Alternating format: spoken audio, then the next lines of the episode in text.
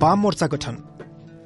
Nepal communist party Manmohan समूह र Nepal communist party Pushpalal समूह मिलेर नेपाल कम्युनिष्ट पार्टी मार्क्सवादी त बन्यो तर भारतको इलाहाबादको संगममा गंगा जमुनाको पानी मिसिदा पनि दुईवटै नदीका पानी अलग अलग छुट्टिएकै देखिन्छ। यस्तै अवस्था नेकपा मार्क्सवादीमा पनि थियो। पुष्पलाल समूहका साथीहरू आपसमा अलि बढी नजिक हुन्थे र हामीसँग त्यति घुलमिल हुने अवस्था बनिसकेको थिएन। समयले यो समस्या हल गर्छ जसरी इलाहाबाद प्रयागको संगमबाट अगाडि बढेपछि पानी एउटै हुन्छ। र गंगा जमुनाको पानी छुट्याउन सकिन्न त्यस्तै हाम्रो एकता पनि सुदृढ हुनेछ भन्ने आशा लिएर हामीले काम गरिरहेका थियौं। वाम मोर्चा निर्माण गर्ने कुरा अघि बढाउन मैले गोविन्द गेवालीसँग सम्पर्क गरे।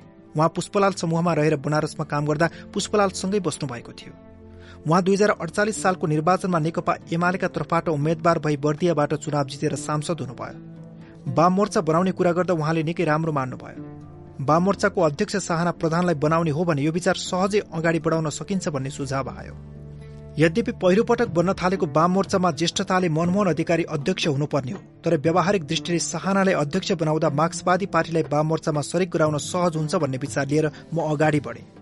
मैले यो कुरा राधाकृष्ण मैनालीलाई पनि भने उहाँले हुन्छ म पनि मेरो तर्फबाट प्रयास गर्छु भन्नुभयो। सायद भदौको महिना होला त्यसबेला विराटनगरको मेरो घरमा नेपाल कम्युनिष्ट पार्टी मार्क्सवादीको पोलिट ब्युरोको बैठक बस्यो। मैले वाममोर्चा बनाउन सकिने कुरा सविस्तार राखेँ। वाममोर्चा बनाउँदा साहना प्रधानलाई अध्यक्ष बनाउन सकिने सम्भावना पनि राखेँ।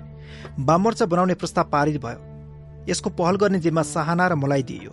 दशैं मानेर वाममोर्चा बनाउने अभियान अघि बढाउन म काठमाडौँ आएँ। पछि काठमाडौँ आएपछि साहना प्रधान गोविन्द गेवाली र म वाममोर्चा गठन गर्ने कार्यमा लाग्यौं। पहिलो कुराकानी मालेका साथीहरूसँग भयो। झलनाथ खनाल भूमिगत हुनुहुन्थ्यो। काठमाडौँमा विष्णुबहादुर राउत दुई हजार अडचालिस सालको निर्वाचनमा उहाँ एमालेको टिकटमा उदयपुरबाट विजयी सांसद पनि बन्नुभयो। उहाँको घरमा हाम्रो भेट भयो। झरनाथले मलाई चिन्नु भएन भनेर सोध्नुभयो। मैले त्यसभन्दा अगाडि उहाँलाई देखेको थिएन। त्यसैले मैले चिन्न सकिनँ। अनि उहाँले भन्नुभयो मैले तपाईँको विराटनगरको घरमा आएर तपाईँसँग कुरा गरेको छु। तपाईँले सम्झन सक्नु भएन। सामान्य शिष्टाचारपछि कुराकानी शुरू भयो। मालेसँग वाममोर्चा बनाउने विषयमा खासै गम्भीर मतभेद थिएन। किनभने वाममोर्चा बनाउने विषयमा राधाकृष्ण मैनाली मार्फत धेरै कुरा भइसकेको थियो।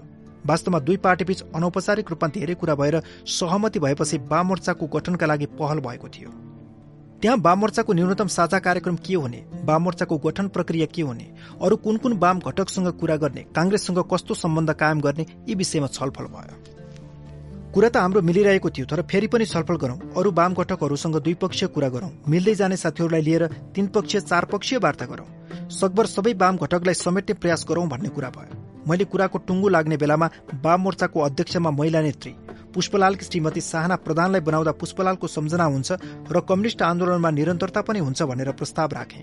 झलनाथले राधाकृष्ण मैनाली कमरेडसँग तपाईँले कुरा गरिसक्नु भएको रहेछ। उहाँले हामीले बताउनु भएको छ विचार गरौं। अरू समूहसँग पनि कुरा गर्नुहोस् भन्नुभयो। वाममोर्चा गठन गर्ने सम्बन्धमा दुई पार्टीबीच प्रारम्भिक कुरा गरेपछि अब अरू वाम घटकहरूसँग मार्क्सवादी र माले आफ्नो ढंगले कुरा गर्ने सल्लाह भयो। निर्मल लामा र मार्क्सवादी बीच कुरा भयो। निर्मल लामा तुरन्तै तयार भइहाल्नु भयो कुनै समस्या नै भएन। निर्मल लामाको एउटा विशेषता थियो। उहाँलाई चित्त बुझाउन साह्रै सजिलो हुन्थ्यो। उहाँले मानिसले विश्वास गरेको हुनु पर्थ्यो इमान्दार र निष्ठावान रूपले काम गरेको व्यक्तिले सविस्तार कुरा गर्ने हो भने उहाँको सहमति लिन सकिन्थ्यो। मैले यो धेरै पटक अनुभव गरेको छु साह्रै सजिलो मान्छे उहाँ। क्रान्ति र जनताप्रति निष्ठावान। क्रान्ति र जनताका कुरामा निर्मल लामालाई चित्त बुझाउन गाह्रो थिएन। त्यसपछि नेकपा महानन्दर समूहका विष्णुबहादुर महानन्दर र निलाम्बर आचार्यसँग धेरै कुरा भयो। उहाँहरू धेरै तर्क गर्नुहुन्थ्यो। गम्भीर कुरा उठाउनुहुन्थ्यो। समस्यामा नै के थियो भने मालेसँग कसरी मिलेर जाने? माले एउटा धारमा थियो। नेकपा महानन्दर अर्को धारमा थियो। हामी बीचमा पर्थ्यौं हामी मार्क्सवादीको दुवैसँग कुराकानी मिल्ने तर यी दुवै पार्टीबीच कुरा मिलाउन नसकिने ठूलो समस्या भयो। यसरी धेरै लामो समय लियो। एक दिन नेकपा माले हामी त भूमिगत पार्टी हौ तपाईँहरू अर्ध भूमिगत हुनुहुन्छ। त्यसकारण तपाईँहरूलाई हाम्रो खुल्ला काम गरिरहेका जनवर्गीय संगठन दिन्छौ। तिनीहरूसँग वाम मोर्चा बनाऊ। त्यो हाम्रो संगठन हो र त्यसमा हामी नै संलग्न हुने हो। हाम्रा साथीहरूलाई माले भनेर ठूलो दमनको खतरा हुन्छ भन्ने कुरा ल्यायो यस कुराको निलाम्बर आचार्यले निकै विरोध गर्नुभयो। पछि कुरा मिल्यो र नेकपा माले पार्टीकै रूपमा आउन सहमत भयो। तुलसीलालसँग सहमति हुन कठिन भएन। कृष्णराज वर्मा समूहलाई वाममोर्चामा ल्याउन कुनै समस्या भएन। नारायणमान बिजुक्छे जेलमा हुनुहुन्थ्यो। श्यामकृष्ण कोजु मार्फत उहाँसँग कुरा भयो। उहाँलाई पनि सहमत गराउन गाह्रो परेन। वाम पार्टीहरू विभिन्न समूहमा विभाजित भएको मात्र होइन। तीमध्ये कतिपय घटकबीच सम्बन्ध ज्यादै कटुता र वैरभावपूर्ण थियो। यसले गर्दा भेटघाट र अन्तर सम्वादको पनि समस्या थियो। सबै वाम समूह बीचको भेटवार्ताको पहिलो औपचारिक कार्यक्रम पद्मरत्न तुलाधरको निवासमा राखिएको थियो। त्यस्तै कार्यक्रम नेकपाका संस्थापक नेता नरबहादुर कर्माचार्यको निवासमा आयोजना गरिएको थियो। विभिन्न समूहबीच द्विपक्षीय बहुपक्षीय भएका विभिन्न चरणको वार्ताका क्रममा दुई हजार छयालिस पुस अठाइस गते बसेको बाह्र मध्ये सातवटा वाम पार्टीको बैठकमा संयुक्त वाम मोर्चा गठन गर्ने कुरामा सहमति भयो। वामहरूको संयुक्त मोर्चाको नाम के राख्ने भन्ने कुरामा माले र हामीबीच छलफल भएको थियो। राष्ट्रिय वाम मोर्चा राख्ने कि संयुक्त वाम मोर्चा राख्ने भन्ने विषयमा छलफल हुँदा झलनाथ खनाले संयुक्त वाम मोर्चा राखौं भन्नुभयो र त्यसैमा सहमति भयो। संयुक्त वाम मोर्चामा सातैवटा दलहरूले तीनजनाको नाम दिने भनिएकोमा तुलसीलालले दुईजनाको मात्र नाम दिनुभयो। रिक्त एकजनामा पद्मरत्न तुलाधरलाई सामेल गरेर दुई हजार छयालिस पुस अठाइसमा संयुक्त वाम मोर्चाको एक्काइस सदस्यीय राष्ट्रिय कमिटी बन्यो। जसको अध्यक्षमा साहना प्रधान र मानार्थ अध्यक्षमा तुलसीलाल अमात्य छानिनुभयो संयुक्त वाममोर्चामा मार्क्सवादीका तर्फबाट साहना प्रधान म र सिद्धिलाल सिंह नेकपा मालेबाट राधाकृष्ण मैनाली शिवराज गौतम र सुशील प्याकुरेल नेकपा महानन्दरबाट विष्णुबहादुर महानन्दर निलाम्बर आचार्य र लक्ष्मी भक्त उपाध्याय नेकपा चौमुबाट नरबहादुर कर्माचार्य लीलामणि पोखरेल र सर्वोत्तम डंगोल नेकपा अमात्यबाट तुलसीलाल अमात्य र केशव कोइराला नेपाल मजदुर किसान संगठनबाट नारायणमान बिजुक्षे श्यामकृष्ण कोजु र रामकृष्ण बुढ थापा र स्वतन्त्र वामपन्थी पद्मरथ तुलाधर थियौं। मानार्थ अध्यक्ष लगायत सबै पार्टीहरूका एक एकजना प्रतिनिधि रहने गरी सात सदस्यीय सचिवालय बनाइयो। निर्दलीय पञ्चायती व्यवस्थाको अन्त्य एवं राजनीतिक दल र जनवर्गीय संगठनमाथिको प्रतिबन्धको अन्त्य सहितको अठार सूत्रीय माग। वाममोर्चाको आचार संहिता अरू पार्टीसँगको सम्बन्ध र नेपाली कांग्रेससँग आन्दोलनमा सँगै जान सक्ने निर्णय गरी काठमाडौँ खिचापोखरीको एउटा होटलमा सार्वजनिक कार्यक्रम गरी दुई हजार छयालिस साल माघ दुई गते वाममोर्चा गठनको औपचारिक घोषणा गर्यौं। वाम मोर्चा बनाउन अरू वाम पार्टी तथा वाम व्यक्तिहरूले व्यक्तिगत तवरले आफ्नो ठाउँबाट पहल गर्नुभएको थियो। नेपाल कम्युनिष्ट पार्टी मालेको महाधिवेशनले गरेको निर्णय र मदन भण्डारीले गरेको पहलका विषयमा मैले पछि जानकारी पाएँ। यो निश्चय पनि हो माले जस्तो सशक्त पार्टी वाममोर्चामा संलग्न नभइकन वाममोर्चाले अपेक्षित परिणाम निकाल्न सक्दैनथ्यो। त्यस रूपमा मालेको चौथो महाधिवेशनको निर्णय र महाधिवेशनबाट निर्वाचित महासचिव मदन भण्डारीको उल्लेख्य योगदान छ। मैले माथि उल्लेख गरेको पाटो मार्क्सवादी पार्टी र विशेष गरी म संलग्न भई गरेको प्रयास हो। अरूले गरेको प्रयासलाई कम आकलन गर्ने मेरो अभिप्राय होइन। यति गर्दा पनि हामीले सबै वामलाई एकै ठाउँमा ल्याउन सकेनौं। नेकपा मसाल मोहन विक्रम सिंह नेकपा मसाल पुष्पकमल दाहाल प्रचण्ड। सर्वहारा श्रमिक संगठन नेपाल रूपलाल विश्वकर्मा नेसापा मार्क्सवादी लेनिनवादी कृष्णदास श्रेष्ठ र शम्भुराम श्रेष्ठ समूह मिलेर संयुक्त राष्ट्रिय जनआन्दोलन समिति नामक अलग मोर्चा बनाए।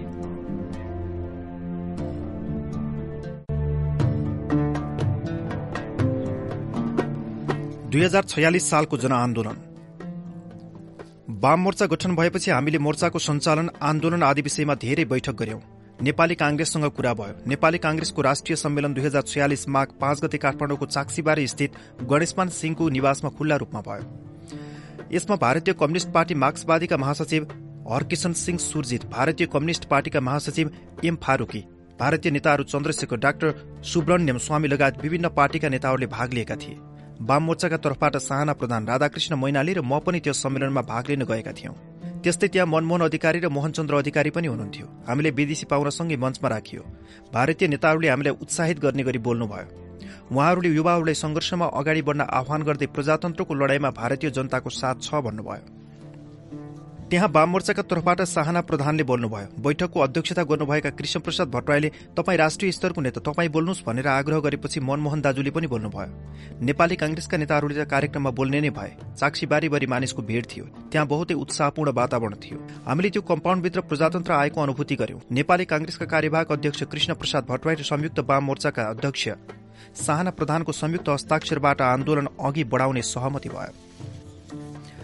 आन्दोलनलाई अघि बढाउन दुवै पार्टीबीच समन्वय गर्ने कुरामा सहमति भयो। यसका लागि कमिटी पनि बन्यो। कांग्रेससँग यति चाँजोपाँचो मिलाएपछि आफ्नो तयारी गर्ने सिलसिलामा सिद्धिलाल सिंहको घरमा वाम मोर्चाको बैठक बस्यो। आन्दोलनमा संयुक्त वाम मोर्चाले सशक्त भूमिका खेल्ने विषयमा छलफल भयो। वाम मोर्चाका साथीहरूलाई विभिन्न क्षेत्रमा खटाइयो। मलाई कोशी मेचीको आन्दोलन समन्वय गर्ने जिम्मा दिइयो। मेची कोशीको आन्दोलन समन्वय गर्ने जिम्मा पाएपछि म विराटनगर गएँ। वाममोर्चाको गठनले मेची कोशीका साथीहरूमा ठूलो उत्साह आएको पाए। हामी वाममोर्चामा संलग्न पार्टीहरूबीच भेटघाट छलफल र आन्दोलन उठाउने योजना बनाउन थाल्यौं। साथै कांग्रेसका स्थानीय नेताहरूसँग भेटी संयुक्त कार्यक्रम बनाउने सल्लाह गर्न थाल्यौं। यसरी कोशी मेचीमा फागुन सात गतिदेखि पञ्चायती व्यवस्थाको समाप्ति र बहुदलीय व्यवस्थाको स्थापनाका लागि आन्दोलन सञ्चालन गर्ने योजना हामीले बनायौं। एक दिन म घरमा थिएँ। खाना खाएर साथीहरू भेट्न बाहिर निस्किनु पर्ला भन्ने सोचिरहेको थिएँ। मेरो घर प्रहरीले घेरिसकेको रहेछ। दुईजना प्रहरीले माथि आएर तपाईँलाई डिएसपी साहबले बोलाउनु भएको छ हामीसँग जानु पर्यो भने। मैले बुझिहालेँ म पक्राउ परे। मलाई डिएसपी कार्यालयमा पुर्याइयो। त्यहाँ नेपाली काङ्ग्रेसका स्थानीय नेताहरू पनि रहेछन्। दुई घण्टा डिएसपी कार्यालयमा राखेपछि मलाई ट्रकमा हालेर धरान फुस्रेको एसपी कार्यालयमा पुर्याइयो। त्यहाँ दुईवटा टहरा थिए। तिनै टहरामा हामीले राखियो। त्यसबेला मालेसँग सम्बन्धित घनश्याम भण्डारी मोरङ जिल्ला कमिटी सदस्य र हर्कमान तामाङ जो पछि नेकपा एमालेका तर्फबाट प्रतिनिधि सभा सदस्य हुनुभयो उहाँ पनि हुनुहुन्थ्यो। पछि नेपाली कांग्रेसका स्थानीय नेताहरूलाई पनि पक्रेर त्यहीँ ल्याइयो। त्यसमध्ये नेपाली कांग्रेससँग आबद्ध बुद्धिजीवी तेज प्रसाद सिटौला लगायतका कार्यकर्ताहरू थिए। त्यहाँ कम्युनिष्ट कांग्रेसका कार्यकर्ता गरी बीस पच्चीसजना थियौं। हामीले खस रेडीको सिधा दिइयो। आफैले पकाएर खानु पर्थ्यो चर्पीका नाममा एउटा बोराले बेरेको दुर्गन्धित ठाउँ देखाइयो। एसपी कार्यालयमा हुँदा दिशा पिसाब गर्न पनि प्रहरीको अनुमति लिएर जानु पर्थ्यो नत्र कोठाबाट बाहिर जान पाइँदैनथ्यो। आपसमा छलफल र कुराकानी गर्न समेत पाइँदैनथ्यो। एउटा टहरमा बस्नेले अर्को टहरका साथीहरू कहाँ आवत जावत तथा कुराकानी गर्नमा बन्देज लगाइएको थियो। त्यहाँ सबै कुरामा अत्यन्त कडाई गरिएको थियो। तराई मूलका एसपी थिए। उनले सधैँ आएर हामीले चेतावनी दिन्थे। कुनै किसिमको कार्यक्रम गर्नुभयो भने तपाईँहरूलाई कडा यातना दिइनेछ र दुर्गम पहाड़को खोरमा पठाइनेछ। फागुन सात गति भन्दा एक साता अगाडि नै पक्राउ परेको हुँदा हामीले थुनामा फागुन सात गति मनाउने योजना बनाइरहेका थियौं। त्यहाँ ड्युटीमा बस्ने कुनै प्रहरीले एसपी कहाँ कुरा पुऱ्याएछ जस्तो लाग्यो। उनले निकै कडी कडाउसँग कुरा गरिरहेका थिए। एउटा रमाइलो कुरा बहुदल आएपछि तिनै एसपी मसँग असाध्यै नरम भएर बोले र मेरो पछि पछि हिँड्न थाले। यस्तो फरक हुँदो रहेछ कर्मचारीहरूको व्यवहारमा। हामीलाई पक्रिएको दुई चार दिनपछि सुबोध प्याकुरे लगायत थप साथीहरूलाई ल्याइयो र उनीहरूलाई धनकुटा तेह्र थुम चलान गरियो। हामी आन्दोलन शुरू गर्नुभन्दा एक हप्ता अगाडि नै पक्राउ परेकाले विराटनगरमा कमल कोइराला लगायतका साथीहरूले कम्युनिष्ट पार्टीको झण्डा फहराएर नाराबाजी सहित जुलुस निकालेका थिए। फागुन सात गते नेपाली कांग्रेस र वाम मोर्चाको सहमति अनुसार देशभरि राम्रो कार्यक्रम भयो। काठमाडौँको नयाँ सड़क इन्द्रचोक भोटाहिटी पुतली सड़क खिचापोखरी लगायत ठाउँ ठाउँमा जुलुस निस्कियो। जुलुसको नेतृत्व मनमोहन अधिकारी तुलसीलाल अमात्य लगायतका नेताहरूले गर्नुभएको थियो। तुलसीलालले कम्युनिष्ट पार्टीको झण्डा बोक्दै सड़कमा प्रदर्शन गर्नुभयो। संयोगले त्यस क्षणको तस्विर खिचिएको छ र त्यो तस्विर पत्र पत्रिकामा पनि निकै पटक छापिएको छ। सत्तरी वर्ष नागेका वयोवृद्ध नेताले आफै रातो झण्डा बोकी आन्दोलनमा अघि बढेको तस्विरले सधैँ अन्याय अत्याचारका विरूद्ध संघर्ष गर्न युवा पिँढीलाई प्रेरणा दिइरहनेछ। वाममोर्चाका अध्यक्ष शाहना प्रधान सात गते भन्दा पहिला नै पक्राउ पर्नु भएको थियो। पञ्चहरूले फागुन सात गते कार्यक्रम गरी प्रजातन्त्रप्रति ओठे भक्ति देखाउने चलन पञ्चायती व्यवस्थामा थियो। त्यस दिन उनीहरूले पनि काठमाडौँमा जुलुस निकालेका थिए। त्यो जुलुस एकदम फिक्का भयो। बहुदलवादीको दशौं हजारको जुलुस आइरहेको थियो। प्रहरीले लाठीचार्ज गर्यो अश्रु ग्यासका सेल छोड्यो तैपनि जुलुस ठूलो उत्साहका साथ अघि बढ्यो। शंकर पोखरेल गोकर्ण विष्ट लगायतका युवा नेताहरूले ठाउँ ठाउँमा जुलुसको नेतृत्व गरिरहेका थिए। पोखरा बुटवल जनकपुर लगायतका ठाउँमा जुलुस निस्किन थाल्यो। पञ्चमण्डलीहरूले आन्दोलन भार्ने ठूलो प्रयास गरे तर जनताका अगाडि उनीहरूको केही चलेन। हाम्रो आन्दोलनले विशाल रूप लियो। दुई हजार छयालिस सालको आन्दोलनको शानदार शुरूआत भयो। प्रत्येक दिन जुलुस निस्कन थाल्यो। मण्डलीहरूले आन्दोलन बाँड्ने कुनै कसर बाँकी राखेनन् तर आन्दोलनमा दिन प्रतिदिन जनसहभागिता बढ्दै गयो। प्रहरीको लाठी र अश्रुग्यासले आन्दोलनको आगोमा झन घिउ थप्ने काम गर्यो। जनता झन झन उत्साहित भएर अघि बढे। आन्दोलन कुनै एक ठाउँमा मात्र सीमित भएन देशका सम्पूर्ण ठाउँमा फैलिएर गयो। त्यसमा पनि काठमाडौँ उपत्यकामा झन चर्को रूपमा बढ्दै गयो। उपत्यका बाहिर भक्तपुर जनकपुर लगायतका ठाउँमा आन्दोलनले विस्फोटक रूप लियो। सरकारले निर्ममतापूर्वक गोली चलाई कैयौं किसान मजदूर र विद्यार्थीको हत्या गर्यो। सरकारले जति गोली हानी प्रदर्शनकारीको हत्या गर्थ्यो त्यति नै जनता आन्दोलनमा होमिन्थे। पाटनका जनताले प्रहरी र सेनालाई प्रवेश गर्न नदिएर पाटनलाई मुक्त क्षेत्र घोषणा गरे। यस आन्दोलनमा राजनैतिक दलका योद्धाहरू सँगसँगै युवा विद्यार्थी प्राध्यापक वकिल लगायत सबै क्षेत्र शरीक भए। निजामती कर्मचारी बैंक कर्मचारी किसान र मजदूरहरू सड़कमा ओर्लिए। नबन्द यो राष्ट्रिय आन्दोलन भयो। नेपालको इतिहासमा यसरी व्यापक रूपमा लाखौं जनता सड़कमा उत्रिएर आन्दोलन गरेको पहिलो पटक थियो। यस्तो उत्साहपूर्ण विशाल जनआन्दोलन यसभन्दा अघि कहिल्यै भएको थिएन। चैतको पहिलो हप्तातिर आन्दोलन केही शिथिल भयो। हामीले थुनामा रहँदा पनि त्यो कुरा थाहा पायौं। बाहिर आन्दोलन चर्किँदा जेलमा बसे पनि उत्साह हुँदो रहेछ। यो कुरा मैले जेल बस्दा अनुभव गरे। त्यस्तै प्रकारले शिथिल हुँदा वा ओह्रालो लाग्दा थुनामा रहेको बेला मनमा निराशा वा उराट लाग्दो रहेछ। एक आपसमा कुरा गर्दा पनि नरमाइलो लाग्दो रहेछ। हामी लुकाएर बीबीसी समाचार सुन्थ्यौं। आन्दोलन शिथिल भएको खबर पाउँदा हामी आपसमा कुरा गर्थ्यौं। यसपटक पनि नसकिने भइयो कि क्या हो? अब अर्को आन्दोलनको तयारी गर्नुपर्छ। कांग्रेसका साथीहरू आफ्नो घर बिग्रिएको र गाउँखेतमा पानी पटाउने समय भएको गुनासो गर्थे। बन्दी साथीहरू घरको समस्याले पनि पिरलिनुहुन्थ्यो चैतको पहिलो साता आन्दोलन केही शिथिल भए पनि दोस्रो तेस्रो साता यसले गति लियो। चैत्र चौबिस गते विशाल प्रदर्शन भयो। यो प्रदर्शनले आन्दोलनलाई व्यापक रूपमा अघि बढायो। चैत्र छब्बीस गते राजा वीरेन्द्रले बहुदलको घोषणा गरे। संविधानबाट दल विहीनता हटाइयो पार्टीमाथिको प्रतिबन्ध हटाइयो र संविधान सुधार आयोग गठन गर्ने घोषणा गरियो। मुलुकमा बहुदलीय व्यवस्थाको विराज भयो। दुई हजार सत्र पुस एक गते राजा महेन्द्रले शुरू गरेको निरङ्कुश थानाशाही पञ्चायती व्यवस्था तासको घर जस्तै गर्ल्याम गुर्लुममा ढल्यो। यसरी पञ्चायती व्यवस्था उन्तिस वर्ष तीन महिनापछि समाप्त हुन पुग्यो। मध्यरातमा रेडियो नेपाल र नेपाल टेलिभिजनबाट राजाको घोषणा प्रसारण गरियो। दुई हजार सत्र साल पौष एक गतेबाट शुरू गरी उन्तिस वर्ष तीन महिनासम्म चलेको पञ्चायती व्यवस्थाले देशलाई बर्बाद नै गरिदियो। आर्थिक क्षेत्रमा विश्वको गरिबतम मुलुकमा नेपाल दर्ज भयो। पञ्चायती व्यवस्था शुरू हुँदा दक्षिण कोरिया र नेपालको प्रति व्यक्ति आय समान थियो। उन्तिस वर्षपछि दक्षिण कोरिया कहाँ पुग्यो? हामी कहाँ छौं? राजाको हुकुमी शासनले नेपालको राष्ट्रिय सामाजिक जीवनलाई तहस नहस पार्यो। यसकालमा राजनैतिक सामाजिक धार्मिक सांस्कृतिक लगायत नेपाली जीवनका विविध पक्षमा कुनै प्रतिभा प्रस्फुटन हुन पाएन केवल राजा र राज परिवारको स्तुति गान मात्र भयो। दुई हजार सात सालको क्रान्तिताका देखिएका समाजका अग्रणी व्यक्तित्वहरूको तेजो वध गरियो। गणेश पाण्डे भन्नुहुन्थ्यो आफू युवा हुँदा टङ्कप्रसाद आचार्यको नाम सुन्दा जीव सिरिङ्ग हुन्थ्यो जोस आउँथ्यो उन्नाइस सय सन्तानब्बे सालका नायक टङ्कप्रसाद आचार्यको तेजो वध गरियो दुई हजार सात सालको क्रान्तिका कमाण्डर मातृका प्रसाद कोइराला राजदूतमा थन्कनु भयो र इतिहासबाटै हराउनु भयो। दिल्ली रमण रेग्मीले पञ्चायत सामु घुँडा टेक्नु भएन त्यो उहाँको उज्यालो पक्ष हो तर उहाँ लेखपढमै सीमित हुनुभयो। डाक्टर केशरजङ रायमाझी त राजभक्त हुन पुगे। दुई हजार सात सालको राणा विरोधी संघर्षमा प्रखर रूपमा देखिएका नेताहरूमध्ये पुष्पलाल मनमोहन तुलसीलाल बीपी कोइराला। गणेशमान सिंह कृष्ण प्रसाद भट्टराई गिरिजा प्रसाद कोइराला बाहेक अरूहरू त हराउनु भयो। यो कुरा राजनीतिक क्षेत्रमा मात्रै सीमित रहेन। पञ्चायती व्यवस्थामा सामाजिक धार्मिक सांस्कृतिक लगायत सबै क्षेत्रमा केवल राजा र राज परिवारको स्तुति गर्ने भाटहरू मात्र देखिए। अरू कुनै स्वतन्त्र प्रतिभा प्रस्फुटन हुन पाएन। पञ्चायती व्यवस्थाले राष्ट्रलाई ठूलो नोक्सान पुर्यायो। राजाले मध्यरातमा घोषणा गरेको भोलिपल्ट बिहान हामीलाई धरान एसपी कार्यालयबाट छोडियो। विराटनगर आइपुग्दाखेरि ढिलो भयो। त्यसबेला शहीद मैदानमा आमसभा भइरहेको थियो। सामान घर पठाएर म सोझै आमसभामा गएँ। त्यहाँ मेरो प्रतीक्षा भइरहेको थियो। म आई नपुगुन्जेलका लागि साथीहरूले अरू वक्ताहरूले बोल्ने व्यवस्था गर्नुभएको रहेछ। त्यो सभाले मेरो ठूलो स्वागत गर्यो मैले त्यहाँ भाषण गरेँ। बेलुकी साँझ घर पुगे। भोलिपल्ट बिहान हामीले चिया पिउँदै गफ गरिरहेका थियौं। नेपाली कांग्रेसका जिल्ला सचिव दिलीप सापकोटा मेरो घरमा आउनुभयो। उहाँले मिठाई लिएर आउनु भएको रहेछ। मेरी श्रीमतीले यो किन ल्याउनु भएको भनेर सोद्धा उहाँले जेलको कुरा स्मरण गराउँदै भन्नुभयो। थुनामा रहँदा एक दिन भरत दाजु अब के हुन्छ? आन्दोलनले कस्तो रूप लिन्छ भनेर सोधेको थिएँ। उहाँले नआत्तिनुहोस् यसपटकको हाम्रो प्रयास खेर जाँदैन। चैत्र छब्बीस गते बहुदलको घोषणा हुन्छ भन्नुभएको थियो।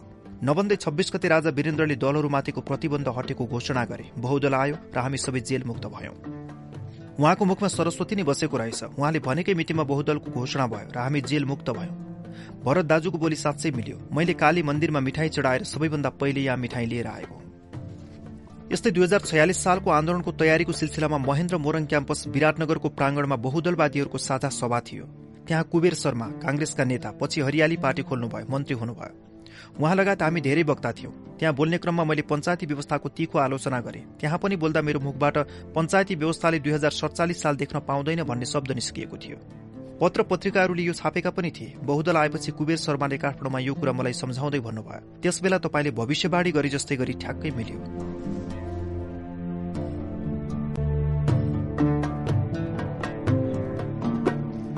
बहुदलीय सरकार गठन। विराटनगरमा बहुदल स्थापनाको संघर्षमा सहभागी हुने र सहयोग गर्ने सबैलाई धन्यवाद दिने कार्यक्रम सकेर म छिट्टै काठमाडौँ आए।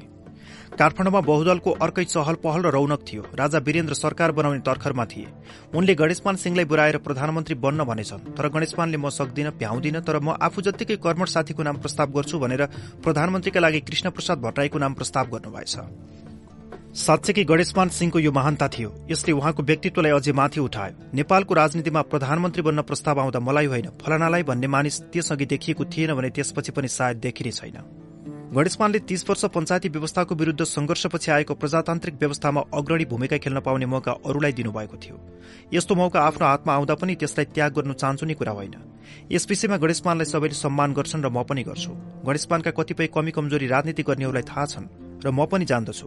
उहाँका तीन कुरा छन् जसका कारण उहाँ मेरा लागि सदा श्रद्धाको व्यक्ति हुनुहुन्छ। पहिलो राणा शाहीको विरोधमा उहाँ जुन नैतिकता र साहसका साथ लड्नुभयो त्यो जहिले पनि अन्याय र अत्याचारका विरूद्धमा लड्ने प्रत्येक पुस्ताका लागि प्रेरणाको स्रोत रहिरहनेछ। प्रजा परिषदका नेताहरूले राणा शाहीको विरूद्धमा संघर्ष गर्न र पक्राउ परेपछि बयान दिँदा जुन नैतिक बल र साहसको प्रदर्शन गरे त्यो नेपालको इतिहासमा स्वर्ण अक्षरले अंकित गरिरहनेछ। टंकप्रसाद आचार्यले बयान दिँदा देखाएको साहस शुक्रराज शास्त्रीले जुद्ध शमशेरलाई भनेका कुरा गंगालालले यात्रामा पनि देखाएको अदम्य साहस र गणेशमान जेलबाट भागेको कुरा नेपाली इतिहासमा अत्यन्तै जाजोल्यमान तस्विर हुन्। यिनलाई पाठ्य पुस्तकमा समावेश गर्नुपर्छ र भावी पुस्तालाई हाम्रो गौरवमय इतिहासबाट प्रशिक्षित गर्नुपर्छ। दोस्रो गणेशमानजीले जुन साहस गरेर कांग्रेस र वामपन्थी बीच एकता गराउनु भयो त्यो एकताले गर्दा नै दुई हजार छयालिस सालको आन्दोलन सफल भएको मैले सुनेको थिएँ गिरिजाप्रसाद कोइराला वाम काङ्ग्रेस एकताको विरोधमा हुनुहुन्थ्यो। उहाँले मान्दै मान्नु भएको थिएन रे। पछि भारतीय नेता चन्द्रशेखरले निरङ्कुश पञ्चायती व्यवस्था ढाल्न कम्युनिस्टसँग मिलेर जानु ठिक हुन्छ भनेपछि मात्र गिरिजाप्रसाद कोइरालाले मान्नुभयो। यसकारण कतिले गणेशमान सिंहलाई प्रजातन्त्रका पिता पनि भन्छन्। दुई हजार छयालिस सालको वाम काङ्ग्रेस एकतालाई सुदृढ गरेर दश वर्ष यसलाई निरन्तरता दिन सकेको भए नेपालको नक्सा नै अर्कै हुने थियो। तेस्रो दुई हजार छयालिस सालको आन्दोलनबाट बनेको सरकारको प्रधानमन्त्री हुने प्रस्तावलाई अस्वीकार गरी आफ्ना सहयोद्धालाई प्रधानमन्त्री बनाउनु उहाँको ठूलो महानता थियो। गणेशमानले गरेका यी कामलाई भावी पुस्ताले सम्झिरहनेछ तर अर्को नमिठो कुरा के भने प्रधानमन्त्री चयन गरिँदा दुई हजार छयालिस सालको जनआन्दोलनको सहयोगदा वाम मोर्चालाई एक वचन पनि सोधिएन। संयुक्त वाम मोर्चालाई सोधेको भए पनि त्यसबेला हामीले प्रधानमन्त्रीमा नेपाली कांग्रेसकै नाम सिफारिश गर्थ्यौं होला तर उहाँहरूले एकपटक सोध्न समेत आवश्यक ठान्नु भएन। कांग्रेसलाई जहिले पनि आफू ठूलो हुनुपर्छ। दुई हजार छयालिस सालको आन्दोलनका बारेमा कांग्रेस वृद्धबाट लेखिँदा बोलिँदा जहिले पनि आन्दोलन कांग्रेसले गरेको हो वाम मोर्चाले सघाएको हो भनिन्छ। जुन कुरा यथार्थ हुँदै होइन। शिष्टताले कांग्रेस र वाम मोर्चाले संयुक्त रूपमा आन्दोलन गरेको भन्नु ठिक हुन्छ। यो निश्चय नै हो। नेपाली कांग्रेस नेपालमा जनस्तरमा स्थापित दल हो। यसको आधा शताब्दीको इतिहास छ। त्यसबेला अन्तर्राष्ट्रिय समुदायमा नेपाली कांग्रेसको ज्यादा सम्पर्क समर्थन र सहानुभूति थियो।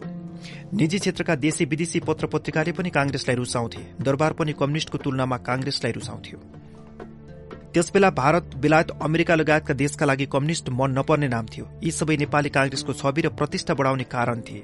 तर देशभित्र हेर्ने हो भने दुई हजार छयालिस सालको आन्दोलनमा कांग्रेस भन्दा वाम मोर्चाका योद्धाहरूले बढ़ी काम गरेका हुन् आन्दोलन बढ़ाउन भूमिका खेलेका हुन्।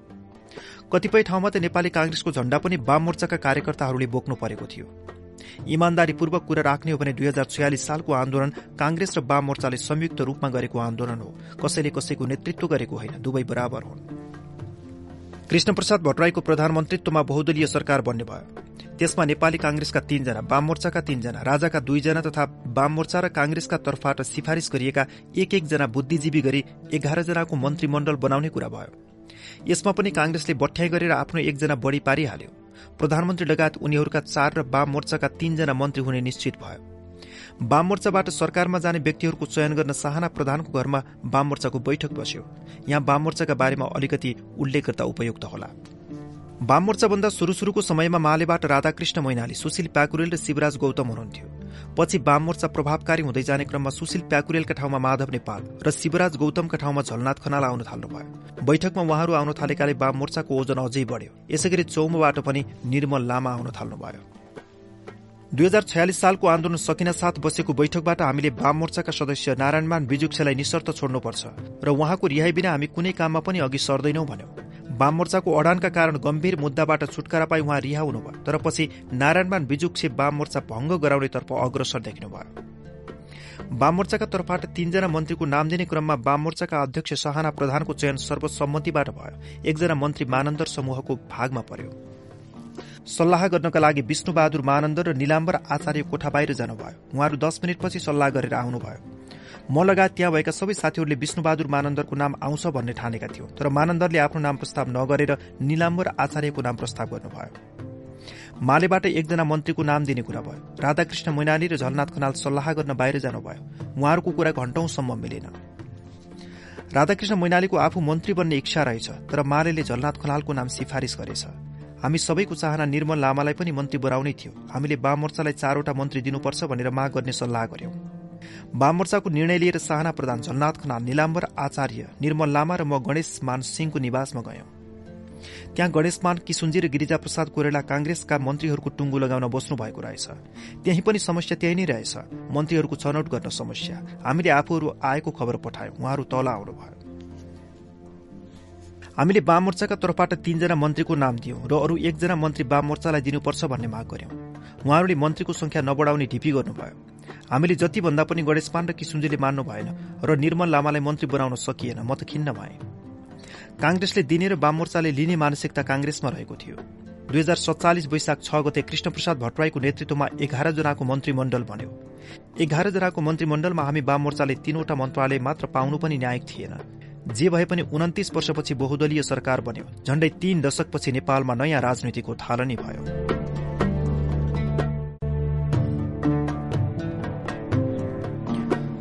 दुई हजार सत्तालिस सालको संविधान निर्माण। दुई हजार सत्तालिस वैशाख अठाइस गते मैले रेडियो नेपालबाट राजाले सात सदस्य संविधान सुधार सुझाव आयोग गठन गरेको खबर सुने। त्यसमा सर्वोच्च अदालतका न्यायाधीश विश्वनाथ उपाध्याय अध्यक्ष रामानन्द प्रसाद सिंह होरा प्रसाद जोशी श्रीमती कमल राणा दमननाथ ढुङ्गाना र भरतमोहन अधिकारी सदस्य तथा सूर्यनाथ उपाध्याय सदस्य सचिव रहेको सुने। मेरो नाम घोषणा गर्दा मलाई सोध्दै नसोध्ने यो कस्तो चलन? मलाई त एकदमै चित्त बुझेन रिस उठ्यो। तत्कालै एउटा वक्तव्य लेखे। म नेपाल कम्युनिष्ट पार्टी मार्क्सवादी र वाम मोर्चाको सदस्य हुँ। मलाई वाम मोर्चा र मेरो पार्टीले नसोधी मेरो नाम किन घोषणा गरियो? यसमा मेरो विरोध छ।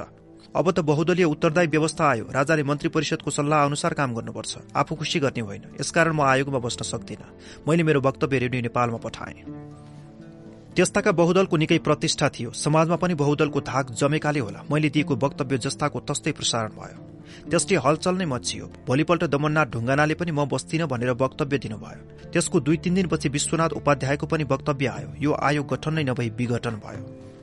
यहाँ एउटा चर्चा गरौं। मुकुन्द रेग्मी मेरा घनिष्ठ मित्र हुनुहुन्छ। संविधान सुझाव आयोगमा हामी सँगै थियौं। उहाँले नेपाल अधिराज्यको संविधान दुई हजार सत्तालिसका विषयमा दुई खण्डको किताब लेख्नु भएको छ। उहाँ स्पष्टवादी र इमान्दार व्यक्ति हुनुहुन्छ तर यस विषयमा उहाँले इमान्दारीपूर्वक कुरा राख्नु भएन। पहिले विश्वनाथ उपाध्याय अनि दम्मनाथ ढुङ्गाना र त्यसपछि मात्र मैले वक्तव्य दिएको भनेर लेख्नु भएको छ। उहाँको यो लेखनबाट मलाई बहुतै दुःख लाग्यो। हामी कहाँ बौद्धिक इमान्दारितामा कमी छ। यस प्रसंगमा एउटा कुरा मलाई याद आउँछ। एकजना नालिकर भन्ने भौतिक शास्त्रका भारतीय विद्वान छन्। उनले भौतिक शास्त्र अध्ययन गर्दा आइन्स्टाइनले प्रतिपादन गरेको सिद्धान्तको थप खोजी गरे। त्यसबापत उनी र उनका गाइड बेलायती नागरिकलाई संयुक्त रूपमा नोबेल पुरस्कार दिइयो। त्यो पुरस्कार ग्रहण गर्दा बेलायती नागरिक मलाई यो पुरस्कार दिनु नपर्ने हो मैले त नालिकरलाई सहयोग गरेको यो सोच सबै नालिकरको हो भने। यसैलाई भनिन्छ बौद्धिक इमान्दारी। हामी कहाँ कहिले आउने हो यो बौद्धिक इमान्दारी? राजाले आफू खुसी गठन गरेको आयोगमा हामीले बस्न अस्वीकार गरेपछि उनले जेठ एक गते संविधान सुधार सुझाव आयोग विघटन गरे र हामीले सार्वजनिक रूपमा माग गरे अनुरूप मन्त्रीमण्डलको सल्लाह र सहमतिबाट नयाँ संविधान सुझाव आयोग बनाउने कुरामा प्रधानमन्त्रीलाई सिफारिश गर्न भन्यो। अब मन्त्री परिषदको सिफारिशमा वाम मोर्चाका तीन कांग्रेसका तीन र स्वतन्त्र तीन गरी नौजनाको आयोग बन्ने भयो। वाम मोर्चाबाट तीनजना पठाउने विषयमा छलफल गर्न हाम्रो बैठक साहना भाउजूको घरमा बस्यो। पहिलेको आयोगमा बस्न मैले अस्वीकार गरेको कुरा रेडियोबाट सबैले सुनेका थिए। त्यस बैठकमा निलम्बर आचार्यले सोध्नुभयो भरतमोहनजी तपाईँलाई सोध्दै नसोधी राजाले तपाईँको नाम हालेछन् अघि? वाम मोर्चाबाट तीनजना कस कसलाई पठाउने भन्नेमा एक राय बन्न सकेन। मालेका तर्फबाट एउटा प्रस्ताव आयो। हामी सबैभन्दा ठूलो पार्टी भएको हुनाले मालेबाट दुईजना हुनुपर्छ। एकजना तपाईँहरूमध्ये हुनुहोस्। यसले अरू पार्टीलाई उत्तेजित बनाएर थप समस्या सृजना गर्यो। पछि सबै समान हौ र यसबाट जाँदा पार्टीका तर्फबाट होइन वाममोर्चाका तर्फबाट जाने हो। त्यसैले वाममोर्चाबाटै चुनाव भन्ने कुरामा सहमति भयो तर तीनजना कसलाई चुन्ने भन्नेमा अझै एकमत बन्न सकेन धेरैको नाम आयो। अन्त्यमा त मतदान नै हुने स्थिति आयो र गोप्य मतदान गरियो। पहिलो चरणमा निर्मल लामा र म निर्वाचित भयौं। दोस्रो चरणको निर्वाचनमा माधव नेपाल निर्वाचित हुनुभयो। यस प्रकार संविधान सुझाव आयोगमा वाममोर्चाका तर्फबाट माधव नेपाल निर्मल लामा र म रहने भयौं। यो पनि राम्रै भयो। इङ्ल्याण्डमा एउटा भनाइ छ। ब्रिटिस संविधान विवेक र संयोगको फल हो वास्तवमा दुई दुई पटक मतदान गराएर पनि वाम मोर्चाबाट पर्नुपर्ने मानिस परेका रहेछौं। नेपाल अधिराज्यको संविधान दुई हजार सत्तालिस बनाउँदा वाम मोर्चाका तर्फबाट जुन प्रभावकारी भूमिका खेल्यो म त्यसको चर्चा पनि गर्नेछु। यो समूह नभई त्यो कार्य सम्भव हुने थिएन। संयोग बनाऊ उचित मान्छेको चयन भएको रहेछ। संविधान सुझाव आयोगमा अध्यक्ष विश्वनाथ उपाध्याय सर्वोच्च अदालतका न्यायाधीश सुविख्यात संविधान न्याय कानूनका ज्ञाता रमानन्द प्रसाद सिंह पूर्व न्यायाधिवक्ता न्यायशास्त्रका धुरन्धर विद्वान प्रद्युम्न लाल राज भण्डारी सरकारी सेवामा उच्च पदस्थ बसी लामो सेवा गरेका अनुभवी उहाँहरू तीनजना स्वतन्त्र भनी छानिनु भएको थियो। नेपाली कांग्रेसबाट लक्ष्मण अर्याल मुकुन्द रेग्मी र दमननाथ ढुङ्गाना तिनैजना कानून व्यवसायमा स्थापित व्यक्तिहरू हुनुहुन्थ्यो। हामी वामतर्फबाट जानेमा मेरो मात्र कानूनी पृष्ठभूमि समेत थियो। माधव कुमार नेपाल र निर्मल लामा राजनैतिक पृष्ठभूमि थियो। विभिन्न पृष्ठभूमिबाट आएका संविधान सुझाव आयोगका सदस्यहरू आफ्नो क्षेत्रमा स्थापित व्यक्तित्व हुनुहुन्थ्यो। सबैको साझा प्रयत्नले गर्दा नै छोटो समयमा एउटा राम्रो संविधान आउन सक्यो। अध्यक्ष विश्वनाथ उपाध्यायको टीमको नेताको रूपमा भूमिका सराहनीय थियो। यी नौजनाको नाम मन्त्री परिषदले सिफारिश गरी राजा कहाँ पठाएको थियो? राजाले जेठ सोह्र गते तीनै नौजनाको संविधान सुझाव आयोग गठन घोषणा गरे। सूर्यनाथ उपाध्याय आयोगको सचिव हुनुभयो। दुई हजार सत्तालिस जेठ सत्र गते संविधान सुझाव आयोगको पहिलो बैठक राष्ट्रिय सभागृहमा बस्यो जसमा माधव नेपाल र निर्मल लामा अनुपस्थित हुनुहुन्थ्यो। संविधान सुझाव आयोगका शुरू शुरूका पाँच छ बैठकले संविधान सुझाव आयोगले गर्ने काम र सचिवालय व्यवस्थापनका सम्बन्धमा छलफल गर्यो। साथै आयोगले संविधानका विषयमा अध्ययन गरी प्रतिवेदन पेश गर्ने विषयको बाँडफाँड गर्यो। रमानन्द प्रसाद सिंह र मलाई मौलिक अधिकार राज्यका निर्देशक सिद्धान्त र नीति सम्बन्धी अध्यायका विषयमा प्रतिवेदन पेश गर्ने जिम्मा पर्यो। जनताका लागि संविधान बनाउन थालिएको हुँदा जनताको राय बुझ्नु अनिवार्य कुरा थियो। यद्यपि हामीलाई तीन महिनाको छोटो समय तोकिएको थियो। संविधान जस्तो महत्वपूर्ण राष्ट्रलाई नै प्रभावित पार्ने र राष्ट्रलाई हिँड्ने बाटो निर्देशन गर्ने महत्वपूर्ण दस्तावेज तयार गर्न तीन महिनाको समय निकै नै कम हो। विश्वका संविधानको अध्ययन बहुदलीय प्रजातान्त्रिक व्यवस्थाका विभिन्न अनुभव आफ्नो देशको संवैधानिक विकासको इतिहास दुई हजार चार सालको नेपाल सरकार वैधानिक कानून दुई हजार सात सालको अन्तरिम शासन विधान दुई हजार पन्ध्र सालको नेपाल अधिराज्यको संविधान र नेपालको संविधान दुई हजार उन्नाइसको अध्ययन गर्नु आवश्यक थियो। उन्तिस वर्षसम्म निरङ्कुश व्यवस्थाका विरूद्ध गरेको संघर्ष दुई हजार छयालिस सालको जनआन्दोलन जनताको अभिमत र जनआकांक्षा बुझी समग्र पक्षको अध्ययन गरी देशका लागि प्रजातान्त्रिक संविधान बनाउन चान्सुने काम थिएन। यस्तो गहन जिम्मेवारी तीन महिनाको छोटो समयमा गर्नु गाह्रो थियो। समयको कस्साकस्सी पर्दा पनि हामीले संविधान बनाउँदा जनताको राय लिनु आवश्यक ठानेर सदस्यहरूका विभिन्न टोली बनायौं। त्यस टोलीमा आयोगमा कार्यरत कर्मचारीलाई पनि समावेश गराइएको थियो। पूर्व मेचीदेखि पश्चिम महाकालीसम्म जनताको राय लिने गरी टोलीहरू विभाजन गरियो। मेरो टोली कोशी मेचीमा राय लिन खटियो। सबै राजनैतिक दल सामाजिक धार्मिक र सांस्कृतिक संस्थाहरूलाई सुझाव पठाउन पत्र लेख्यौं। आम जनताको राय लिनका लागि संविधान सुझाव आयोगको कार्यालयमा राय पेटिका राख्यौं। त्यसबेला सम्भव भएका अनुभवी प्रशासक र कानून न्याय सेवामा अनुभवी कर्मचारीहरूलाई समेटेर सचिवालय बनायौं। राय संकलन गर्ने सिलसिलामा म दुईजना साथी लिएर मेची कोशी गए। पहिले नै प्रमुख जिल्ला अधिकारीलाई खबर गरी संविधानका लागि राय सुझाव लिन जनसमुदायलाई एक ठाउँमा जम्मा गर्न मैले सबै स्थानका निम्ति समय टोके। विराटनगर धरान धनकुटा भोजपुर तेह्रथुम सभा ताप्लेजुङ इलाम पास्थर र झापामा मुकाम बनाएर जनताको राय संकलन गरे। समयको चापाचाप र बाटोको कठिनाइले गर्दा ताप्लेजुङ र संखुवा सभा जान गाह्रो परिरहेको थियो। त्यसकारण काठमाडौँमा अध्यक्ष विश्वनाथ उपाध्यायलाई फोन गरी स्थिति बताए। मलाई ताप्लेजुङ र संखुवा सभा पनि जान मन छ तर मोटरबाट आउँदा जाँदा कतिपय ठाउँमा हिँड्नुपर्ने हुँदा निकै समय लाग्छ। के गर्ने? उहाँले म हेलिकप्टरको व्यवस्था गरिदिन्छु। तपाईँ दुवै ठाउँमा गएर आउनुहोस् भन्नुभयो। त्यसपछि म दुवै ठाउँ पुगे। ताप्लेजुङ पुग्दा अम्बिका सावा उहाँपछि प्रतिनिधि सभा सदस्य र मन्त्री हुनुभयो। उहाँले माला लगाइदिँदै भन्नुभयो भरतमोहन कमरेड पहिले हामीले तपाईँलाई यही ठाउँमा प्रहरी प्रशासनको आँखा छलेर बजारबाट तर्काउँदै गाउँघरमा लिएर हिँड्थ्यौं। आज सैनिक हेलिकप्टर चढेर सैनिक ब्यारेकमा ओर्लिनु भएको छ। जनताले यति ठूलो स्वागत गरिरहेका छन्। अहिले कति फरक भयो? यो सबै जनताको शक्तिले भएको हो। साँच्चै जनताको शक्ति महान छ। यसरी म मेची र कोशीका सबै जिल्लामा पुगे। कुनै जिल्लामा त दुई ठाउँमा पनि जनताको राय संकलन गर्ने काम सम्पन्न भयो। म जति ठाउँमा गएँ त्यति ठाउँमा मानिसहरूको अत्यधिक उपस्थिति थियो। राजनैतिक दलका स्थानीय नेता कार्यकर्ता किसान युवा महिला विद्यार्थी मजदूर उद्योगपति व्यापारी र त्यस ठाउँका प्रतिष्ठित व्यक्ति प्राय सबै आउनुभएको थियो। पाँचथर र ताप्लेजुङमा जनजातिका मानिसको उल्लेख्य उपस्थिति थियो। भोजपुरमा त ठाउँ नपुगेर टुडीखेलमा कार्यक्रम राख्नु परेको थियो। यसरी जनताको संविधान निर्माण गर्ने काममा ठूलो अभिरुचि र सहभागिता देखिन्थ्यो। त्यसले मलाई पनि निकै प्रभावित पार्यो। मैले त्यहाँ प्रमुख जिल्ला अधिकारी र स्थानीय प्रशासनका कर्मचारीलाई जनताले भनेका सुझाव टिप्न लगाएको थिएँ। सबै ठाउँबाट प्राप्त सुझाव लिएर म काठमाडौँ आएँ। त्यस्तै प्रकारले अन्य ठाउँमा खटिएका साथीहरूले पनि आफ्नो जिम्मामा परेका ठाउँबाट सुझाव संकलन गरी आउनुभयो। काठमाडौँमा राय संकलन गर्ने पेटिकामा परेका रायहरूलाई हामीले व्यवस्थित रूपमा अध्ययन गर्यौं। ती संकलित सुझावबाट संविधान निर्माण गर्ने कार्यमा ठूलो सहयोग मिलेको थियो। विज्ञान ल ठ्याक्कै रोकेर अर्को हानिदिनु त।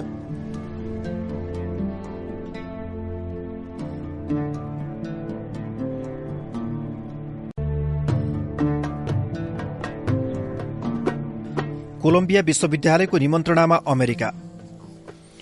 दुई हजार सत्तालिस सालको संविधान निर्माण गर्दा हामीलाई विदेशी संस्थाले पनि सहयोग गर्छौं भनेका थिए। मेरो कार्यालयमा आएर डेनमार्क लगायतका मुलुकका प्रतिनिधिहरूले छोटो समयका लागि भए पनि ती देशमा गएर संविधानको अध्ययन गर्न अनुरोध गरेका थिए। म जस्तै अरू साथीहरूलाई पनि अनुरोध आएको हुन सक्छ समयको अभावले गर्दा म डेनमार्क जान सकिन। दमना ढुङ्गना लन्डन जानुभयो। संविधान बनाउँदा सबैको राय लिएर काम गरौं भन्ने हाम्रो मनसाय थियो। हाम्रो दिमाग खुल्ला थियो तर यो संविधान निर्माण गर्दा कुनै विदेशीको सहयोगबाट निर्माण भएको होइन। यो संविधान शुद्ध रूपमा हामी नेपालीको मेहनतबाट नै निर्माण भएको हो। लक्ष्मण अर्याल र म संविधान निर्माणका सिलसिलामा अमेरिका गएका बेलामा केही कुरा उल्लेख गर्नु सान्दर्भिक हुन्छ। मुकुन्द रेग्मीले आफ्नो किताबमा हामी दुईजना अमेरिका जना लालायत भएको उल्लेख गर्नुभएको छ।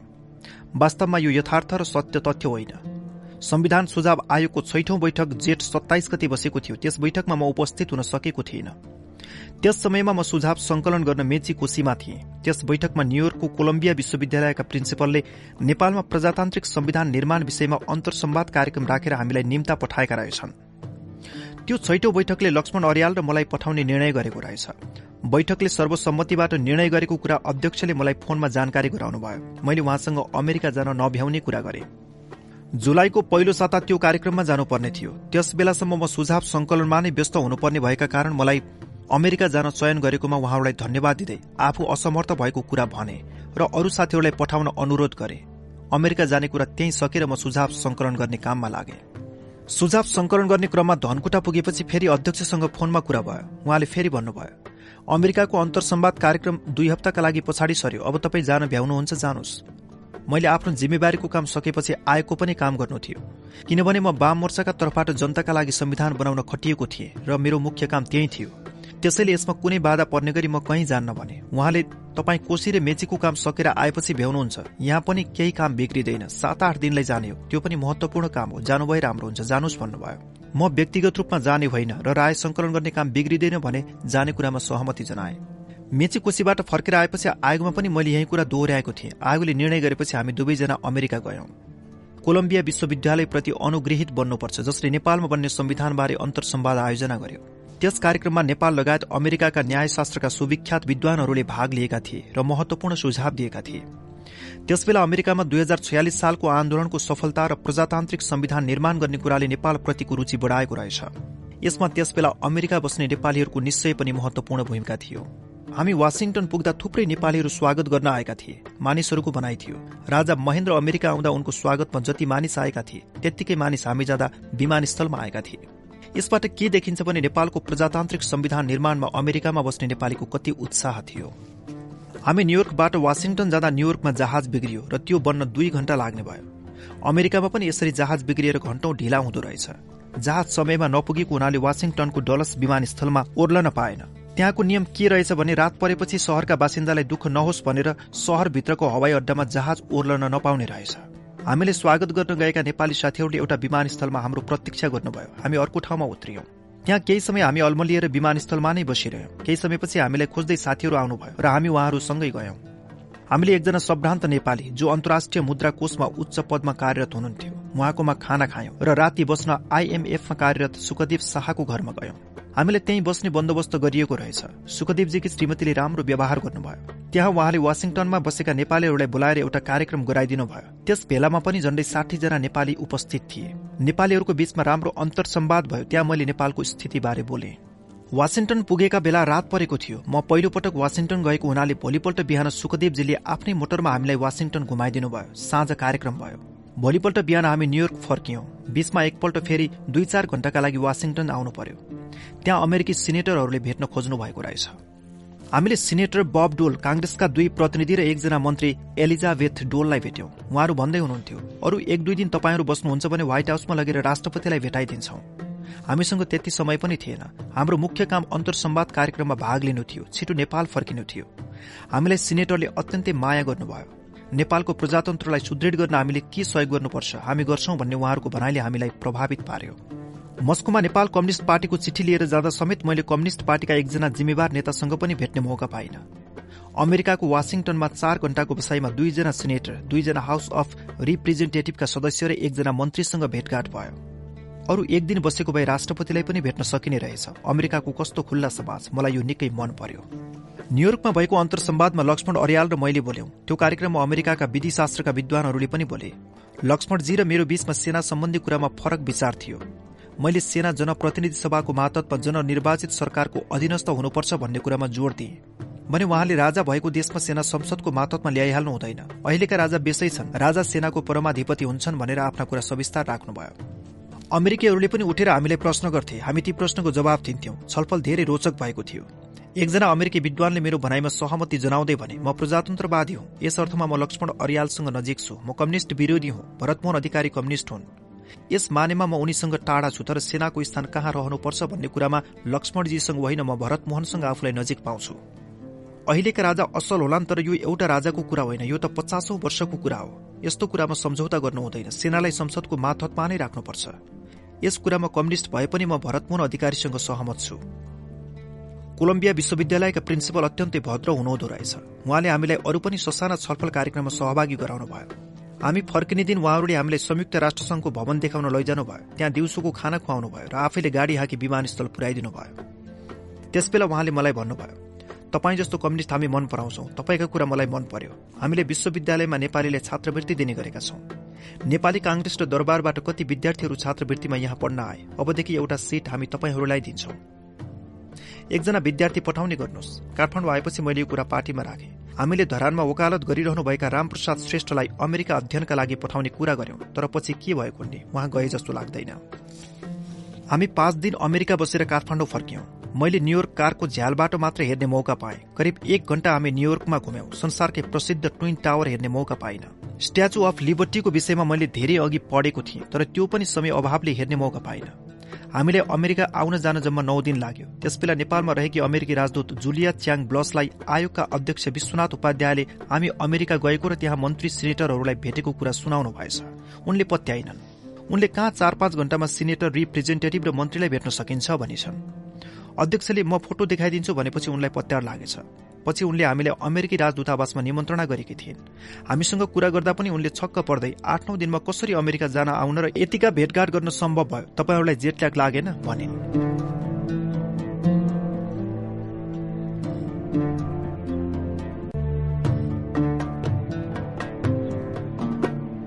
आयोगमा छलफल। संयुक्त वाम मोर्चाबाट संविधान सुझाव आयोगमा प्रतिनिधित्व गर्न गएका माधव नेपाल निर्मल लामा र मेरो संविधान निर्माणका विषयमा प्राय एउटै कुरा हुन्थ्यो। बेला बखत हामी संविधान पनि गरेर आयोगको बैठकमा जान्थ्यौं तर सधैँको बैठकमा त्यसरी अगाडि नै बसेर छलफल गरी आउने मौका मिल्दैनथ्यो। तैपनि हामीमा भएको सैद्धान्तिक एकरूपताले होला त्यहाँ हाम्रो एक राय हुन जान्थ्यो। त्यसले अरू साथीहरूलाई पनि प्रभाव पार्दो रहेछ। छलफलका क्रममा कांग्रेसका साथीहरूको भिन्न विचार आउँथ्यो। स्वतन्त्रहरूको विचार त झन् स्वतन्त्र नै हुने भइहाल्यो। हामी वाममोर्चाका तीनजना मध्ये माधव नेपाल निकै मेहनत साथ तयारी गरेर आउनुहुन्थ्यो। उहाँको कुरा व्यवस्थित हुन्थ्यो। उहाँको पार्टीले संविधान बनाउन माधव नेपाललाई सहयोग गर्न साथीहरूको कुनै सहयोगी टोली बनाएको थियो जस्तो लाग्छ। कानूनी पृष्ठभूमि नहुँदा पनि उहाँले संविधान निर्माणमा महत्वपूर्ण योगदान गर्नुभयो। म त करिब करिब एक्लो थिएँ। मार्क्सवादी पार्टी त्यति व्यवस्थित हुन सकिरहेको थिएन। कुनै महत्वपूर्ण विषय पर्यो भने म मनमोहन दाजु र साहना भाउजूसँग छलफल गर्थे। त्यहाँ पनि प्राय मेरै कुरामा सहमति हुन्थ्यो। धेरैजसो साँझपख माधव नेपालको डेरामा मदन भण्डारी माधव नेपाल र म बसेर छलफल गर्थ्यौं। केही कुरामा यसरी छलफल गरे पनि आयोगका बैठकमा प्राय मलाई लागेका कुरा नै भन्थे। निर्मल लामा आफ्नो स्वभाव अनुसार आउनुहुन्थ्यो। उहाँको प्रस्तुतिबाट उहाँ धेरै तयारी गरेर आए जस्तो लाग्दैनथ्यो तैपनि संविधान निर्माणमा उहाँको ठूलो योगदान छ। निर्मल लामा आफ्नो मनले खाएको मानिसले भनेका कुरामा सहमति जनाउनुहुन्थ्यो। संविधानका बारेमा छलफलका क्रममा एउटा घटना भयो। निर्मल लामाको पार्टीले आयोगमा भएको छलफलको विषयलाई लिएर पर्चा पोस्टरिङ गर्यो।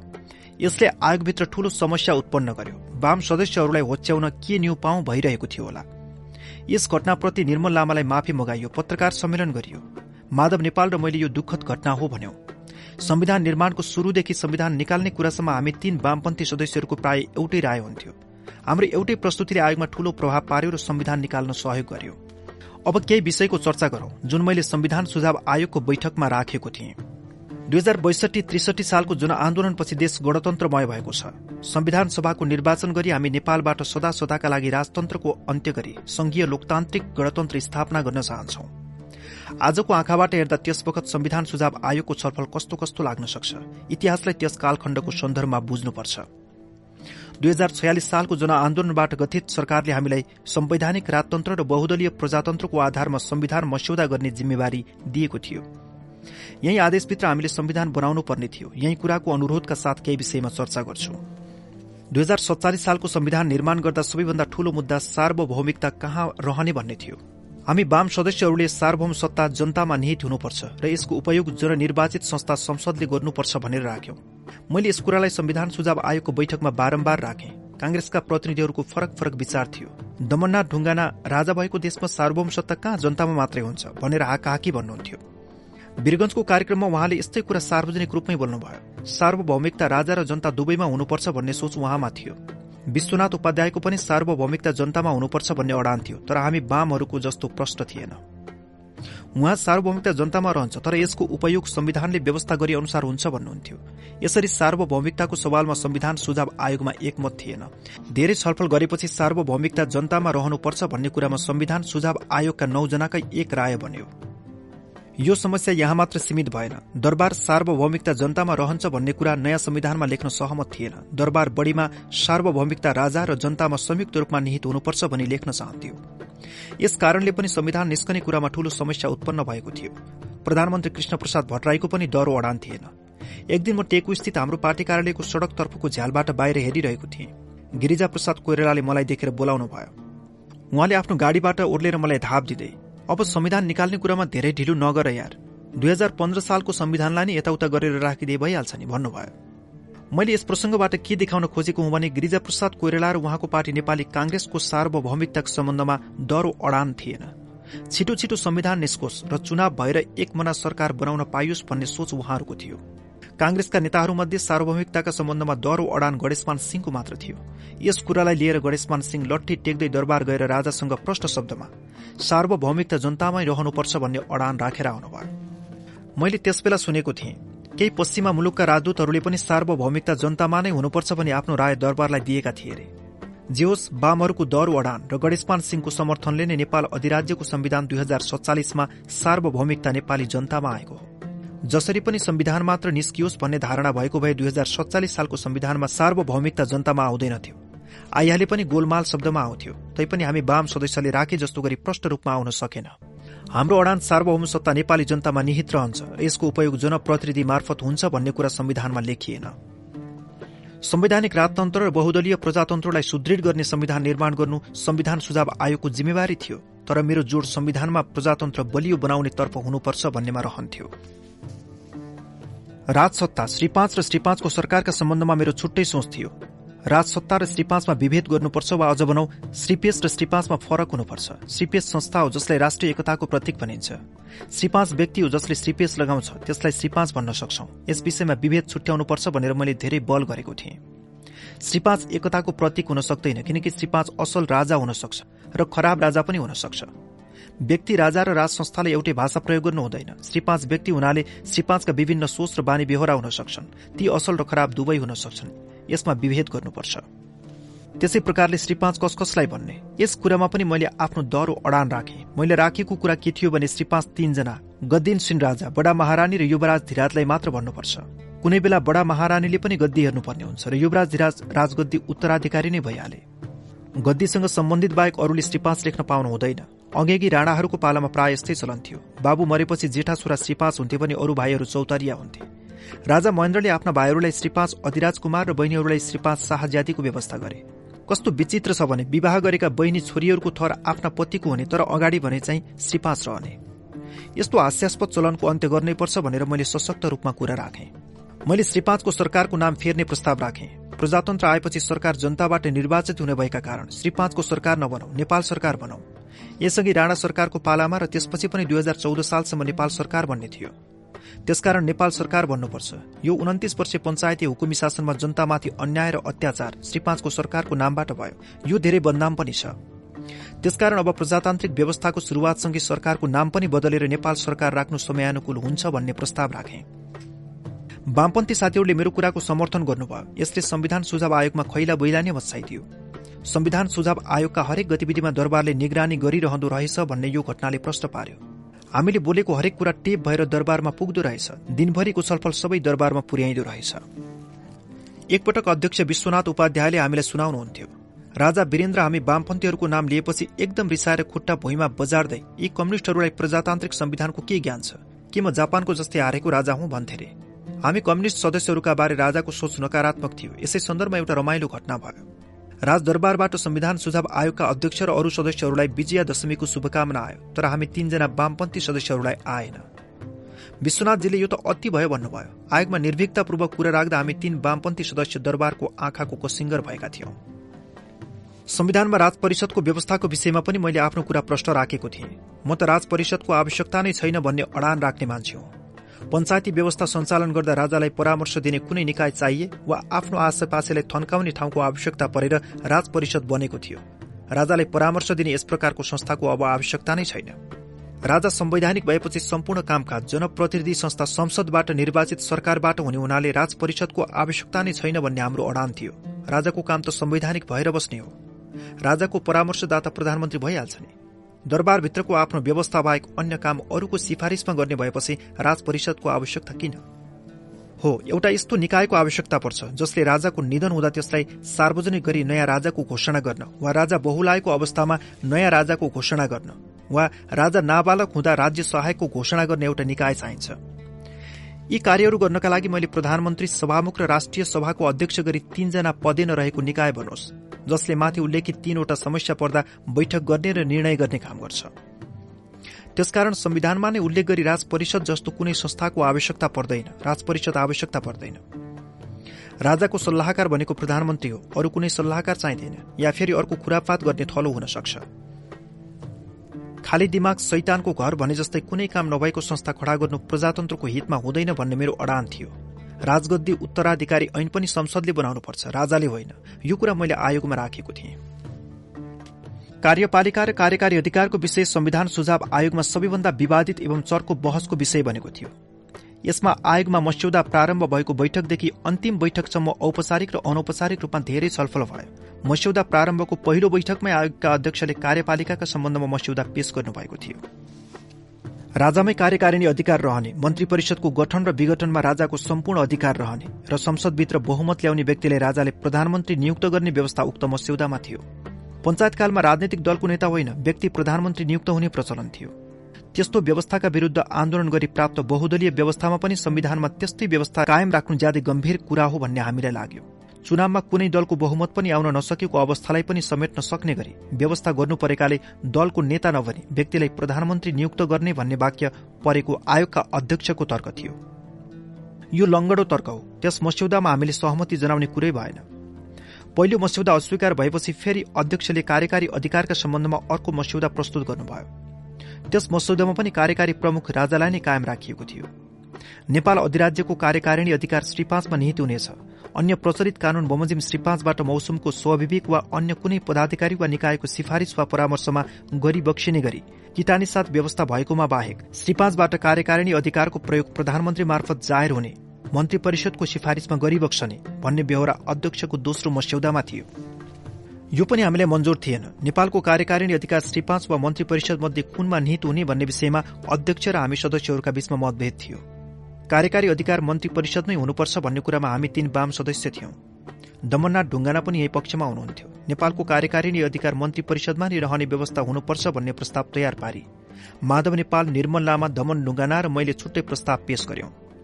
घुमाउरो पाराबाट कार्यकारिणीका सम्बन्धमा प्रावधान राखिनुपर्छ भन्ने अर्को प्रस्ताव मुकुन्द रेग्मी रमानन्द प्रसाद सिंह र लक्ष्मण अर्यालले राख्नु भएको थियो। अध्यक्ष विश्वनाथजीको एक राय मुकुन्द रेग्मी रमानन्द प्रसाद सिंह र लक्ष्मण अर्यालको दोस्रो राय र हाम्रो तेस्रो राय गरी तीन प्रस्ताव बने। नेपालको कार्यकारिणी अधिकार मन्त्री परिषदमा रहनुपर्छ भन्ने पक्षमा तीन वाम सदस्य र दमननाथ ढुङ्गना गरी चारजना सदस्यको रायले बहुमत प्राप्त गरेको हुनाले हाम्रो प्रस्ताव बमोजिमको मस्यौदा नै आयोगको मस्यौदा हुने निर्णय भयो। आयोगका अध्यक्षले बहुमतको प्रस्ताव अनुरूप मस्यौदा संविधानमा रहने भयो भन्ने कुरा बैठकमा बताउनु भयो त्यसवखत आयोगका सदस्य प्रद्युम्नलाल राजभण्डारी बिरामी भई अस्पतालमा हुनुहुन्थ्यो। सदस्य मुकुन्द रेग्मीले भने यस कुरामा प्रद्युम्न लाल राज भण्डारी पनि उपस्थित भएपछि कुरो टुङ्गो लगाउनुपर्छ। होइन भने अगाडि भएका सबै विषयका निर्णयहरूमा समेत विचार गर्नुपर्छ भन्ने कुरा उठाउन थाल्नुभयो। बहुमतको निर्णयले पारित भएको निर्णयलाई सबै सदस्यले मान्नुपर्ने राय अध्यक्षको थियो। नेपालको कार्यकारिणी अधिकार संविधानको अधीनमा रही मन्त्री परिषदमा रहनेछ र तत्काल प्रचलित कानून बमोजिम यस अधिकारको प्रयोग गरिनेछ भन्ने हामी चार सदस्यको मत मस्यौदा संविधानको अङ्ग बनेको थियो।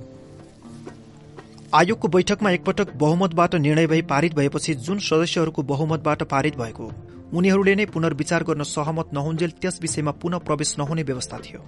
नेपाल अधिराज्यको कार्यकारिणी अधिकार मन्त्री परिषदमा रहनुपर्छ।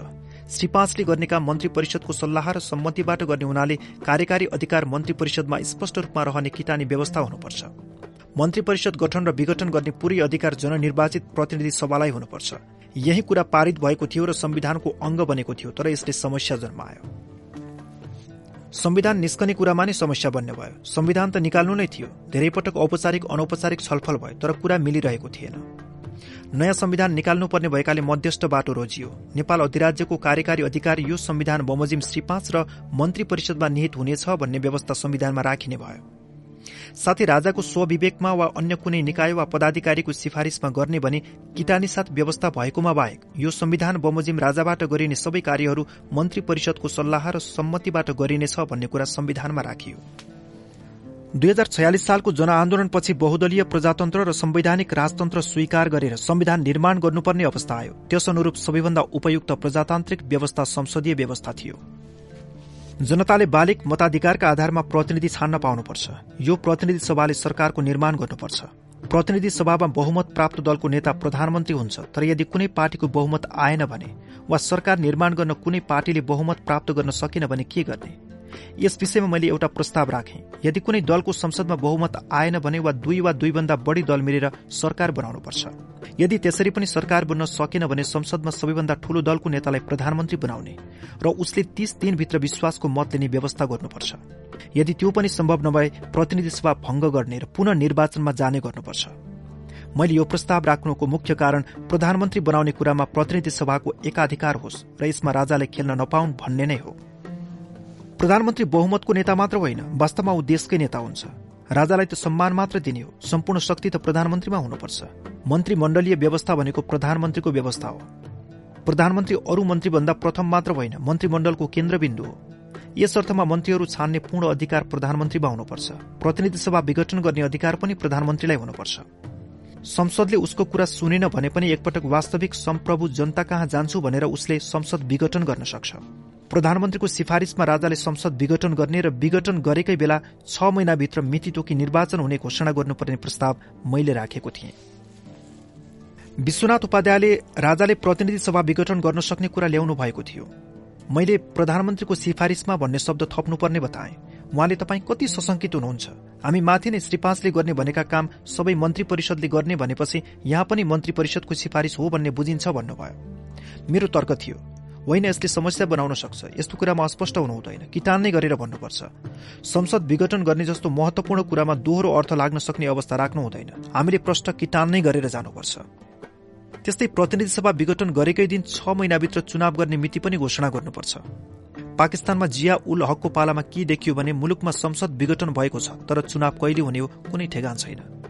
यस्तो अवस्था आउनुको कारण संविधानमा प्रष्ट किटान नभएका कारणले विभिन्न शक्तिले आफ्नो अनुकूलता अनुसार खेल्ने मौका पाउनु नै हो। हाम्रो देशमा पनि विभिन्न तत्वले चलखेल गर्न सक्ने ठाउँ दिनु हुँदैन। तसर्थ स्पष्ट शब्दमा किटान गरेरै जानुपर्छ भन्ने मेरो प्रस्ताव थियो। डाक्टर राघवध्वज पन्तले देशान्तर साप्ताहिकको एउटा लेखमा संसद विघटन भएको छ महिनाभित्र सम्पन्न हुने गरी चुनावको मिति तोकिनुपर्छ भन्ने पहिलो व्यक्ति भरतमोहन अधिकारी हुनुहुन्छ भनी लेख्नु भएको छ। हाम्रो संविधानमा राजनैतिक दलका विषयमा एउटा अध्ययनै राखिएको छ। राजनैतिक दलमाथि कसैले प्रतिबन्ध लगाउन सक्ने प्रावधान रहनु हुँदैन भन्ने हाम्रो प्रस्ताव थियो। यसले हामी बहुदलवादीलाई धेरै राम्रो गरेको छ। राजनैतिक दलमाथि कुनै पनि अवस्थामा प्रतिबन्ध लगाउन नसक्ने कुरा संविधानमा प्रष्ट किटान गरेको हुनाले आज कसैले पनि छुन सकेको छैन।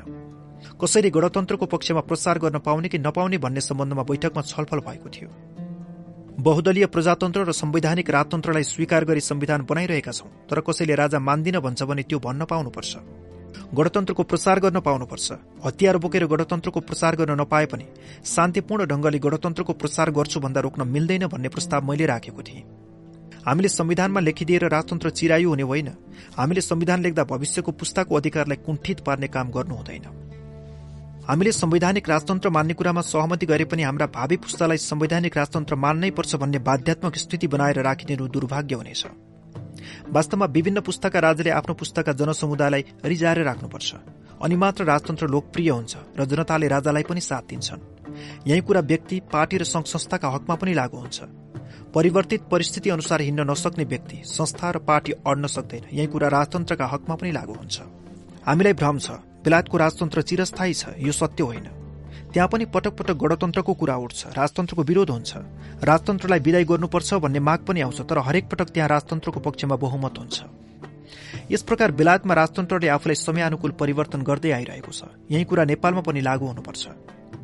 संविधान संशोधन शीर्षकमा छलफल गर्दा संविधानको प्रस्तावनामा उल्लेखित विषयमा संशोधन गर्न पाइँदैन भन्ने कुरा ठिक होइन भन्ने कुरा हामीले राखेका थियौं। धेरै छलफलपछि यस्ता विषयमा संशोधन गर्दा दुई सदन मध्ये कुनै सदनको एक तिहाई सदस्यले प्रस्ताव ल्याउनु पर्ने र प्रत्येक सदनबाट सदनको कुल सदस्य संख्याको तीन चौथाले पारित गरेपछि जनमत संग्रहमा जाने र जनमत संग्रहबाट समर्थन प्राप्त भएपछि संशोधन हुने प्रावधान राखिएको थियो।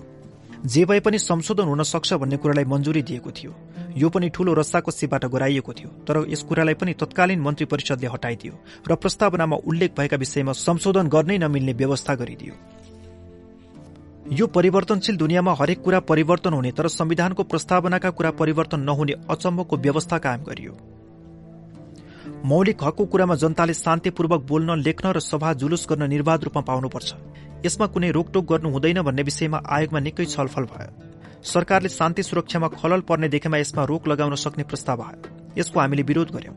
यो त घुमाइ फेराई पञ्चायती व्यवस्थाकै जस्तो कुरा भयो। शान्ति सुरक्षामा खलल पार्ने नाममा मानिसले दशौं वर्ष थुनियो।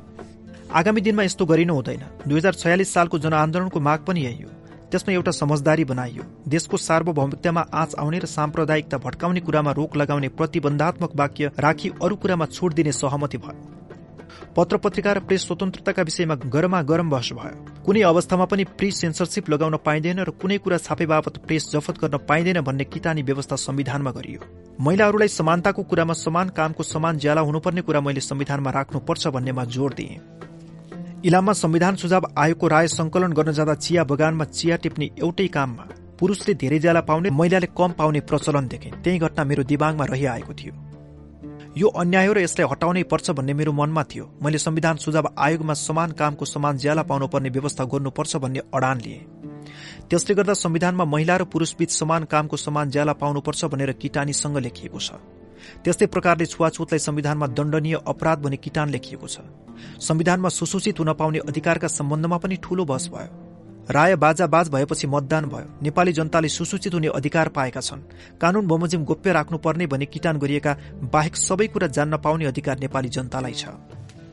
शाही नेपाली सेनालाई नेपाली सेना नामाकरण गरी जननिर्वाचित संस्थाको मातत्वमा राख्नुपर्छ भन्ने प्रस्ताव मैले राखेको थिएँ। यसमा पनि हामी असफल भयौं संविधानमा एउटा निकै राम्रो व्यवस्था भएको छ। त्यो हो संवैधानिक परिषद र न्याय परिषद। संवैधानिक परिषदमा विपक्षी दलको नेतालाई पनि राख्नुपर्छ भनेर मैले धेरै बल गरे। अध्यक्ष विश्वनाथ उपाध्यायले भन्नुहुन्थ्यो चुनावपछि हामी नै विपक्षी दल हुन्छौं भनेर हो कि भरतमोहनजी सधैँ विपक्षी दलको नेताको कुरा उठाउनुहुन्छ। विपक्षी दलको नेतालाई संवैधानिक परिषदमा राखियो। यसले संसदको सर्वोच्चतालाई स्थापित गर्छ र प्रमुख प्रतिपक्षी दललाई वैकल्पिक सरकारको मान्यता प्रदान गरेको स्पष्ट हुन्छ। यही कुराको बोधोस भन्नका खातिर मैले विपक्षी दलको नेतालाई संवैधानिक परिषदको सदस्यका रूपमा राख्न बल गरेको थिएँ। सर्वोच्च अदालतका प्रधान न्यायाधीश निर्वाचन आयोग अख्तियार दुरूपयोग अनुसन्धान आयोगका प्रमुख आयुक्त र आयुक्तहरू महालेखा परीक्षक लोकसेवा आयोगका अध्यक्ष र सदस्यहरूको नियुक्ति यही संवैधानिक परिषदले गर्छ। यी संवैधानिक निकायहरूलाई नेपाल अधिराज्यको संविधान दुई हजार सत्तालिसले दायित्व निर्वाह गर्ने गहन जिम्मेवारी दिएको छ। यी जिम्मेवारी पूरा गर्दा ती निकायहरू बहालवाला सरकारबाट प्रभावित नहुन् र स्वतन्त्र प्रकारले विवेकका आधारमा निर्णय गर्न सकुन् भन्नका लागि यिनीहरूको नियुक्ति गर्न मन्त्री परिषदलाई जिम्मा दिइएन। संवैधानिक परिषदमा प्रधानमन्त्री प्रधान न्यायाधीश सभामुख राष्ट्रिय सभाको अध्यक्ष र विपक्षी दलको नेता रहने र यी सबै पदेन सदस्य हुने व्यवस्था गरियो। म एकपटक दिल्लीमा गएको बेला त्यहाँ कानूनवेत्ताहरूसँग कुरा गर्ने मौका पाएको थिएँ। उनीहरूले भन्थे संवैधानिक परिषद साँच्चीकै तपाईँहरूको नौलो सृजना हो। भारतले पनि यसबाट सिक्नुपर्छ। तर हामीले संवैधानिक परिषदलाई कस्तो बनायो? संवैधानिक परिषदको परिकल्पना गर्दा मैले भनेको थिएँ। यसले अमेरिकाको सिनेटको सब कमिटिको जस्तो काम गर्नुपर्छ। सब कमिटिमा राष्ट्रपतिले नियुक्त गरेको कुरा आउँछ। कमिटिमा छानबिन हुन्छ र नियुक्त भएका पदाधिकारीहरूसँग सार्वजनिक सुनवाईको कार्यक्रम हुन्छ। यो सबै पूरा गरी सिनेटको सब कमिटिले अनुमोदन गरेपछि मात्र नियुक्ति सदर हुन्छ। होइन भने त्यो नियुक्ति बदर हुन्छ। एउटा प्रसंग यहाँ उल्लेख गर्नु सान्दर्भिक हुन्छ। अमेरिकामा जर्ज बुश राष्ट्रपति भएका बेला उनले एकजना काला जातिका कानूनविदलाई सर्वोच्च अदालतमा न्यायाधीश नियुक्ति गरे। सिनेटको सब कमिटिमा कन्फर्मेशनका लागि छलफल भयो। सार्वजनिक सुनवाई भयो। एकजना महिलाले भनिन् यो मानिस संघीय अदालतको न्यायाधीश हुन लायक छैन किनभने उन्तिस वर्ष अगाडि एउटा कार्यालयमा सँगै काम गर्दा यसले मलाई दुर्व्यवहार गर्न खोजेको थियो। यस कुराले अमेरिकाभरि नै हलचल मचायो मैले यो उदाहरण यहाँ प्रस्तुत गर्नुको कारण के भने संवैधानिक निकायको पदमा नियुक्त भएका व्यक्तिलाई पाँच छ वर्ष पदावधि दिएको हुन्छ। यिनीहरूको निर्णयले देशमा ठूलो प्रभाव पार्छ। यी महत्वपूर्ण पदको नियुक्तिमा जनताले चासो लिन पाउनुपर्छ। गलत मानिसको नियुक्ति हुनु हुँदैन भन्न पाउनुपर्छ। त्यसैले हामीले संवैधानिक परिषदको परिकल्पना गरेका थियौं। यो कुरा मैले दुई हजार पचपन्न छपन्न सालको कान्तिपुर दैनिकको एउटा लेखमा विस्तृत रूपमा लेखेको थिएँ। हामी कहाँ संवैधानिक परिषदबाट कसले नियुक्ति पाउँदैछ भनेर थाहा हुँदैन। नियुक्त भएपछि मात्र थाहा हुन्छ। किन नियुक्ति दियो? त्यो पनि थाहा हुँदैन। नियुक्त गरिएको व्यक्तिको गुण दोषका विषयमा छलफल गर्न पनि पाइँदैन। संवैधानिक परिषदले एउटा स्थायी कार्यालय बनाओस् भन्ने कुरा मैले राखेको थिएँ। विभिन्न संवैधानिक निकायमा नियुक्त हुने व्यक्तिको रोस्टर तयार पारोस्। संवैधानिक परिषदको बैठकमा आउनुभन्दा पहिला संचार माध्यमबाट सार्वजनिक गरी जनताको अभिमत आउन दियोस्। यसरी सार्वजनिक भएका व्यक्तिहरूमध्येबाट प्रस्ताव गरियोस् तर त्यो भएन। कतिसम्म भने लक्ष्मण प्रसाद अरियाल जो पछि सर्वोच्च अदालतको न्यायाधीश हुनुभयो। उहाँले सार्वजनिक रूपमै बोल्नुभयो। संवैधानिक परिषदको बैठकमा तेरो मेरो भनेर भागबण्डा गरी नियुक्तिको सिफारिस गरिन्छ। जुन परिकल्पना गरेर संवैधानिक परिषदको निर्माण गरिएको थियो व्यवहारमा त्यो भएन। वास्तवमा हामी कहाँ संवैधानिक पद्धतिको विकास नै भएन। संवैधानिक कुरालाई ख्यालै गरिएन। अमेरिका भारत र युरोपेली मुलुकमा संवैधानिक विकासको लामो इतिहास छ जसले संविधानलाई समृद्ध बनायो प्रजातन्त्रलाई सुदृढ बनायो। हामी कहाँ त संविधानले आफ्नो तत्कालको स्वार्थ अनुसार उपयोग र अपव्याख्या गर्ने चलन छ। संविधान सुझाव आयोगमा निकै बहस हुन्थ्यो। हामी तीन वामपन्थी सदस्यहरू आफ्नो अडान प्रष्ट रूपमा राख्थ्यौं। धेरैजसो कुरामा सहमति र समझदारी हुन्थ्यो। कतिमा पनि हामी बहुमत र अल्पमतका आधारमा पनि निर्णय गर्थ्यौं। हामीले केही महत्वपूर्ण कुरामा नोट अफ डिसेन्ट पनि लेख्नु पर्थ्यो। छ बुदामा हामीले नोट अफ डिसेन्ट लेखेर दर्ता गर्यौं। हामीले संविधान सुझाव आयोगमा दर्ता गरेका बुदाहरू निम्न अनुसार रहेका थिए। हाम्रो पहिलो सहमति सार्वभौम सत्ता सम्बन्धमा रहेको थियो। दुई हजार सत्तालिस सालको संविधानको भाग एक प्रारम्भिकको धारा तीनमा सार्वभौम सत्ता विषयमा चर्चा छ। सार्वभौम सत्ता नेपाली जनतामा निहित रहने व्यवस्था अत्यन्त राम्रो। यसको प्रयोगको सम्बन्धमा त्रुटि रहन गएको थियो।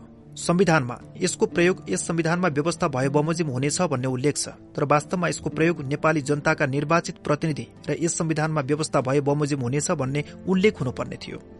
सार्वभौम सत्ताको प्रयोग नेपाली जनताका निर्वाचित प्रतिनिधिहरूले गर्नेछन् भन्ने वाक्य समेत समावेश हुन सकेको भए सार्वभौम सत्ताको प्रयोग जहिले पनि प्रजातान्त्रिक पद्धतिबाट हुने कुराको ग्यारेन्टी हुने थियो। यसको अभावमा कुनै वखत कुनै तानाशाहले नेपाली जनताको नाममा सार्वभौम सत्ताको प्रयोग गरेको छु भन्न सक्नेछ। प्रजातान्त्रिक युगमा सार्वभौम सत्ताको प्रयोग पनि प्रजातान्त्रिक परिपाटीबाट हुनुपर्छ। संविधानको भाग पाँचको धारा सत्ताइसदेखि अडतिससम्म श्री पाँच विषयमा छ। प्रजातान्त्रिक नेपालमा राज संस्था र गद्दिनसिन राजालाई छुट्याउनु आवश्यक रहेको कुरा हामीले जोड़ दिएका थियौं। राज मुकुटले राज संस्थालाई बोध गराउने यो एउटा संस्थाको प्रतीकको रूपमा रहने र श्री पाँचले गद्दिनसिन राजालाई बोध गराउने गरी अलग अलग व्यवस्था हुनु पर्थ्यो। श्री पाँचको अंग्रेजीमा हिज मेजेस्टी हो यसको प्रयोग गद्दिनसिन राजाले मात्र गर्न पाउँछ भन्ने हाम्रो अडान रहेको थियो। संविधानको भाग आठ व्यवस्थापिकाको धारा उनपचासमा संसद भन्नाले राष्ट्रिय सभा र प्रतिनिधि सभा यी दुई सदनलाई जनाउनु पर्ने व्यवस्था हुनुपर्ने थियो। संसदभित्र अनावश्यक रूपमा श्रीपाद समेतलाई समावेश गरिएको छ जुन कुरा संसदीय व्यवस्था र आधुनिक संवैधानिक राजतन्त्रको मूल भावनाको विपरीत छ। हाम्रो विचारमा संवैधानिक राजाको स्थान राष्ट्राध्यक्ष हो राजाको काम राष्ट्राध्यक्षको काम हो। कार्यपालिका व्यवस्थापिका र न्यायपालिकामा राजालाई अनावश्यक रूपमा समावेश गराउनु हुँदैन। उपयुक्त बमोजिमको व्यवस्था जापान स्पेन र स्वीडेन तथा अन्य देशमा संविधानमा रहेको तथ्याङ्कहरू यहाँ विशेष रूपमा उल्लेखनीय छ। सरकारको नाम श्री पाँचको सरकारबाट नेपाल सरकार फेरिदिनुपर्छ भन्ने हाम्रो दरो अडान रहेको छ। प्रजातान्त्रिक नेपालमा सार्वभौम सत्ता नेपाली जनतामा निहित रहेपछि सरकारको नाम कुनै व्यक्ति वा संस्थासँग जोडिनु हुँदैन। यो सरकार नेपालको र नेपाली जनताको सरकार हो। यसकारण यस सरकारको नाम नेपालको सरकार रहनुपर्छ। अझै दुई हजार चौध साल अघि सरकारको नाम नेपाल सरकार नै थियो। जबदेखि सरकारको नाम फेरिएर श्री पाँचको सरकार बनाइयो त्यस बेलादेखि नै निरङ्कुश राजतन्त्रको पिसाईमा नेपाली जनता पढ्दै आएका छन्। विगत तीस वर्षमा श्री पाँचको सरकार जनविरोधी जनताको साधारण मौलिक हक छिन्ने अन्याय अत्याचारी सरकारको रूपमा देखिँदै आएको छ।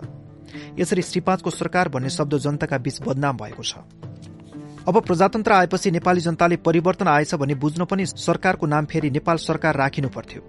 संविधान सुझाव आयोगले राय संकलन गर्दा पनि लगभग सम्पूर्ण सुझावकर्ताहरूले नेपाल सरकार नामाकरण गरिनुपर्छ भनी माग पनि गरेका छन्। त्यसै हामी शब्द नामाकरण गरिएका सबै सार्वजनिक संस्थाको नाम फेरिनुपर्छ। यस शब्दबाट निश्चित परिवारको निजित्व झल्कन्छ। प्रजातन्त्रको स्थापना भइसकेपछि र देशभरबाट प्राप्त सुझावलाई समेत हेर्दा उही साई शब्दको प्रयोग जारी रहनुले परिवर्तित र जनभावनाको अपमान हुन गएको छ। यस अनुरूप साई सेनाको नाम बदली नेपाली राष्ट्रिय सेना हुनुपर्छ भन्ने हाम्रो स्पष्ट अडान रहेको छ। दुई हजार बैसठी त्रिसठीको जनआन्दोलन सफल भएपछि पुनस्थापित प्रतिनिधि सभाको बैठकले सरकारको नाम श्री पाँचको सरकारबाट नेपाल सरकार र शाही सेनाबाट नेपाली सेना सार्वजनिक संस्थामा भएको शाही शब्द हटाउने निर्णय गरेको छ। पाँच राष्ट्राध्यक्षले संवैधानिक मर्यादाभित्र रही गरेको क्रियाकलापबारे संसदमा कुरा उठाउन नहुने कुरा हामी बुझ्न सक्छौं। तर राजा रानी र उत्तराधिकारीले संविधानको मर्यादा र संवैधानिक आचरणको विपरीत कार्य गर्दा पनि जनताले कुरा उठाउन नपाउने कुरासँग हामी सहमत छैनौं। त्यसमा पनि जनताका निर्वाचित प्रतिनिधिहरूले यस्तो गैर संवैधानिक आचरणको बारे कुरा उठाउनु उनीहरूको अधिकार र दायित्व हो।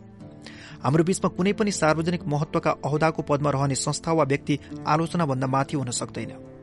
हाम्रो देशमा त अझै राज परिवारबाट समय समयमा संवैधानिक मर्यादा उल्लङ्घन भएका पृष्ठभूमिमा यो अधिकार जनताका निर्वाचित प्रतिनिधिहरूलाई हुनुपर्छ भन्ने भन्ने हाम्रो अडान रहेको छ। जसले गर्दा प्रजातान्त्रिक अभ्यास सुदृढ हुने र सबैले आफ्नो निर्धारित मर्यादाभित्र रहनुपर्ने स्थिति बन्न सक्छ। संविधानको धारा एक सय पच्चीसमा साई नेपाली सेनाको सञ्चालन गर्न एक राष्ट्रिय सुरक्षा समिति रहने र राष्ट्रिय सुरक्षा समितिका सिफारिसमा राजाबाट सेनाको सञ्चालन गर्ने व्यवस्था भएको छ। सेनाको सञ्चालन कार्यकारिणी कार्य देशको सम्पूर्ण कार्यकारिणी अधिकार जनताबाट निर्वाचित मन्त्री परिषदको जिम्मा रहेपछि सेना पनि मन्त्री परिषदको मातहतमा हुनुपर्छ। राष्ट्रिय सुरक्षा समितिको जवाफदेही मन्त्री परिषदप्रति हुने व्यवस्था समेत उल्लेख हुन पर्थ्यो। यो नहुँदा गल्ती हुन गएको छ जसले गर्दा जननिर्वाचित मन्त्री परिषदको समानान्तरमा सेना जहिले पनि रहने खतरा रहन्छ र प्रजातन्त्रमाथि जहिले पनि खतरा भइ नै रहनेछ। उपयुक्त विषयमा असहमति भए पनि नयाँ प्रजातान्त्रिक संविधान जारी गर्नुपर्ने महत्व र बाध्यतालाई ख्यालमा राख्दै समग्रमा संविधानप्रति हाम्रो सहमति रह्यो। हाम्रा छिमेकी मुलुकहरूको तुलनामा दुई हजार सत्तालिस सालको संविधान धेरै प्रजातान्त्रिक छ। आयोगले बनाएको संविधानमा मन्त्री परिषदले केही परिवर्तन गरिदियो। त्यसरी पनि संविधानलाई केही कमजोर पारिदियो। तथापि जारी भएको संविधान समग्र रूपमा राम्रो छ। एक पटकको घटना हो। हामी भारतका संसदीय मन्त्रीको निमन्त्रणामा संसदीय प्रतिनिधि मण्डलमा सामेल भएर भारत गएका थियौं। त्यहाँ हाम्रो सम्मानमा दिवा भोज दिएको थियो जसमा सभामुख शिवराज पाटिल र विपक्षी दलका नेता अटल बिहारी वाजपेयी समेत उपस्थित हुनुहुन्थ्यो। हामीलाई देखेपछि नेपालको संविधानको चर्चा भयो र मैले संविधानका केही कुरा बताएँ। अनि भारतको लोकसभाका तत्कालीन सभामुख शिवराज पाटिलले थप्नुभयो। अटलजी नेपालको अहिलेको संविधान राम्रो छ तपाईँले पढ्नु भएको छ। मैले पढेको छु दक्षिण पूर्वी एसियाका संविधान मध्ये सबैभन्दा राम्रो संविधान हो। वाजपेयीले ए यस्तो हो भन्नुभयो। यो संविधानको देश बाहिर पनि प्रशंसा भएको थियो। हामीले संविधान बुझाएको दुई तीन दिनपछि एकजना अमेरिकी विद्वानसँग मेरो भेट भएको थियो। उनले संविधानका विषयमा बडो मार्मिक रूपमा भनेका थिए। कोही पनि यो संविधानसँग सयकडा सय सहमत छैनन् तर सबै यो संविधानको नब्बे प्रतिशतसँग सहमत छन्। यो नै यस संविधानको विशेषता हो। वास्तवमा ती अमेरिकी मित्रको टिप्पणी सठिक नै थियो। यो संविधान तीन पक्षको समझदारीबाट निर्माण भएको हो। संविधान लेख्न बसेका मस्यौदाकारहरू अलग अलग राजनैतिक पृष्ठभूमिबाट आएका व्यक्ति थिए। त्यसमा सबैको एउटै राय हुन सक्दैनथ्यो सम्झौता र सहमतिमा आउनै पर्थ्यो। यसको विकल्प थिएन। तर विशेषता के हो भने सम्झौता र सहमति गरे पनि प्रजातन्त्रलाई सुदृढ गर्न अब्बल दर्जाको संविधान बन्यो। दुई हजार सत्तालिस सालको संविधान अहिले भने जस्तो गरी सजिलै आएको होइन। संविधान सुझाव आयोगमा पनि गम्भीर संकट आयो। एकपटकको घटनाको वर्णन गरौं। हामीले संविधान सुझाव आयोगमा एउटा नियम बनाएका थियौं। कुनै कुरामा एकपटक निर्णय भएपछि त्यसमा त्यस विषयमा फेरि छलफल गर्न पाइँदैनथ्यो जसलाई ताला लगाउने भनिन्थ्यो। तर जसको बहुमतबाट पारित भएको तिनै साथीहरू पुनर्विचार गर्न सहमत भएमा मात्रै त्यस विषयमा पुनः छलफल हुन्थ्यो। आयोगको बैठकमा अध्यक्ष विश्वनाथ उपाध्याय र सदस्य दमननाथ ढुङ्गानाको सम्बन्ध खराब हुँदै गएको हामीले देखिरहेका थियौं। उहाँहरू एकअर्कालाई आरोप प्रत्यारोप गर्नुहुन्थ्यो। कतिसम्म भने टेप खोलेर रेकर्ड गराएर पनि आरोप प्रत्यारोप हुन्थ्यो। त्यस्ताका प्रद्युम्नलाल राजभण्डारी बिरामी भएको हुनाले आउनुहुन्नथ्यो। प्रसङ्ग आयो नेपाललाई हिन्दू राष्ट्र भन्ने वा धर्मनिरपेक्ष राष्ट्र भन्ने। हामीले धर्मनिरपेक्षताको प्रस्ताव राख्यौं त्यसमा बहस चल्यो। बैठकमा लामो कुरा भयो। हामी तीनजना वामपन्थी सदस्यहरूलाई रमानन्द सिंह र दमननाथ ढुङ्गनाले साथ दिएकाले हाम्रो जित भयो। निर्णयमा ताला लाग्यो तर यसले समस्या सृजना गर्यो। अब त संविधान नआउने भयो भनेर चर्चा हुन थाल्यो। विश्वनाथ उपाध्याय स्वयं आयोगको बैठकमा आउन छोड्नुभयो। कहीँ कांग्रेस कम्युनिस्ट र स्वतन्त्र बसेर पनि संविधान बन्छ। यो आयोग पनि अब विफल हुने भयो। अब त कुनै संविधान आउँदैन। आयो भने पनि राजा कांग्रेस र कम्युनिस्टको अलग अलग तीनवटा संविधान आउँछन् भन्ने चर्चा हुन थाल्यो। संविधान सुझाव आयोग संकटमा पर्यो। माधव नेपाल निर्मल लामा र मैले सल्लाह गर्यौं। अहिले संविधान आएन भने त ठूलो अफजस आउँछ र दरबारको हात फेरि माथि हुन्छ। आन्दोलनकारीले संविधान दिन सकेनन् भनेर देश विदेशमा कुरा चल्छ। त्यसकारण अब हामीले मिलाउने भूमिका खेल्नु पर्यो। त्यसपछि हामीले दमन्ना ढुङ्गानालाई बोलाएर कुरा गर्यौं। उहाँले पनि हाम्रो कुरा मन पराउनु भयो। संविधान सुझाव आयोगका अध्यक्ष र अरू सदस्यहरूसँग पनि कुरा गर्नुहोस् भन्नुभयो। त्यसपछि हामीले विश्वनाथ उपाध्यायको निवासमा गएर उहाँलाई भेट्यौं। संविधान त निकाल्नै पर्छ। तपाईँ हामी सबैको प्रतिष्ठाको विषय हो। दरबारले पनि हामी सबैको खिल्ली उडाउँछ। संविधान सुझाव आयोगमा उत्पन्न गतिरोधका विषयमा सबै संवेदनशील हौ। एक अर्काको प्रस्तावप्रति लचिलो भएर सहमतिको कुरा गरौं भनेर हामीले एउटा सहमतिको प्रस्ताव राख्यौं। त्यसबाट उहाँ पनि खुशी हुनुभयो संकट पार भयो संविधान जारी हुने भयो। हामीले तोकिएको समय अर्थात दुई हजार सत्तालिस भदौ पच्चीस गते नारायणहिटी राजदरबारमा आयोजित एक कार्यक्रममा नेपाल अधिराज्यको संविधान दुई हजार सत्तालिसको मस्यौदा बुझायो।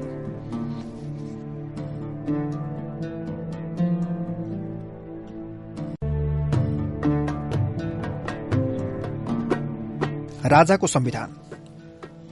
मस्यौदा बुझाएपछि पनि संविधान जारी भएन। बिना कारण विलम्ब भइरहेको थियो। यसबीच राजाको संविधानको चर्चा आयो। हामीले बुझाएको संविधान अध्ययन गर्न मन्त्री परिषदले निलाम्बर आचार्य डाक्टर केशरजङ रायमाझी र योग प्रसाद उपाध्याय रहेको तीन सदस्यीय मन्त्री स्तरीय उपसमिति बनायो। त्यस उपसमितिले हाम्रा सुझावमा केही छाँटकाट गर्यो। त्यसमा मलाई दुईवटा कुरामा साह्रै नराम्रो लाग्यो। एउटा हामीले सहमतिबाट हिन्दू धर्मावलम्बी श्री पाँच भन्ने शब्द राखेका थियौं। त्यसको मतलब थियो एकातिर हिन्दू शब्द पनि पर्ने र अर्कातिर हिन्दू राष्ट्र पनि भनिरहनु नपर्ने।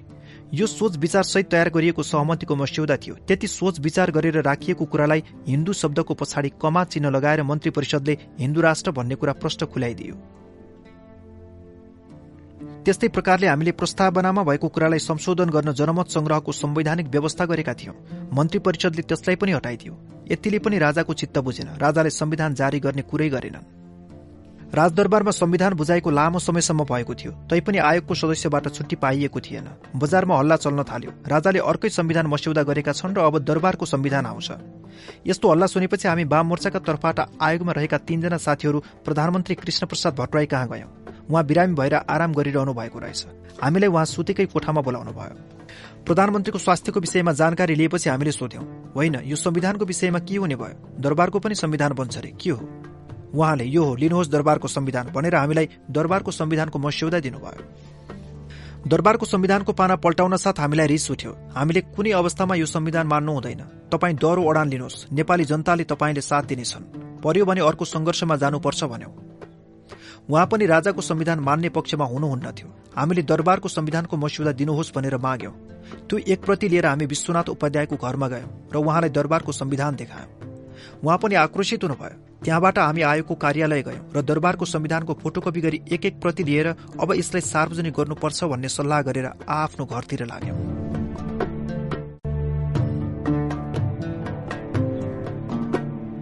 संसदीय अभ्यासमा गोर्खापत्रको समाचारले आगो बल्यो। संविधान सुझाव आयोगमा कार्यरत रहेका बेला म कलङ्कीमा मेरा साला खगेन्द्र आचार्यको घरमा पाहुना भइबसेको थिएँ। त्यहाँ आएपछि मैले गोर्खापत्रमा फोन गरेँ। त्यहाँ रमेश भन्ने एकजना संवाददाता हुनुहुँदो रहेछ।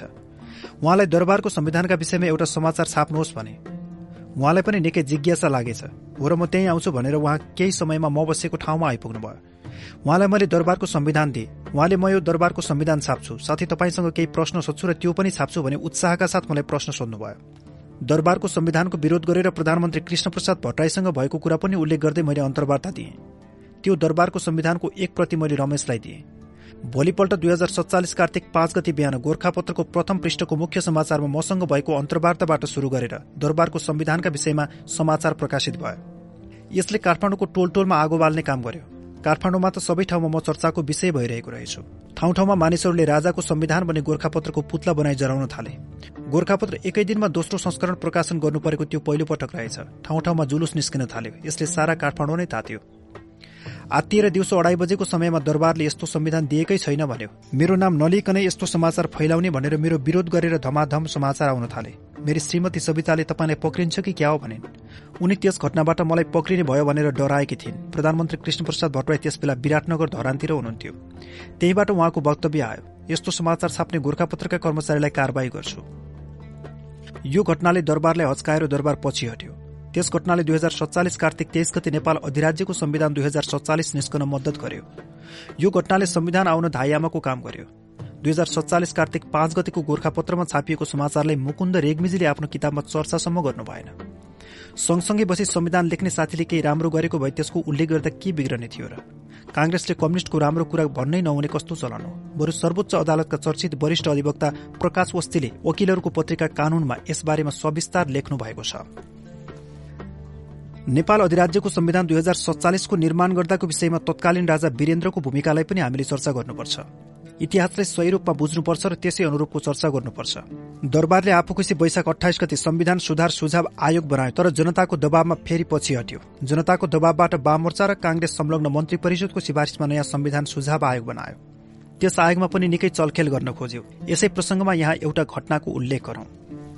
आयोगका प्रत्येक सदस्यलाई छुट्टै टेबुल टेलिफोन र सहायक दिएको थियो। त्यहाँ हामी आफ्नो जिम्मेवारीको काम गर्थ्यौं र आयोगको पूर्ण बैठकमा मात्र एक ठाउँमा भेला भई छलफल गर्थ्यौं। एक दिन त म आफ्नो टेबुलमा बसेर काम गरिरहेको थिएँ तीन चार बजेतिर मलाई राजदरबारबाट फोन आयो। राजाको स्वकीय सचिवको फोन रहेछ। उनले आज छ बजे महाराज धिराज सरकारसँग तपाईँको दर्शन भेटको कार्यक्रम राखिएको छ आउनुहोस् भने। मैले यस्तो छोटो अवधिको सूचनाबाट म आउन सक्दिनँ भने। उनले निवासमा गएर मैलपो सुरुवाल फेरेर आउनुहोस् न भ्याउनुहुन्छ नि भनेर हल्का प्रकारले भने। मैले म त कम्युनिस्ट पार्टीको मान्छे अहिले संविधान सुझाव आयोगमा काम गरिरहेको छु। राजासँगको भेट भनेको सधैँ बिहान बेलुका हुने कुरा होइन। मैले त वाम मोर्चा कम्युनिस्ट पार्टी र आयोगका अध्यक्षसँग सल्लाह गर्नुपर्छ। राजाले भन्ने कुराको तयारी गर्नुपर्ने हुन्छ। त्यसकारण म आज भेट्न सक्दिनँ। राजासँग दर्शन भेट पाउने हो भने कम्तीमा एक दुई दिन अगाडि सूचना पाउनुपर्छ भने। उनले होइन यो सामान्य भेटघाटो तयारी गर्नु पर्दैन भने। मैले फेरि भने दर्शन भेट पाउने भने अडचालिस घण्टा पहिले खबर गर्नुहोला। तपाईँ नआउने नै हुनुभयो त उनले प्रश्न गरे। मैले अहिलेलाई असमर्थ छु भने। राजासँग भेट भएन। राजा वीरेन्द्रको दुई हजार अन्ठाउन्न जेठ उन्नाइस गते नृशंस हत्या भएको एक वर्षपछि राजा वीरेन्द्रको वार्षिकीमा कान्तिपुर दैनिकले एउटा विशेष परिशिष्टाङ्क प्रकाशित गर्दा। त्यस अङ्कमा मैले एउटा लेख लेखेको थिएँ जुन लेखमा मैले राजा वीरेन्द्रका विषयमा चर्चा गरेको छु। मैले त्यस लेखमा पनि यस विषयमा उल्लेख गरेको थिएँ।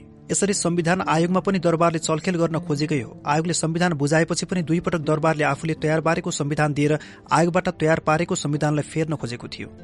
यसमा राजा वीरेन्द्रको भूमिका थियो भन्नु स्वाभाविकै हो। सँगसँगै यो बुझ्नु पनि आवश्यक छ कि दरबारको घोर दक्षिणपन्थी तत्वका तुलनामा राजा वीरेन्द्र अलि उदार नै थिए। घोर दक्षिणपन्थी तत्वको शक्ति चलेको भए यो संविधान आउँदैन थियो। यस अर्थमा यो संविधान आउन राजा वीरेन्द्रको केही उदार सोच पनि सहायक रहेको छ। यो कुरा मैले कान्तिपुरको लेखमा उल्लेख गरेको छु विभिन्न उकाली ओह्राली घाम छाया आशा निराशा संघर्ष र सम्झौताको द्वन्द्वबाट अघि बढ्दै दुई हजार सत्तालिस कार्तिक तेइस गते नेपाल अधिराज्यको संविधान दुई हजार सत्तालिस जारी भयो। यो संविधान जारी भएपछि नेपाल एउटा नयाँ युगमा प्रवेश गर्यो। यो संविधानका विषयमा चर्चा गर्दै एउटा अर्को पाटो पनि उल्लेख गर्न चाहन्छु। संविधान सुझाव आयोगमा माधव नेपाल र मेरो धेरै कुरा मिल्थ्यो। हामी एक आपसमा नजिकियौं संविधान सुझाव आयोगमा एक दुई महिना काम गरेपछि एक दिन माधव नेपालले भन्नुभयो भरत मोहनजी तपाईँ हामी त एउटै पार्टीमा हुनुपर्ने एउटै विचार छ।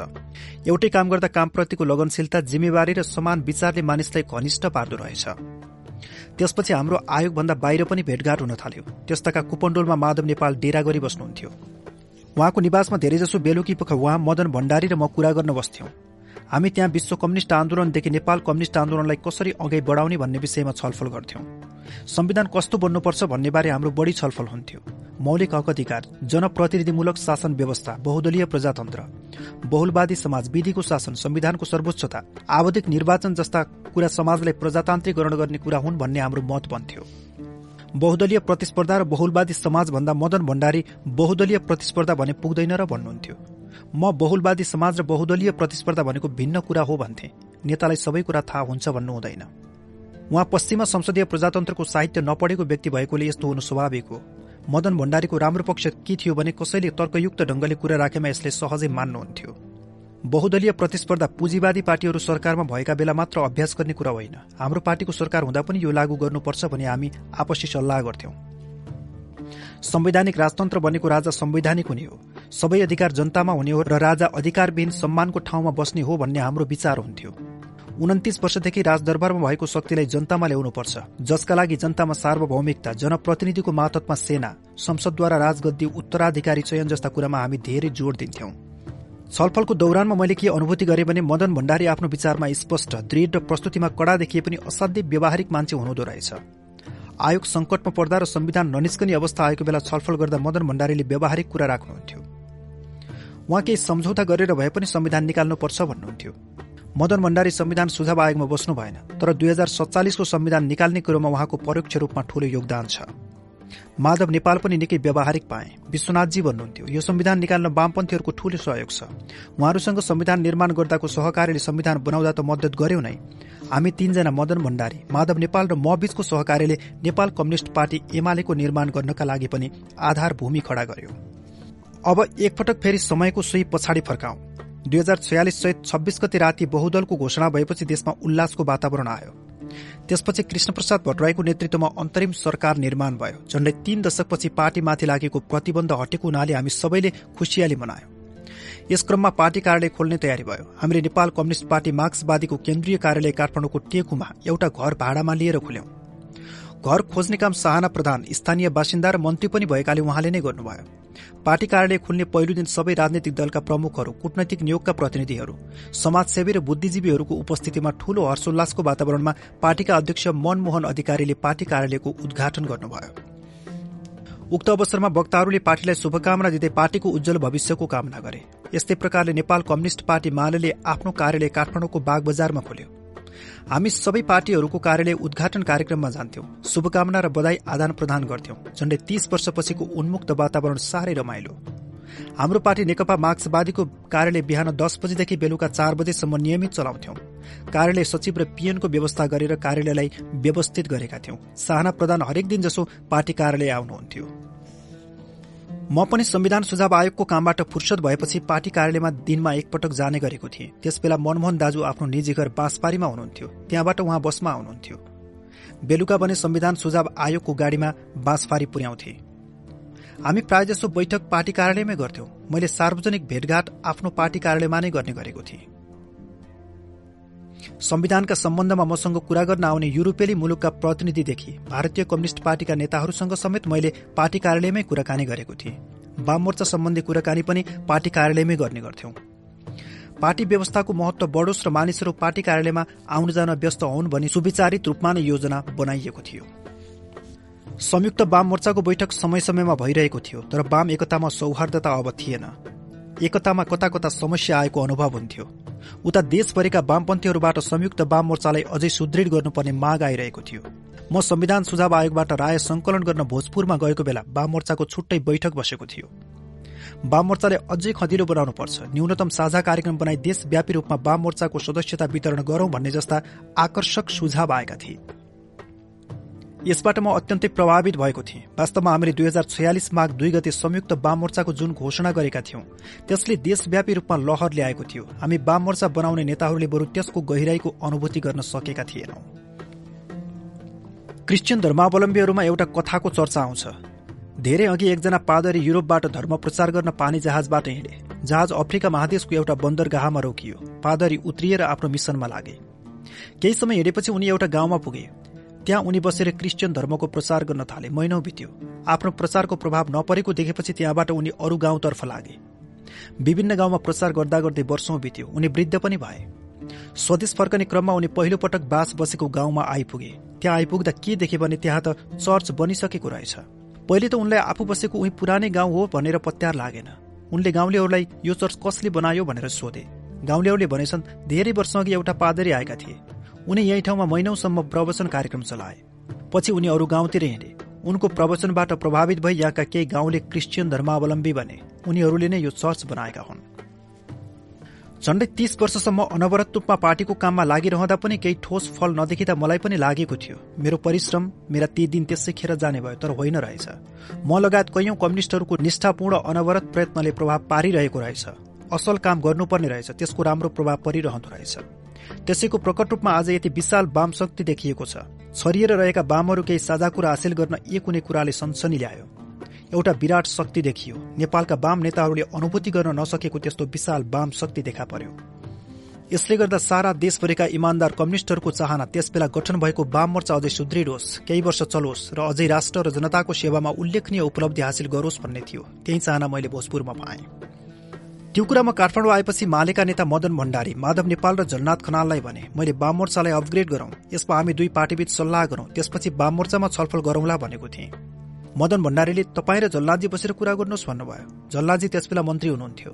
जल्लाजीले आफ्ना सहयोगीहरूलाई यो कुरा अगाडि बढाउनुहोस् भन्ने जिम्मा लगाउनु भयो एकातिर हामी दुवै पार्टी वाममोर्चालाई अझै सुदृढ गरी अझै उचाइमा पुर्याउन लागेका थियौं भने अर्कोतर्फ वाममोर्चाका साथीहरू नै वाममोर्चाको बैठकमा असन्तुष्टि व्यक्त गरिरहेका थिए।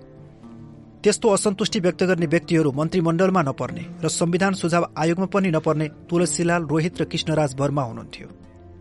भयो पनि के भने सरकारमा पनि मार्क्सवादी माले र मानन्दर समूह पर्यो भने संविधान सुझाव आयोगमा पनि मार्क्सवादी माले र चौमा परेको थियो। तुलसीलाल वर्मा र रोहित समूहको कोही परेन। उहाँहरू कोही पनि नपरेकोमा नै असन्तुष्ट भए जस्तो लाग्छ।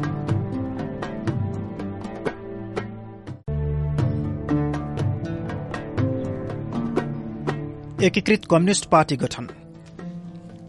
माधव नेपाल र मबीच संविधान लेख्ने क्रममा ज्यादै घनिष्ठता भयो। अब हामी एउटा पार्टी बनाउने सोचमा लाग्यो। मदन भण्डारीसँग पनि यस विषयमा कुराकानी भइ नै रहन्थ्यो। वाममोर्चालाई सुदृढ गर्न नसकिने भएपछि विचार मिल्ने पार्टीहरूलाई एकीकरण गरी एकीकृत कम्युनिष्ट पार्टी निर्माण गर्नेतर्फ हाम्रो सोच बन्यो। यस विषयमा धेरै अनौपचारिक कुराकानी भयो। माले र मार्क्सवादीका नेताहरूको छुट्टा छुट्टै समूहमा कुराकानी गर्ने व्यवस्था मिलायो। यसैबीच दुई हजार सत्तालिस कार्तिक तेइस गते नेपाल अधिराज्यको संविधान दुई हजार सत्तालिस जारी भयो।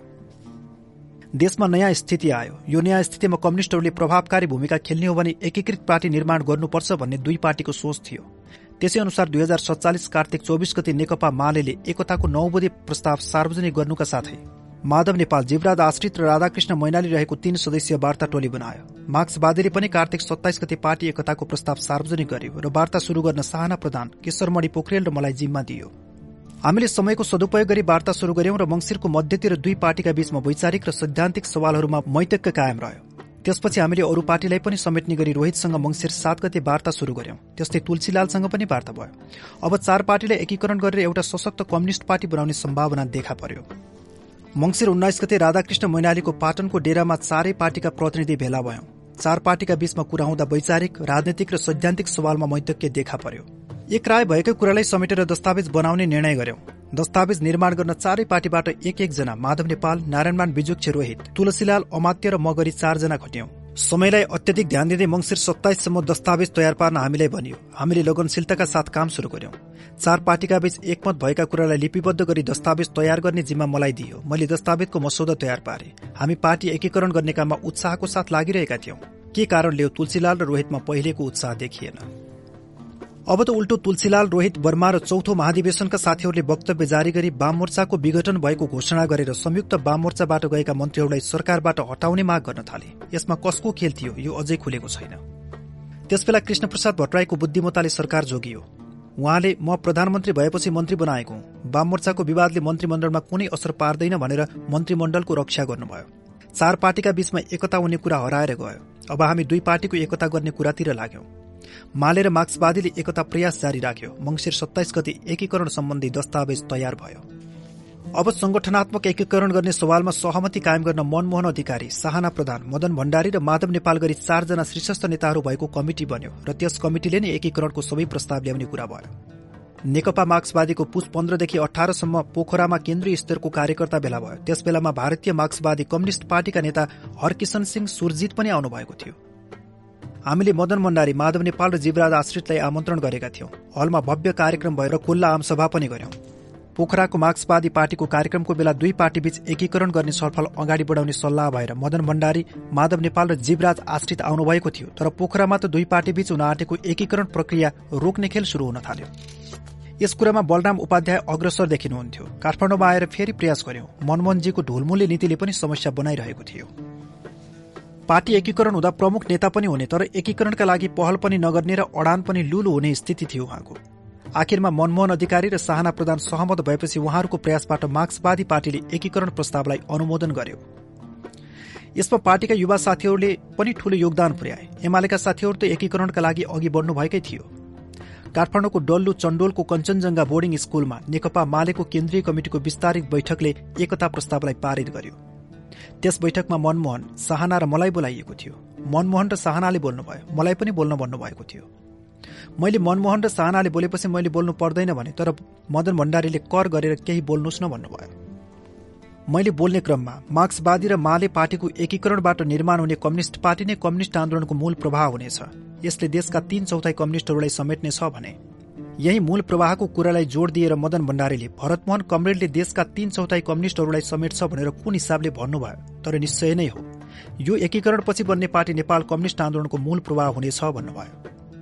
मार्क्सवादी र माले दुवै पार्टीको सल्लाह अनुसार पाटनमा सिद्धलाल सिंहको घरमा दुई पार्टीको केन्द्रीय कमिटिको संयुक्त बैठक भयो। त्यहाँ एकीकृत पार्टीको घोषणापत्र र विधान पारित गरियो। पार्टीको नामका विषयमा केही समस्या भयो। यो समस्या समाधान गर्न दुवै पक्षका वार्ता कमिटिमा रहेका सदस्यहरू बस्यौं। हाम्रा तर्फबाट नेपाल कम्युनिष्ट पार्टी मात्र राखौं भन्ने प्रस्ताव थियो तर मालेका साथीहरूले नेपाल कम्युनिष्ट पार्टी एकीकृत माले राखौं भन्नुभयो। उहाँहरूले माले नाम लोकप्रिय छ हामी छाड्न सक्दैनौ भन्नुभयो।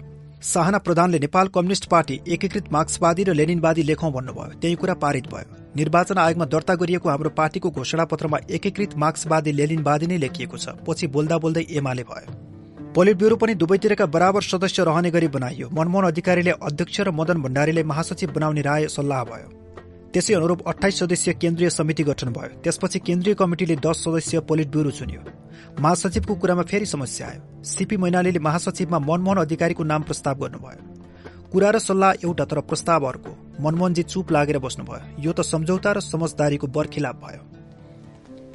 मलाई मदन भण्डारीले एकातिर बोलाएर भन्नुभयो यो त समझदारी विपरीत कुरा भयो। पार्टी बन्यो ठिकै छ। अधिवेशन गरौँ जे त होला। मैले मनमोहनजी र शाहनाजीलाई छुट्टै राखेर कुरा गरे र हामीले सहमति उल्लङ्घन गर्नु हुँदैन भन्ने कुरा भयो। पछि मनमोहनजी अध्यक्ष र मदन भण्डारी महासचिव निर्वाचित हुनुभयो। सीपी मैनालीले मौका छोपेर मालेकालको आफ्नो रिस पोख्न खोज्नु भएको रहेछ। जे होस् उहाँको प्रस्तावलाई कसैले वास्ता गरेन। यसरी दुई हजार सत्तालिस पुस एघार गते नेपाल कम्युनिष्ट पार्टी माले र मार्क्सवादीको एकीकरण भई नेपाल कम्युनिष्ट पार्टी एकीकृत मार्क्सवादी लेनिनवादीको घोषणा गरियो। नेपालको राजनीतिमा नेकपा एमालेको निर्माणले नयाँ राजनैतिक अध्याय शुरू गर्यो।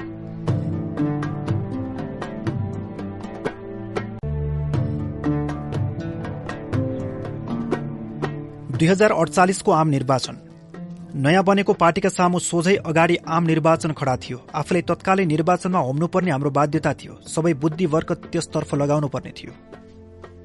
नयाँ संविधान अनुसार निर्वाचन आयोगले दुई हजार अडचालिस साल जेठमा चुनाव हुने घोषणा गरेको थियो। निर्वाचन आयोगमा पार्टी दर्ता गर्नुपर्थ्यो। हामी त्यसमा लाग्यौं। हामीले एकीकरण हुँदा तयार पारेको घोषणापत्र र विधानलाई नै निर्वाचन आयोगमा दर्ता गरायौं। यहाँ एउटा अर्को विषय चर्चा गर्न उपयुक्त हुन्छ। मंगिर सत्ताइस गतेसम्ममा चार पार्टीको एउटा घोषणापत्र तयार गर्ने जिम्मा मलाई दिएको थियो। चार पार्टीको एकता त भएन तर मैले तयार पारेको घोषणापत्र मदन भण्डारी र माधव नेपालले परिमार्जन गर्नुभयो र पछि एमालेको घोषणापत्रका रूपमा निर्वाचन आयोगमा त्यही घोषणापत्र दर्ता गरायौं। यो घोषणापत्रमा भनिएका कतिपय कुरा पाँचौं महाधिवेशनमा पारित भएको जनताको बहुदलीय जनवादको कार्यक्रममा पनि उल्लेख भएका छन्। संविधान निर्माण गर्दा मदन भण्डारी माधव नेपाल र मैले छलफल गरेका बहुदलीय प्रतिस्पर्धा बहुलवादी समाज विधिको शासन संविधानको सर्वोच्चता शक्ति पृथकीकरणको सिद्धान्त र आवधिक निर्वाचन राष्ट्रलाई प्रजातान्त्रिकरण गर्नका लागि अनिवार्य कुरा हुन् भन्ने कुरा संविधानमा उल्लेख छ। यही कुरा घोषणापत्रमा उल्लेख गरेका छौं। हामी एउटा ठूलो समूह बनाएर निर्वाचन आयोगमा पार्टी दर्ता गर्न गयौं।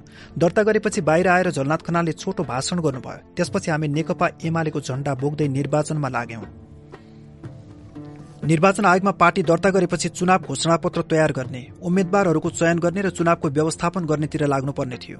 मदन भण्डारीले चुनाव घोषणापत्र तयार गर्नुभयो। मलाई एउटा सानो पाटो तयार पार्न भन्नुभएको थियो। सबैलाई एक एक भाग तयार पार्न भनिएको थियो जस्तो लाग्छ। नेकपा एमालेको चुनावी घोषणापत्र जारी भयो। एमाले संसदमुखी भयो भन्ने आरोपको जवाफमा मदन भण्डारी भन्नुहुन्थ्यो। एमालेको मुख संसदतर्फ नै फर्किएको छ। संसदीय संघर्षबाट जनताको हक अधिकारको लडाईँलाई अघि बढाउन हामी संकल्पित छौं। नेपालका कम्युनिष्टहरू पहिलो पटक सरकार बनाउने आठ गरी चुनावी मैदानमा उत्रेका थिए। जनताको अभिमत पाए सरकार बनाउने होइन भने प्रतिपक्षको प्रभावकारी भूमिका खेल्ने जनताको जस्तो अभिमत हुन्छ त्यस्तै भूमिका खेल्ने अठोटका साथ पार्टी चुनावमा होमिएको थियो। देशको सबै पक्षमा एमाले प्रष्ट सोचका साथ जनता सामु पेश भएको थियो। राष्ट्रका सबै क्षेत्रलाई समेट्ने गरी तयार पारिएको चुनाव घोषणापत्र त्यस बेलाको चर्चित चुनावी घोषणापत्र थियो। कुनै पार्टीको चुनावी घोषणापत्र हाम्रो बराबरको थिएन। निर्वाचनमा उम्मेद्वार चयनको कुरा आयो। त्यति बेला पनि देशमा पुनरुत्थानवादी शक्तिहरू सधैँ थिए। मौका पाउन साथ यिनीहरूले टाउको फेरि उठाउने सम्भावना विद्यमान थियो। त्यसैले दुई हजार छयालिस सालको जनआन्दोलनमा अभिव्यक्त जनचाहना अनुरूप प्रजातन्त्रलाई सुदृढ गर्न नेकपा एमाले र नेपाली कांग्रेसबीच चुनावमा तालमेल गरी चुनाव लडौं प्रतिक्रियावादीहरूलाई परास्त गरौं जनताको संसद बनाऊ भनी हामीले कांग्रेसका नेता समक्ष प्रस्ताव राख्यौं। कांग्रेसले मात चढेको थियो यस्तो किन हुन्थ्यो र हाम्रो प्रस्ताव कांग्रेसले मानेन एक्ला एक्लै लड्ने भयो। कांग्रेससँग चुनावी तालमेल हुन नसकेपछि हाम्रो ध्यान वामहरूबीच तालमेल गर्नेतर्फ गयो। सबै वाम दलहरूसँग चुनावी तालमेलको कुरा गर्यौं एक वाम एक ठामको विचारलाई कार्यान्वयन गर्न हामी अग्रसर भयौं तर समस्या कस्तो थियो भने सबैलाई आफ्नो हैसियतभन्दा बढी सिट चाहिने। विष्णुबहादुर मानन्दर समूहलाई हामीले दस सिट दियौं र उहाँले बाइस सिट चाहिन्छ भन्नुभयो। एमाले बाहेक अरू वामहरूले मागे अनुसार सिट दिने हो भने दुई सय पाँच सिटले पनि नपुग्ने भयो। यस सम्बन्धमा एउटा रोचक प्रसंग उल्लेख गरौं। पाँचौं महाधिवेशनमा हामीले देश विदेशका पार्टीहरूलाई निम्त्याएका थियौं। भारतीय कम्युनिष्ट पार्टीका तर्फबाट चतुरानन्द मिश्र जो पछि भारतको केन्द्रीय सरकारको कृषि मन्त्री हुनुभयो उहाँ आउनुभएको थियो। उहाँसँग कुरा गर्दा उहाँले भन्नुभयो तपाईँहरूले विष्णुबहादुरजीलाई पनि चुनावी तालमेलमा ल्याउनु पर्थ्यो हामीले भन्यौं। विष्णुबहादुर समूहलाई हामीले दस सिट दियौं तर उहाँले बाइस सिट माग्नुभयो र कुरा मिलेन। हाम्रो कुरा सुनेपछि चतुरानन्द मिश्रले भन्नुभयो तपाईँहरूले दस सिट दिने प्रस्ताव किन गरेको? उनीहरूलाई चार सिट दिए पुग्थ्यो। एक वाम एक ठाउँको भावना पनि लागू हुन सकेन। अब हामी आफ्नो पार्टीको उम्मेद्वार चयनमा केन्द्रित भयौं। पार्टीमा उम्मेद्वार चयनको विषयले निकै विवाद उब्जायो। मदन भण्डारीको सोच थियो अब संविधान आइसकेको छ पार्टी खुल्ला भएको छ तसर्थ पार्टीको सबै शक्ति चुनावमा हुनुपर्छ। अहिलेको संघर्षको थलो निर्वाचन र संसद नै हो। यस पार्टीको अग्रपंक्तिका सबै नेताहरू लाग्नुपर्छ। पार्टीलाई खोपीको देवता बनाउनु हुँदैन। लाखौं जनताका बीचमा गएर पार्टी स्थापित हुनुपर्छ। सबै नेताहरू चुनावमा होमिनुपर्छ। चुनाव जित्ने सबै नेता चुनाव लड्नुपर्छ। अब पार्टीले कसैलाई अर्धभूमिगत कसैलाई खुल्ला छाड्ने होइन। अब सबै होमिनुपर्छ। अब त खुल्ला प्रतिस्पर्धाको लडाईँ हो। लडाईँको थलो पनि चुनाव हो। गाउँ नगर सबै क्षेत्रमा पूरा शक्तिका साथ लाग्नुपर्छ भन्ने मेरो पनि सोच थियो। सिपी मैनाली फरक विचार राख्नुहुन्थ्यो। उहाँको सोच केही शीर्षस्थ नेताहरू पार्टीमा बस्नुपर्छ अरूलाई चुनावमा पठाउनुपर्छ। अहिले देशको स्थिति ठिक छैन। सबै खुल्ला हुने र सबै चुनावमा जानु उचित हुँदैन। त्यसका लागि केही नेताहरू चुनावमा नजाउँ भन्ने थियो। आत्मविश्वासका धनी मदन भण्डारीले भन्नुभयो ठिक छ ल को को चुनावमा नलड्ने हो भन्नुहोस्। यदि म चुनाव नलड्ने हो भने लड्दिन ल चुनाव नलड्नेहरूको सूची बनाऊ। यसले लामो समयसम्म वाद विवाद बढायो अन्त्यमा सबै लड्नुपर्ने कुरा भयो। मदन भण्डारीले अध्यक्ष मनमोहन अधिकारी जहाँबाट लड्छु भन्नुहुन्छ त्यो ठाउँ उहाँलाई सुरक्षित गरौं। अरू हामी सबै जुन क्षेत्रका साथीहरूले स्वीकार गर्नुहुन्छ त्यस क्षेत्रबाट लडौं भन्नुभयो। माधव नेपाल दुई हजार अडचालिस सालको चुनाव लड्नु भएन अरू सबै नेताहरू चुनाव लड्नुभयो। प्रतिनिधि सभाको निर्वाचन सम्पन्न भइसकेपछि राष्ट्रिय सभाको गठन हुँदा राष्ट्रिय सभामा माधव नेपाल आउनुभयो र राष्ट्रिय सभामा प्रतिपक्षको नेता बन्नुभयो। मलाई मोरङ क्षेत्र नम्बर दुईबाट प्रतिनिधि सभाका लागि हाम्रो पार्टीको प्रत्याशी बनाइयो। म त्यहाँबाट विजयी भएर प्रतिनिधि सभाको सदस्य भएँ। मोरङ क्षेत्र नम्बर दुईको टिकट पाउने कुरामा पनि समस्या बनेको थियो। म पार्टीको उम्मेद्वार चयन गर्ने कमिटिमा पनि थिएँ। मलाई मोरङको कति नम्बरबाट उठ्नुहुन्छ भनेर सोधियो। मैले पार्टीले जुन क्षेत्रमा उम्मेद्वार बनाउँछ त्यहीँबाट उठ्छु भने। मलाई क्षेत्र नम्बर दुईको विषयमा त्यसभन्दा अगाडि त्यति ज्ञान थिएन। सायद कसैले मेरी श्रीमतीलाई त्यस क्षेत्रबाट लड्नुपर्छ भन्ने सल्लाह दिएका थिए क्यारे।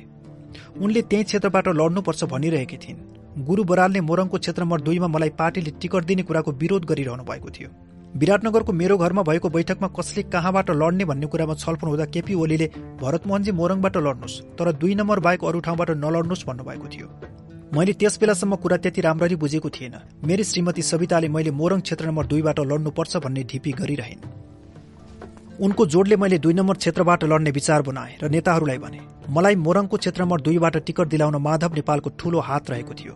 एकपटक त मदन भण्डारीले दुई नम्बर निर्वाचन क्षेत्रका बारेमा विचार गर्नु पर्ला भन्ने कुरा गर्दा अरू कतै समस्या नबनाउने सबैभन्दा इमान्दार मान्छे पार्टीप्रति प्रतिबद्ध साथी चुनाव लड्ने ठाउँलाई विवाद बनाउने यो भएन भनेर माधव नेपालले भन्नुभयो।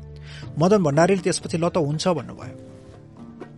म मोरङ क्षेत्र नम्बर दुईमा जाँदा केही साथीहरूलाई उचालेर विवाद बढाउन थालियो। यो राई लिम्बूको क्षेत्र हो। राई लिम्बू नै चाहिन्छ भनियो। म केही दिन दुई नम्बर निर्वाचन क्षेत्र घुमिसक्दा साथीहरूले मेरो आनीबानी बुझे विवाद हरायो दुई नम्बर क्षेत्रको निर्वाचनमा हृदय खोलेर साथीहरू लाग्नुभयो। मैले एउटा पोस्टर पनि टाँसिन पर्चा पनि थिएन। एउटा ह्यान्डमाइक एकजना विद्यार्थी मुक्तिनाथ अधिकारी मोरङ जिल्ला कमिटिका सदस्य तिलक राई भुवन सिंह राई कमरेडसहित हामी चारजना पैदल नै एक महिना पाँच दिनमा पुरै क्षेत्र घुम्यौं। म जहाँ जहाँ गएँ त्यहाँ साथीहरूले स्वागत गर्नुहुन्थ्यो। म जहाँ जान्थेँ त्यहीँका कमरेडहरूको घरमा खाना खान्थे त्यहीँ बस्थेँ र त्यहीँ चुनाव प्रचार गर्न ससाना सभामा बोल्थेँ। कतिपय ठाउँमा शुभचिन्तकहरूले बाटोमा खाजा खानुपर्छ भनेर गोजीमा पैसा समेत राखिदिने गर्थे। मैले यति माया पाएर चुनाव प्रचार प्रसार गर्न पाएँ। एक दिन म उर्लाबार स्थित चुनाव प्रचार कार्यालयमा बसिरहेको थिएँ। अमेरिकाका एकजना सिनेटर नेपालको चुनाव पर्यवेक्षण गर्न आएका रहेछन्। त्यसै क्रममा उनी मोरङका दुई र चार नम्बर क्षेत्रको चुनावी चहल पहल हेर्न आए। प्राध्यापक द्वय कृष्ण पोखरेल र भक्तराज आचार्यले उनलाई लिएर आउनुभयो। उनले कतै पर्चा पोस्टर र लाउड स्पिकर देख्दिन नि भन्ने कुरा गरे। मैले आफ्नो चुनावी प्रचारको तौर तरिकाबारे बताएँ। त्यो सुनेर उनी ज्यादै खुसी भए। उनले म पनि आफ्नो निर्वाचन क्षेत्रमा यसरी नै मानिस भेट्दै हिँड्छु। तपाईँको चुनाव प्रचार शैली मलाई मन पर्यो भने। मावा खोला पूर्व झापामा एमाले पार्टीकै उम्मेद्वार मैनाली बन्धुहरूको रङ्गी चङ्गी पोस्टर मोटर र माइकको खैला बैला थियो भने मावा खोला पश्चिम यता मधुमल्ला उर्लाबारीमा न पोस्टर न माइकिङ।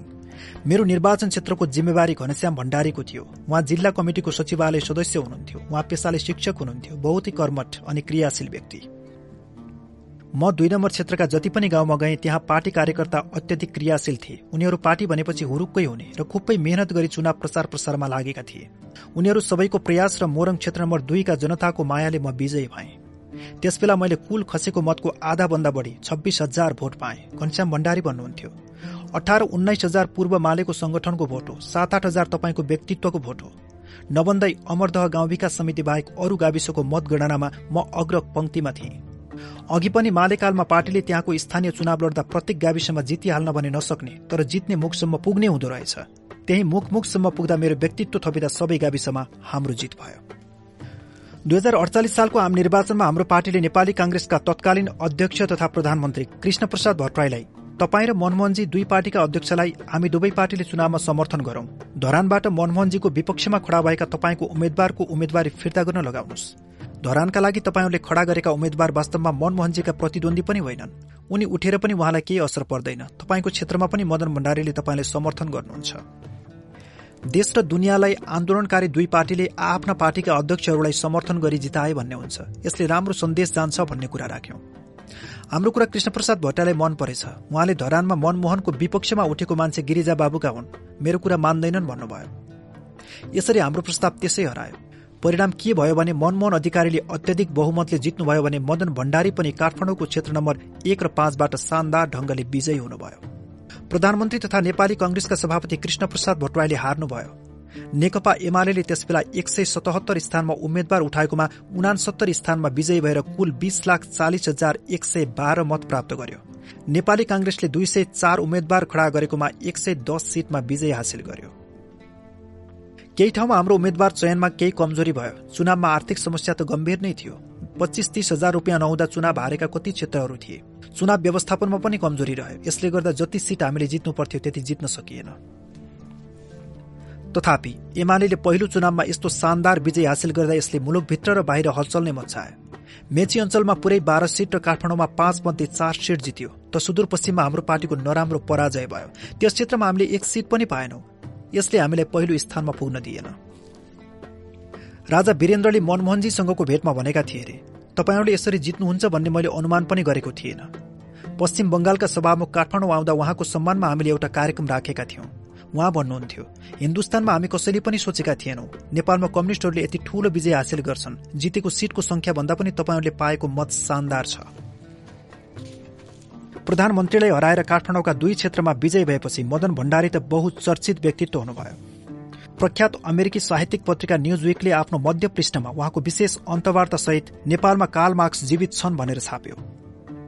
वाममोर्चाको गठन दुई हजार छयालिस सालको आन्दोलनमा वाममोर्चाले अग्रपंक्तिमा रहेर खेलेको भूमिका तथा मार्क्सवादी र मालेको एकीकरण भई नेकपा एमालेको गठनले यो सफलतामा हामी पुग्न सकेका हौं। यो निर्वाचन परिणामले नेपालको राजनीतिमा वामपन्थीहरूको भूमिकालाई अग्रपंक्तिमा ल्यायो। अब नेपाल कम्युनिष्ट पार्टी एमाले नेपाली कांग्रेसको हाराहारीको पार्टी हो भन्ने सबैले स्वीकार गर्न थाले।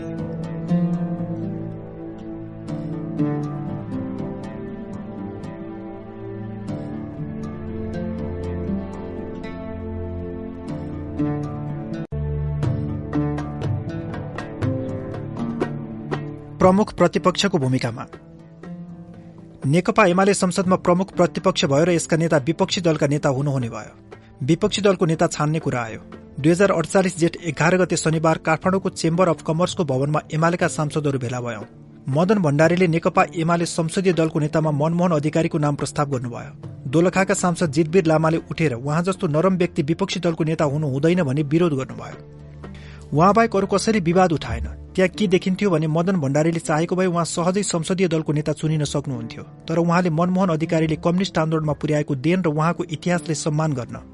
एवं आगामी दिनमा उहाँको राष्ट्रिय अन्तर्राष्ट्रिय छविलाई कम्युनिष्ट आन्दोलनको हितमा अझै प्रभावकारी रूपमा उपभोग गर्न उहाँको नाम प्रस्ताव गर्नुभएको थियो। मदन भण्डारीले आफूले चाहेको भए सजिलै पाउने पद अन्य साथीहरूलाई सम्झाइ बुझाइकन मनमोहन अधिकारीलाई दिनुभयो। मदन भण्डारीको महानता र व्यक्तित्व यही हो। यो नै उहाँको आत्मविश्वास हो। मनमोहन अधिकारी सर्वसम्मतिबाट नेकपा एमाले संसदीय दलको नेता बन्नुभयो। त्यही हैसियतमा विपक्षी दलको नेता बन्नुभयो। म संसदीय दलको सचिव भए। दाजु संसदीय दलको नेता भाइ सचिव भन्ने विरोधका स्वरहरू पनि देखिए। यसलाई पनि पोखराको कार्यकर्ता बेलामा मदन भण्डारीले खण्डन गर्नुभयो। उहाँले काम गर्न सक्नेले पद पाउँछ। अराजनैतिक रूपमा विरोध गर्नु हुँदैन भन्नुभयो। सिंहदरबारको हाताभित्र पहिलेको कृषि मन्त्रालय रहेको परिसरमा नेकपा एमालेको संसदीय दलको कार्यालय चलाउन दिइयो। हाम्रो संसदीय दलको कार्यालय संसद भवनसँगै जोडिएको छ। त्यसपछि हामी संसदमा काम गर्न थाल्यौं। दुई हजार अडचालिस सालको प्रतिनिधि सभाको निर्वाचनमा नेपाली कांग्रेसले एक सय दस सीट जितेर स्पष्ट बहुमत प्राप्त गर्यो। गणेशमान सिंहले चुनाव नलडेको र कृष्णप्रसाद भट्टराईले चुनाव हारेका कारण गिरिजा प्रसाद कोइरालाको भाग्य सम्कियो। नेपाली कांग्रेस संसदीय दलको नेतामा गिरिजा प्रसाद कोइराला छानिनु भयो। यसै हैसियतमा दुई हजार अडचालिस जेठ पन्ध्र गति उहाँ नेपालको प्रधानमन्त्री बन्नुभयो। नेकपा एमाले प्रमुख प्रतिपक्ष बन्यो। तेस्रो दलमा वाम शक्ति संयुक्त जनमोर्चा नै भयो। नेपाल सद्भावना पार्टीले चौथो राष्ट्रिय पार्टीको मान्यता प्राप्त गर्यो। हिजोका पञ्चहरूका दुवै पार्टीमध्ये चन्द पक्षले तीन सीट ल्यायो भने थापा पक्ष एक सीटमा थन्कियो। यसरी दुई हजार छयालिस सालका आन्दोलनकारी पार्टीहरूले संसदमा प्रचण्ड बहुमत प्राप्त गरे। प्रजातन्त्रको पक्षमा निरङ्कुशतालाई चरण चरणमा परास्त गर्दै प्रजातन्त्रलाई सुदृढ पार्दै जाने र जनतालाई बलियो बनाउँदै जाने कामका लागि अत्यन्त अनुकूल परिस्थिति सृजना भयो। दुई हजार सात सालको क्रान्ति पश्चात भएका कमजोरी दुई हजार पन्ध्र सालको संसदमा पढ्न नसकेको कुरा र तीस वर्षको निरङ्कुश अधिनायकवादी निर्दलीय पञ्चायती व्यवस्थाको अन्याय अत्याचारलाई ध्यानमा राखी। अब फेरि नेपाली प्रजातन्त्रले धोका नखाओस् भन्ने सुविचारित कदम चाल्नुपर्ने अवस्था आएको थियो।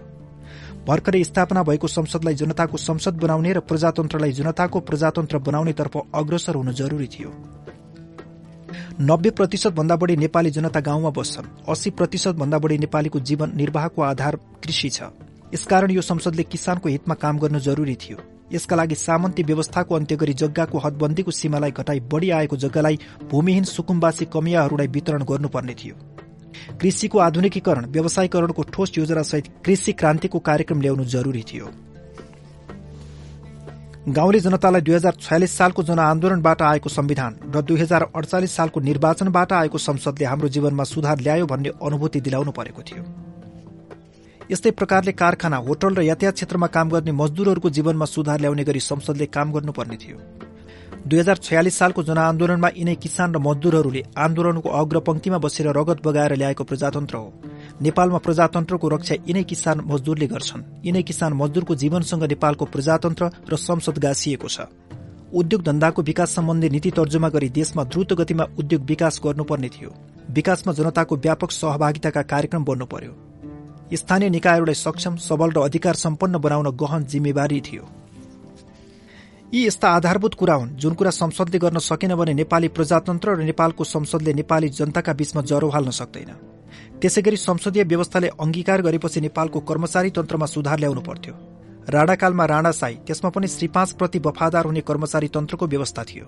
पञ्चायती व्यवस्थामा दरबार र पञ्चायत प्रति निष्ठावान कर्मचारी तन्त्रको व्यवस्था गरियो तर बहुदलीय प्रजातन्त्र र संसदीय व्यवस्थामा कर्मचारी सत्ताधारी प्रति निष्ठावान हुने होइन। यी त कानूनप्रति निष्ठावान हुनुपर्छ। सरकार त आउँछ जान्छ। कर्मचारीले त जुन सरकार आए पनि कानून अनुसार काम गर्ने हो। यस्तो संस्कारको निर्माण गर्न आवश्यक छ। कानूनप्रति निष्ठावान सक्षम र निष्पक्ष कर्मचारी तन्त्रमा बहुदलीय प्रजातन्त्र र संसदीय अभ्यास फस्टाउन सक्छ। यो संसदलाई जनताको आशाको केन्द्रबिन्दु बनाउन वास्तविक अर्थमा संसदलाई राष्ट्रिय मञ्चका रूपमा स्थापित गर्नु परेको थियो। जहाँ नेपाली जनताको सुख दुःखको कुरा खुल्ला रूपमा उजागर हुन। सरकारले गरेका कामको खुल्ला प्रचार होस् भ्रष्टाचार र गलत कामको खुल्ला भण्डाफोर होस्। सरकारको विदेश नीति र राष्ट्रका अहम सवालमा लिनुपर्ने नीतिको राष्ट्रिय स्तरमा खुल्ला छलफल होस्। यस्तो राष्ट्रिय मञ्चका रूपमा संसदलाई विकास गर्नु परेको थियो। संसदमा सबै प्रतिपक्षले आफ्नो कुरा सविस्तार भन्ने मौका दिने त्यसलाई संचार माध्यमले जनता समक्ष पुर्याउनु पर्थ्यो। संसदीय समितिहरू क्रियाशील एवं पारदर्शी हुनुपर्छ। संसदीय समितिले सरकारलाई नियन्त्रण गरेको अनुभूति दिन सक्ने हुनुपर्छ। संचारलाई निष्पक्ष समाचार सम्प्रेषण गर्न सक्ने थलोका रूपमा विकास गर्नुपर्छ। संसदमा के के भइरहेको छ? उनीहरूले मत दिएर पठाएका प्रतिनिधिहरूले के गरिरहेका छन्? सरकारले के गरिरहेको छ? यस्ता कुरामा नेपाली जनताले निरन्तर सुसूचित हुने व्यवस्था गर्नुपर्छ। यसरी संसद र जनताका बीचमा घनिष्ठ सम्बन्ध हुनुपर्छ। यसले संसदलाई बलियो बनाउँछ। हाम्रो संविधानले संसदलाई अत्यधिक अधिकार सम्पन्न र बलियो बनाएको छ तर यो बल प्राप्त गर्ने स्रोत भनेको जनता नै हो। जनताले समर्थन गरे भने संसद बलियो हुन्छ। जनताले विरोध गरे वा संसदप्रति रुचि लिन छोडे भने संसद कमजोर हुन्छ। मलाई एउटा घटना याद आउँछ। भारतका प्रथम प्रधानमन्त्री जवाहरलाल नेहरूको निधनमा अशोक मेहताले भने जवाहरलाल नेहरूको सबैभन्दा ठूलो दिन उहाँले आफ्नो प्रधानमन्त्रीकालको सत्र वर्षमा भारतीय जनता र संसदको सम्बन्ध घनिष्ठ गराइदिनु भयो जनता र संसदको घनिष्ठ सम्बन्ध हुनुपर्छ। यस्तो हुन सकेन भने न संसदीय व्यवस्था टिक्न सक्छ न बहुदलीय व्यवस्था नै रहन्छ।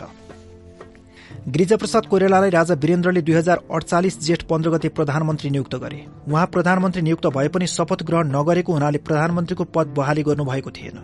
उहाँ यस्तै अवस्थामा महाराजगंजको निजी निवासमा हुनुहुन्थ्यो। मैले मनमोहन अधिकारी मदन भण्डारी माधव नेपाल लगायतका नेताहरूलाई प्रधानमन्त्री नियुक्त भएकोमा गिरिजाप्रसाद कोइरालालाई बधाई पनि दिउँ र उहाँलाई संसदीय व्यवस्थालाई सुचारू रूपमा चलाउने र प्रजातन्त्रलाई बलियो बनाउने सम्बन्धमा सुझाव पनि दिउँ भनेर प्रस्ताव राखे। उहाँहरूले मेरो प्रस्ताव मन पराउनु भयो। हामी दुई तीनजना पार्टीका तर्फबाट समय लिएर गिरिजाप्रसाद कोइरालाको निजी निवासमा भेट्न गयौं। उहाँले हामीलाई भित्री बैठक कोठामा बसाल्नुभयो हामीले प्रधानमन्त्री नियुक्त भएकोमा पार्टीका तर्फबाट बधाई दियौं। हामीले तपाईँ सरकार हुनुभयो हामी प्रतिपक्ष भयौं। तपाईँ सरकार चलाउनु हाम्रो प्रतिपक्षको भूमिका हुनेछ भन्यो। उहाँले खुसी हुँदै धन्यवाद भन्नुभयो। हामीले केही सुझाव पनि लिएर आएका छौं भन्यो। उहाँले के सुझाव छ भन्नुभयो? हामीले प्रजातन्त्रलाई सुदृढ पार्न संसदीय व्यवस्थालाई प्रभावकारी बनाउन माथि उल्लेख गरेका कुरा सारमा भन्यौं। हामीले सुझावका केही कुरा उठाउँदा उहाँले पर्खिनुहोस् भन्नुभयो र त्यहीँबाट शैलजालाई एउटा कापी र कलम लिएर आउन भन्नुभयो। उनले कापी कलम लिएर पनि आइन्। गिरिजाप्रसाद कोइरालाले शैलजालाई उहाँहरू भन्नुहुन्छ तिमी टिप भन्नुभयो। हामीले एक एक गरी हाम्रा सुझाव भन्यौं। संसदीय व्यवस्थालाई प्रभावकारी बनाउने कामका सम्बन्धमा मैले माथि उल्लेख गरेकै कुरालाई हामीले बुदागत रूपमा भन्यौं। शैलजाले टिपिन्।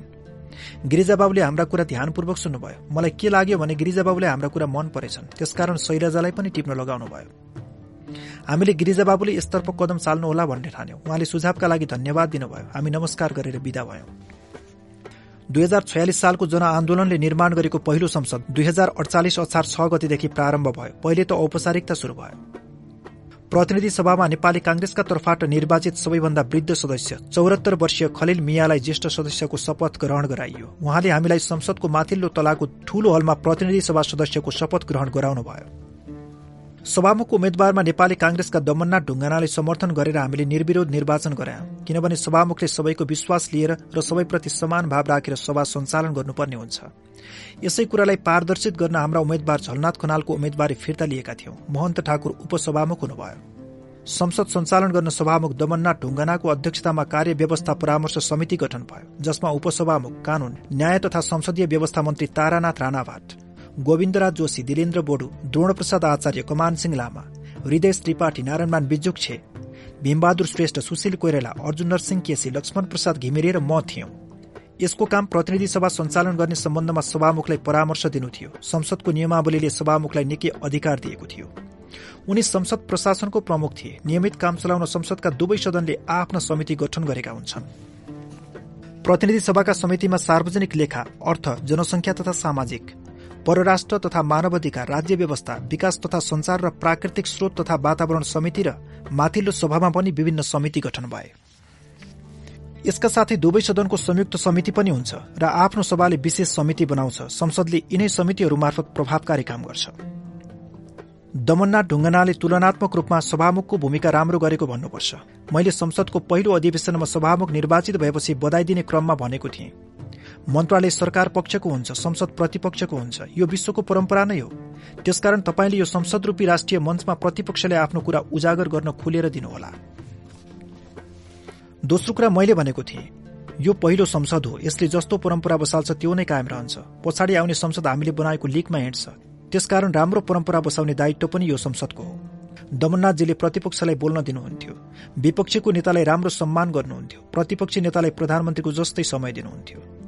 रोस्टममा गएर पनि बोल्न दिनुहुन्थ्यो तर सम्पूर्ण प्रतिपक्षले राम्ररी कुरा राख्न पाएको अवस्था भने थिएन। सरकारको नीति तथा कार्यक्रम बजेट जस्ता विषयमा छलफल नै कम हुन्थ्यो। यसमा दमननाथजीको भन्दा सरकारको बढी दोष छ। सरकार जहिले पनि छलफल छोट्याउने तर्फ नै बढी ध्यान केन्द्रित गर्थ्यो। प्रधानमन्त्री गिरिजाप्रसादले मलाई संसदको प्राङ्गणमा के पनि भन्नुभयो भने यार तिमीहरूले कति लामो बस गरेको छोट्याओ।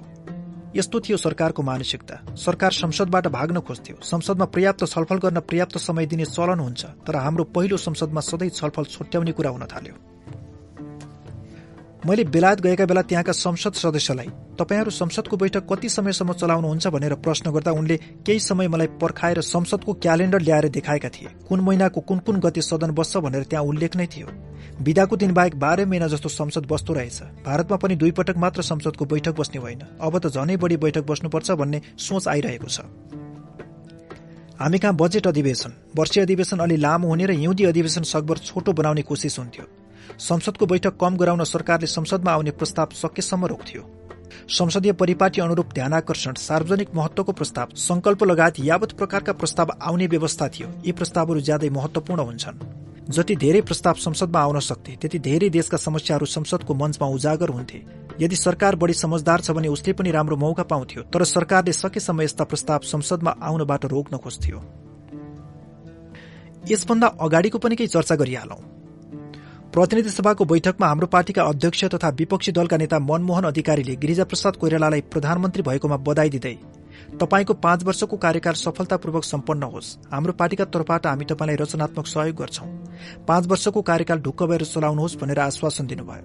हाम्रो पार्टीका महासचिव मदन भण्डारीले त्यसै गरी प्रधानमन्त्री नियुक्त हुनुभएकोमा गिरिजाप्रसाद कोइरालालाई बधाई दिनुभयो। मदन भण्डारीले सदनको रोस्टमबाट उठेर गिरिजाप्रसाद कोइरालालाई बधाई दिएकोमा मोरङका साथीहरूको विरोध पनि सुन्नु परेको थियो। किनभने गिरिजाप्रसाद कोइरालाले मोरङको क्षेत्र नम्बर एकबाट ज्याजिती मात्र होइन ठूलो धाँधरी गरेर विजय प्राप्त गर्नुभएको थियो। उहाँले एमालेका उम्मेद्वारलाई हराउन निकै हतकण्डा अपनाउनु भएको थियो। हुँदाहुँदा उहाँका भतिजा डाक्टर शेखर कोइरालाले पिस्तोल देखाएर मतदातालाई तर्साउने काम समेत गरेका थिए। गाउँलेहरूले उनलाई पक्रेर हात बाँधेर मुखमा पिस्तोल च्याप्न लगाई तस्विर खिचेर प्रहरीमा बुझाएका थिए। यस्तो जगन्य ज्याजेती गरेका हुनाले मोरङका साथीहरूले विरोध गरेका हुन्। यति हुँदाहुँदै पनि मदन भण्डारीले गिरिजाप्रसाद कोइरालालाई हृदय खोलेर बधाई दिनुभयो। राम्रो कुराको थालनी होस् भनेर उहाँले त्यसो गर्नुभएको थियो। दुई हजार अडचालिस असार सत्र गते राजाबाट दुवै सदनको संयुक्त बैठकमा सरकारको नीति तथा कार्यक्रम शाही सम्बोधनका रूपमा प्रस्तुत भयो। यो गिरिजाप्रसाद कोइरालाको सरकारको पहिलो नीति तथा कार्यक्रम थियो। अब नेपाली कांग्रेसको सरकार कसरी अगाडि बढ्छ भनेर देखाउने कार्यक्रम थियो। कार्यक्रममाथि प्रतिनिधि सभामा छलफल हुँदा मदन भण्डारीले सठिक रूपमा निरङ्कुशतावाद र सुधारवादका बीचमा बहुदलीय प्रजातन्त्रको स्थापना भएकै दिनदेखि नै गठबन्धन शुरू भएको छ। त्यसै गठबन्धनको यो दस्तावेज हो भन्नुभएको थियो। नेपाली जनताको चाहना वाम र नेपाली कांग्रेसको एकता अझै कायम रहोस् भन्ने छ। दुई हजार छयालिस सालमा वाम मोर्चा र नेपाली कांग्रेसको संयुक्त आन्दोलनले पञ्चायती व्यवस्था धराशायी भयो। पञ्चायत ढल्यो तर निरङ्कुशता अझै सकिएको थिएन। यसकारण संसद स्थापना भए पनि सत्ता र प्रतिपक्षले मिलेर निरङ्कुशतालाई कमजोर पार्दै जाने संसदलाई बलियो बनाउँदै लैजाने र प्रजातन्त्रलाई सुदृढ गर्दै लैजान हातेमालो गरेर जानुपर्छ भन्ने जनताको आकांक्षा थियो। जनताको आकांक्षामा नेपाली कांग्रेसले चिसो पानी खनाइदियो। हाम्रो सुझावलाई ठूलो उत्साहका साथ टिप्ने गिरिजा बाबुले आफ्नो सरकारको पहिलो नीति तथा कार्यक्रममा त्यसलाई धोती लगाइदिनु भयो यो कार्यपत्रको विषयमा प्रतिनिधि सभामा बोल्दै मैले भनेको थिएँ।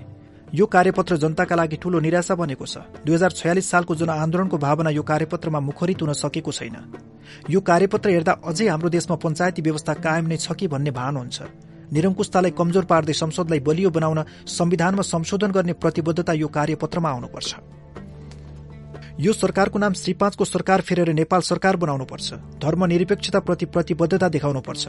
र नीति निर्माण गर्ने थलोमा पछाडि परेका विभिन्न जाति जनजातिलाई प्रतिनिधित्व गराउन राष्ट्रिय सभाको संरचना फेर्नुपर्छ। जनताको सभा भइरहेको थलोमा टाँगिएका तस्विरहरूले पनि परिवर्तनको केही अनुभूति दिँदैनन्।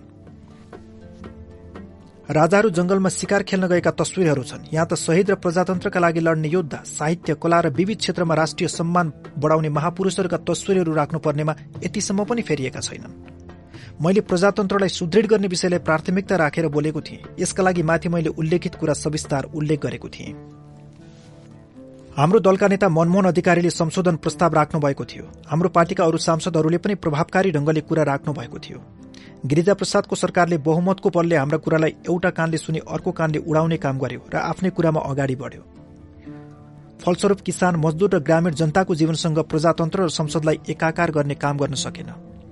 गिरिजाप्रसाद कोरेलाको सरकारले सामन्त हिजोका मण्डले र निरङ्कुशवादी तत्वहरूसँग साँठगाँठ बढाउन थाल्यो। कांग्रेसहरूले रूसमा कम्युनिष्टहरूको सरकार पतन भइसकेको छ। अब नेपालमा कति दिन कम्युनिष्ट टिक्छन् भन्न थाले। कृष्णप्रसाद भट्टराईले दुई हजार छयालिस सालको आन्दोलनमा हामीसँग संलग्न भएको हुनाले एमाले यति धेरै सिट जितेको। अर्को चुनावमा कम्युनिष्टहरू सबै सकिन्छन् भनेर वक्तव्य समेत दिए। कांग्रेसले कम्युनिष्टहरूको विरोध गर्ने र दक्षिणपन्थी तत्वहरूसँग साँठगाँठ बढाउँदै जाने गर्न थाल्यो।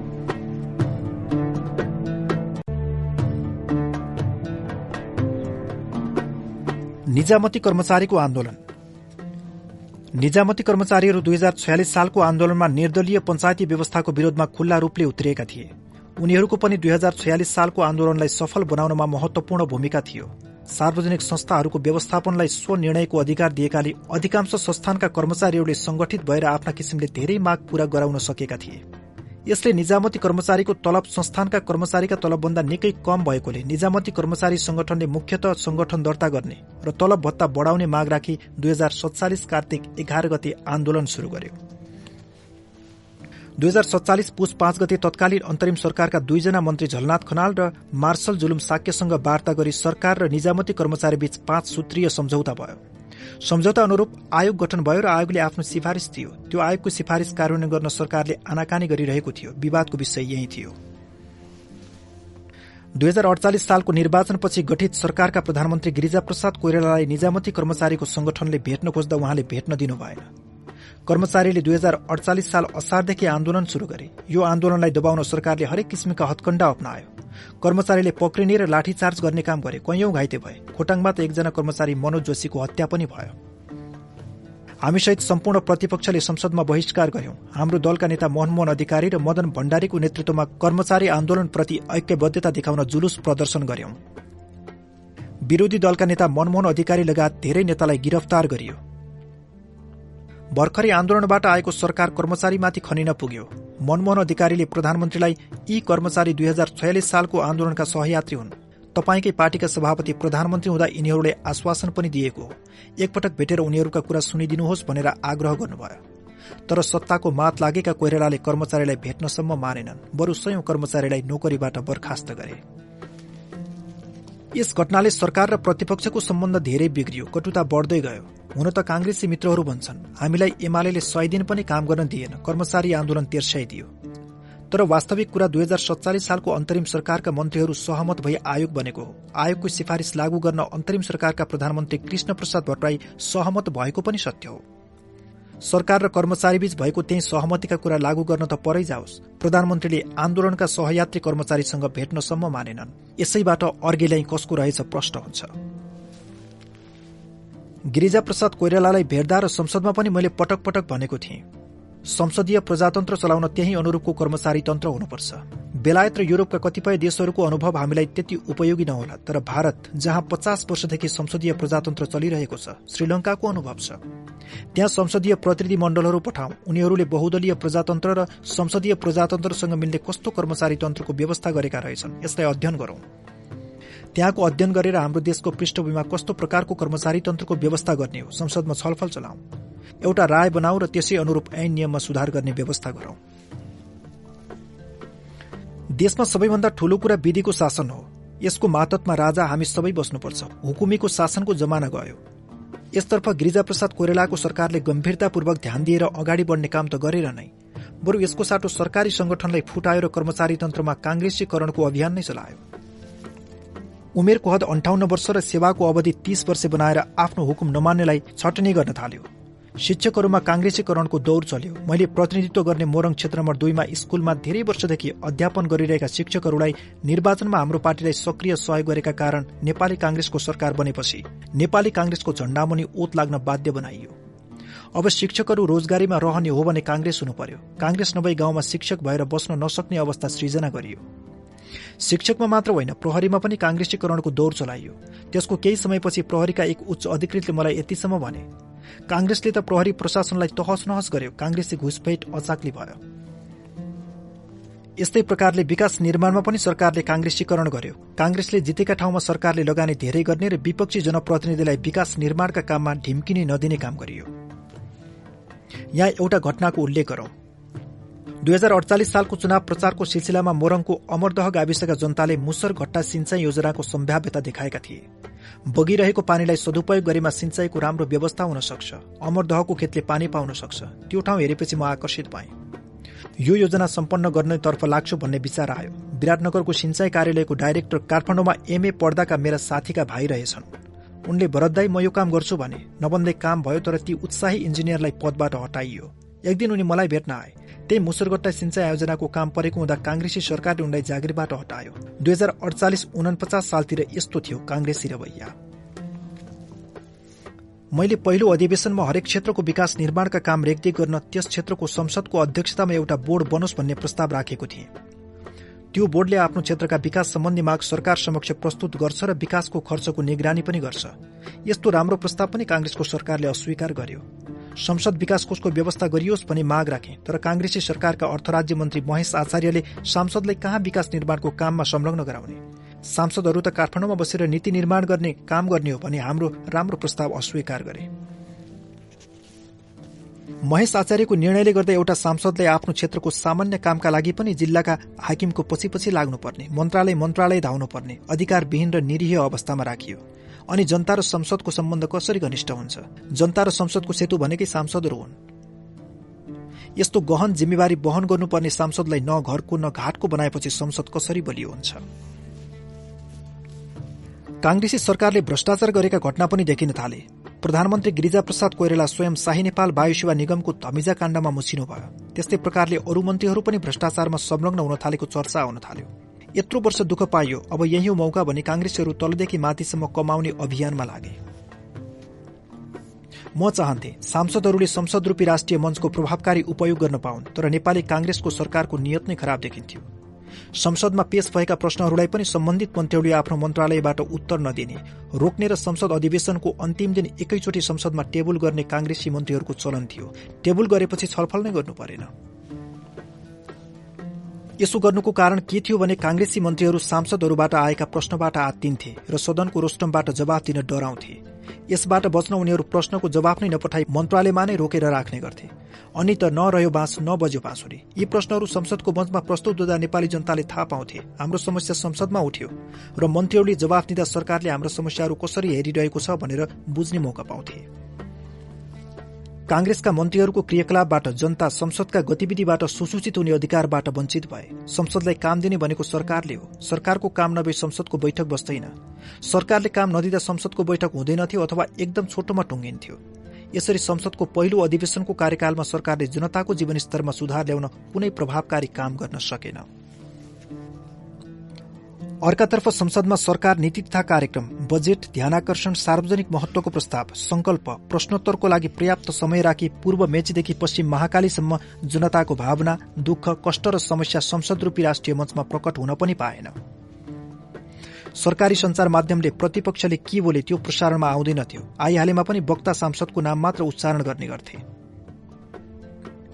यही कुरा नहोस् भनेर मैले पहिलो अधिवेशनमा पञ्चायती शैली परित्याग गरी बहुदलीय व्यवस्था अनुरूप काम गर्नु पर्यो सरकार र प्रतिपक्ष सबैले संसदमा बोलेको कुरा सम्प्रेषण गर्नु पर्यो बहुदलीय शैली अपनाउनु पर्यो भन्ने कुरा राखेको थिएँ। त्यस्तो त के हुन्थ्यो? अझै सरकारी संचार माध्यमलाई काङ्ग्रेसीकरण गरियो। जनताले संचार माध्यमबाट काङ्ग्रेसी मन्त्रीका लामा लामा भाषण मात्र सुन्नुपर्ने भयो। जनताले वाक्क मान्न थाले। पहिलो संसदले जनतालाई उत्साहित पार्न सकेन। नेपाली जनताले सुरु सुरुमा संसदप्रति अत्यधिक उत्साह र रुचि देखाएका थिए। संसद अधिवेशन शुरू भएपछि जनता कानमा रेडियो राखेर सुन्थे। संसदको दर्शक दीर्घ पनि खचाखच हुन्थ्यो तर कांग्रेसी शैलीले गर्दा बिस्तारै जनताको संसदप्रतिको उत्साह हराउँदै गयो। हाम्रो पार्टीले संसद स्थापना हुनसाथ पार्टीको संसदीय विभाग बनाएको थियो। त्यस विभागको प्रमुख म थिए। हामीले संसदमा एमालेका गतिविधिलाई प्रभावकारी बनाउन प्रतिनिधि सभा र राष्ट्रिय सभाका हाम्रा सांसदको संसदीय दल बनाएका थियौं। दलको नेता मनमोहन अधिकारी हुनुहुन्थ्यो भने राष्ट्रिय सभामा हाम्रो पार्टीको नेता माधव कुमार नेपाल हुनुहुन्थ्यो। त्यसपछि संसदीय बोर्ड बनाएका थियौं। मनमोहन अधिकारीले बेलायतको जस्तो छाया सरकार चलाउँछौ भन्नुभएको थियो। त्यसबेला यो कुराले नेपाली प्रेसमा निकै चर्चा पाएको थियो। छाया सरकार चलाउन कसरी सम्भव हुन्छ? त्यस्तो कांग्रेसको सरकार जसले प्रतिपक्षलाई सम्मान गर्ने होइन लखेट्ने नीति लिएको थियो। संसदीय सरकार नभएको ठाउँ र काम नगर्ने कर्मचारी तन्त्रको जमानामा छाया सरकार कसरी सञ्चालन गर्न सकिन्छ र बेलायतमा छ भनेर हामीले यहाँ कहाँ छाया सरकार सञ्चालन गर्न सक्थ्यौं र? तैपनि आफ्नो रुचि र क्षमताका आधारमा बोर्ड सदस्यहरूलाई मन्त्रालय बाँडेका थियौं। उहाँहरूले रुचि र क्षमताका आधारमा आफ्ना संसदहरूको समूह बनाउनुहुन्थ्यो। यो टीमको दायित्व सम्बन्धित मन्त्रालयका विषयमा अध्ययन गर्ने त्यस मन्त्रालयका सम्बन्धमा संसदमा कुरा उठ्दा बोल्ने उत्तर दिने र पार्टीका तर्फबाट संसदमा कुरा उठाउने थियो। यसका साथै संसदका विभिन्न समितिमा हाम्रा सांसदहरू हुनुहुन्थ्यो। ती समितिमा आउने विधेयक लगायतका विषयमा हाम्रा साथीहरू समूहमा बसेर छलफल गर्नुहुन्थ्यो र राय बनाउनुहुन्थ्यो। यसरी तयार पारेको राय समितिमा पेश गर्नुहुन्थ्यो। यो कामको लागि हाम्रो पार्टीको बुद्धिजीवी विभाग र यससँग सम्बन्धित बुद्धिजीवीहरूसँग पनि सहयोग लिन्थ्यौं। खास गरी नीति तथा कार्यक्रम र बजेटका विषयमा उहाँहरूलाई बोलाएर अन्तर सम्वाद गराइन्थ्यो। यसका साथै कुनै जटिल विषय या कुनै प्राविधिक महत्वपूर्ण विषयमा पार्टी बाहिरका विज्ञहरूलाई पनि बोलाउँथ्यौं। उनीहरूको राय लिन्थ्यौं। बुद्धिजीवी सम्बन्धित विषयका प्राज्ञ र कर्मचारीबाट पनि हामी सहयोग लिन्थ्यौं। सकेसम्म तयारी गरेर संसदमा प्रस्तुत हुन्थ्यौं। संसदमा हाम्रो प्रस्तुति प्रभावकारी हुन्थ्यो।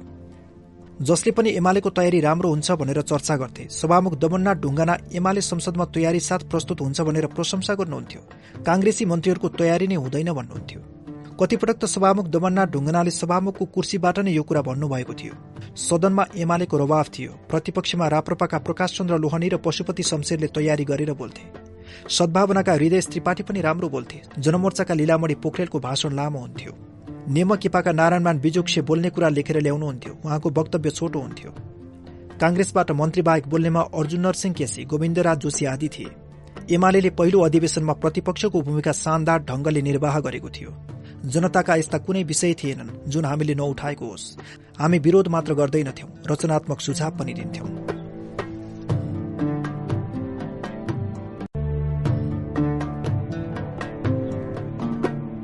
टनकपुर विवाद। दुई हजार अडचालिस साल मंगिरमा भारत सरकारको निमन्त्रणामा प्रधानमन्त्री गिरिजाप्रसाद कोइरालाले भारत भ्रमण गर्नुभयो। त्यहाँ प्रधानमन्त्रीले भारतीय सरकारसँग टनकपुर सन्धि गर्नुभयो। यसका साथै बुढी गण्डकी लगायतका नदीहरूको अध्ययन गर्ने विषयमा पनि सहमति भयो भन्ने समेत सुनियो। दिल्लीमा टनकपुर सन्धि गर्दा भारतका त्यसबेलाका प्रधानमन्त्री पीभी नरसिंह रावले कोइरालाले भनेका थिए अरे तपाईँहरूको संविधानमा त यस्तो सन्धि गर्दा संसदबाट अनुमोदन गराउनुपर्छ भन्ने प्रावधान छ रे नि। कुरा के हो? अनि गिरिजाप्रसाद कोइरालाले आफूसँग गएका कानून सचिवले सोधेका थिए के हो? होइन यी सबै त हामी मिलाइहाल्छौं। हजुरले गरेको निर्णयको कसले विरोध गर्छ? कानून सचिवले भनेछन्। मलाई थाहा छैन। गिरिजाप्रसाद कोइरालाले उनको भनाइका आधारमै सन्धि गर्नुभयो वा पूर्व तयारी थियो तर त्यही मिलाएर होला टनकपुर सन्धिलाई साझेदारी भनियो। कस्तो समझदारी? टनकपुरका विषयमा सहमति गर्ने कार्यान्वयन गर्न मिति पनि तोक्ने अनि यसलाई समझदारी भन्ने हो भने अब सन्धि केलाई भन्ने? अब त हरेक कुरा समझदारी भन्यो लागू गर्यो। संविधानको धारा एक सय छब्बिस छल्यो र संसदलाई व्यवस्था गर्यो। गिरिजाप्रसाद कोइरालाको यो कार्यले संविधानको ठाडो उल्लङ्घन भयो। यस्तो गम्भीर राष्ट्रलाई नोक्सान पुर्याउने काम दिल्लीमा गरेर आएको हुनाले संसदको दोस्रो अधिवेशनमा टनकपुरको कुरा गम्भीर रूपमा उठ्यो। हामीले दिल्लीमा भएका टनकपुर लगायत अन्य नदीनालाका विषयमा के कस्तो सन्धि समझदारी भएका छन् सदरमा पेश गर्नुपर्छ भनेर माग गर्यो। हरेक दिन संसदको बैठकको शुरूमा नै यो कुरा राख्यौं। तर सरकारले कानमा तेल हालेर बसे जस्तो गरी वास्ता नै गर्दैनथ्यो सरकार टसमस नभएपछि मैले एमाले संसदीय दलको सचिवका हैसियतले संसदमा स्थगनको प्रस्ताव राखे।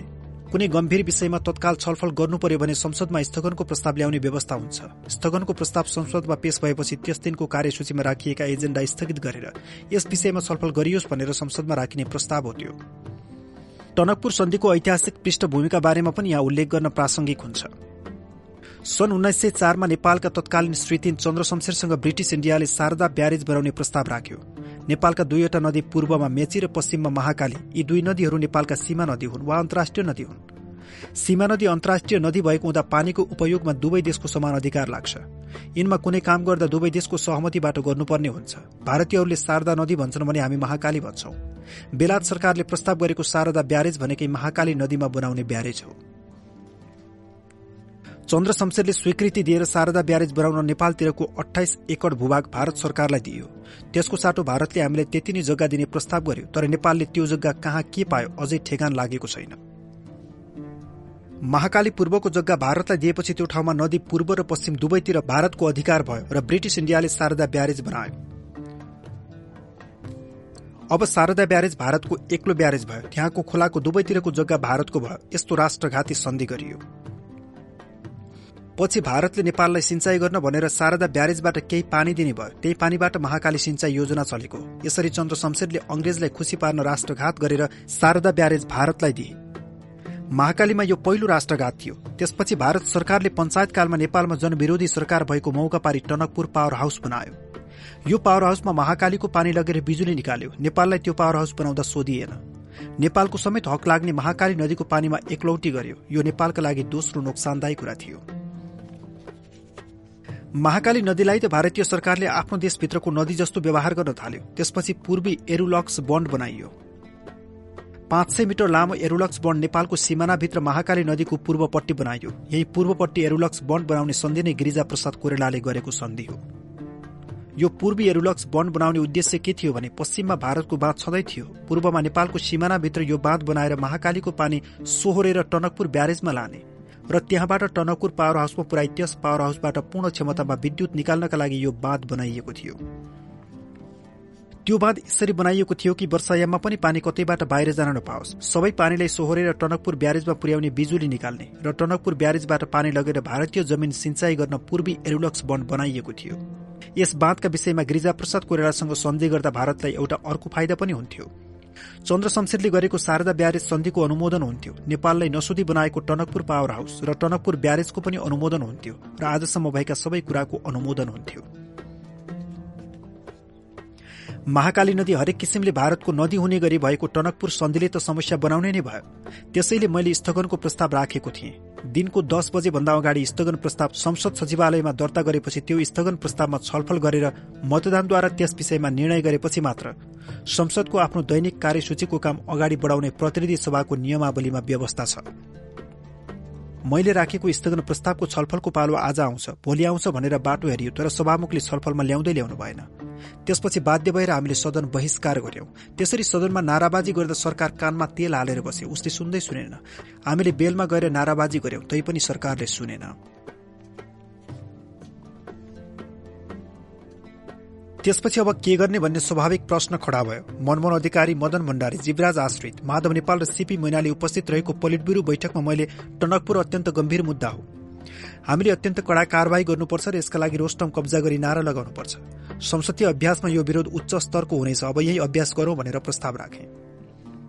सबै नेताहरू खुसी हुनुभयो। रोस्टम कब्जा गर्न को जाने भनेर छलफल गर्दा मैले नौजवान साथीहरू जानु राम्रो हुन्छ भनेर राजेन्द्र पाण्डेको नाम प्रस्ताव गरे। मनमोहनजीले यस्तो गर्ने हो भने भरतमोहन नै जानुपर्छ भन्नुभयो। उहाँले भनेपछि सबैले मान्ने कुरा भइहाल्यो। मैले योजना बनाए र नेता कमरेडहरूलाई जानकारी गराए। दुई हजार अडचालिस चैत्र सोह्र गते रोस्टम कब्जा गर्ने भयो। त्यस दिनको प्रतिनिधि सभाको बैठक शुरू भयो। सामान्य रूपमा संसद चल्दै गरेको अवस्थामा हामीले फेरि टनकपुरको मुद्दा र स्थगन प्रस्तावको कुरा उठायौं। त्यसैमा सत्तापक्ष र हामीबीच आरोप प्रत्यारोप चल्न थाल्यो। त्यही मौका छोपेर म आफ्नो सिटमा निस्केर एक सुरले गएर रोस्टममा उभिन पुगेँ।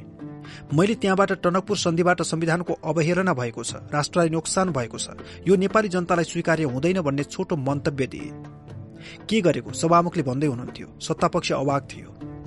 मैले सभामुखसँग अनुमति नलिकनै रोस्टमबाट बोलिरहेको थिएँ। अप्रत्याशित र अनौठो कुरा भइरहेको थियो। मैले आफ्नो छोटो मन्तव्य सकेर नारा लगाउन थाले। संविधान मिच्न पाइँदैन देश बेच्न पाइँदैन। मेरो यो नारामा साथ दिन एमालेका अध्यक्ष महासचिव लगायतका सांसदहरू आफ्नो सिटबाट उठ्नुभयो र नारा घन्काउन थाल्नुभयो। त्यसपछि संसद भवन संविधान मिच्न पाइँदैन देश बिच्न पाइँदैन भन्ने नाराले गुन्जायमान हुन थाल्यो। सभामुखले रोक्नुहोस् रोक्नुहोस् माननीय सदस्य भरतमोहन अधिकारी आफ्नो सिटमा गएर बसिदिनुहोस् भनिरहनु भएको थियो। मैले नारा लगाइरहेको थिएँ। अनि मैले राधाकृष्ण मैनालीले आउनुहोस् भनेर इसारा गरे। उहाँ पनि नारा लगाउन आइपुग्नु भयो त्यसपछि लीलामणी पोखरेल पनि मिसिन आउनुभयो। त्यसै गरी भीमबहादुर श्रेष्ठ दिल्ली बहादुर महत पनि आउनुभयो। हाम्रा सांसदहरूले निरन्तर नारा लगाइरहेका थिए। सदनमा साढे सात घण्टा लामो नारा लाग्दा सभामुखले आफ्नो कुर्सीमा बसेर हेरिरहनु भएको थियो। काङ्ग्रेसका मन्त्री र सांसदहरू अवाक थिए। यस नाराबाजीले देशभरि नै हलचल ल्यायो। कतिले हामीलाई संसदीय आचरण नजान्ने कम्युनिष्टहरू भनेर विरोध पनि गरे। सर्वोच्च अदालतका पूर्व न्यायाधीश विश्वनाथ उपाध्यायले हामीलाई गजब गर्नुभयो भन्नुभयो। मदन भण्डारीले त संसदमै भन्नुभयो प्रतिपक्षले यो विरोध जुन प्रकारले अभिव्यक्त गर्यो यसलाई प्रशंसा गर्दै सारा देशवासीले धन्यवाद दिनुपर्छ। पार्टीका पोलिट ब्युरो सदस्य जीवराज आश्रित सांसद हुनुहुन्थेन। हामीले संसदमा गरेको यो विरोधको उहाँले निकै प्रशंसा गर्नुभयो। केही दिनपछि अमेरिकी राजदूत जुलिया चाङ ब्लकले मलाई आफ्नो निवासमा भएको एउटा पार्टीमा निमन्त्रणा गरेकी थिइन्। तपाईँ त सिटबाटै उफ्रेर रोस्टममा नारा लगाउन पुग्नुभयो अरे उनले भनिन् सिटबाट उफ्रेर गएको त होइन हिँडेरै रोस्टममा पुगेको मैले भने। सबै राजदूतावासहरूमा समेत यस घटनाले सनसनी मचाएको रहेछ। हाम्रो यो नाराबाजीले सरकार गल्यो र पर्सिपल्ट अठार गते टनकपुरका विषयमा मैले प्रस्तुत गरेको स्थगन प्रस्ताव प्रस्तुत भयो। स्थगन प्रस्ताव प्रस्तुत गर्दै मैले माथि उल्लेख गरेका कुरा सविस्तार राखे। यो एउटा गम्भीर प्रश्न हो। यसले एकातिर हाम्रो संविधानको ठाडो उल्लङ्घन गरेको छ भने अर्कोतिर राष्ट्रियतामा ठूलो चोट पुर्याएको छ। दुई हजार छयालिस सालको जनआन्दोलनबाट निर्माण भएको संविधान त्यसले बनाएको संसद र जनताले बनाएका सांसद हुँदा पनि यसरी राष्ट्रिय हितलाई तिलाञ्जली दिइन्छ भने यो त अन्याय भयो। अब सत्तामा टेक्न दिल्ली दौडने परम्परा बन्द गर्नुहोस् र नेपाली जनताको विश्वास जित्ने परम्परा शुरू गर्नुहोस् मैले भने। नेपाली कांग्रेसको बहुमत छँदै थियो। हाम्रो स्थगन प्रस्ताव मतदानबाट पराजित गरियो। संविधानको रक्षा र राष्ट्रिय हितको सवालमा कांग्रेसको रवैयाका कारण हामीले संसद बहिष्कार गर्यौं। टनकपुरको संघर्ष जारी रह्यो। चार वाम पार्टीले टनकपुर लगायतका विषयमा विरोध प्रदर्शन गर्यौं। उपत्यका बन्दको आयोजना भयो। सड़कमा प्रतिपक्षी सांसदहरूले जुलुस निकाल्यौं। प्रधानमन्त्रीको भारत भ्रमणका अवसरमा सम्पन्न भएका सन्धि सम्झौता वा समझदारी सम्बन्धी कागजात अध्ययन तथा छानबिन गरी प्रतिवेदन पेश गर्न उपसभामुख महन्त ठाकुरको अध्यक्षतामा उन्नाइस सदस्यीय विशेष समिति बन्यो। हामी विशेष समितिका साथीहरू टनकपुरको स्थलगत अध्ययन गर्न गयौं। त्यो बाँधमाथि नै हामी एक घण्टा घुम्यौं। शारदा ब्यारेज र टनकपुर पावर हाउस हेर्यौं हाम्रोतिरको महाकाली सिंचाई आयोजना हेर्यौं हामीले दिएको पानी एकदमै कम रहेछ। हाम्रो मूल काम पूर्वी एरुलक्स बन्ड हेर्नु थियो। त्यसैले हामीले त्यसलाई राम्ररी हेर्यौं त्यहाँ हामीसँग जलस्रोत राज्य मन्त्री जलस्रोत मन्त्रालयका सचिव डाइरेक्टर र इन्जिनियरहरू थिए। हामीले नक्सा समेत लिएर गएका थियौं। भारतका सम्बन्धित हाकिम इन्जिनियरहरूको ठूलै समूह आएको थियो। पूर्वी एरुलक्स बन्ड हेर्दै गरेको अवस्थामा मैले एकजना नेपाली जलस्रोतविद इन्जिनियरलाई सोधे। यो बाँध भारतीयहरूले सोझै पश्चिम ठाडो नबनाएर किन पूर्वतिर मोडेर यहाँसम्म ल्याएका होलान्? उनले जवाफ दिए वर्षायाममा महाकालीको पानी निकै आउने र यसले महेन्द्रनगर बजारलाई समेत नोक्सान गर्ने हुनाले महेन्द्रनगरको रक्षा गर्न यसरी पूर्वसम्म बाँधलाई लगिएको हो। मलाई किन किन हाम्रा ती इन्जिनियरको भनाइ ठिक लागेन। हाम्रो महेन्द्रनगरको रक्षा गर्न भारतीयहरूले किन बाँध बाँध्थे? मेरो जिज्ञासा मेटिएको थिएन। मैले भारतीय इन्जिनियरलाई मेरो एउटा जिज्ञासा समाधान गरिदिनुहोस् न भने मैले पहिला सोधे जस्तै पूर्वी एरुलक्स वनका बारेमा सोधे। उनले बहुतै सोझो जवाब दिए। हामीले धेरै वर्ष महाकालीको जल प्रवाहलाई अध्ययन गरेर ठम्म्याएको यो एउटा यस्तो बिन्दु हो जहाँ बाँध बाँध्दा हामी महाकालीको अधिकतम पानी जम्मा गर्न सक्छौं। अनि त्यो पानी टनकपुर ब्यारेज हुँदै पावर हाउसमा पुर्याउन सकिन्छ। अधिकतम पानी पावर हाउसमा लैजान यो बिन्दु ठिक भएकाले यहाँ बाँध बाँधिएको मलाई उनले दिएको उत्तर चित्त बुझ्यो मलाई लाग्यो भारतीय इन्जिनियरले बौद्धिक इमान्दारी देखाएर सत्य कुरा भने तर आफ्नो देशको इन्जिनियरले राष्ट्रलाई नोक्सान भएको कुरामा आँखा चिम्लेर एउटा जिम्मेवार सांसदलाई ढाँटे। महाकाली पश्चिम किनारा र पूर्वी एरोलक्स वनको बीचमा महाकाली नदी बग्ने क्षेत्रकै बीचमा एउटा टापु जस्तै झाडी भएको क्षेत्र रहेछ जहाँ मानिसहरू पिकनिकका लागि जाने गर्दा रहेछन्। यो पूर्वी एरुलक्स वन बनेपछि त्यो पनि डुब्ने स्थिति रहेछ। मैले आफैले आफ्नो राष्ट्रलाई नोक्सान हुने कुरा देखेर आएँ। हामीले उठाउँदै आएको कुरा सर्वोच्च अदालतको फैसलाबाट पुष्टि पनि भयो। सर्वोच्च अदालतले महाकाली समझदारी नभएर सन्धि भएको फैसला गर्यो र संविधान बमोजिम संसदबाट अनुमोदित हुनुपर्ने राय दियो।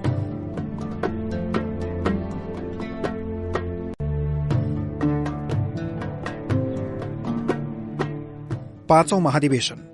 दुई हजार सत्तालिस सालमा नेकपा मार्क्सवादी लेनिनवादी र नेकपा मार्क्सवादी बीच पार्टी एकीकरण भई नेकपा एमाले बनेको थियो। यही हाम्रो पार्टी नेपाल कम्युनिष्ट पार्टी एमालेका रूपमा निर्वाचन आयोगमा दर्ता भएको थियो। त्यसपछि पार्टीले सूर्य चिन्ह लिएर दुई हजार अडचालिस सालको आम निर्वाचनमा भाग लिएको थियो। त्यस आम निर्वाचनमा उनासत्तरी सीट प्राप्त गरी दोस्रो ठूलो दलका रूपमा स्थापित भएको कुरा मैले माथि उल्लेख गरिसकेको छु। जनआन्दोलनको पहिलो आम निर्वाचनमा शानदार मत प्राप्त गरी संसदमा महत्वपूर्ण भूमिका खेल्दै देशभित्र र बाहिर ठूलो प्रतिष्ठा आर्जन गरेको नेपाल कम्युनिष्ट पार्टी एमालेको महाधिवेशन हुनु आफैमा महत्वपूर्ण कुरा थियो। पार्टीको पाँचौं महाधिवेशन दुई हजार उनाचास माघ चौधदेखि बीस गतेसम्म काठमाडौँमा गर्ने निर्णय केन्द्रीय कमिटिले गर्यो। नेपाल कम्युनिष्ट पार्टी स्थापना भएको दुई वर्षमै पार्टीमाथि प्रतिबन्ध लगाइएको थियो। र दुई हजार तेह्र सालमा टंकप्रसाद आचार्य प्रधानमन्त्री हुँदा पार्टीमाथिको प्रतिबन्ध हटाइएको थियो। पार्टीले दुई हजार चौधदेखि दुई हजार सत्र सालसम्म खुल्ला रूपमा काम गर्न पाएको थियो। नेपाल कम्युनिष्ट पार्टीको पहिलो खुल्ला महाधिवेशन दोस्रो महाधिवेशन काठमाडौँमा भएको थियो। दुई हजार सत्र पुसपछि झण्डै तीस वर्ष कम्युनिष्ट पार्टी प्रतिबन्धित अवस्थामा थियो। तीस वर्षको भूमिगत जीवनपछि संसदको प्रमुख प्रतिपक्षका रूपमा स्थापित नेकपा एमाले खुल्ला रूपमा गर्न लागेको यो नै पहिलो महाधिवेशन थियो। राष्ट्रिय अन्तर्राष्ट्रिय सम्मान पाएको पार्टीको पहिलो खुल्ला महाधिवेशन स्वाभाविक रूपमा आकर्षणको केन्द्र भएका कारण निकै तयारीका साथ महाधिवेशन सम्पन्न गर्नुपर्ने थियो। यसका लागि पहिले त महाधिवेशनबाट पारित गरिने दस्तावेज तयार गर्नु महत्वपूर्ण काम थियो। दस्तावेज तयार गर्ने सिलसिलामा पार्टीको पोलिट ब्यूरो पाँचौं महाधिवेशनपछि नाम परिवर्तन गरी स्थायी समिति बनाइएको थियो। उक्त बैठक बस्यो। त्यस बैठकमा महासचिव मदन कुमार भण्डारीले महाधिवेशनमा पेश गर्ने राजनीतिक प्रतिवेदन पार्टीको कार्यक्रम कार्यनीति संगठनात्मक प्रस्ताव विधान जाति भाषा संस्कृति कृषि क्रान्ति अन्तर्राष्ट्रिय कम्युनिष्ट आन्दोलनका बारेमा दस्तावेज निर्माण गर्नुपर्ने प्रस्ताव गर्नुभयो। त्यस बैठकमा उहाँले एउटा अत्यन्तै मार्मिक प्रस्ताव राख्नु भएको थियो। यसबाट पनि उहाँमा रहेको महानता देखिन्थ्यो। उहाँले पार्टीभित्र राजनीतिक संस्कार बनाउन खोजेको प्रश्न हुन्थ्यो। उहाँले भन्नुभयो पार्टी अध्यक्ष मनमोहन अधिकारीले कम्युनिष्ट आन्दोलनमा ठूलो योगदान गर्नुभएको छ। उहाँ हामी सबैको अभिभावक हो अधिकारी वृद्ध हुनुहुन्छ। उहाँले दस्तावेज लेख्ने जिम्मेवारी नदिउँ। हामी पोलिट ब्युरोका कमरेडहरूले लेखौं ती दस्तावेजहरू अलग अलग रूपमा सार्वजनिक नगरौं सबै दस्तावेज मनमोहन अधिकारीका नामबाट सार्वजनिक गरौं। कस्तो विराट हृदयको अभिव्यक्ति आफूभन्दा जेठो पुस्ताका नेतालाई सम्मान गर्ने कस्तो मानवीय भावना। यो प्रस्ताव सुनेर म मदन भण्डारीबाट निकै प्रभावित भएको थिएँ। देशमा नयाँ सम्भावना देखिएको अवस्थामा जनताको व्यापक विश्वास पाएको नेकपा एमालेका लागि त्यति बेला दरो पार्टी एकताको आवश्यकता थियो। मदन भण्डारीको यो प्रस्तावबाट पार्टी एकता अझै सुदृढ हुन्थ्यो। एक ढिक्का भएर पार्टी नयाँ सम्भावनातर्फ लम्किन ठूलो आत्मविश्वासका साथ अगाडि बढ्न सक्थ्यो तर अपसोच यस्तो प्रस्ताव पार्टीमा स्वीकार्य भएन। सीपी मैनाली लगायतका केही कमरेडहरूले मान्नु भएन र हामी त छुट्टै दस्तावेज पेश गर्छौं भन्नुभयो। राजनीतिक प्रस्ताव उहाँले आफ्नै नाममा लेख्छु भन्नुभयो। मदन भण्डारीको प्रस्ताव सिपी लगायत केही नेताहरूलाई अमान्य भएपछि दस्तावेज लेख्ने काम बाँडियो। राजनीतिक प्रतिवेदन महासचिव मदन भण्डारीले नै लेख्ने र विधान माधव नेपालले लेख्ने कुरा भयो। संगठनात्मक प्रस्ताव जीवराज आश्रित र पार्टीको कार्यक्रम लेख्ने जिम्मा मलाई पर्यो। जल्लाद खनाल पनि सामूहिक रूपमा प्रस्ताव प्रस्तुत गर्ने कुरामा सहमत हुनु भएन। आफ्नो कुरा छुट्टै राख्नुभयो। निर्वाचन आयोगमा दर्ता भएको घोषणापत्रको कार्यक्रमलाई आधार बनाएर मैले पाँचौं महाधिवेशनमा पेश गर्ने पार्टीको कार्यक्रम लेख्न शुरू गरी केही अंश लेखेको थिएँ। यसैबीच मेरी जेठी छोरी लुनाको कोलकातामा एमबीबीएसमा भर्ना गर्नका लागि म आफै जानुपर्ने भयो। म आफै नगई छोरीको भर्ना नहुने भएकाले महासचिवसँग सल्लाह गरी आफूले लेखेको दस्तावेजको केही अंश उहाँलाई दिएर गए। त्यसको कामले गर्दा म आउन ढिला भयो। मदन भण्डारी र माधव नेपालले सल्लाह गरी कार्यक्रम सम्बन्धी दस्तावेजको मस्यौदा तयार पार्नु भएछ म आएपछि मलाई देखाउनु भयो राम्रो लाग्यो। त्यस कार्यक्रममा रहेका कुरा संविधान सुझाव आयोगमा काम गर्दा मदन भण्डारी माधव नेपाल र मेरा बीच धेरै पटक छलफल भइसकेकोले सामान्य केही कुरा भन्नुबाहेक मदन भण्डारीको मस्यौदामा अरू केही गर्नुपर्ने थिएन। त्यो कार्यक्रम पार्टीको पाँचौं महाधिवेशनमा जनताको बहुदलीय जनवादको कार्यक्रमका रूपमा प्रस्तुत भयो र यसको सर्वत्र प्रशंसा भयो। अब त बहुदलीय प्रतिस्पर्धात्मक व्यवस्थालाई कम्युनिष्टहरूले पनि स्वीकार गर्नुपर्छ भन्ने कुरा त रूसको कम्युनिष्ट पार्टीले पनि भन्न थाल्यो। नेपाल कम्युनिष्ट पार्टी माओवादीले पनि आज त्यही कुरा भन्न थालेको छ। हाम्रो पाँचौं महाधिवेशनभन्दा धेरै पछि भारतीय कम्युनिष्ट पार्टी मार्क्सवादीले आफ्नो कार्यक्रम परिवर्तन गर्ने उद्देश्यले एउटा कार्यदल गठन गरेको थियो। त्यस कार्यदलमा ज्योति बसु पनि सदस्य हुनुहुन्थ्यो। ज्योति बसुले दिएको सुझाव मैले अखबारमा पढेको थिएँ। कुरा करिब करिब हामीले पाँचौं महाधिवेशनबाट पारित गरे जस्तै जस्तै थियो। यद्यपि जुन बेला हामीले यो कार्यक्रम बनाउन थालेका थियौं त्यस बेला त्यो कार्यक्रम त्यति सजिलै स्वीकार्य भएको थिएन। पाँचौं महाधिवेशनमा यस कार्यक्रमको सीपी मैनाली र जननाथ खनालले विरोध गर्नुभयो। शुरूमा त मनमोहन अधिकारीले समेत मलाई तिमीहरूले यो के गरेको? कम्युनिष्ट व्यवस्थामा यस्तो पनि हुन्छ। कस्तो केटाकेटी कुरा गरेको भन्नुहुन्थ्यो। महाधिवेशनमा त उहाँले अमेरिकाको विल क्लिन्टनको भन्दा पनि गए गुज्रीको कार्यक्रम समेत भन्नुभयो। जनताको बहुदलीय जनवादको कार्यक्रम सहजै महाधिवेशनबाट पारित भएको होइन। यो कार्यक्रम प्रजातान्त्रिक प्रक्रिया अनुरूप मतदान मार्फत अल्पमत बहुमत गरी पारित भएको हो। आयो जस्तो सबैले स्वीकार गरेको अवस्था थिएन। कार्यक्रम बनाउन आजको जस्तो आफ्नो पनि हक दावी गर्ने अवस्था थिएन। ठूला ठूला हस्तीले पनि यो कार्यक्रमको विरोध गर्नुभएको थियो। जनताको बहुदलीय जनवादको विचार कस्तो आयो यसबारे केही चर्चा गरौं। नेपाल अधिराज्यको संविधान दुई हजार सत्तालिसको मस्यौदा निर्माण गर्दाका बखत प्रायजसो साँझमा मदन भण्डारी माधव नेपाल र म कुपण्डुल स्थित माधव नेपालको डेरामा बस्थ्यौं। मूलत संविधानको विषयमा कुरा हुन्थ्यो। विश्व कम्युनिष्ट आन्दोलन र नेपालको वाम आन्दोलन बारे पनि छलफल हुन्थ्यो। मैले केही समय अघि तत्कालीन सोभियत रूसको यात्रा गरेको थिएँ। त्यहाँ पैंतिस दिन बस्दा आफूले भोगेका अनुभव त्यहाँका विद्वानहरूले गरेका कुरा सुनाउँथे। मैले सोभियत कम्युनिष्ट पार्टी र त्यहाँको समाज संकटमा परेको र कम्युनिष्ट पार्टी समस्याग्रस्त भएको बताएको थिएँ। हामी त्यहाँ बहुदलीय प्रतिस्पर्धा संविधानको सर्वोच्चता विधिको शासन स्वतन्त्र न्यायपालिका आवधिक निर्वाचन निर्वाचनमा बहुमत पाउनेको सरकार अल्पमतको प्रतिपक्ष लगायतका कुरा संविधानमा समावेश गर्नुपर्छ भन्ने सल्लाह गर्थ्यौं। यी कुरा अहिलेको युगमा कम्युनिष्ट लगायत सबैले स्वीकार गर्नुपर्छ भन्ने सोच बनेको थियो। यसरी संविधान मस्यौदाका बेला बनेका विचार चार पार्टी एकीकरण गर्नका लागि बनाइएको कार्यक्रममा पनि मुखरित भएका थिए। त्यही कार्यक्रमका आधारमा माले र मार्क्सवादी एकीकरण भयो। त्यसैलाई निर्वाचन आयोगमा दर्ता गरिएको हो। जनताको बहुदलीय जनवादको कार्यक्रम वास्तवमै त्यसै बेलाको सोच हो। हाम्रो पार्टीका स्थायी कमिटी सदस्य युवराज गेवाली भन्नुहुन्थ्यो। शुरूमा मदन भण्डारीले कार्यक्रम प्रस्तुत गर्दा बहुदलीय जनवाद भनी प्रस्तुत गर्नुहुन्थ्यो।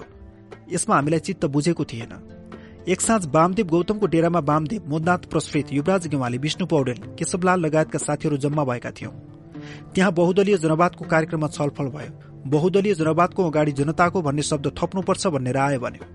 भोलिपल्ट हामीले यो बहुदलीय जनवादको अगाडि जनताको भन्ने शब्द थप्नुपर्छ भन्ने कुरा राख्यौं। मदन भण्डारीले बहुदलीय जनवाद मात्र लेखे पुग्छ भन्नुहुन्थ्यो। धेरै छलफलपछि अन्त्यमा जनताको भन्ने शब्द थप्न मदन भण्डारी सहमत हुनुभयो। माधव नेपाल भन्नुहुन्थ्यो कार्यक्रमको नाम बहुदलीय जनवाद भन्दा मैले कड़ा विरोध गरे। यो कस्तो बहुदलीय व्यवस्था हो? अलि ठोस रूपमा आउनु पर्यो भन्ने मेरो भनाइ थियो। त्यस्तै धेरैपछि केपी ओली भन्नुहुन्थ्यो। जनताको भन्ने शब्द थप्न मैले सुझाव दिएको थिएँ। यो कार्यक्रम निकै छलफल र विचार विमर्शपछि आएको कार्यक्रम हो।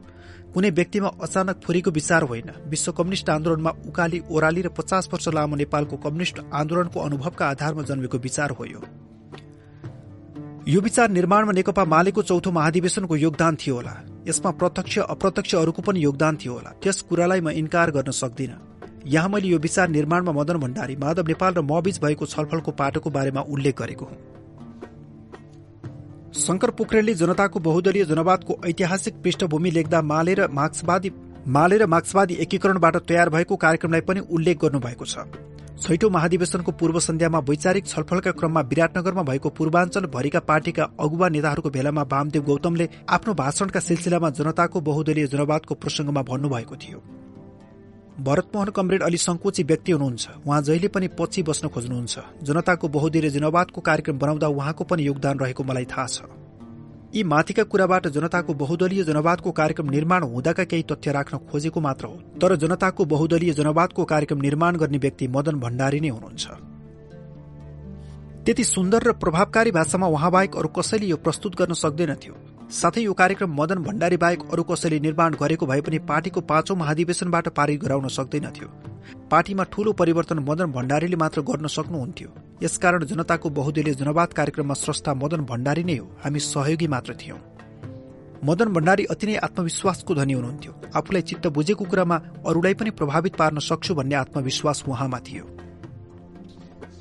पाँचौं महाधिवेशनको तयारीका सिलसिलामा पार्टीमा जब सीपी मैनाली झलनाथ खनाल लगायत उहाँका विचारमा असहमत हुने साथीहरूले फरक मत प्रभावित हुन पाएन भनेर गुनासो गर्नुभयो। तब मदन भण्डारीले एउटा नयाँ व्यवस्थाको शुरूआत गर्दै महाधिवेशन अघि आफ्ना विचार खुल्ला गर्न पाइन्छ विभिन्न पत्र पत्रिका लेख रचनाबाट प्रकाशित गर्न पाइन्छ भनेर खुल्ला गरिदिनु भयो यो विश्व कम्युनिष्ट आन्दोलनमा नयाँ प्रयोग थियो। पाँचौं महाधिवेशनका सिलसिलामा बडो रमाइलो स्थिति देखियो।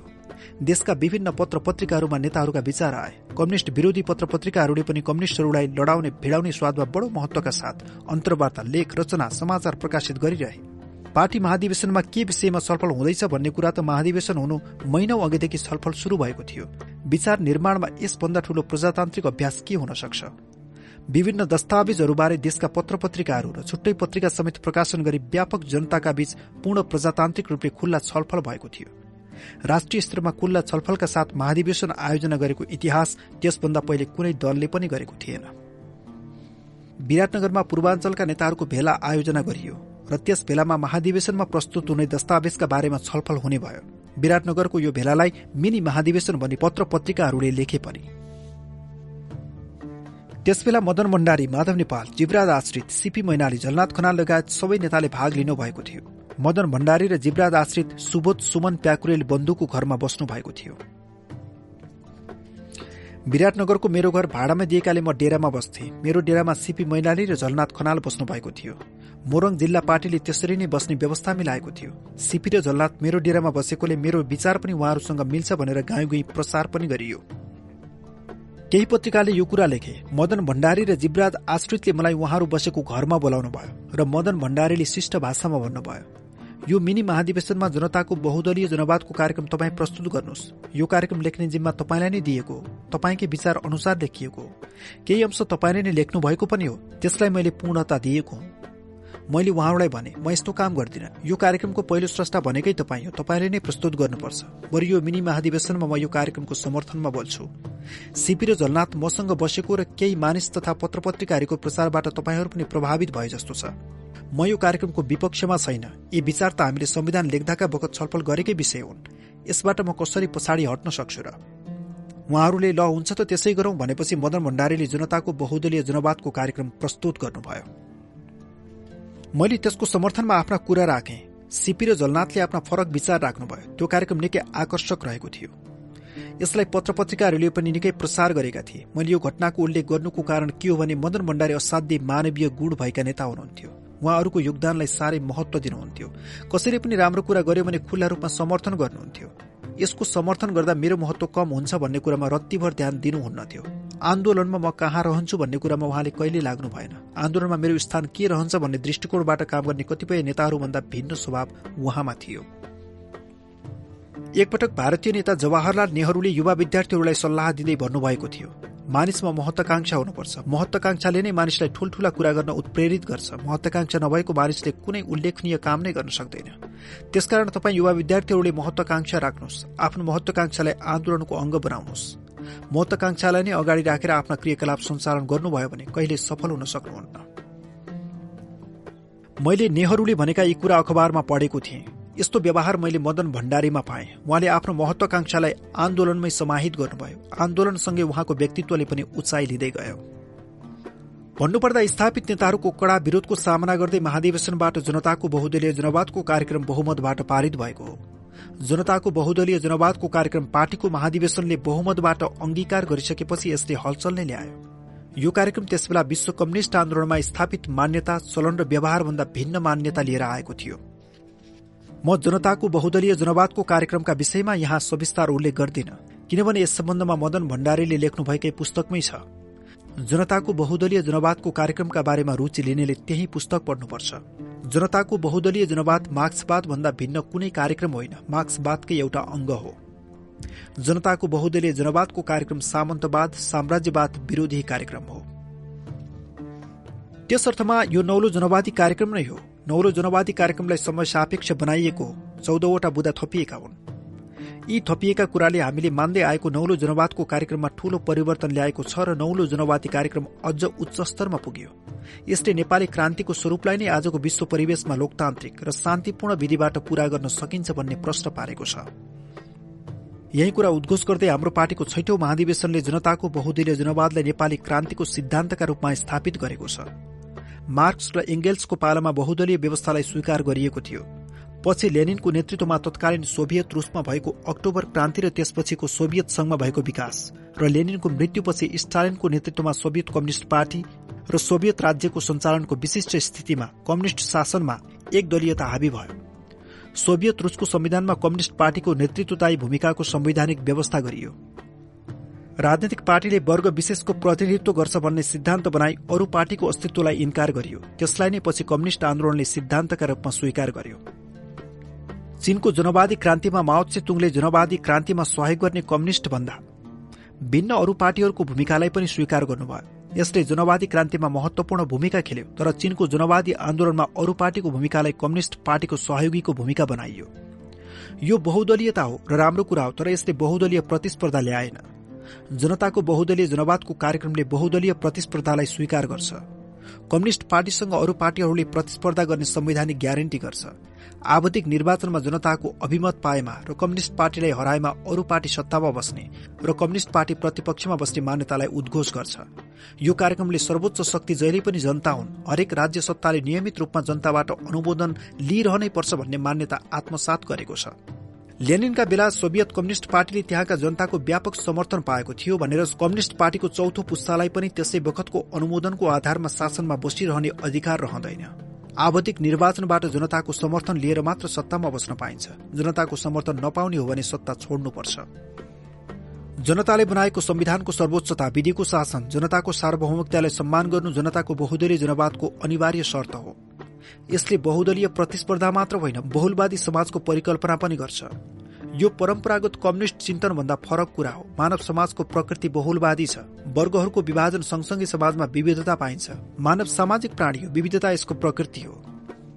मानव समाजमा प्राकृतिक रूपमा रहने विविधतालाई प्रस्फुटन हुन दिनुपर्छ। यसले समाजलाई अहित गर्दैन। बरु चौतर्फी विकासमा महत्वपूर्ण योगदान पुर्याउँछ। माओ तुङको सयौं फूलहरूलाई फुल्न दियो विभिन्न विचारलाई प्रभावित हुन दियो भन्ने कुरा यही हो। यद्यपि माओको विचारलाई चीनको सांस्कृतिक क्रान्तिताका बहुतै दुरूपयोग गरियो जनताको बहुदलीय जनवादी कार्यक्रमले नेपालको कम्युनिष्ट आन्दोलनमा ठूलै प्रभाव पार्यो। यो विश्व कम्युनिष्ट आन्दोलनमै छलफलको विषय बन्दै गएको छ। नेपालको वामपन्थी आन्दोलनमा त यो नितान्त नयाँ कुरा नै थियो। कतिपय कम्युनिष्ट वामपन्थीहरूले त यो सोचलाई दक्षिणपन्थी भाषमा डुबेको कम्युनिष्ट पार्टीबाट पतन भएको र एमाले कम्युनिष्ट पार्टी नभएको आरोप लगाएर हाम्रो विरोध पनि गरे तर आज सबै यसै चिन्तनतिर अगाडि बढ़िरहेका छन्। अन्तर्राष्ट्रिय कम्युनिष्ट पार्टीमा यो चिन्तनले महत्वपूर्ण स्थान ग्रहण गर्दै गइरहेको छ। नेपालका माओवादीहरूमा समेत यो चिन्तन पलाउँदै आएको छ। सोभियत मोडलको समाजवाद विफल भएपछि पश्चिम युरोपमा कतिपय पार्टीहरूले कम्युनिष्ट पार्टीको नाम नै त्यागे। चीन र भियतनामका कम्युनिष्ट पार्टीले समाजवाद निर्माणको आफ्नो कार्यनीतिमा नौलोपन ल्याए हामीले मार्क्सवाद परित्याग गरेनौं नेपालको पृष्ठभूमिमा यसको सृजनात्मक विकास गर्यौं। पाँचौं महाधिवेशनमा हामीले विदेशी पाहुनाहरू निम्ताएका थियौं। चीन भारत लगायतका देशबाट उच्च स्तरीय प्रतिनिधि मण्डल आएका थिए। भारतीय कम्युनिष्ट पार्टी मार्क्सवादीका महासचिव हरिकिशन सिंह सुरजित आफै आउनु भएको थियो। त्यस्तै प्रकारले गैर कम्युनिष्ट पार्टीका प्रतिनिधिहरू पनि आउनु भएको थियो। हामीले महाधिवेशनको बन्द सत्र कमलादी स्थित प्रज्ञा प्रतिष्ठानको हलमा गर्ने निश्चित गरेका थियौं। त्यो हल पनि झकिझका हुने गरी सजाइएको थियो। काठमाडौँको मूल सड़कमा हँसिया हथौडा अंकित झण्डा फहराइरहेका थिए। पार्टीको पाँचौं महाधिवेशनको उद्घाटन समारोह निकै भव्य थियो। त्यसबेला गृहमन्त्री शेरबहादुर देउबा थिए। उनले सड़कका बिजुलीका पोलहरूमा राता झण्डा राख्नु भएन भने तैपनि त्यसबेलाको सरकारले महाधिवेशन सम्पन्न गर्न सहयोग नै गरेको थियो। ठाउँ ठाउँमा आकर्षक पोस्टर टागिएका थिए। पाहुनाको स्वागत ब्यानरले काठमाडौँमा पाँचौं महाधिवेशन भइरहेको जनाएका थिए। विमानस्थलमा विदेशी पाहुनाहरूको स्वागतको विशिष्ट व्यवस्था गरिएको थियो। देशभित्रबाट आउने महाधिवेशन प्रतिनिधि पर्यवेक्षक शुभचिन्तक र दर्शकलाई स्वागत गर्न मुगलिनदेखि काठमाडौँसम्मका सड़कमा भित्तामा पाँचौं महाधिवेशन सफल पारौं भन्ने नारा लेख्नुका साथै ठाउँ ठाउँमा ब्यानर झुण्डाइएको थियो झण्डा टाँगिएको थियो। स्वयंसेवकहरूको राम्रो व्यवस्था गरिएको थियो। विदेशी पाहुनाहरू राख्न काठमाडौँमा सुविधाजनक व्यवस्था थियो भने स्वदेशी प्रतिनिधि पर्यवेक्षकहरू राख्न लजको व्यवस्था गरिएको थियो। व्यवस्थापनका क्षेत्रमा अत्यावश्यक सेवा दिन विभिन्न टोली गठन गरिएको थियो। महाधिवेशनका गतिविधिहरूलाई नियमित रूपमा प्रवाह गर्न संचार डेस्क बनाइएको थियो। तीस वर्षपछि खुल्ला रूपमा महाधिवेशन गर्दा व्यवस्थापनका पक्षमा कुनै कमी कमजोरी नरहोस् भनेर हामीले विशेष ध्यान दिएका थियौं। सामान्यत हाम्रो व्यवस्थापनमा कसैलाई दुःख कष्ट भएको गुनासो सुन्न पाएनौ। दशरथ रंगशालामा निर्माण गरिएको विशेष मञ्चमा हजारौं जनसमुदायको उपस्थितिमा महाधिवेशनको उद्घाटन भयो। उद्घाटन समारोहमा आयोजक कमिटिका तर्फबाट मैले स्वागत मन्तव्य दिए। अध्यक्ष मनमोहन अधिकारीले उद्घाटन गर्ने कार्यक्रम थियो। उद्घाटन भाषण छोटो गर्ने व्यवस्था गरिएको थियो। महासचिव मदन भण्डारीले पार्टीका सोचलाई छुट्टै भए पनि प्रष्ट रूपमा राख्ने योजना थियो। पार्टी अध्यक्ष मनमोहन अधिकारीले उद्घाटन गर्दै अंग्रेजीमा विदेशी पाहुनाहरूलाई स्वागत गर्नुभयो तर यसमा एउटा नराम्रो घटना पनि भयो। अध्यक्ष अधिकारीले अंग्रेजीमा संक्षेप स्वागत गर्नुका साथै आफ्नो कुरा राख्ने र मूल राजनैतिक कुरा महासचिव मदन भण्डारीले राख्ने पूर्व योजना थियो। मनमोहनजीले बोल्दा बोल्दै लामो समय लिनुभयो धेरै कुरा राख्नुभयो। यसबाट मदन भण्डारी रुष्ट हुनुभयो। उहाँको झोक त चर्को रहेछ। यो त सहमति उल्लङ्घन भयो भनेर उहाँले बोल्नै मान्नु भएन। यसले बन्द सत्रमा समेत प्रभाव पार्यो। विधानबाट अध्यक्ष पद नै हटाउने र मनमोहन अधिकारीलाई सल्लाहकार कमिटिको अध्यक्ष बनाउने कुरा उठ्यो। प्रस्तावित विधानबाट अध्यक्ष पदको प्रावधान हटाइयो पनि यस कुरालाई महाधिवेशनका प्रतिनिधिहरूले मान्दै मानेनन्। महाधिवेशनको पूर्ण बैठकमा पार्टी विधानमा अध्यक्ष पदको प्रावधान हुनुपर्छ भन्ने माग प्रतिनिधिहरूले जोरदार रूपमा राखे। मस्यौदा विधानमा अध्यक्ष पद पुनः राखियो। एउटा नमिठो घटना आन्दोलनबाट खारिएर आएका विवेकशील प्रतिनिधिहरूको ठाडो पहलबाट अन्तत आत्मीय र सहज रूपमा समाधान भयो। महाधिवेशन सञ्चालन गर्न अध्यक्ष मण्डल र स्टेयरिङ कमिटिको व्यवस्था गरिएको थियो। प्रतिवेदन र प्रस्तावमाथि छलफल गर्न प्रतिनिधिहरूका विभिन्न समूह बनाइएको थियो। ती समूहमा महाधिवेशनमा प्रस्तुत भएका दस्तावेजमा छलफल गर्ने व्यवस्था गरिएको थियो। महाधिवेशन शुरू हुनुभन्दा अगाडि नै महाधिवेशनको तयारीका क्रममा महाधिवेशनमा प्रस्तुत हुने केन्द्रीय कमिटी र फरक मतका दस्तावेजहरूमा पार्टी कमिटिमा विभिन्न कार्यक्रमको आयोजना गरेर नयाँ पुस्तकहरू प्रकाशित गरेर र गैर कम्युनिष्ट पत्रिकाहरूमा प्रचार प्रसार भएर व्यापक छलफल भएकै थियो। महाधिवेशनमा त औपचारिक रूपमा छलफल हुन मात्र बाँकी थियो। तैपनि विभिन्न समूहमा बहुतै सक्रिय छलफल भएको थियो। विभिन्न समूहबाट लिखित सुझाव आएका थिए। केन्द्रीय कमिटिका तर्फबाट महासचिवको राजनैतिक प्रतिवेदन पार्टीको कार्यक्रम कार्यनीति संगठनात्मक प्रस्ताव विधान जाति भाषा संस्कृति सम्बन्धी प्रस्ताव अन्तर्राष्ट्रिय कम्युनिष्ट आन्दोलन सम्बन्धी प्रस्ताव र कृषि क्रान्ति गरी आठवटा प्रस्ताव पेश भएका थिए। सीपी मैनालीले आफ्नो परिमार्जित नौलो जनवाद र रघुजी पन्तले सामाजिक जनवादका अलग अलग दस्तावेज पेश गर्नुभएको थियो। त्यहाँ केन्द्रीय कमिटिबाट प्रस्तुत दस्तावेजहरू सुझावसहित अत्यधिक बहुमतद्वारा पारित भयो भने बाँकीका प्रस्तावहरू अस्वीकृत भए विधानको व्यवस्था अनुसार केन्द्रीय कमिटिको चयन गरियो। महाधिवेशनमै निर्वाचित केन्द्रीय कमिटिले अध्यक्षमा मनमोहन अधिकारी र महासचिवमा मदन भण्डारीलाई चयन गर्यो। महाधिवेशनको पूर्ण बैठकमा नवनिर्वाचित अध्यक्ष र महासचिवले महाधिवेशनलाई सम्बोधन गर्नुभयो। त्यहाँ मदन भण्डारीले ज्यादै मार्मिक भाषण गर्नुभयो। भोलिपल्ट पार्टीले महाधिवेशनका निर्णयहरू सार्वजनिक गर्न घोषणा सभाको आयोजना गर्यो। नवनिर्वाचित केन्द्रीय कमिटिले पोलिट ब्युरोको निर्वाचन गरी काम शुरू गर्नुपर्ने थियो। महाधिवेशन सम्पन्न भएको दुई दिनपछि पार्टी कार्यालय बाग बजारमा केन्द्रीय कमिटिको बैठक बस्यो। बैठकको अध्यक्षता अध्यक्ष मनमोहन अधिकारीले गर्नुभएको थियो। महासचिव मदन भण्डारी भने बिरामी हुनुभएकाले बैठकमा उपस्थित हुन सक्नु भएको थिएन। मदन भण्डारीले अध्यक्ष मनमोहन अधिकारीले बैठकको अध्यक्षता गरिरहनु भएको छ। केन्द्रीय कमिटिले स्थायी कमिटी चुनोस् मेरो समर्थन छ भन्ने सन्देश पठाउनु भयो तर यो कुरामा अध्यक्ष सहमत हुनु भएन उहाँले पार्टीको नेता महासचिव हो स्थायी कमिटी महासचिवको टिम हो। कुन टिम लिएर काम गर्ने हो त्यो प्रस्ताव त महासचिवले नै गर्नुपर्छ भन्नुभयो। बैठकमा मनमोहन अधिकारीले मलाई महासचिवको घरमा गएर उहाँको प्रस्ताव लिएर आउन भन्नुभयो। केन्द्रीय कमिटिका कमरेडहरूले अध्यक्ष कुखुरामा सहमति जनाउनु भयो केन्द्रीय कमिटिको निर्णय बमोजिम स्थायी कमिटिको निर्माणका लागि महासचिवको प्रस्ताव लिन म हिँडे।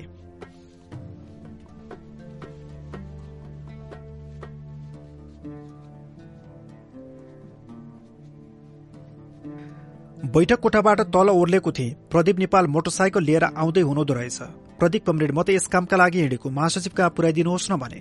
उहाँले मलाई मदन भण्डारी बसेको घरमा पुर्याइदिनु भयो उहाँलाई एक सय दुई डिग्रीको ज्वरो आएको रहेछ। मैले केन्द्रीय कमिटीले गरेको निर्णय सुनाए। पहिले त यो तपाईँले गरे भइहाल्छ भनेर उहाँ झर्कनु भयो फेरि मैले त्यही कुरा दोहोऱ्याएँ। उहाँले ल त लेख्नुहोस् भन्नुभयो। म कागज कलम लिएर नाम टिप्न तयार भएँ। महाधिवेशनबाट निर्वाचित अध्यक्ष मनमोहन अधिकारी र महासचिव मदन भण्डारी त स्थायी समितिमा हुनुहुने नै भयो। त्यसपछि लेख्नुहोस् भन्दै उहाँले नाम भन्दै जानुभयो। माधव कुमार नेपाल जीवराज आश्रित सिपी मैनाली केपी ओली भरत मोहन अधिकारी साहना प्रधान वामदेव गौतम अमृत कुमार बोहरा राधाकृष्ण मैनाली र मोहन चन्द्र अधिकारी।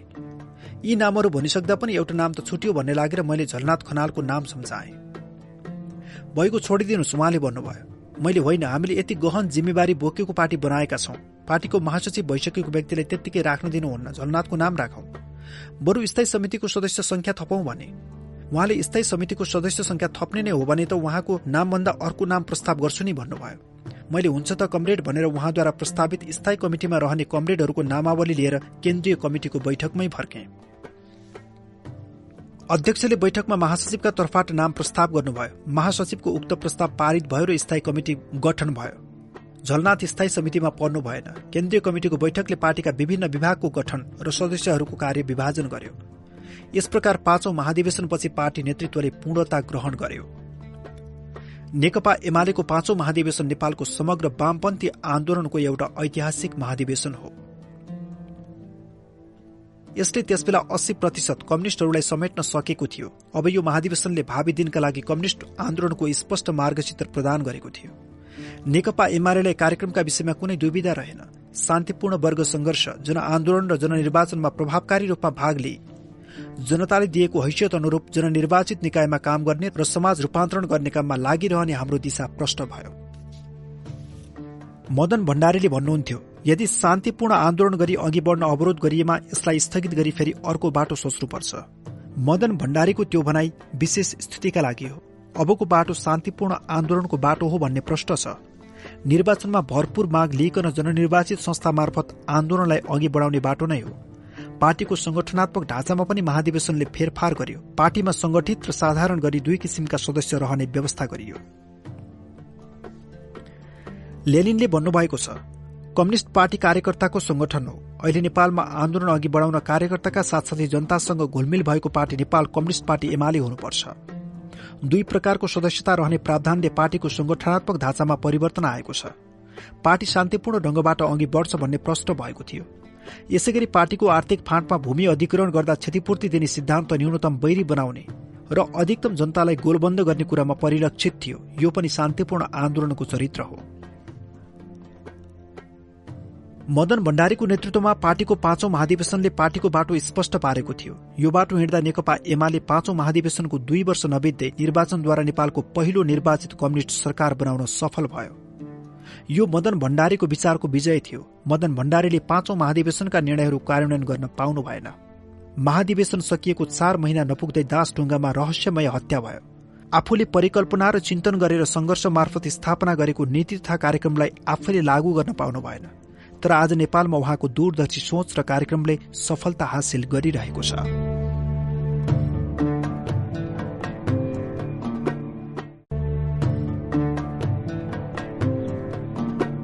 दासढुङ्गा हत्याकाण्ड। दुई हजार पचास जेठ तीन गते पार्टीको काम सकेर म कलङ्की प्यानी ट्याङ्कीको केही तल रहेको मेरो डेरामा बसिरहेको थिएँ। बागबजार स्थित पार्टी कार्यालयबाट फोन आयो। मुगलिन नारायणगढ खण्डको दासढुङ्गा भन्ने ठाउँमा महासचिव मदन भण्डारी र संगठन विभाग प्रमुख जीवराज आश्रित चढ्नुभएको जीव खोलामा खस्यो भन्ने खबर पाए। यो समाचारले मलाई स्तब्ध बनायो। एकैचोटि छाँगाबाट खसे जस्तो भए। त्यसको केही समयपछि सिपी मैनाली मलाई लिने मेरो डेरामा आउनुभयो। एकैछिनमा हामी पार्टी कार्यालयमा पुग्यौं। एकपछि अर्को गर्दै केही बेरमै पार्टी अध्यक्ष मनमोहन अधिकारी लगायत हामी सबै भेला भयौं।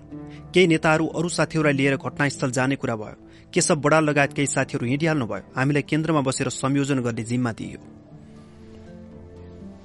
हामी तत्कालै प्रधानमन्त्री गिरिजाप्रसाद कोइरालालाई भेट्न बालुवाटार गर्यौं प्रधानमन्त्रीले भन्नुभयो गाडी खोलामा खसेको घटनाको खबर मैले पनि पाएँ तर सबै खबर आइसकेको छैन। प्रहरी प्रशासनलाई त्यसतर्फ लाग्न निर्देशन दिएको छु। यो खबर बिजुलीको करेन्टसँगै देशका कुना कुना र विदेशसम्म पुग्यो। गाडी खोलामा खसेर हराउनु र नेताहरूका बारेमा केही पत्ता नलाग्नुले हामीलाई झन चिन्तित बनाइरहेको थियो।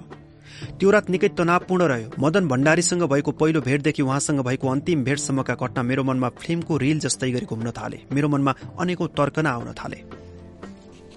पाँचौं महाधिवेशनबाट जनताको बहुदलीय जनवादको कार्यक्रम पारित भएको र पार्टीको महासचिवमा मदन भण्डारी निर्वाचित भएकाले उहाँको राष्ट्रिय छवि निकै माथि पुगेको थियो। अन्तर्राष्ट्रिय स्तरमा उहाँको विषयमा चर्चा हुन थालेको थियो। त्यसवखत काठमाडौँ स्थित अमेरिकी राजदूत जुलिया च्याङ ब्लकले अमेरिका भ्रमणका लागि निकै प्रयत्न गरेकी थिइन्। उनले म विशेष कार्यक्रम बनाउँछु। तपाईँको एकजना सहयोगी लिएर अमेरिका भ्रमण जाउँ भनेर धेरै पटक आग्रह गर्दा मदन भण्डारीले म नेपाली जनताको सेवामा लागेको छु भनेर टार्नुभयो। चीनको कम्युनिष्ट पार्टीले मदन भण्डारीको नेतृत्वमा नेपाल कम्युनिष्ट पार्टी एमालेको प्रतिनिधि मण्डललाई चीन भ्रमणका लागि निमन्त्रणा गरेको थियो। मदन भण्डारीको नेतृत्वमा माधव नेपाल लगायत दसजना साथी चीन भ्रमणमा जानुभएको थियो। त्यसबेला उत्तर कोरियाले चीन भ्रमण लगत्तै उत्तर कोरिया भ्रमणका लागि आग्रह गरेको थियो। मदन भण्डारीले बुद्धिजीवीहरूसँग सल्लाह गर्दा उहाँहरूले चीनको भ्रमण लगत्तै उत्तर कोरियाको भ्रमण नगर्नुहोस्। यसले चीन भ्रमणको महत्वलाई कम पार्छ। बरु उत्तर कोरिया अर्को पटक जानु राम्रो हुन्छ भनेर सल्लाह दिएछन्।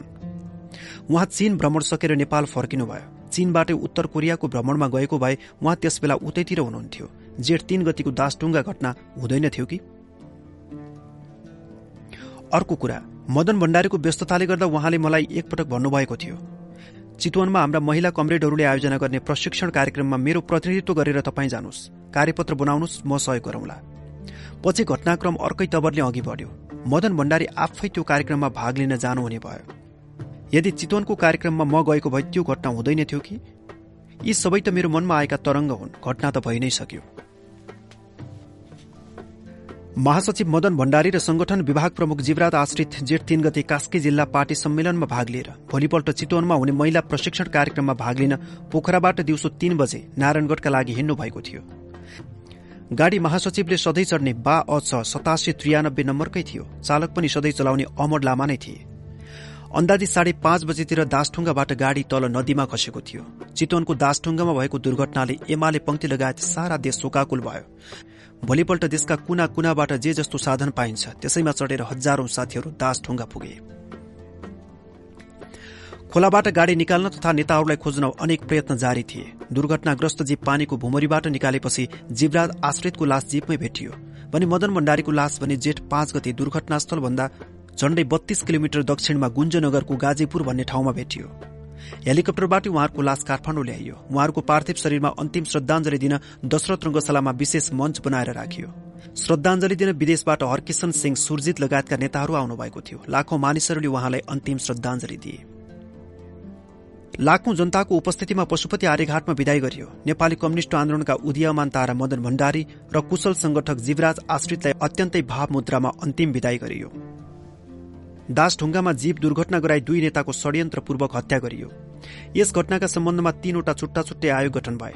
सरकारले दुर्घटनाकै भोलिपल्ट सर्वोच्च अदालतका पूर्व न्यायाधीश प्रचण्डराज अनिलको एक सदस्यीय आयोग गठन गर्यो। पार्टीका तर्फबाट पार्टीका स्थायी समिति सदस्य केपी ओलीको अध्यक्षतामा छानबिन आयोग गठन भयो। त्यस्तै पद्मरत्न तुलाधरको अध्यक्षतामा अर्को जनस्तरीय आयोग गठन भयो। तीनवटै आयोगले छानबिनको काम अघि बढाउने क्रममा सरकारी सूचना र संयन्त्रको प्रयोग गर्न पाएनन्। अनिल आयोगले वास्तविकलाई विस्तृत रूपमा खोजी गर्नेतर्फ नलागी। चालक अमर लामाले लापरवाही गरी उक्त जीव दुर्घटनाग्रस्त भई खोलामा खसेको र मदन भण्डारी तथा जीवराज आश्रितको दुःखद निधन भएको निष्कर्ष निकालेको थियो। दुर्घटनाको अवस्था र प्राप्तिको स्थिति हेर्दा जनताले सामान्य दुर्घटना हो भनेर स्वीकार गर्न सक्ने स्थिति नै थिएन। त्यसैले जनताले यो आयोगको भनाई पत्याएनन्। डाक्टरहरूद्वारा भएको सब पुनः परीक्षणको निष्कर्ष। चालक अमर लामाको विसंगति र विरोधावास पूर्ण बनाए। घटनास्थलमा देखा परेका भूस र बालुवाको थुप्राका रहस्यमय संकेतहरू गाड़ीको प्राविधिक जाँचको परिणाम मनोवैज्ञानिकहरूको राय दुर्घटनालाई नजिकबाट देख्नेहरूको भनाई र सरकारको उदासीनता तथा लापरवाही जस्ता पक्षले दुर्घटनालाई अझै रहस्यमय र जटिल बनाएका थिए। पार्टीले अनिल आयोगले पेश गरेको निष्कर्षलाई स्वीकार गरेन। ओली आयोगले षड्यन्त्रलाई नंग्याएर अपराधीलाई कटखरामा उभ्याउने दिशामा सरकारी संयन्त्र पूर्ण रूपमा उदासीन तथा निष्क्रिय रहेको र यसबाट सरकारको काम कारवाही तथा प्रवृत्तिलाई ठाकछोप र बढ़ावा दिने खालको देखिएको ठहर गरेको थियो। पार्टीले ओली आयोगको प्रतिवेदनलाई स्वीकार गरी उक्त हत्याकाण्डको थप अनुसन्धानका निम्ति सर्वोच्च अदालतका बहालवाला न्यायाधीशको अध्यक्षतामा सर्वपक्षीय आयोग गठन गर्ने माग गर्यो। जनस्तरमा गठित तुलाधर आयोगले पनि दुर्घटना सामान्य नभएर षड्यन्त्रपूर्ण हत्याकाण्ड भएको निष्कर्ष निकालेको थियो। सरकारले पार्टी र जनस्तरबाट गठित आएको निष्कर्षलाई व्यवस्था मात्र गरेन। सर्वाङ्गीण अनुसन्धानका लागि सर्वोच्च अदालतका बहालवाला न्यायाधीशको अध्यक्षतामा सर्वपक्षीय आयोग गठन गर्ने पार्टीको माग समेत अस्वीकार गरेपछि पार्टीले आन्दोलन शुरू गर्यो। आन्दोलनले सरकारले दमन गर्यो। धेरै दबावपछि सर्वोच्च अदालतका तत्कालीन न्यायाधीश त्रिलोक प्रताप राणाको अध्यक्षतामा हाम्रो पार्टीका एक र कांग्रेसका तर्फबाट एक गरी तीन सदस्यीय न्यायिक जाँच आयोग गठन भयो। उक्त आयोगले पनि दासढुङ्गाको रहस्यमय ढंगले हत्या गरिएको पक्षलाई सकेसम्म पङ्छ्याउने गरी निष्कर्ष निकाल्यो। अमर लामाले पुनरावेदन अदालतमा पुनरावेदन पत्र चढाएकाले त्यो कुरा अदालतको विचाराधीन रहेको। लापरवाही तवरले मोटर चलाएर निधन भएको हो वा होइन भने जाँचबुझको निष्कर्ष निकाल्ने आएको काम कर्तव्य र अधिकार क्षेत्रभित्र नपरेको उल्लेख गर्दै कुनै सुनियोजित षड्यन्त्र रहेको भन्ने कुरा हालसम्मको अनुसन्धानबाट प्रमाणित हुन नआएको भन्दै थप खोज र अनुसन्धानको आधार रहेको निष्कर्ष निकाल्यो। हाम्रो नौ महिने सरकारका बेला केपी ओली गृहमन्त्री हुँदा पुनः अनुसन्धान गर्ने एउटा सेल बनाएको छु भन्नुहुन्थ्यो। त्यसले के काम गर्यो? अझै प्रकाशमा आउन सकेको छैन। उक्त रहस्यमय हत्याकाण्डको एकमात्र जीवित साक्षी ड्राइभर अमर लामाको पनि रहस्यमय तरिकाले हत्या भएको छ। वास्तवमा मदन भण्डारी र जीवराज आश्रितको हत्या अझै रहस्यमय बनेको छ। दासढुङ्गा हत्याकाण्ड गम्भीर प्रकृतिको राजनैतिक हत्याकाण्ड हो। सन् उन्नाइस सय त्रिसठीमा अमेरिकी राष्ट्रपति जोन एफ केनेडीको हत्याको कारण अझै प्रकाशमा आउन सकेको छैन। यसै प्रकारले मदन भण्डारी र जीवराज आश्रितको हत्याको रहस्य अझै भविष्यको गर्भमै लुकेको छ। यो एउटा सुनियोजित षड्यन्त्र एक दिन निश्चय नै खुल्नेछ भन्ने हामीले आशा लिएका छौं। मेरो जीवनमा ज्यादै दुखित पार्ने एउटा घटना मदन भण्डारीको हत्या थियो। धेरै समयपछि नेपालको कम्युनिष्ट आन्दोलनले एउटा होनहार नेता जन्माएको थियो। पाँचौं महाधिवेशनपछि मदन भण्डारी नेपालको सबैभन्दा ठूलो कम्युनिष्ट पार्टीको नेताका रूपमा स्थापित हुनुभएको थियो। भूमिगत जीवनबाट खुल्ला भएको तीन चार वर्षकै छोटो अवधिमा देशभित्र र बाहिर उहाँको प्रतिष्ठा निकै बढेको थियो। उहाँमा भाषण गर्ने कला अत्यन्तै राम्रो थियो। मानिसहरू भाषण गर्नु त मदन भण्डारीको जस्तो भन्थे। उहाँको भाषण सुन्न टाढा टाढाबाट मानिसहरू आउँथे। उहाँको कलम पनि त्यस्तै प्रखर थियो। एकपटक राष्ट्रिय सभाका सांसद कांग्रेसका नेता बासु रिसाललाई प्रतिनिधि सभामा भेट्दा मैले दाई कथा भनेर सोधेको थिएँ। उहाँ मदन भण्डारीको भाषण सुन्न आएको भन्नुहुन्थ्यो। उमेरका हिसाबले मदन भण्डारी अरू बीस तीस वर्ष सहजै काम गर्न सक्नुहुन्थ्यो। भविष्यमा के हुन्थ्यो भन्न सकिन्न। तैपनि मदन भण्डारी बाँचेको भए नेकपा एमाले र नेपालको वामपन्थी आन्दोलनले एउटा उचाइ लिन सक्थ्यो। नेपालको वाम आन्दोलनले एउटा जाजल्यमान नक्षत्र गुमायो। यो नेपालको कम्युनिष्ट आन्दोलन र देशका लागि अपूरणीय क्षति थियो।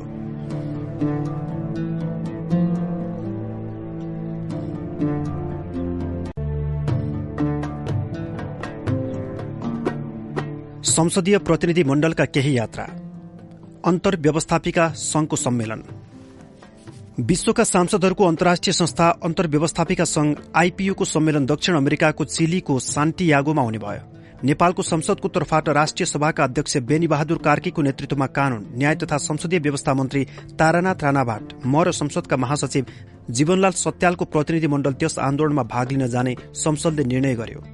दुई हजार छयालिसको जनआन्दोलनपछि स्थापना भएको संसदले पहिलो पटक त्यस्तो बैठकमा भाग लिन लागिरहेको थियो।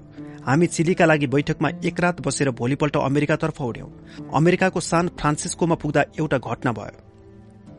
संसदका महासचिव जीवनलाल सत्यालसँग धेरै पटक विदेश गइसकेको अनुभव थियो तर हामी सांसदका रूपमा पहिलो पटक गएका थियौं। टिकट लगायत सबै व्यवस्था जीवनलालजीले गरेका थिए। उनी यस्तो गर्नुपर्छ उस्तो गर्नुपर्छ भनेर हामीलाई सिकाउने गर्थे। सान फ्रान्सिस्कोमा एक दिन बस्ने र भोलिपल्ट चिलीको सान्टियागो जाने टिकट थियो। हामीले सान फ्रान्सिस्को एक सामान्य होटलमा बस्ने व्यवस्था मिलाइएको रहेछ। जीवनलालजी त्यो होटल हो कि होइन भने होटलको छेउमा ट्याक्सीबाट ओर्लेर फुटपाथमा ब्रिफकेस राखी होटलमा पस्नुभयो। हामी भने आफ्नै सुरले झोला लिएर होटलमा पस्यौं। होटल त्यही रहेछ।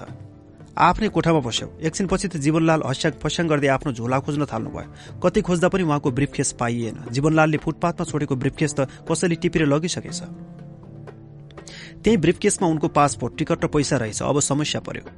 त्यहाँ नेपालका अवैतनिक वाणिज्य दूत रहेछन्। उनलाई बोलायौं। प्रहरीलाई भन्यौं धेरै प्रयत्न गर्दा पनि झोला भेटिएन।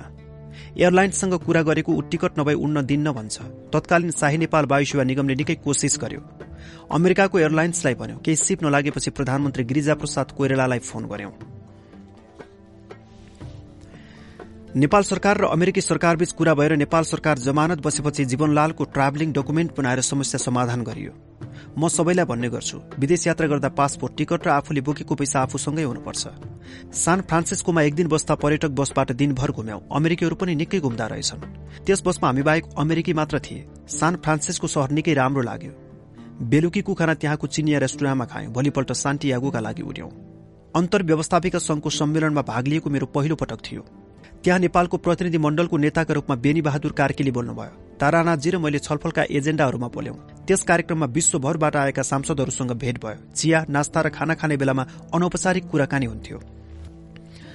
अन्तर्व्यवस्थापिकाको सम्मेलनमा प्राय अनुभवी सांसदहरू नै आउँदा रहेछन्। मैले बेलायत र फ्रान्सका सांसदहरूसँग कुरा गर्दा उनीहरूले दस बाह्र वर्षदेखि यो सम्मेलनमा लगातार भाग लिँदै आएका रहेछन्। त्यहाँ भेट हुने सांसदहरूसँगको अन्तर्संवादमा धेरै फाइदा हुँदो रहेछ। त्यहाँका सांसद मार्फत सरकारलाई प्रभाव पार्न सकिँदो रहेछ। विभिन्न देशहरूसँगको सम्बन्ध बलियो पार्न सकिने रहेछ। अन्तर्व्यवस्थापिका संघको सम्मेलनले दूरगामी महत्व राख्दो रहेछ। प्रधानमन्त्री हुनुअघि अटल बिहारी वाजपेयीले भारतका तर्फबाट धेरै पटक अन्तर्व्यवस्थापिकामा प्रतिनिधित्व गर्नुभएको रहेछ।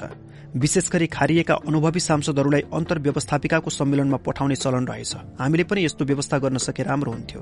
भारत र पाकिस्तानका प्रतिनिधि मण्डलले हामीलाई निकै आत्मीय व्यवहार गरे।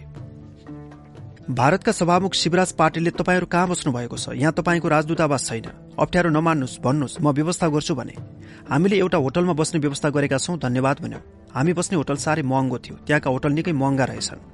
हामी नेपाली प्रतिनिधिहरूलाई सरकारले दिएको पैसाले नपुग्ने जेनतेन गुजारा गर्नुपर्ने अवस्था थियो तर भारतीय सांसदहरू राम्रो होटलमा नबस्ने र खानामा पनि किफायत गरी पैसा बचाउने गर्दा रहेछन्। यसले गर्दा भारत सरकारले आफ्नो प्रतिष्ठामा आँच आउनेदेखि अन्तर्व्यवस्थापिका संघको सम्मेलन जस्ता अन्तर्राष्ट्रिय सम्मेलनमा भाग लिन विदेश जाने भारतका सांसदहरूलाई त्यहाँ स्थित राजदूतावास मार्फत मर्यादा अनुरूप आफ्नो होटलमा बस्ने व्यवस्था मिलाउँदो रहेछ।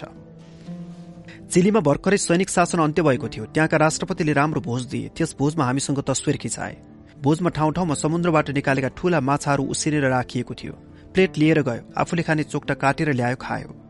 अन्तर्व्यवस्थापिकाको सम्मेलन सकिएपछि हामी चिलीको सान्टियागो घुम्यौं। प्रतिष्ठित साहित्यकार अर्नेस्ट हमिङवेको निवास हेर्यौं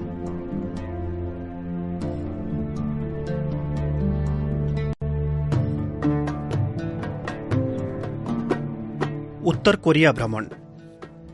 चिलीबाट उत्तर कोरिया जानका लागि हामी हङकङ आयौं। त्यहाँ बेनी बहादुरजीका श्रीमती र छोरा पनि आएका रहेछन्। हङकङबाट बेजिङ गयौं। यो मेरो पहिलो चीन यात्रा थियो। बेजिङमा हामी एउटा होटलमा बस्यौं। त्यहाँ राजदूतावासका कर्मचारीहरूले राम्रो स्वागत सत्कार गरे। भोलिपल्ट विश्वका सात आश्चर्य मध्येको चीनको ग्रेट वाल हेर्न गइयो। मध्यकालका सात आश्चर्य मध्ये चीनको विशाल पर्खाल ग्रेट वाल एक हो।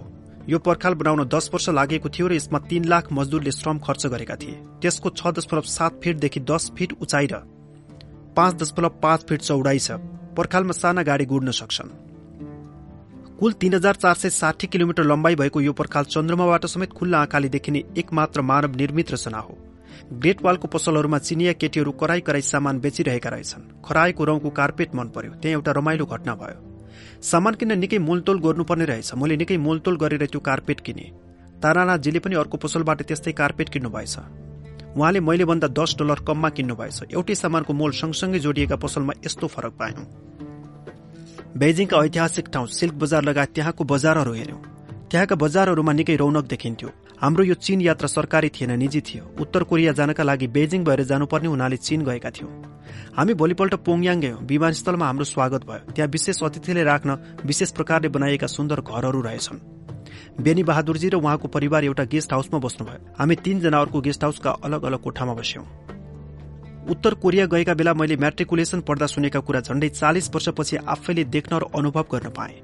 साथै मैले कोरियाली जनताको बारेमा जान्ने र किम इल सुङलाई भेट्ने अवसर पाएँ। म्याट्रिकुलेसन पढ्दाको समयमा मैले सुनेको पानमुन जुन हेर्न पाएँ। कोरियाली युद्ध सन् उन्नाइस सय पचासदेखि त्रिपन्नसम्मको अन्त गर्ने शान्ति सम्झौतामा हस्ताक्षर भएको कोठा हेरे। दूरबीनबाट हेर्दा दक्षिणतर्फ अमेरिकी सेना देखिन्थ्यो। दक्षिण कोरियातर्फ पूर्व पश्चिम पर्खाल लगाएको देखिँदो रहेछ। मलाई त्यस्तो दृश्य देख्दा अमेरिकाले साह्रै अन्याय गरेको रहेछ भन्ने लाग्यो। वास्तवमा यो कोरियाली विभाजनको विडम्बना हो भन्ने लाग्यो। त्यहाँका केही कल कारखाना र उद्योग हेर्यौं कृषि मेरो रुचिको विषय हुनाले कोरियाली कृषि प्रणाली हेर्यौं गाउँका किसानहरूको बारेमा बुझ्ने अवसर पायौं। उत्तर कोरियाले निर्माण गरेको पश्चिमी समुद्रको बाँध हेर्दा आश्चर्य लाग्यो। कोरियाली जनताले अभूतपूर्व काम गरेका रहेछन्। दुई प्रान्तलाई जोड्ने तोङयोङ नदीको बाढी र समुद्रको छालबाट कृषकहरूलाई जोगाउने समुद्रको नुनिलो पानी रोक्ने सिंचाई जल यातायात र अन्य उत्पादन कार्यलाई सहयोग पुर्याउने यो बहुद्देश्य कार्य साँच्चीकै महत्वपूर्ण थियो। आत्मनिर्भरता र उत्साहको क्रान्तिकारी भावनाबाट कोरियाली जनताले बनाएको पश्चिमी समुद्री बाँध एक ठूलो निर्माण कार्य रहेछ। मैले उत्तर कोरियामा ढुङ्गाबाट कपडा निकालिन्छ अरे भन्ने कुरा सुनेको थिएँ। त्यहाँ प्रत्यक्ष रूपमा त्यो हेर्ने मौका मिल्यो। ढुङ्गाको धुलोबाट भुवा निकालिँदो रहेछ र त्यसबाट कपडा बन्दो रहेछ। एउटा प्यान्टको कपडा किनेर ल्याएँ। काठमाडौँ फर्केपछि सिलाएर प्यान्ट पनि लगाएँ। सबैभन्दा महत्वपूर्ण कुरा कोरियाली जनताले जापानी साम्राज्यवादसँग लडेका वीरताका गाथा सुन्न पायौं। अमेरिकी साम्राज्यवादसँग लडेका जीवन्त कथाहरू सुन्न पायौं। ती युद्धमा वीरतापूर्वक लड्ने वीरहरूको सम्झनामा कोरियाली जनताले निर्माण गरेका स्मारकहरू हेर्यौं कोरियाली जनताले सेट ठाडो गरेर लडे। जापानी साम्राज्यवादलाई परास्त गरे। अमेरिकी अत्याचारीहरूलाई उत्तरतर्फबाट धपाए। आफ्नो मातृभूमिको सार्वभौमिकताको रक्षा गरे। विश्वका सबै स्वतन्त्र प्रेमी जनताले कोरियाली जनताको महान संघर्षको स्मरण गर्छन्। दुनियाँको जुनसुकै भागमा पनि आफ्नो स्वतन्त्रता र मुक्तिका लागि संघर्ष गर्ने जनताले यसबाट सधैँ प्रेरणा पाइरहनेछन्। एक दिन हामी होटलमा बसिरहेका थियौं। हामीलाई खबर आयो तपाईँहरूको कमरेड किम इल सुङलाई भेट्ने समय मिलेको छ। किम इल सुङलाई भेट्नका लागि हामी रेल चढेर गयौं। त्यहाँको रेल व्यवस्थित र सुविधाजनक रहेछ। किम इल सुङले हामीलाई बहुतै हार्दिकतापूर्वक स्वागत गर्नुभयो। उहाँ भर्खरै चीन भ्रमणबाट फर्किनु भएको रहेछ। उहाँ प्राय हवाईजहाज नचढी रेलबाट हिँड्नुहुँदो रहेछ। यो भ्रमणबाट म थाकेको छु अलि आराम गरिरहेको छु। अहिले पहिलो पटक तपाईँहरूलाई भेटिरहेको छु भन्दै उहाँले चीन भ्रमणका कुरा सुनाउनु भयो। उहाँ चीनमा समाजवादी बजार अर्थतन्त्रको कस्तो प्रयोग भएको रहेछ त्यो बुझ्नु मलाई मन थियो। कोरियामा देखिएका आर्थिक समस्याहरूको समाधान गरी अझै उन्नतशील बनाउनेतर्फ सोचिरहेको छु भन्नुहुन्थ्यो। समाजवादी अर्थतन्त्रलाई अघि बढाउन रचनात्मक ढंगले अघि बढ्नु आवश्यक छ भन्ने उहाँको सोच रहेको मैले पाएँ। यसै प्रसंगमा उहाँले भन्नुभयो हामीले सोभियत संघ र पूर्वी युरोपका देशहरूले बनाएको आर्थिक गठबन्धन कोमिकुनको सदस्य बन्ने निकै दबाव दिएका थिए। हामीले मानेनौं। हामीले स्वतन्त्र रूपमा समाजवादी देशहरूसँग आर्थिक सम्बन्ध राख्छौं भनेर उनीहरूको प्रस्तावलाई अस्वीकार गर्यौं। हेर्नुहोस् हाम्रो निर्णय कति ठिक रहेछ। आज पूर्वी युरोप र रूसमा समाजवाद भत्केको छ। हाम्रो पनि त्यही दुर्गति हुने थियो तर हामी जोगियौं किम इलसुङमा कठमुल्लापन थिएन। उहाँ सृजनशील नेता हुनुहुन्थ्यो। नेपालमा आएको राजनैतिक परिवर्तनबारे उहाँले निकै चासो लिए कुरा गर्नुभयो। नेपालमा राजनैतिक परिवर्तन र संसदीय निर्वाचन भई सरकार स्थापना भएकोमा उहाँले हामीलाई बधाई दिनुभयो। उहाँले हामी नेपालको उन्नति प्रगति भएको हेर्न चाहन्छौ। हामी एसियाली हौ। एक आपसमा सहयोग बढाउनुपर्छ। कतिपय कुरा हामीले तपाईँहरूबाट सिक्न चाहन्छौ भने कति कुरा हामीबाट तपाईँहरूले सिक्नुपर्छ। तपाईँ हामी दाजुभाइ हौ। नेपालबाट आउनुभएको छ। अनुकूलता मिल्छ भने आज सँगै खाना खाउँ भन्नुभयो। औपचारिक भेट सकेर हामी छेउको ठूलो कोठामा दिउँसोको खानाका लागि गयौं। दिवा भोजमा उहाँले भन्नुभयो मैले सुने तपाईँहरूको यो संसदीय प्रतिनिधि मण्डलमा एकजना कम्युनिष्ट पनि हुनुहुन्छ अरे मलाई चिनाउनुहोस् न। मैले महु भनेर आफ्नो र पार्टीको नाम बताए। उहाँले हाम्रो पार्टीको सफलताको कामना गर्नुभयो। सबै पार्टीहरू स्वतन्त्र छन्। नेपालको भाग्यको फैसला गर्ने अधिकार नेपाली जनताको हो। मुख्य कुरा जनताको सेवा गर्ने हो। यसमा मेरो शुभकामना छ उहाँले भन्नुभयो। दिवाभोजमा राष्ट्रपति कि मिल सुङले टोस्ट प्रस्ताव गर्नुभयो। त्यहाँ पानी रक्सी जुस आदि भरिएका ग्लासहरू राखिएको थियो। मैले पानीको ग्लास उठाएँ। मतिर हेर्दै किम इल सुङले तपाईँ किन पानी लिनुभएको भनेर सोध्नुभयो। मैले आफूले रक्सी नखाने कुरा बताएँ। उहाँले यो अरू रक्सी जस्तो होइन। यो त जेन्सन हब्सबाट बनेको हो। यसले शरीरलाई फाइदा गर्छ भन्नुभयो। जेन्सन हब्सको खेती कोरियाभरि गरिँदो रहेछ। त्यसमा विभिन्न खाद्य एवं पेय पदार्थहरू बन्द रहेछन्।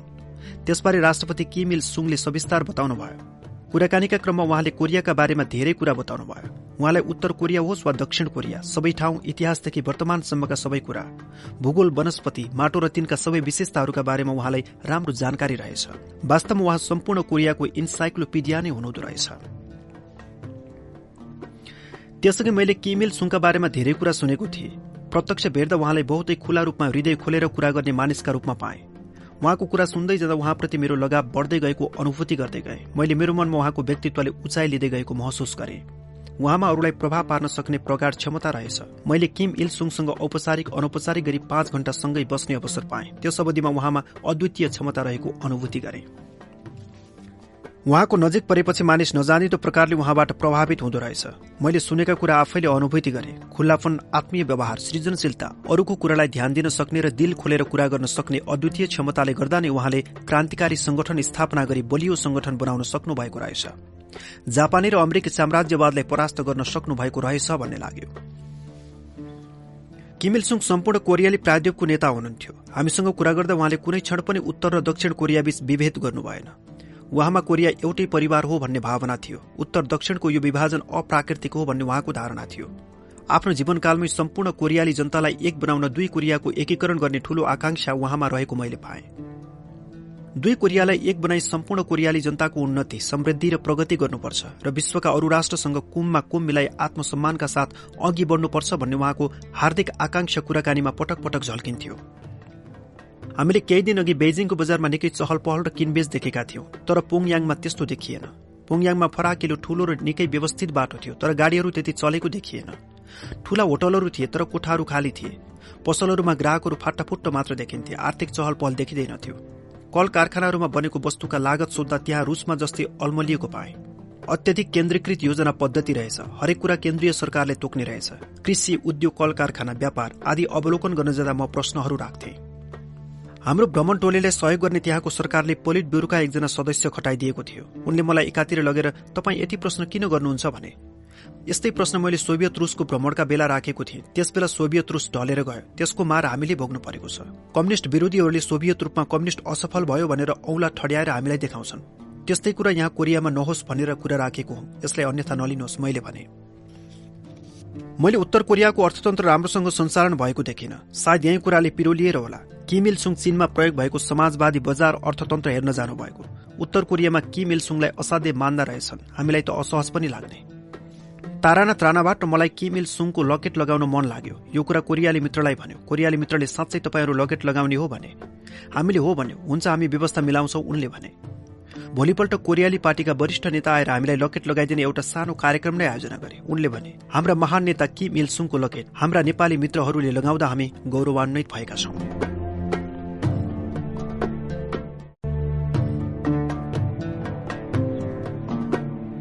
भारत यात्रा। भारतको संसदले सभामुखको नेतृत्वमा एउटा संसदीय प्रतिनिधि मण्डललाई भ्रमणको निम्ता पठाएको थियो। अन्तर व्यवस्थापिका संघको बैठकका क्रममा चिली र उत्तर कोरियाको भ्रमण सकेर भर्खरै फर्केको हुँदा मलाई विदेश भ्रमणमा तत्काल जाने इच्छा थिएन। सभामुख दमननाथ ढुङ्गानाले भारत भ्रमण गर्ने संसदीय प्रतिनिधि मण्डलमा तपाईँ जानुपर्छ भन्नुभयो। मैले भएको म जान्न अरू साथीहरूलाई लिएर जानुहोस् भने तर उहाँले धेरै ढिपी गर्नुभयो। अन्त्यमा हुन्छ भन्नुपर्ने अवस्था आइपर्यो। दमनजेली ढिपी गर्नुको कारण के थियो भने सभामुखका रूपमा भारत जाँदा संसदमा प्रतिनिधित्व गर्ने पार्टीका वरिष्ठ नेतालाई लिएर आएको छु। यी पार्टीको मलाई समर्थन छ भन्ने जनाउन र मुख्य प्रतिनिधि मण्डलको ओजन बढाउन हो जस्तो लाग्छ। त्यस संसदीय प्रतिनिधि मण्डलमा हाम्रो पार्टीका तर्फबाट म र सीपी मैनाले थियौं। अरू पार्टीबाट पनि वरिष्ठ नेताहरू हुनुहुन्थ्यो। हामी भारतको दिल्ली विमानस्थलमा पुग्दा स्वागतका लागि भारतका सभामुख शिवराज पाटिल आफै आउनु भएको थियो। दिल्लीमा मानिसहरू भन्थे। भारतीय सभामुखले परम्परालाई तोडेर नेपालमा स्थापित नयाँ संसदप्रति विशेष स्नेह देखाउन यस्तो गर्नुभएको हो। हामीले भारतको चलिरहेको संसद अवलोकन गर्यौं। हामीले संसदको विशेष कक्षमा राखियो। आसन ग्रहण गर्दा भारतीय संसदहरूले टेबुल थपथपाएर स्वागत गरे। हामीले भारतीय राष्ट्रपति लगायत धेरै नेतालाई भेट्यौं तर भारतीय प्रधानमन्त्रीलाई भेट्ने अनुकूलता मिलेन। महाराष्ट्र तमिलनाडु उत्तर प्रदेश लगायत भारतका विभिन्न देशको भ्रमण गर्यो। हाम्रो यात्रा सद्भावना भ्रमण भएकाले दुई संसदबीच राम्रो सम्बन्ध कायम गरियो। भारतीय सभामुख शिवराज पाटिल अत्यन्तै संवेदनशील व्यक्ति हुनुहुँदो रहेछ। उहाँले हाम्रो बसाई घुम्ने ठाउँ आदिको राम्रो प्रबन्ध गरिदिनु भएको थियो। संसदीय प्रतिनिधि मण्डलमा समावेश भई भारत भ्रमणमा जाँदा ज्यादै राम्रो भयो। तर यो भ्रमणमा समावेश हुँदा अर्को एउटा महत्वपूर्ण मौका गुमाउनु पर्यो। हामी भारत भ्रमणमै रहेका बेला भारत कम्युनिष्ट पार्टी मार्क्सवादीले आजको मार्क्सवादका समस्याहरू विषयमा विश्वका कम्युनिष्ट पार्टीहरूको सम्मेलन कोलकातामा आयोजना गरेको थियो। त्यस कार्यक्रममा हाम्रो पार्टीलाई निम्तो आएको थियो। त्यस कार्यक्रममा महासचिव मदन भण्डारीको नेतृत्वमा माधव नेपाल सीपी मैनाली र म भाग लिन जाने कुरा तय भएको थियो। सम्मेलनमा आफ्नो पार्टीका तर्फबाट विचार राख्ने कार्यक्रम थियो। हाम्रो पार्टीले भर्खरै जनताको बहुदलीय जनवादको कार्यक्रम पारित गरेकाले विश्वका कम्युनिष्टको सम्मेलनमा यसलाई प्रस्तुत गर्ने राम्रो मौका थियो। संसदीय प्रतिनिधि मण्डलको कार्यक्रममा जानुपर्ने भएकाले म जान सकिन। सीपी मैनाली भने संसदीय प्रतिनिधि मण्डलको कार्यक्रमलाई बीचमै छोडेर जानुभयो र कोलकाताको कार्यक्रम सकि फेरि प्रतिनिधि मण्डलमा सामेल हुन आउनुभयो। मलाई त्यसो गर्न मन लागेन। अन्तर्राष्ट्रिय कम्युनिष्ट सम्मेलनमा भाग लिने मौका गुम्यो।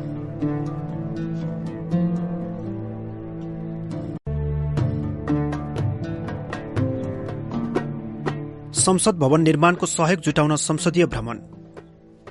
न्याय कानून तथा संसदीय व्यवस्था मन्त्री महेश्वर प्रसाद सिंहको नेतृत्वमा कांग्रेसका प्रमुख सचेतक तारणी दत्त चटौत र नेकपा एमाले संसदीय दलको सचिवका रूपमा म समावेश भएको एउटा संसदीय प्रतिनिधि मण्डल विदेश भ्रमणमा जाने भयो।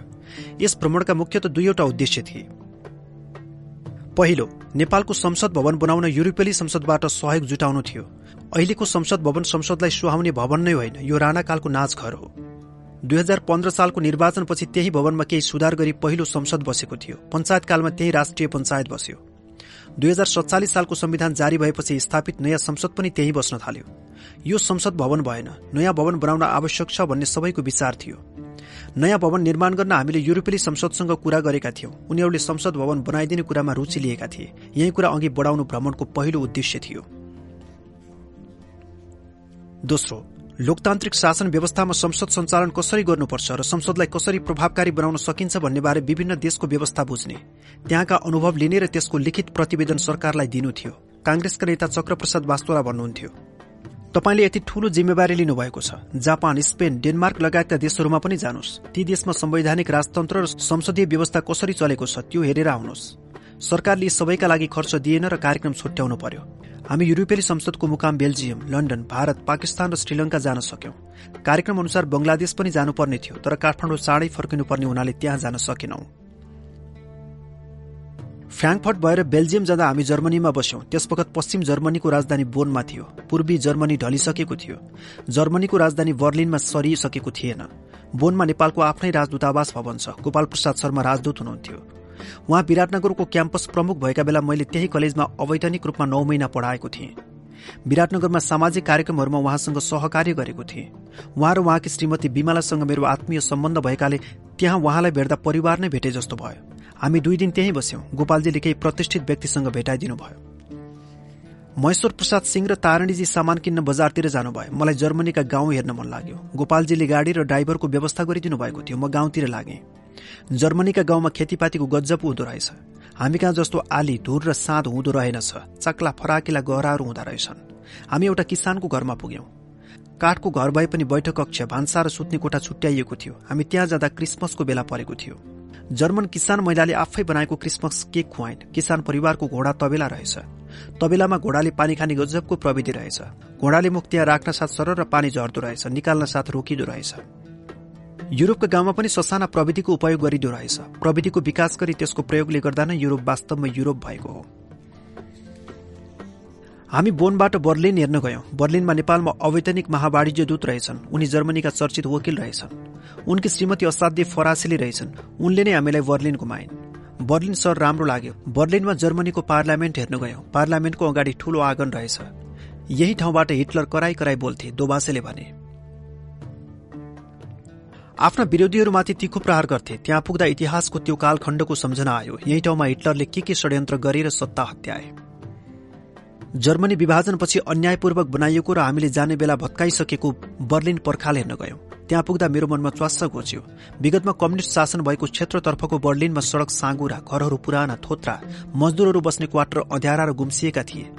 पश्चिम बर्लिनमा सड़कहरू फराकिला घरहरू ठूला र चम्किला थिए। पूर्वी जर्मनीका कम्युनिष्टहरूले कस्तो शासन सञ्चालन गरेका रहेछन्? जनता वाक्क भएर शासकको विरोधमा ओर्लिए। वास्तवमा पूर्वी युरोपका कम्युनिष्ट पार्टीहरूले गलत काम गरेकोले आफूहरू त डुबी डुबे कम्युनिजमको सिद्धान्तलाई समेत अपमानित गरे। जर्मनीमा भएको एउटा भोजको पनि चर्चा गरौं। हाम्रो सम्मानमा रात्रिभोज आयोजना भएको थियो। भोजमा जर्मन संसदका सदस्य र प्रतिष्ठित व्यक्तिहरू उपस्थित भएका थिए। त्यहाँ राम्रो कुराकानी भइरहेको थियो। म नेपाल कम्युनिष्ट पार्टी एमालेको सांसद हुँ। हाम्रो कम्युनिष्ट पार्टीको नीति यो छ भनी मैले बोलिरहेको थिएँ। बोल्ने क्रममा मैले तीन चार पटक कम्युनिष्ट पार्टीको नाम लिएँ। मेरो छेउमा रहेका जर्मनीका एक वृद्ध सांसदले भने धेरै कम्युनिष्ट कम्युनिष्ट नभन यहाँ यो नाम मन पराउँदैनन्। अनि मैले भने तपाईँ कहाँ कम्युनिष्ट नाम मन पराउँदैनन् होला तर मेरो नेपालमा कम्युनिष्ट पार्टी लोकप्रिय छ। हालैको चुनावमा यसले शानदार विजय हासिल गरेको छ। यसैका यात्राका क्रममा कतिले मलाई तिमीहरूको विचार राम्रो छ तर पार्टीको नाम ठिक भएन नाम फेर भनेका थिए। म जवाब दिन्थे तपाईँ आफ्नो नाम फेर्न तयार हुनुहुन्छ? पूर्वी युरोपमा त्यसबेला कम्युनिष्ट सरकारहरूले यति धेरै नराम्रा काम गरेका रहेछन्। उनीहरूले कम्युनिष्ट पार्टीको नाम नै बदनाम गराएका रहेछन्। बेल्जियममा दुर्गेशमान सिंह नेपाली राजदूत हुनुहुन्थ्यो। उहाँ सक्षम राजदूत हुनुहुँदो रहेछ। बेल्जियम युरोपेली संसदको मुकाम भएकोले युरोपको केन्द्र बन्दै गएको छ। त्यसैले यहाँ विश्वका प्राय ठूला देशका दूतावास रहेछन्। हाम्रो सम्मानमा दुर्गेशमान सिंहले राजदूतावासमा भोज दिनुभयो। प्राय सबै देशका राजदूत र अन्तर्राष्ट्रिय संघ संगठनका प्रतिनिधिहरू आएका थिए। हाम्रा राजदूतको अन्य देशका राजदूत अन्तर्राष्ट्रिय संघ संस्थाका प्रतिनिधि र युरोपेली संघका संसदसँग राम्रो सम्बन्ध रहेछ। युरोपेली संघका अध्यक्षसँग भेट्ने कार्यक्रम तय भयो। हामीले स्वागत गर्नु उहाँ आफै गेटमा आउनुभएको थियो। संसद चलिरहेको थियो। हामीलाई विशिष्ट दर्शक दीर्घामा बसालियो। नेपालको संसदबाट फलाना फलाना आउनुभएको छ भनेर अध्यक्षले घोषणा गर्दा संसदका सदस्यहरूले टेबुल थपथपाएर स्वागत गरे। युरोपेली संघको संसद अवलोकन गर्दा एउटा कुराले मलाई निकै प्रभावित पार्यो। एकजना सांसदले बोल्नका लागि हात उठाए। अध्यक्षले चार मिनटको समयसीमा सहित बोल्न अनुमति दिए। ती सांसदले युरोपेली संघका देशहरूमा व्याप्त बेरोजगारीका सम्बन्धमा ज्यादै राम्रो प्रस्तुति गरे। यसबाट म निकै प्रभावित भए। राम्रो तयारी गर्दा चार मिनटमा पनि धेरै कुरा भन्न सकिने रहेछ भन्ने लाग्यो। हामीलाई अध्यक्षले भेट्न दिएको समयभन्दा एक सेकेन्ड पनि ढिला नगरी हुने आए। त्यहाँ समयलाई निकै महत्व दिने चलन रहेछ। हामीले नेपालमा बन्ने नयाँ संसद भवनको नक्सा देखायौं। उहाँले युरोपेली संसदका तर्फबाट नेपालका लागि संसद भवन बनाउँछौ। योङ पार्लियामेन्टलाई हाम्रो उपहार हो यो। सांसद बस्ने आवास गृह भने तपाईँहरूले आफै बनाउनुहोस् भन्नुभयो। यसरी कुरा टुङ्गो लागेको थियो तर नेपालको राजनैतिक अस्थिरताले यस्तो महत्वपूर्ण काम पूरा हुन सकेन। बेल्जियम बस्दा हामी त्यहाँको चर्चित ठाउँ वाटर लु हेर्न गयौं। त्यो ठूलो मैदान रहेछ। त्यसै ठाउँको युद्धमा नेपोलियन बोनापाटले हारेका हुन्। कसैको कुनै ठाउँमा वा कुनै कारणले पराजय हुँदा अंग्रेजी भाषामा वाटर लु भन्ने चलन छ। त्यसपछि हामी लन्डन गयौं। संसद सञ्चालन सम्बन्धी अध्ययन अवलोकनमा संसदका पदाधिकारीहरूले धेरै सहयोग गरे। जनप्रतिनिधि संस्था सञ्चालनबारे पाकिस्तान श्रीलंका मालदिप्स लगायतका देशहरूको अवलोकन गर्यौं। पाकिस्तानका सभामुखले हाम्रो ठूलो स्वागत गर्नुभयो। न्याय तथा कानून मन्त्रीले दिवा बोझ दिनुभयो। हामीले भ्रमण गरेका देशहरूको संसद सञ्चालन सम्बन्धी अध्ययन प्रतिवेदन सरकारलाई बुझायौं। अध्ययन प्रतिवेदन तयार गर्न लगाउने र त्यसलाई कार्यान्वयन नगर्ने हाम्रो परम्पराका कारण प्रतिवेदन कुन कोठामा थन्किएको होला।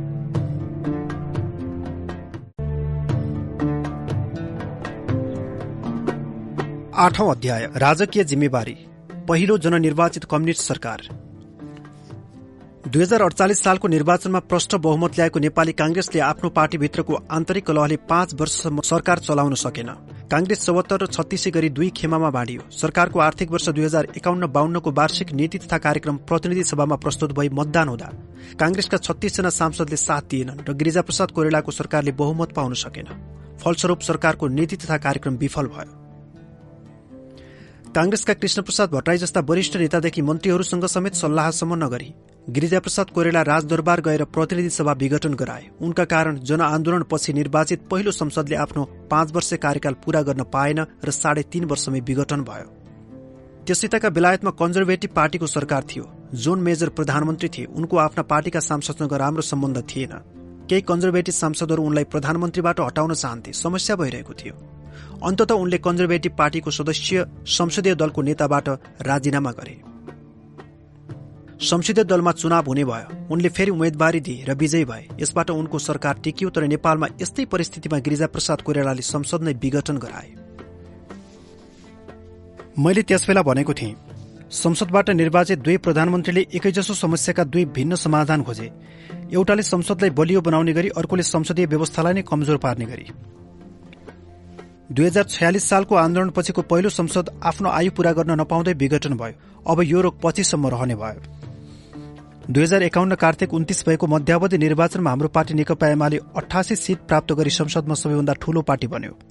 नेपाली कांग्रेसले त्रियासी सीट राप्रपाले बीस सीट नेपाल सद्भावना पार्टीले तीन सीट र नेमकिपाले चार सीट ल्याए भने सातजना स्वतन्त्र उम्मेद्वार विजयी भए। संविधानको व्यवस्था अनुरूप सरकार गठन गर्नका लागि दलले स्पष्ट बहुमत प्राप्त गर्नुपर्छ।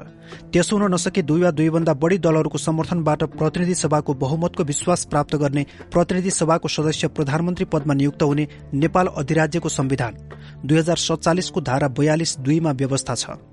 साथै संविधानको दफा बयालिस दुई बमोजिम कुनै एउटा दलले स्पष्ट बहुमत प्राप्त गर्न नसकेमा वा दुई वा दुईभन्दा बढ़ी दल मिली बहुमत कायम गर्न नसकेको अवस्थामा प्रतिनिधि सभाको सबैभन्दा ठूलो दलले सरकार गठन गर्ने व्यवस्था छ।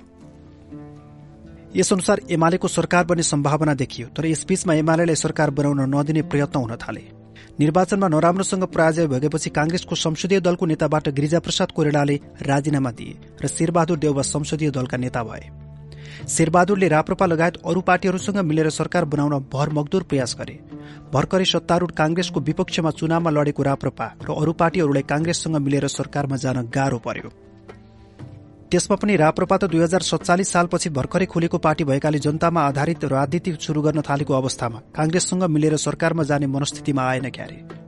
शेरबहादुरले जति प्रयास गर्दा पनि राप्रपालाई मिलाउन सकेनन्। एमालेको विपक्षमा कांग्रेसको नेतृत्वमा मिलिजुली सरकार बनाउने प्रयास विफल भएपछि एमालेको सरकार बन्ने अवस्था भयो।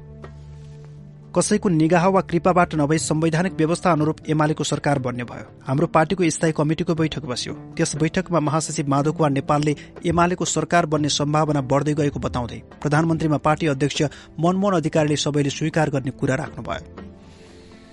अध्यक्षको प्रधानमन्त्रीत्वमा बन्ने पहिलो जननिर्वाचित सरकारलाई प्रभावकारी बनाउन प्रधानमन्त्रीले सघाउन महासचिव माधव कुमार नेपाल उप प्रधानमन्त्री भएर जानुपर्छ भन्ने प्रस्ताव वामदेव गौतमले राख्नुभयो। स्थायी कमिटिबाट सरकारमा जानेहरूमा केपी ओली र सीपी मैनालीको नाम प्रस्तावित भयो। अन्य क्याबिनेट मन्त्रीहरू केन्द्रीय कमिटी र बाहिरबाट लिनुपर्छ भन्ने कुरा महासचिव र वामदेवले राख्नुभयो।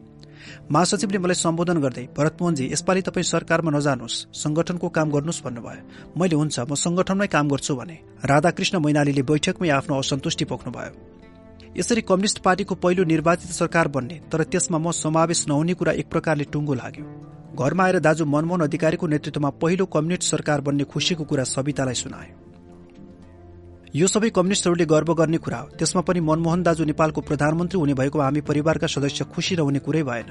सविता पनि खुशी भएन मलाई महासचिवले यो सरकारमा समावेश नभई संगठनकै काम गर्न भनेको कुरा पनि उनलाई सुनाए। दुई हजार एकाउन्न मंगिर पाँच गते बसेको केन्द्रीय कमिटिको सत्रौं बैठकले मन्त्रीमण्डलमा समावेश हुनेहरूको नामावली तयार पार्न वामदेव गौतमको संयोजकत्वमा सात सदस्यीय टोली बनायो।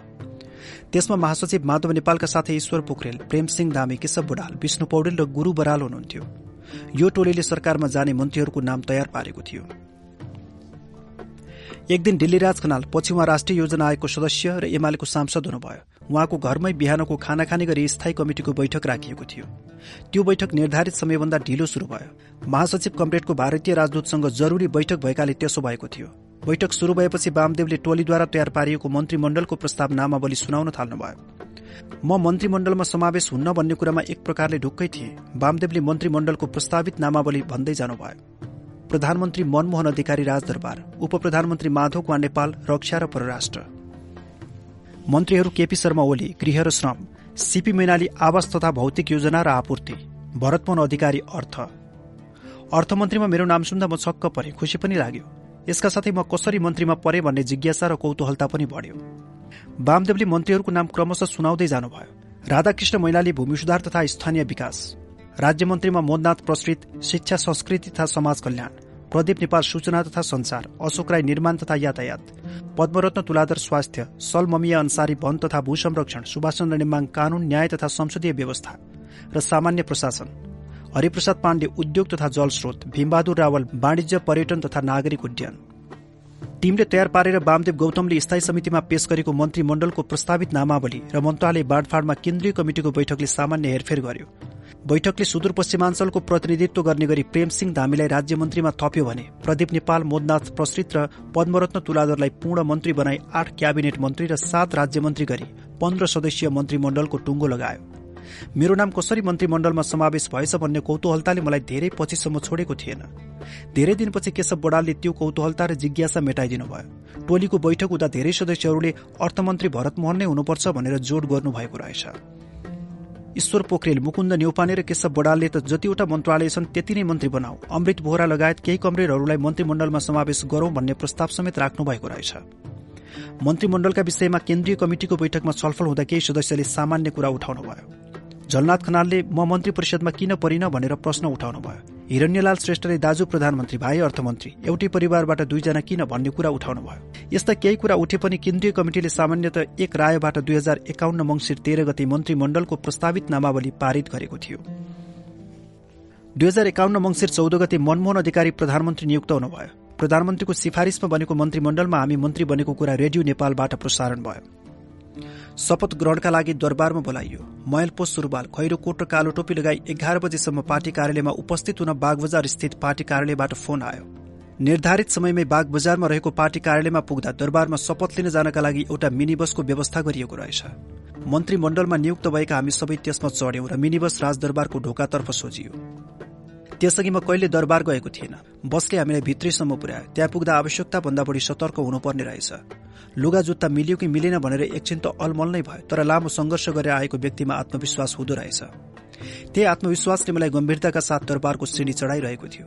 हामी एउटा ठूलो हलमा पुग्यौं जहाँ तत्कालीन राजा वीरेन्द्र र युवराज दिपेन्द्र प्रधानमन्त्री लगायत राज परिषद स्थायी समितिका सभापति प्रधान न्यायाधीश प्रधान सेनापति आदि हुनुहुन्थ्यो। हामी सबैले शिष्टाचारपूर्वक सामान्य निहुरेर राजालाई नमस्कार गर्यौं।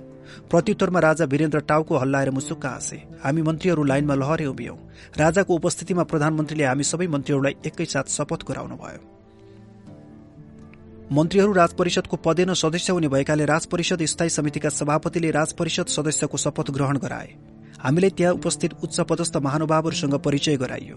राज्य मन्त्री र सहायक मन्त्रीको शपथ प्रधानमन्त्रीले सिंहदरबार स्थित प्रधानमन्त्रीको कार्यकक्षमा गराउने चलन थियो। सोही अनुरूप प्रधानमन्त्री मनमोहन अधिकारीले राज्य मन्त्रीहरूलाई आफ्नो कार्यकक्षमा शपथ ग्रहण गराउनुभयो। राजदरबारमा मन्त्री पदको शपथ लिएर हामी निस्कियौं। सिँढीबाट तल ओर्लदा गेटमै मन्त्रीहरूको मर्यादाक्रम अनुसार सरकारी गाड़ीहरू राखिएको रहेछ। अर्थ सचिव रामविनोद भट्टराईले नमस्कार गरेर मेरो स्वागत गरी। कारमा बस्न ढोका खोले। गार्डका रूपमा आएका सेनाका सुबेदारले फुर्तीसाथ सलाम गरे। गाड़ीको अगाडि रहेको झण्डा फरफराउँदै हामी बागदरबार स्थित अर्थ मन्त्रालय पुग्यौं। त्यहाँ अर्थ मन्त्रालयका उच्च पदाधिकारीदेखि सामान्य कर्मचारीहरूसम्म नयाँ अर्थमन्त्रीको स्वागत गर्न बसेका रहेछन्। एउटा औपचारिक कार्यक्रम समेत राखिएको रहेछ। मन्त्रालयका तर्फबाट अर्थ सचिवले स्वागत गरे। नेकपा एमालेको सरकारले के चाहन्छ भन्ने कुरा मैले संक्षिप्त रूपमा राखेँ।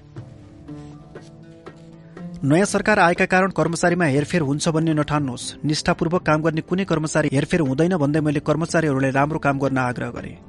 पद बहाली गर्दा एउटा कुनै सरकारी फाइलमा मन्त्रीले हस्ताक्षर गर्ने चलन हुँदो रहेछ। मैले अर्थ सचिवलाई विवाद नरहेको सामान्य फाइल ल्याउन भनेर त्यसैमा हस्ताक्षर गरेर औपचारिक रूपमा पद बहाली गरे। त्यसपछि म मन्त्री निवास पुलचोक गएँ।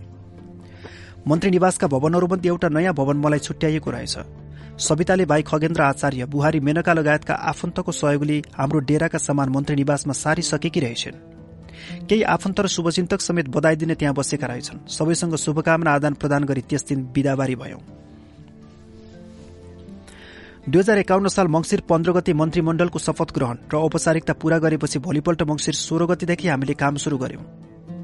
नेपालमा पहिलो पटक जनताको अभिमतबाट स्थापना भएको कम्युनिष्ट सरकारले काम शुरू गर्यो।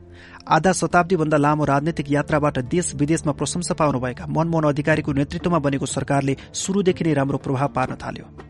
मनमोहन अधिकारीले आफ्नो जिम्मामा कुनै मन्त्रालय लिनु भएन तत्कालीन राष्ट्र प्रमुखसँग सरकारको सम्बन्ध सुमधुर बनाइरहन दरबार जिम्मा लिनुभयो। उहाँको यो भूमिकाले पनि मन्त्रीमण्डलको छवि बढाउन निकै मद्दत गर्यो।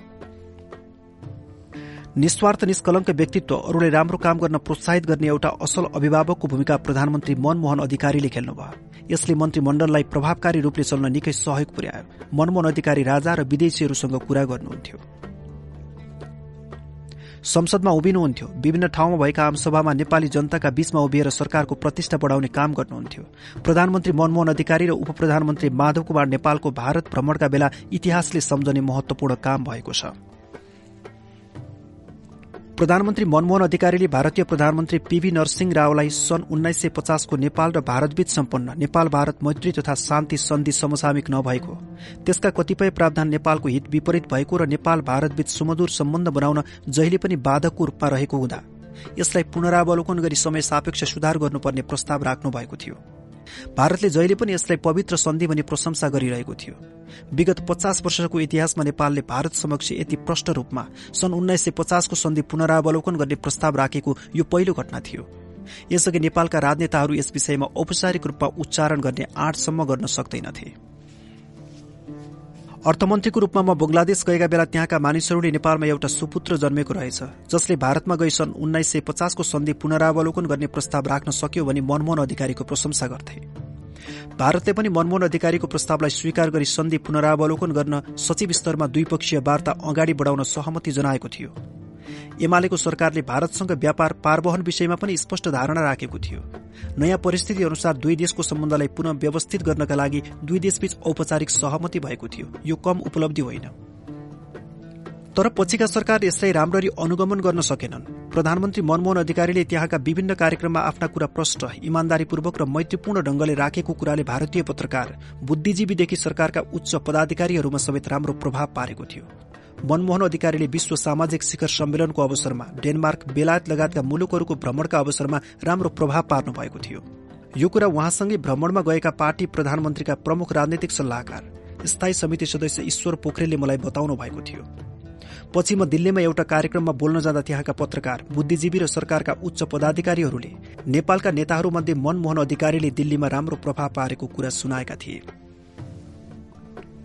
उप प्रधानमन्त्री परराष्ट्र र रक्षा मन्त्री माधव कुमार नेपालले एमाले सरकारको छवि बढाउने निकै ठूलो काम गर्नुभएको थियो।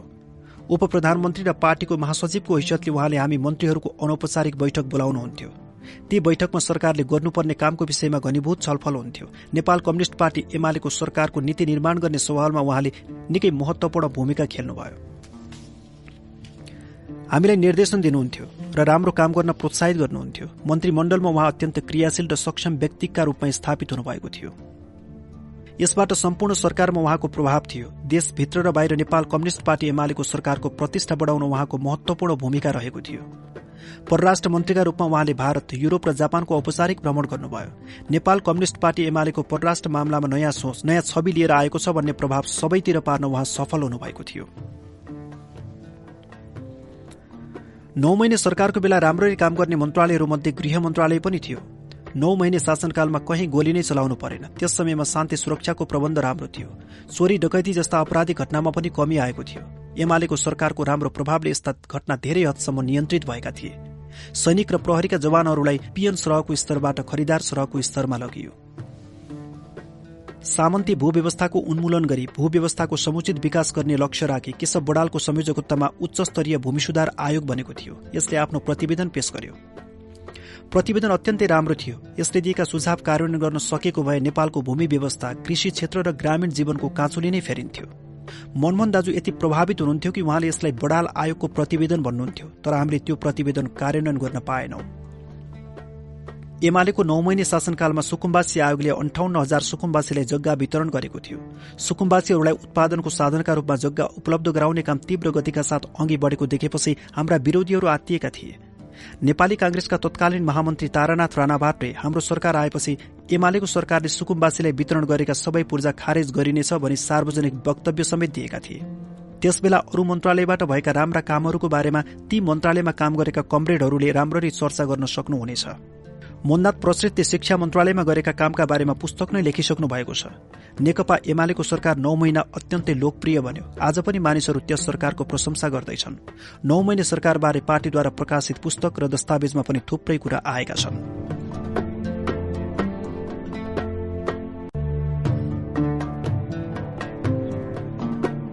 पहिलो कम्युनिष्ट बजेट। पार्टीबाट प्रकाशित दस्तावेजमा प्रकाशित भइसकेका कुरा यहाँ नदोहोऱ्याई मेरो सम्झनामा भएका मसँग सम्बन्धित घटना विषय र खास गरी मैले जिम्मा लिएको मन्त्रालय सम्बन्धमा यहाँ उल्लेख गर्न चाहन्छु।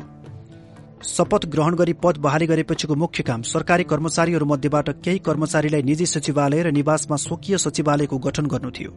मन्त्री निवासमै रहने स्वकीय सचिवालयको सचिवमा मोरङ जिल्ला कमिटिबाट सिफारिस गरी पठाइएका निलम शेखर रघुनाथ अधिकारीलाई राखे। अरू स्टाफहरूलाई पनि पार्टीले नै सिफारिस गरेको थियो। मन्त्रालयको निजी सचिवालयमा पार्टी केन्द्रीय कार्यालयका साथीहरूले दिएका नामबाटै राखे।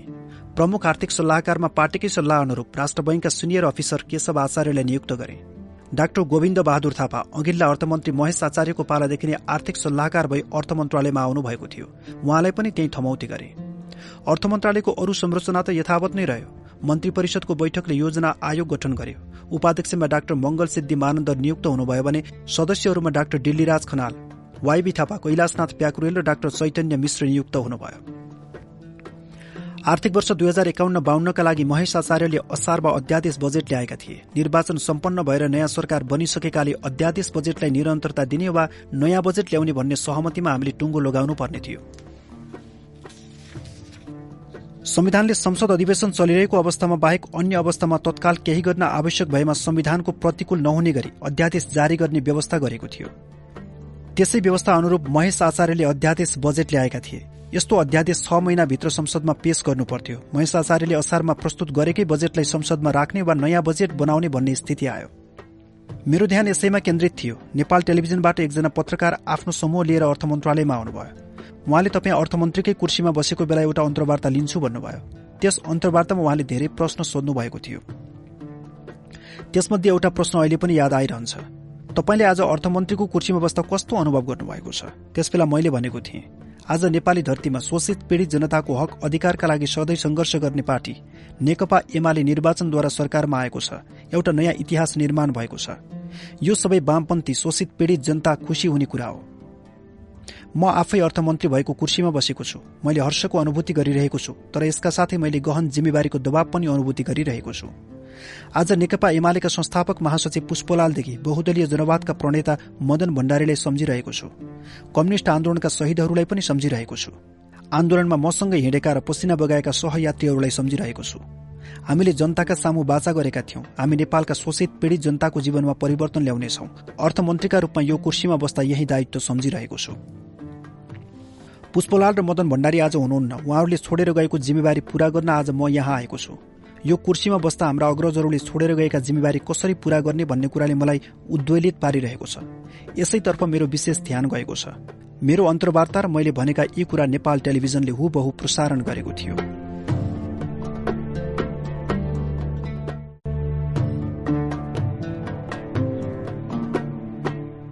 सरकारमा आइएको छ अल्पमतको सरकार छ। कुनै पनि बखत ढल्न सक्छ यसको आयु निश्चित छैन।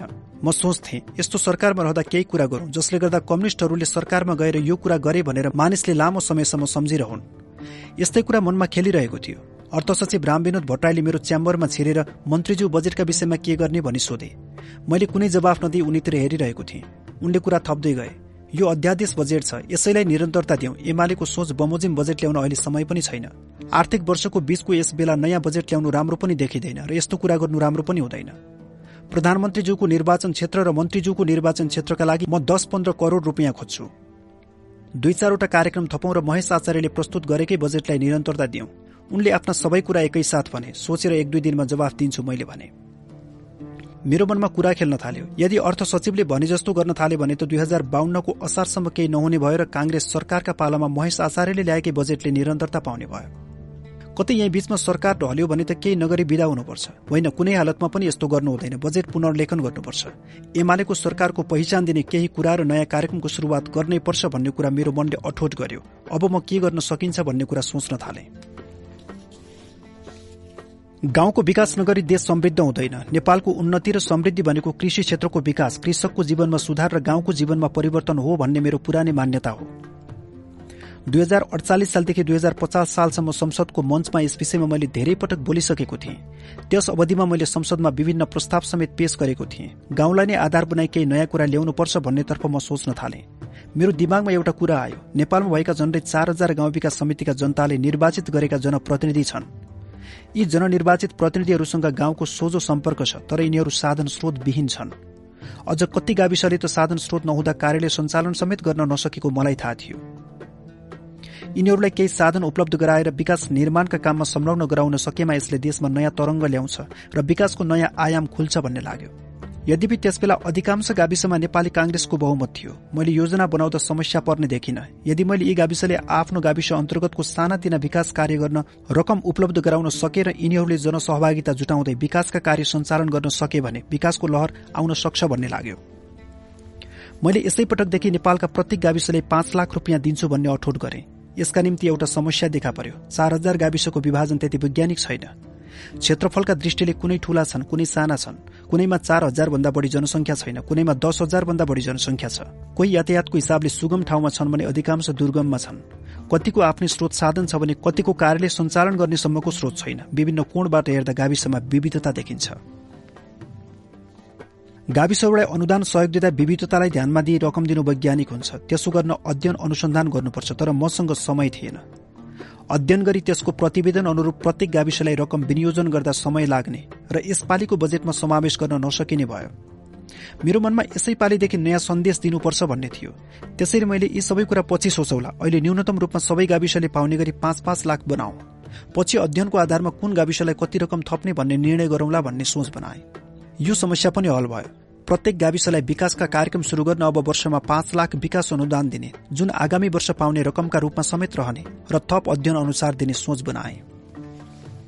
एक दिन मन्त्री निवासमा बिहानको चिया खाँदै बसेको थिएँ। मेरो दिमागमा यो अभियानको नाउँ आफ्नो गाउँ आफै बनाउ राख्नुपर्छ भन्ने विचार आयो। निर्वाचित पदाधिकारीहरूको पहलमा स्थानीय जनताको सहभागितामा विकासका कार्यक्रम सञ्चालन गर्ने हुँदा नामैले जनताको सहभागिता जनाउने त्यो नाम राख्दा राम्रो हुन्छ भन्ने मलाई लाग्यो।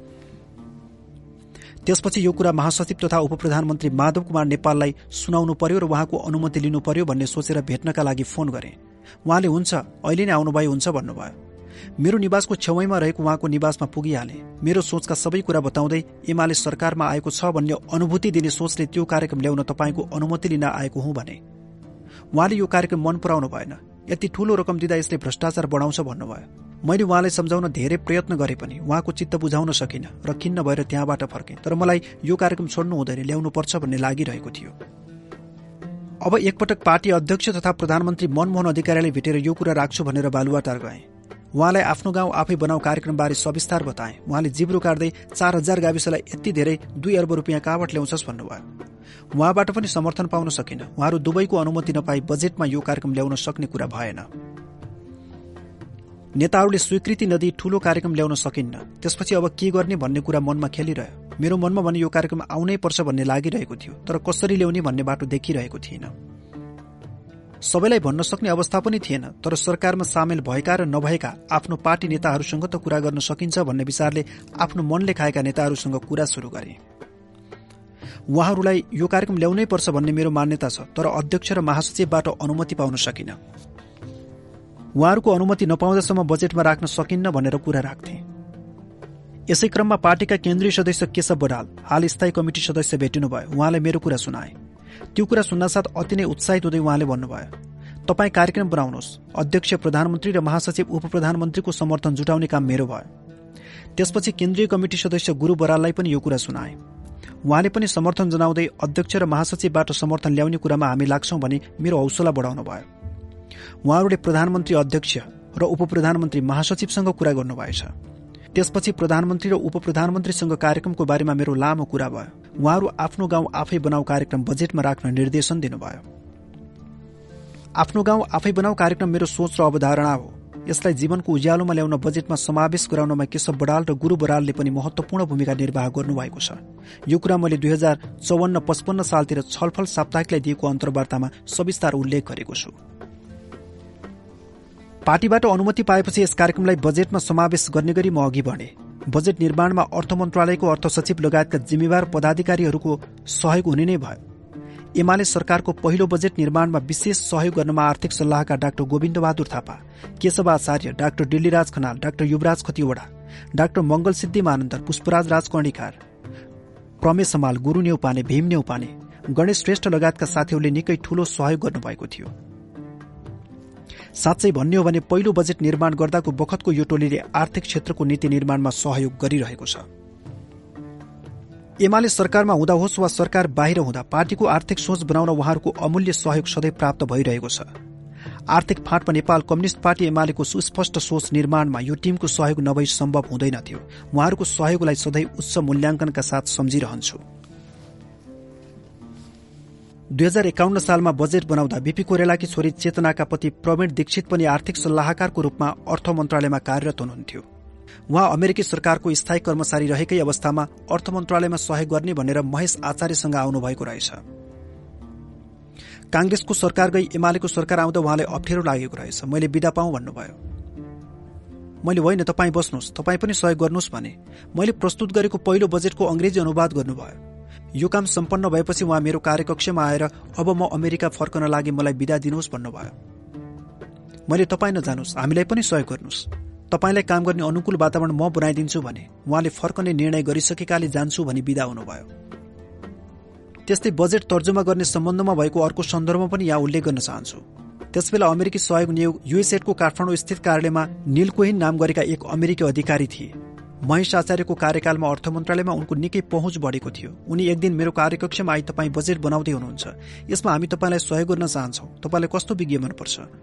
हार्वर्ड विश्वविद्यालयका प्राध्यापकलाई झिकाइदिउँ वा अरू कस्तो विज्ञ मनपर्छ भन्नुहोस् हामी सहयोग गर्छौं भने। मैले भने धन्यवाद म सबैको राय बुझ्न चाहन्छु म खुल्ला छु। मैले अहिलेसम्म भएका सबै अर्थमन्त्रीलाई बोलाएर राय सुझाव लिइरहेको छु तर बजेट निर्माण त हामी आफै गर्छौं। हाम्रो संविधानले बजेटलाई अत्यन्त पवित्र गोप्य दस्तावेज मान्छ। यो प्रतिनिधि सभाको सम्पत्ति हो। प्रतिनिधि सभाले थाहा पाउनु अघि कसैले थाहा पाउनु हुँदैन। यस्तो संविधानिक व्यवस्था छ। अनि नील कोहिनले भने पहिले त बजेट निर्माण गर्दा हामीसँग सहयोग मागिन्थ्यो। हामीले सहयोग गर्थ्यौं। हाम्रा धेरै सुझाव सरकारले मान्थ्यो पनि। तपाईँ त कुनै सम्पर्क गरिरहनु भएको छैन भन्ने गुनासो गरे।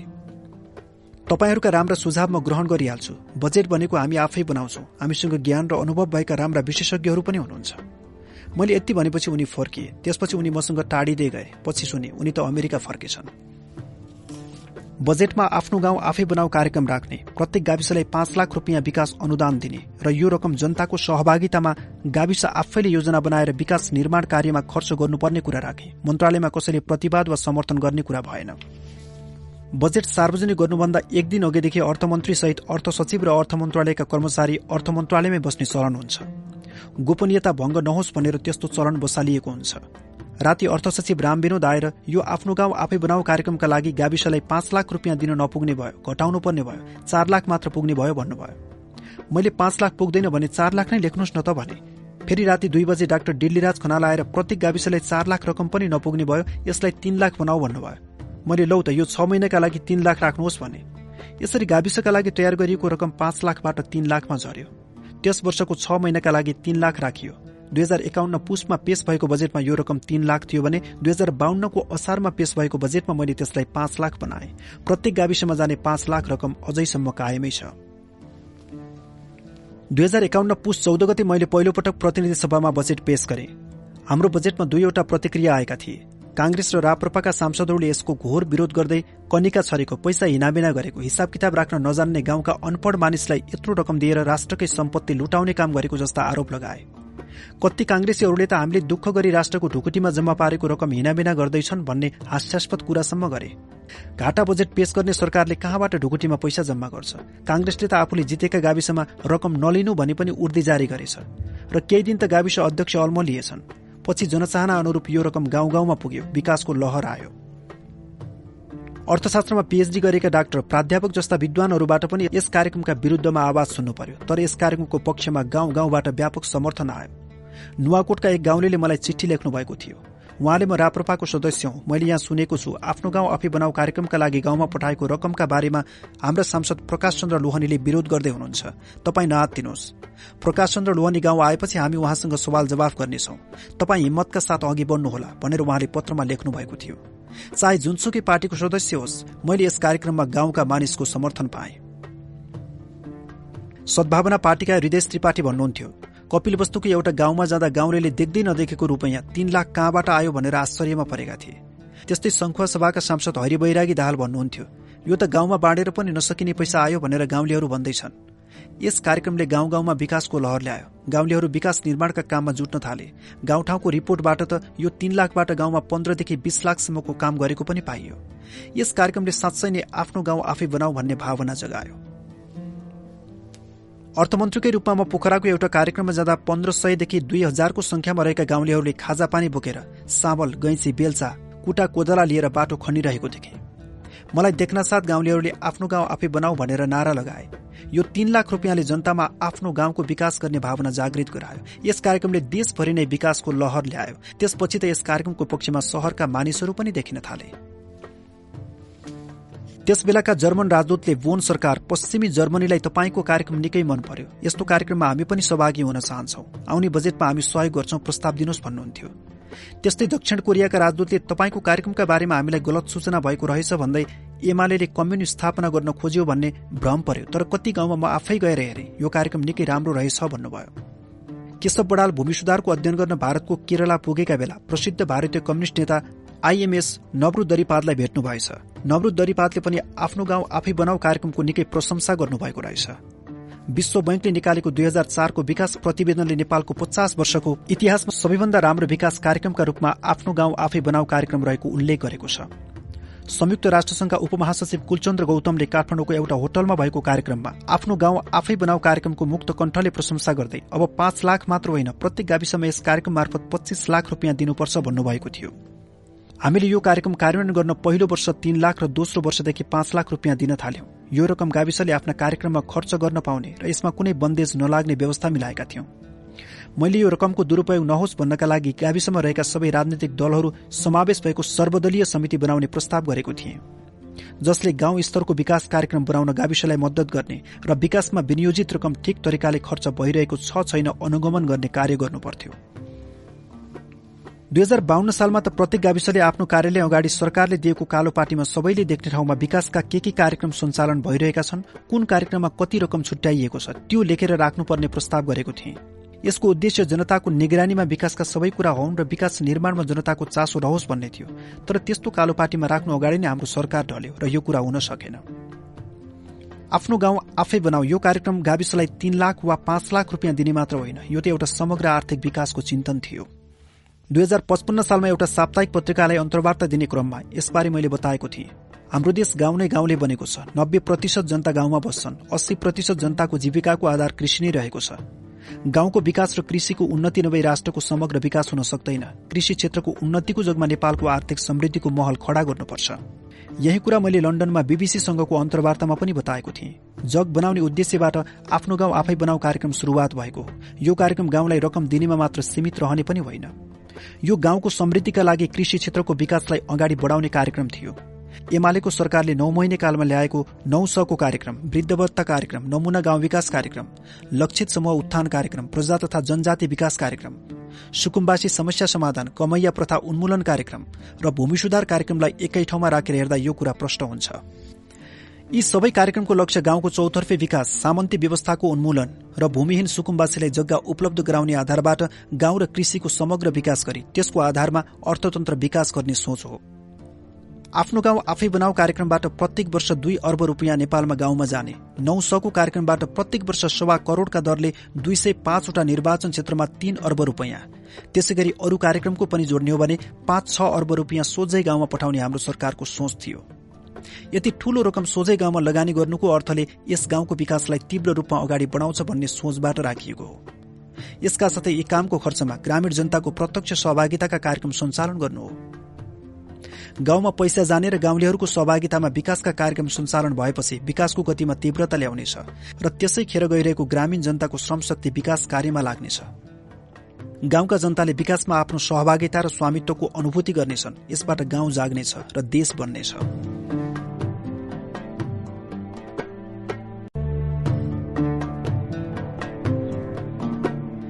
ज्येष्ठ नागरिक भत्ता। ज्येष्ठ नागरिक भत्ता कार्यक्रम निकै लोकप्रिय भयो। यो कार्यक्रम कसरी शुरू भयो भन्ने कुरा उल्लेख गर्न चाहन्छु। यो कार्यक्रम शुरूआत हामीले दुई हजार एकाउन्न पुसमा पेश गरेको बजेटबाटै गरेका हौं तर दुई हजार बाहन्न सालको बजेटबाट पचहत्तरवटै जिल्लामा पचहत्तर वर्षदेखि माथिका महिला तथा पुरूष ज्येष्ठ नागरिकलाई मासिक एक सय रूपियाँ सरकारले भत्ताका रूपमा दिने घोषणा भई तत्काल कार्यान्वयन हुँदा त्यसै बेलादेखि यो ज्यादै चर्चामा आएको हो। एक दिन मन्त्रालयमा बसिरहेको बेला मैले यो कार्यक्रम अगाडि बढाउने विचार गरे। अर्थ सचिव राम विनोद भट्टराई आएर भन्नुभयो मन्त्रीज्यू हजुरले साह्रै राम्रो कार्यक्रम ल्याउन थाल्नुभयो तर एउटा समस्या आयो। यो वृद्धव्रत कार्यक्रममा कति रकम विनियोजन गर्ने त्यो बजेटमा लेख्न नसकिने भयो। किनभने देशभरि सत्तरी वर्षदेखि माथिका वृद्ध वृद्ध नागरिक कति छन् त्यसको लगत छैन। लगत नभई कति रकम विनियोजन गर्ने। दुई हजार बाहन्न त्रिपन्नको बजेटमा वृद्ध भत्ताको कार्यक्रम सञ्चालन गर्न वृद्ध वृद्धहरूको लगत संकलन गर्ने कार्यक्रम राख्यौं। त्यसका लागि यो बजेटमा रकम विनियोजन गरौं। लगत आइसकेपछि अर्को वर्ष वृद्ध भत्ता कार्यक्रम सञ्चालन गरौं। मैले अर्थ सचिवलाई पुलुक्क हेरेँ। म आफूलाई चलाक फन्थे तर उनी मभन्दा चलाक रहेछन् भन्ने लाग्यो। कार्यक्रमलाई पन्छाउन कस्तो जुक्ति गरेछन् जस्तो लाग्यो।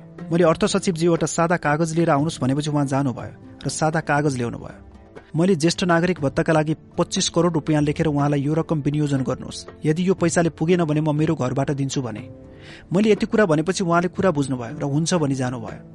मलाई पनि यो कार्यक्रम कुनै हालतमा तत्कालै सञ्चालन गर्नु थियो। हाम्रो अल्पमतको सरकार कुनै पनि बेला ढल्न सक्थ्यो। अर्थ सचिवले भनेकै मानेको भए वृत्त भर्ता कार्यक्रम आउने थिएन। अरूले ल्याउँथे ल्याउँदैनथे थाहा छैन तर हाम्रो पालामा आउँदैनथ्यो।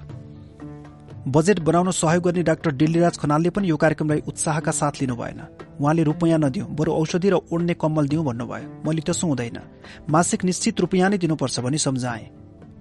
केहीले धनीलाई किन दिने गरिबलाई दिउँ भन्नुभयो। मैले भने तपाईँहरूले वृद्धभत्ता किन दिने भन्ने कुराको औचित्य बुझ्नु भएन। यसले धनी गरिब छुट्याउँदैन। यो त वृद्ध वृद्धहरूले राष्ट्र र समाजलाई आफ्नो लामो जीवनकालमा पुर्याएको सेवाको उच्च मूल्याङ्कन हो। राज्यले गरेको सम्मान हो। बजेट सार्वजनिक गर्नुभन्दा अघि प्रधानमन्त्रीले अर्थमन्त्रीलाई लगेर राजालाई बजेटका मुख्य मुख्य कुरा जानकारी गराउने चलन रहेछ। प्रधानमन्त्री मनमोहन अधिकारी र म राजालाई बजेटबारे जानकारी गराउन राजदरबार गयौं। राजालाई बजेटबारे जानकारी गराउने सिलसिलामा मैले सत्तरी वर्ष उमेर पुगेका वृद्ध वृद्धलाई वृद्ध भत्ता दिने एमालेको सोच बताए। राजाले राम्रो यसलाई अहिले सत्तरी वर्ष होइन पचहत्तर वर्ष गर्नुहोस् मेरो यो सुझाव छ भने यो कुरा मलाई मन पर्यो। यसबाट दुईवटा कुरा हुने भयो। एक कम्युनिस्ट सरकारले राजाको कुरा पनि मानेको हुने र अर्को कार्यक्रम पनि शुरू हुने। यसले दरबारसँग राम्रो सम्बन्ध बनाउन मद्दत गर्छ भन्ने ठानी हामीले वृद्ध भत्ताका लागि पचहत्तर वर्षको उमेरलाई आधार बनायौं। सिन्धुपाल्चोकमा ज्येष्ठ नागरिकलाई भत्ता वितरण कार्यक्रम राखी अमृत कुमार बोहरा र मलाई निमन्त्रणा गरिएको थियो। त्यस कार्यक्रममा अर्थमन्त्रीका रूपमा मलाई प्रमुख अतिथि बनाइएको थियो। काङ्ग्रेसीहरूले हामीलाई कालो झण्डा देखाएर स्वागत गरेका थिए। वृद्ध वृद्धलाई भत्ता वितरण गर्न आउँदा पनि किन कालो झण्डा देखाइएको होला जस्तो लाग्यो। सायद काङ्ग्रेसीहरूले एमाले सरकारले राम्रा काम गरेर प्रभाव पार्न नसकोस् भनेर यस्तो गरेका थिए। त्यस कार्यक्रममा अर्थमन्त्रीका हैसियतले सार्वजनिक रूपमा मैले भनेको थिएँ। यो कार्यक्रमले हामी क्रमिक रूपमा बढाउँदै वर्षेनी तीन हजार पुर्याउँछौ र उमेरलाई क्रमिक रूपमा घटाउँदै पैंसठी वर्ष पुर्याउँछौ। दशैं अघि एकमुष्ट एक हजार पाँच सय र चैतमा एक हजार पाँच सय दिने व्यवस्था मिलाउनेछौ। वृद्ध वृद्धहरूलाई हरेक महिना एक सय रुपियाँ लिन आउँदा झन्झट हुने हुनाले छ छ महिनामा एकमुष्ट रकम दिने व्यवस्था मिलाएको थिए। अर्थमन्त्रीका रूपमा म बंगलादेश जाँदा त्यहाँका परराष्ट्र मन्त्रीले मलाई आफ्नो घरमा न्यानो स्वागत गरे। म चढेको मोटरको ढोका खोल्दै उनले हिन्दुस्तानी बोलीमा भने मन्त्रीजी आपने तो कमाल कर दिया। बुड्डू को पेंशन देकर कमाल कर दिया अब दक्षिण एसिया का सब लोग यह कार्यक्रम लाएगा। सब लोग नेपालका पिछा गरेगा नभन्दै हामीले शुरू गरेको केही समयपछि भारतले पनि यो कार्यक्रम शुरू गर्यो। बंगलादेशका राजनैतिक दलका घोषणापत्रमा यो कार्यक्रम प्राथमिकताका साथ देखा पर्यो। मनमोहन दाजु प्रधानमन्त्रीबाट हटेपछि नेकपा एमालेको अध्यक्षका रूपमा जहाँ जहाँ जानुभयो उहाँले सम्बोधन गर्ने आमसभामा बुढाबुढीको उपस्थिति उल्लेखनीय हुन थाल्यो। बुढाबुढीहरूले उहाँको हात समाउन र मुसार्न थाले। मनमोहन दाजुले भाग लिने आमसभामा पहिलो कार्यक्रम नै वृद्ध वृद्धासँगको भेटघाट राख्नुपर्ने भयो। उहाँले मलाई त्यस बेलाका केही घटना सुनाउनु भएको थियो। पाँच थरको आमसभामा बुढाबुढीको भिड नै लागेछ। पचासी वर्षकी लिम्बुनी बुढी आमाले मनमोहन दाजुको छेउमा आई उहाँको हात मुसार्दै हामी बुढाबुढीलाई भत्ता दिने यही बुढो हो भनिछिन्। यो कार्यक्रमले मनमोहन दाजुको ख्याति बढायो। एमालेको प्रतिष्ठा बढायो। हिजोसम्म धर्म मान्दैनन्। साठी वर्ष पुगेपछि कम्युनिस्टले बुढाबुढीलाई मार्छन् भनेर प्रसार गरिएको थियो। यस्तो दुष्प्रसारलाई यस कार्यक्रमले एकैचोटि समाप्त पार्यो। देशभरि नै वृद्ध वृद्धहरू एमालेका पक्षमा देखिन थाले। भूतपूर्व प्रधानमन्त्री बात्रिका प्रसाद कोइरालाले कम्युनिस्टको भत्ता लिन्न भनेर वृद्ध भत्ता लिन मान्नु भएनछ त्यस्तै चर्को रोचक घटना सुनेको थिएँ। एउटा धनी काङ्ग्रेसी परिवारका एक वृद्ध व्यक्ति वृद्ध भत्ता लिन जान थालेछन् तर उनका छोराछोरीले उनलाई रोकेर तपाईँलाई एक दुई सय रुपियाँ नपुगेको हो भनेछन्। ती वृद्धले यो सरकारले हामी बुढाबुढीहरूको सम्मान गरेको त्यो सम्मान ग्रहण गर्न जान्छु भनेछन्। दस वर्षपछि फेरि दुई हजार एकसठी सालमा अर्थमन्त्री भई बजेट बनाउन पाउँदा मैले वृद्ध भत्ताको रकम एक सय पचहत्तर रुपियाँ बनाएको थिएँ। यस कार्यक्रमले ज्येष्ठ नागरिकको विश्वास जगाए उनीहरूले राज्यबाट सम्मान पाएको अनुभूति गरे। राष्ट्रको सेवा गरी थाकेर वृद्ध भएकाहरूलाई राष्ट्रले सम्मान गर्दो रहेछ भन्ने अनुभूति भएर उनीहरूमा उत्साह उमङ्ग जाग्यो। राष्ट्रप्रति ममता जगायो र हामी हेला गरिएका र तिरस्कृत गरिएका नागरिक हौ भन्ने हीन भावना भएका बुढाबुढीहरूमा उमङ्ग जगायो। गाउँका बुढाबुढीहरूलाई त महिनाको सय रुपियाँ रकम धेरै पनि हो। यसबाट उनीहरूले एकमुठी दूध खान पाउँछन्। आफूलाई मन लागेको केही चिज खान सक्छन्। नाति नातिनाहरूलाई केही किनिदिन पनि सक्छन्। यस कार्यक्रमले देश विकास गर्ने यो कुथारणी हुँदैछ भन्ने सन्देश थियो। समाजमा नयाँ संस्कृतिको विकास गर्ने दृष्टिले नयाँ चिन्तन र सोच ल्याउने हामीले प्रयत्न गरेका थियौं।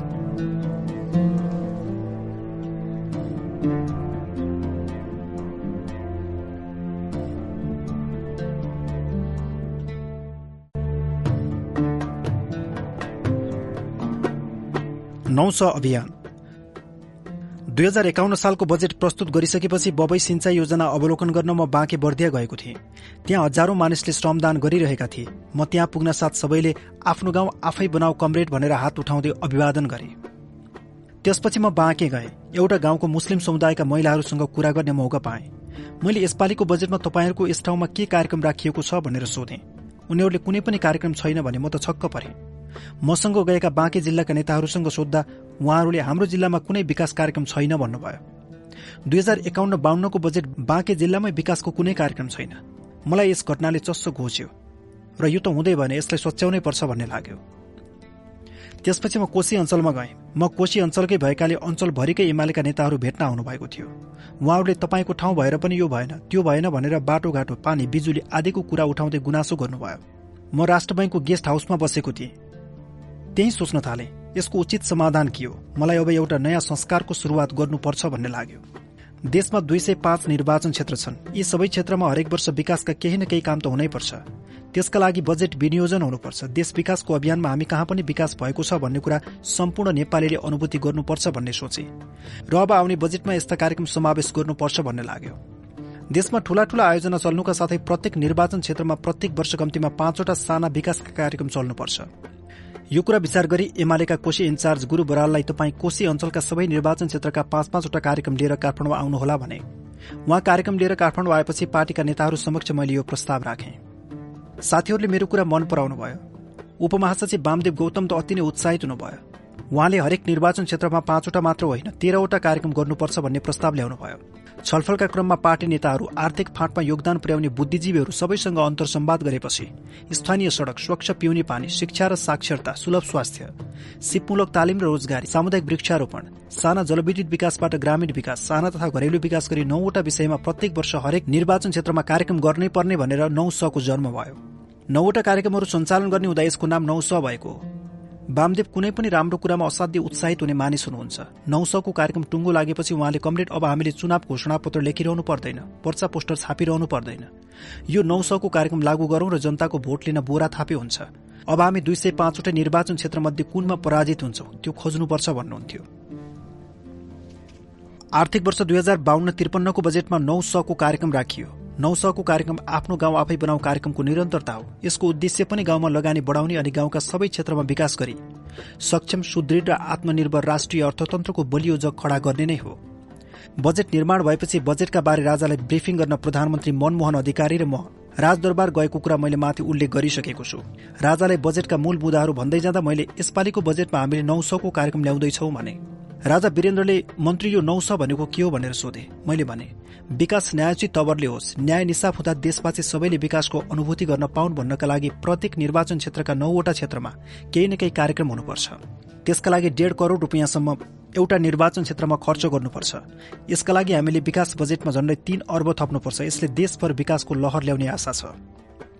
राजालाई बजेटको विषयमा जानकारी दिएर हामी विदा माग्दै उठ्यौं। राजा वीरेन्द्रले मन्त्री मलाई तपाईँको नौसो खुब मन पर्यो भने दुई हजार बाहन्न त्रिपन्न सालमा नौसौको कार्यक्रमसहित बजेट पेश गरियो तर विडम्बना। हाम्रो सरकारलाई हटाएपछि शेरबहादुर देउबाको नेतृत्वमा बनेको कांग्रेस राप्रपाको मिलुजुली सरकारका अर्थमन्त्री रामशरण महतले नौ सौको कार्यक्रम खारेज गरे। भरतमोहनजीको नौ सौ काम लाग्दैन मैले यसलाई खारेज गरेँ। मेरो बजेटमा सत्रवटा स छन् उनी संसदमा कुर्लेको अहिले पनि याद आइरहेको छ। दुई हजार एकाउन्न सालको पुसमा बजेट पेश गर्दा हामीले महेश आचार्यले असारमा पेश गरेको बजेटलाई फेरेर त्यस वर्ष दुई अर्ब एकसठी करोड़ बढ़ी राजस्व उठाउने लक्ष्य राखेका थियौं। महेश आचार्यको बजेटभन्दा एघार दशमलव छ प्रतिशत बढ़ी राजस्व त्यो पनि बाँकी छ महिना उन्नाइस दिनभित्रमा उठाउने लक्ष्य लिएर हामी अगाडि बढ्यौं। हामीले सरकारमा भएको सात महिनाको अवधिमा सोह्र अर्ब एकहत्तर करोड़ छयानब्बे लाख रुपियाँ राजस्व उठायौं। हामी लक्ष्यको अन्ठानब्बे दशमलव चार प्रतिशत राजस्व उठाउन सफल भयौं र दुई हजार पचास एकाउन्नको बजेटमा महेश आचार्यले राखेको लक्ष्यको तुलनामा तीन अर्ब चौध करोड़ रुपियाँ बढ़ी उठायौं। यसबाट हामीले आफ्नो गाउँ आफै बनाऊ कार्यक्रम लगायत थप कार्यक्रम सञ्चालन गर्न सक्यौं। सबै कर्मचारीले मासिक तीन सय रुपियाँ महँगी भत्ता दियौं। यसमा सत्तरी करोड़ रुपियाँ लागेको थियो। यी सबै कुरा बढ़ी राजस्व उठाएरै गरियो। हामीले राजस्व परिचालनमा पनि रेकर्ड तोड्यौं। म अर्थमन्त्री नियुक्त हुँदै एउटा सार्वजनिक वक्तव्य दिएको थिएँ। नेकपा एमालेको सरकार आयो भन्नेमा कोही कर्मचारी आत्तिनु पर्दैन। म कसैलाई सरुवा गर्दिन। तर राजस्व संकलनमा हेलचेक्राइ गरेको भन्ने म सहने छैन। कसैले भनेर अन्यथा गर्नु पर्दैन। मेरी श्रीमतीले भने पनि गर्नु पर्दैन। आफ्नो कर्तव्य पूरा गर्न सरकारले तोकेको राजस्व उठाउनुपर्छ। मलाई खुसी पार्नु भनेकै राजस्व बढी उठाउनु हो। मलाई कुनै नजराना ल्याउनु पर्दैन। म हरेक हप्ता राजस्व संकलन कार्यालयसँग नियमित सम्पर्कमा बसी कडाई गर्थे। फलस्वरूप सात महिनामा सवा दुई अर्ब बढी राजस्व उठ्यो। यति हुँदाहुँदै पनि राजस्व चुहावट अझै कायमै थियो। अर्थमन्त्रीले राजस्व चुहावट सकुन्जेल नियन्त्रण गरी राजस्व संकलन बढाउनुपर्छ। म तीन पटक अर्थमन्त्री भए। मैले तिनै पटक राजस्व बढाएको छु। दुई हजार पचपन्न सालमा संसदीय समितिले आफ्नो प्रतिवेदनमा एमालेको सरकारको नौ महिने कालमा देशभरिका सबै भन्सार कार्यालयबाट राजस्व उठ्ती बढेको उल्लेख गरेको छ। मेरो एउटा मान्यता रहेको छ र म भन्ने गर्छु। एउटा अर्थमन्त्रीले लोभ गरेर दुई करोड़ कमायो भने त्यसले राजस्वमा एक अर्बको चुहावट हुन्छ। तर अर्थमन्त्रीले कुनै लोभ नगरेर कडाईका साथ प्रशासन चलाएमा एक अर्ब राजस्व थपिन्छ। यो मैले अनुभवका आधारमा निकालेको निष्कर्ष हो। हामीले कहीँबाट ऋण लिए पैसा संकलन गरेको होइन। चुहावट भएकै राजस्वलाई केही मात्रामा भए पनि नियन्त्रण गरी गाउँमा पैसा पुर्याएका हौं। त्यसैबाट हामीले आफ्नो गाउँ आफै बनाऊ कार्यक्रम सञ्चालन गर्यौं। कर्मचारीहरूलाई महँगी भत्ता दियौं वृद्ध नागरिकलाई वृद्ध भत्ता दियौं। आफ्नो गाउँ आफै बनाऊ कार्यक्रममा विदेशीको रुचि बढ्न थालेको थियो। जर्मन सरकारले सहयोग गर्ने इच्छा राखेको थियो। यस कार्यक्रमलाई दुई चार वर्ष चलाउन सकेको भए स्थानीय विकासका कार्यक्रममा लगानी गर्न रुचाउने युरोपेली मुलुकलाई पनि समावेश गर्न सकिन्थ्यो तर त्यसो भएन। हाम्रा गाविसहरू विकासमा केन्द्रित हुन्थे जनताले व्यापक रूपमा परिचालन गर्न सकिन्थ्यो। गाविसहरूले प्राविधिकहरू नियुक्ति गरी राम्रा कार्यक्रम सञ्चालन गर्ने नौ सौका कार्यक्रमलाई अगाडि बढाउने ज्येष्ठ नागरिक भत्ता वितरणलाई गाविसको कार्यक्रमका रूपमा चलाउने र दात्री संस्थाका कार्यक्रमलाई यसैको अङ्ग बनाउने गरी मेरो अवधारणालाई साकार पार्न सकेको भए अहिले नेपालको नक्सा भिन्नै भइसक्थ्यो। हामीलाई हटाएर आएको सरकारले यी सबै कार्यक्रमलाई भत्कायो। नौ सौको कार्यक्रम खारेज गर्यो। आफ्नो गाउँ आफै बनाऊ र ज्येष्ठ नागरिक भत्ता कार्यक्रम भने जनतामा प्रभावित भइसकेको हुनाले हामी पछि आएको सरकारले खारेज गर्न सकेन। तर कार्यक्रमको नाम बदलेर त्यस कार्यक्रमको पाँच लाख मध्ये यी यी कार्यक्रममा यति यति खर्च गर भन्दै अध्यक्षले तालिम आदिमा खर्च गर्न पाउने जीविसको पाँच लाखबाट कमिसन पाउने जस्ता प्रावधान थपेर गाउँमा पुग्ने रकमलाई साँगुरो बनाइयो। सर्वदलीय समितिबाट अनुगमन गराउने कुरा हराएर गयो। अब त्यो उत्साह पनि रहेन र गाउँमा गएको पैसा हिनामिना भएको कुरा सुन्न थालियो। कहिलेकाहीँ म सोध्छु काङ्ग्रेसी मित्रहरूले हामीलाई त हटाए तर यी राम्रा कार्यक्रमलाई पनि किन निरन्तरता दिएनन्? हामीले पाएको जस उनीहरूले पनि पाउँथे। म एमाले सरकारबाट हटाउनको कारण खोज्छु। सोच्दै जाँदा लाग्छ। वास्तवमा एमाले सुरु गरेको कार्यक्रमलाई निरन्तरता दिने हो भने त गाउँ जाग्छ। गाउँमा विकास हुन्छ गाउँका मानिस सचेत हुन्छन् अनि ढाँटेर खानेका दिन समाप्त हुन्छन् भन्ने सोचले यस्तो गरिएको होला। उनीहरूले हामी र हाम्रा राम्रा काम मात्र हटाएका होइनन्। गाउँका जनतालाई जागरूक हुन नदिएका पनि हुन्। गाउँका मानिस चनाखो भयो भने त ढाँटको राजनीति गर्नेका दिन पनि जाने भए। त्यसैले होला गाउँ जगाउने कार्यक्रम शुरू गर्दा देशभर स्याल हुँ गरी उनीहरूले एमालेको सरकारले देशै नाश गर्न थाल्यो भनेका थिए। पूर्व प्रधानमन्त्री शेरबहादुर देउबा विशेष प्रकृतिका मानिस हुनुहुन्छ। हरेक दिन रक्सी खाने उहाँको सोख छ। उहाँ रक्सी खाएको बेलामा बढी खुलेर कुरा गर्नुहुन्छ। वास्तवमा उहाँ माई डियर मानिस हुनुहुन्छ। त्यस्तो बेला कति कुरा त उहाँ नढाँटी पनि भन्नुहुन्छ। एकजना अमेरिकी नागरिकले देउबालाई चुनाव जितेरै र तपाईँहरूको समेत समर्थन पाएर एमाले सरकारमा गएको थियो। त्यो सरकारलाई कम्तीमा दुई वर्ष काम गर्न दिनुपर्थ्यो भनेछन् शेरबहादुरले जवाफ दिनुभएछ एमालेको सरकार दुई वर्ष टिकेको भए यो अर्को पश्चिम बंगाल हुन्थ्यो र पच्चिसौँ वर्ष यसलाई सत्ताबाट हटाउन सकिँदैनथ्यो। यसबाट त प्रश्न भयो हामीले गरेको कामबाट आत्तिएर प्रगति नचाहने सबै मिलेर हामीलाई हटाएका रहेछन्। नेकपा एमालेको नौ महिने शासनकालमा बजेट मार्फत नेपालका राष्ट्रिय उद्योगहरूलाई संरक्षण गर्ने नीति अगाडि बढायो। भन्सारको संरचना अध्ययन गर्दा नेपालका उद्योगहरूलाई नोक्सान पर्ने गरी भारतबाट आयातित वस्तुहरूको भन्सार दरबन्दी कायम गरिएको रहेछ। उदाहरणका रूपमा भारतबाट क्रेट सहित कुखुराको अण्डा आयात हुँदा क्रेटमा भन्सार लाग्दैनथ्यो तर त्यही क्रेट मात्रै नेपाल आउँदा भन्सार लाग्थ्यो। यसको तात्पर्य त्यहाँको कुखुरा उद्योग नफस्टाओस् र भारतीय उद्योगसँग प्रतिस्पर्धा गर्न नसकोस् भनेर भन्सार दर तोकिएको थियो। त्यस्तै सिरिन्ज आयात गर्दा भन्सार लाग्दैनथ्यो तर सिरिन्ज बनाउने कच्चा सामग्री ग्रानुवेल आयात गर्दा भन्सार लाग्थ्यो। यसले गर्दा काठमाडौँ उपत्यकामा स्थापित सिरिज उद्योग बन्द भएका थिए। यस्ता नमिलेका थुप्रै कुरा खोतल्न लगाएर मैले दुई हजार एकाउन्न सालको बजेटबाट छब्बीस प्रकारका उद्योगहरूलाई संरक्षण गर्ने नीति घोषणा गरेको थिएँ। सार्वजनिक रूपमा बोल्दा पनि मैले नेपालमा चलेका उद्योगलाई प्रत्यक्ष असर गर्ने भन्सार दर सच्याउँदै लैजाने प्रतिबद्धता जाहेर गरेको थिएँ। केवल विदेशीहरूको देखासेकेमा अन्तरिम सरकारले सम्पत्ति कर लगाएको थियो। यस्तो सम्पत्ति करबाट तीन करोड़ रुपियाँ पनि आउँदैनथ्यो देशमा पुँजीको अभाव रहेको बेला पुँजीलाई हतोत्साहित गर्नु हुँदैन भनेर हामीले सम्पत्ति कर खारेज गरेका थियौं। उद्योग व्यापार क्षेत्रमा यसले आश्चर्यजनक परिवर्तन नै ल्याएछ। हाम्रा पक्षधर भनिने मन्त्री पार्टीले सम्पत्ति कर लगाउने अनि हाम्रा विरोधी भनिने कम्युनिस्टले खारेज गर्ने। के भयो भन्ने उद्योगपति व्यापारीहरूलाई परेछ नेपाल उद्योग वाणिज्य संघका सभापति विनोद चौधरीले हाम्रो बजेटको स्वागत पनि गर्नुभयो। विगतमा कांग्रेस सरकारले निर्यातमा दुई प्रतिशत कर लगाएको थियो। यो दरलाई घटाएर नेपालका सबै उद्यमी व्यवसायी व्यापारी र निर्यातकर्तालाई मैले प्रोत्साहन गरेको थिएँ। त्यसबेला भ्रष्टाचार निकै नियन्त्रण भएको थियो। यसले पनि निर्यात क्षेत्रमा सकारात्मक प्रभाव पारेको थियो। हचुवा निजीकरणलाई रोकेर त्यस बेलासम्म कांग्रेस सरकारद्वारा गरिएको निजीकरणको समीक्षा गरेर अघि बढ्न विपक्षी दलका सांसदहरू समेत रहेको एक अध्ययन टोली बनाएको थिए। नेकपा एमालेको सरकार छनौटपूर्ण निजीकरणका पक्षमा छ भनेर हामीले घोषणा गरेका थियौं। यसको अर्थ न सबै सरकारी संस्थाहरू आँखा चिम्लेर निजीकरण गर्नुपर्छ भन्ने पक्षमा हामी थियौं न त निजीकरण गर्नु हुँदैन भन्ने पक्षमा नै थियौं। वस्तुगत र तथ्यगत आधारमा अध्ययन गरी निजीकरणबाट राष्ट्रलाई फाइदा र औद्योगिकरणमा योगदान दिने भए निजीकरण गर्नुपर्छ र राष्ट्रलाई घाटा पर्ने अवस्थामा निजीकरण गर्नु हुँदैन भन्ने हाम्रो धारणा थियो। उत्पादकत्व उत्पादन र थप रोजगारी सृजना आधुनिक प्रविधिको प्रयोग आदिमा योगदान दिने र औद्योगिकरणमा योगदान हुने भएमा मात्र निजीकरण गर्नुपर्छ भन्ने कुरा हामीले अघि सारेका थियौं। राजस्व अभिवृद्धि गर्न प्राध्यापक डाक्टर मदन दाहालको संयोजकत्वमा दुई हजार एकाउन्न सालमा हामीले कर पुनरावलोकन कार्यदल बनाएका थियौं। त्यसले दिएको प्रतिवेदनमा अझै चालिस प्रतिशत राजस्व चुहावट रहेको उल्लेख छ। करको संरचनामा परिवर्तन गर्नुभन्दा पहिले कर प्रशासनमा सुधारको जरुरी छ भन्ने कुरा प्रतिवेदनले देखाएको थियो। हाम्रो पालामा विकास खर्च बढाइएको थियो भन्ने कुरा माथि नै उल्लेख भइसकेको छ। त्यसबेला गाउँ नगर र जिल्लालाई अनुदान बढाइएको थियो। हामीले दुई हजार बाहन्न सालको बजेटमा हरेक नगरपालिकाका प्रत्येक वडाका निम्ति दुई लाख रुपियाँ थप अनुदान दिएका थियौं। विकासका अरू क्षेत्रमा पनि रकम बढाइएको थियो। एमाले सरकारको नौ महिने कालमा जतिको विकासको लहर नेपालको इतिहासमै देखिएको थिएन भनेर मानिसहरू कुरा गर्थे। नेकपा एमालेका पूर्व केन्द्रीय सदस्य तथा सर्लाही जिल्लाबाट प्रतिनिधि सभामा निर्वाचित सांसद महेन्द्र राय एकपटक अर्थ मन्त्रालयमा आउनुभयो। उहाँले सर्लाहीको एउटा कुनै खास बाटो निर्माण गर्न रकम निकासा गर्न माग गर्नुभयो। पचास लाख दिनुभयो भने जनसहभागिताका आधारमा धेरै बाटो बनाउँछौ भन्नुभयो। राम्रो काम गर्दा प्रोत्साहन गर्ने प्रधानमन्त्री र एक मना मन्त्रीमण्डल हुँदा काम गर्न सजिलो थियो। मैले रकमान्तर गरी सर्लाहीमा जनसहभागिताका आधारमा बाटो खन्न पचास लाख रुपियाँ दिए। यसले सर्लाहीमा विकासको लहर नै ल्यायो। नेकपा एमालेका केन्द्रीय सदस्य सांसद र मन्त्री भइसक्नुभएका सीतानन्दन रायले भन्नुहुन्थ्यो आज गाउँघरमा विकासको लहर चलेको छ। यस्तो आजसम्म कहिल्यै देखिएको थिएन।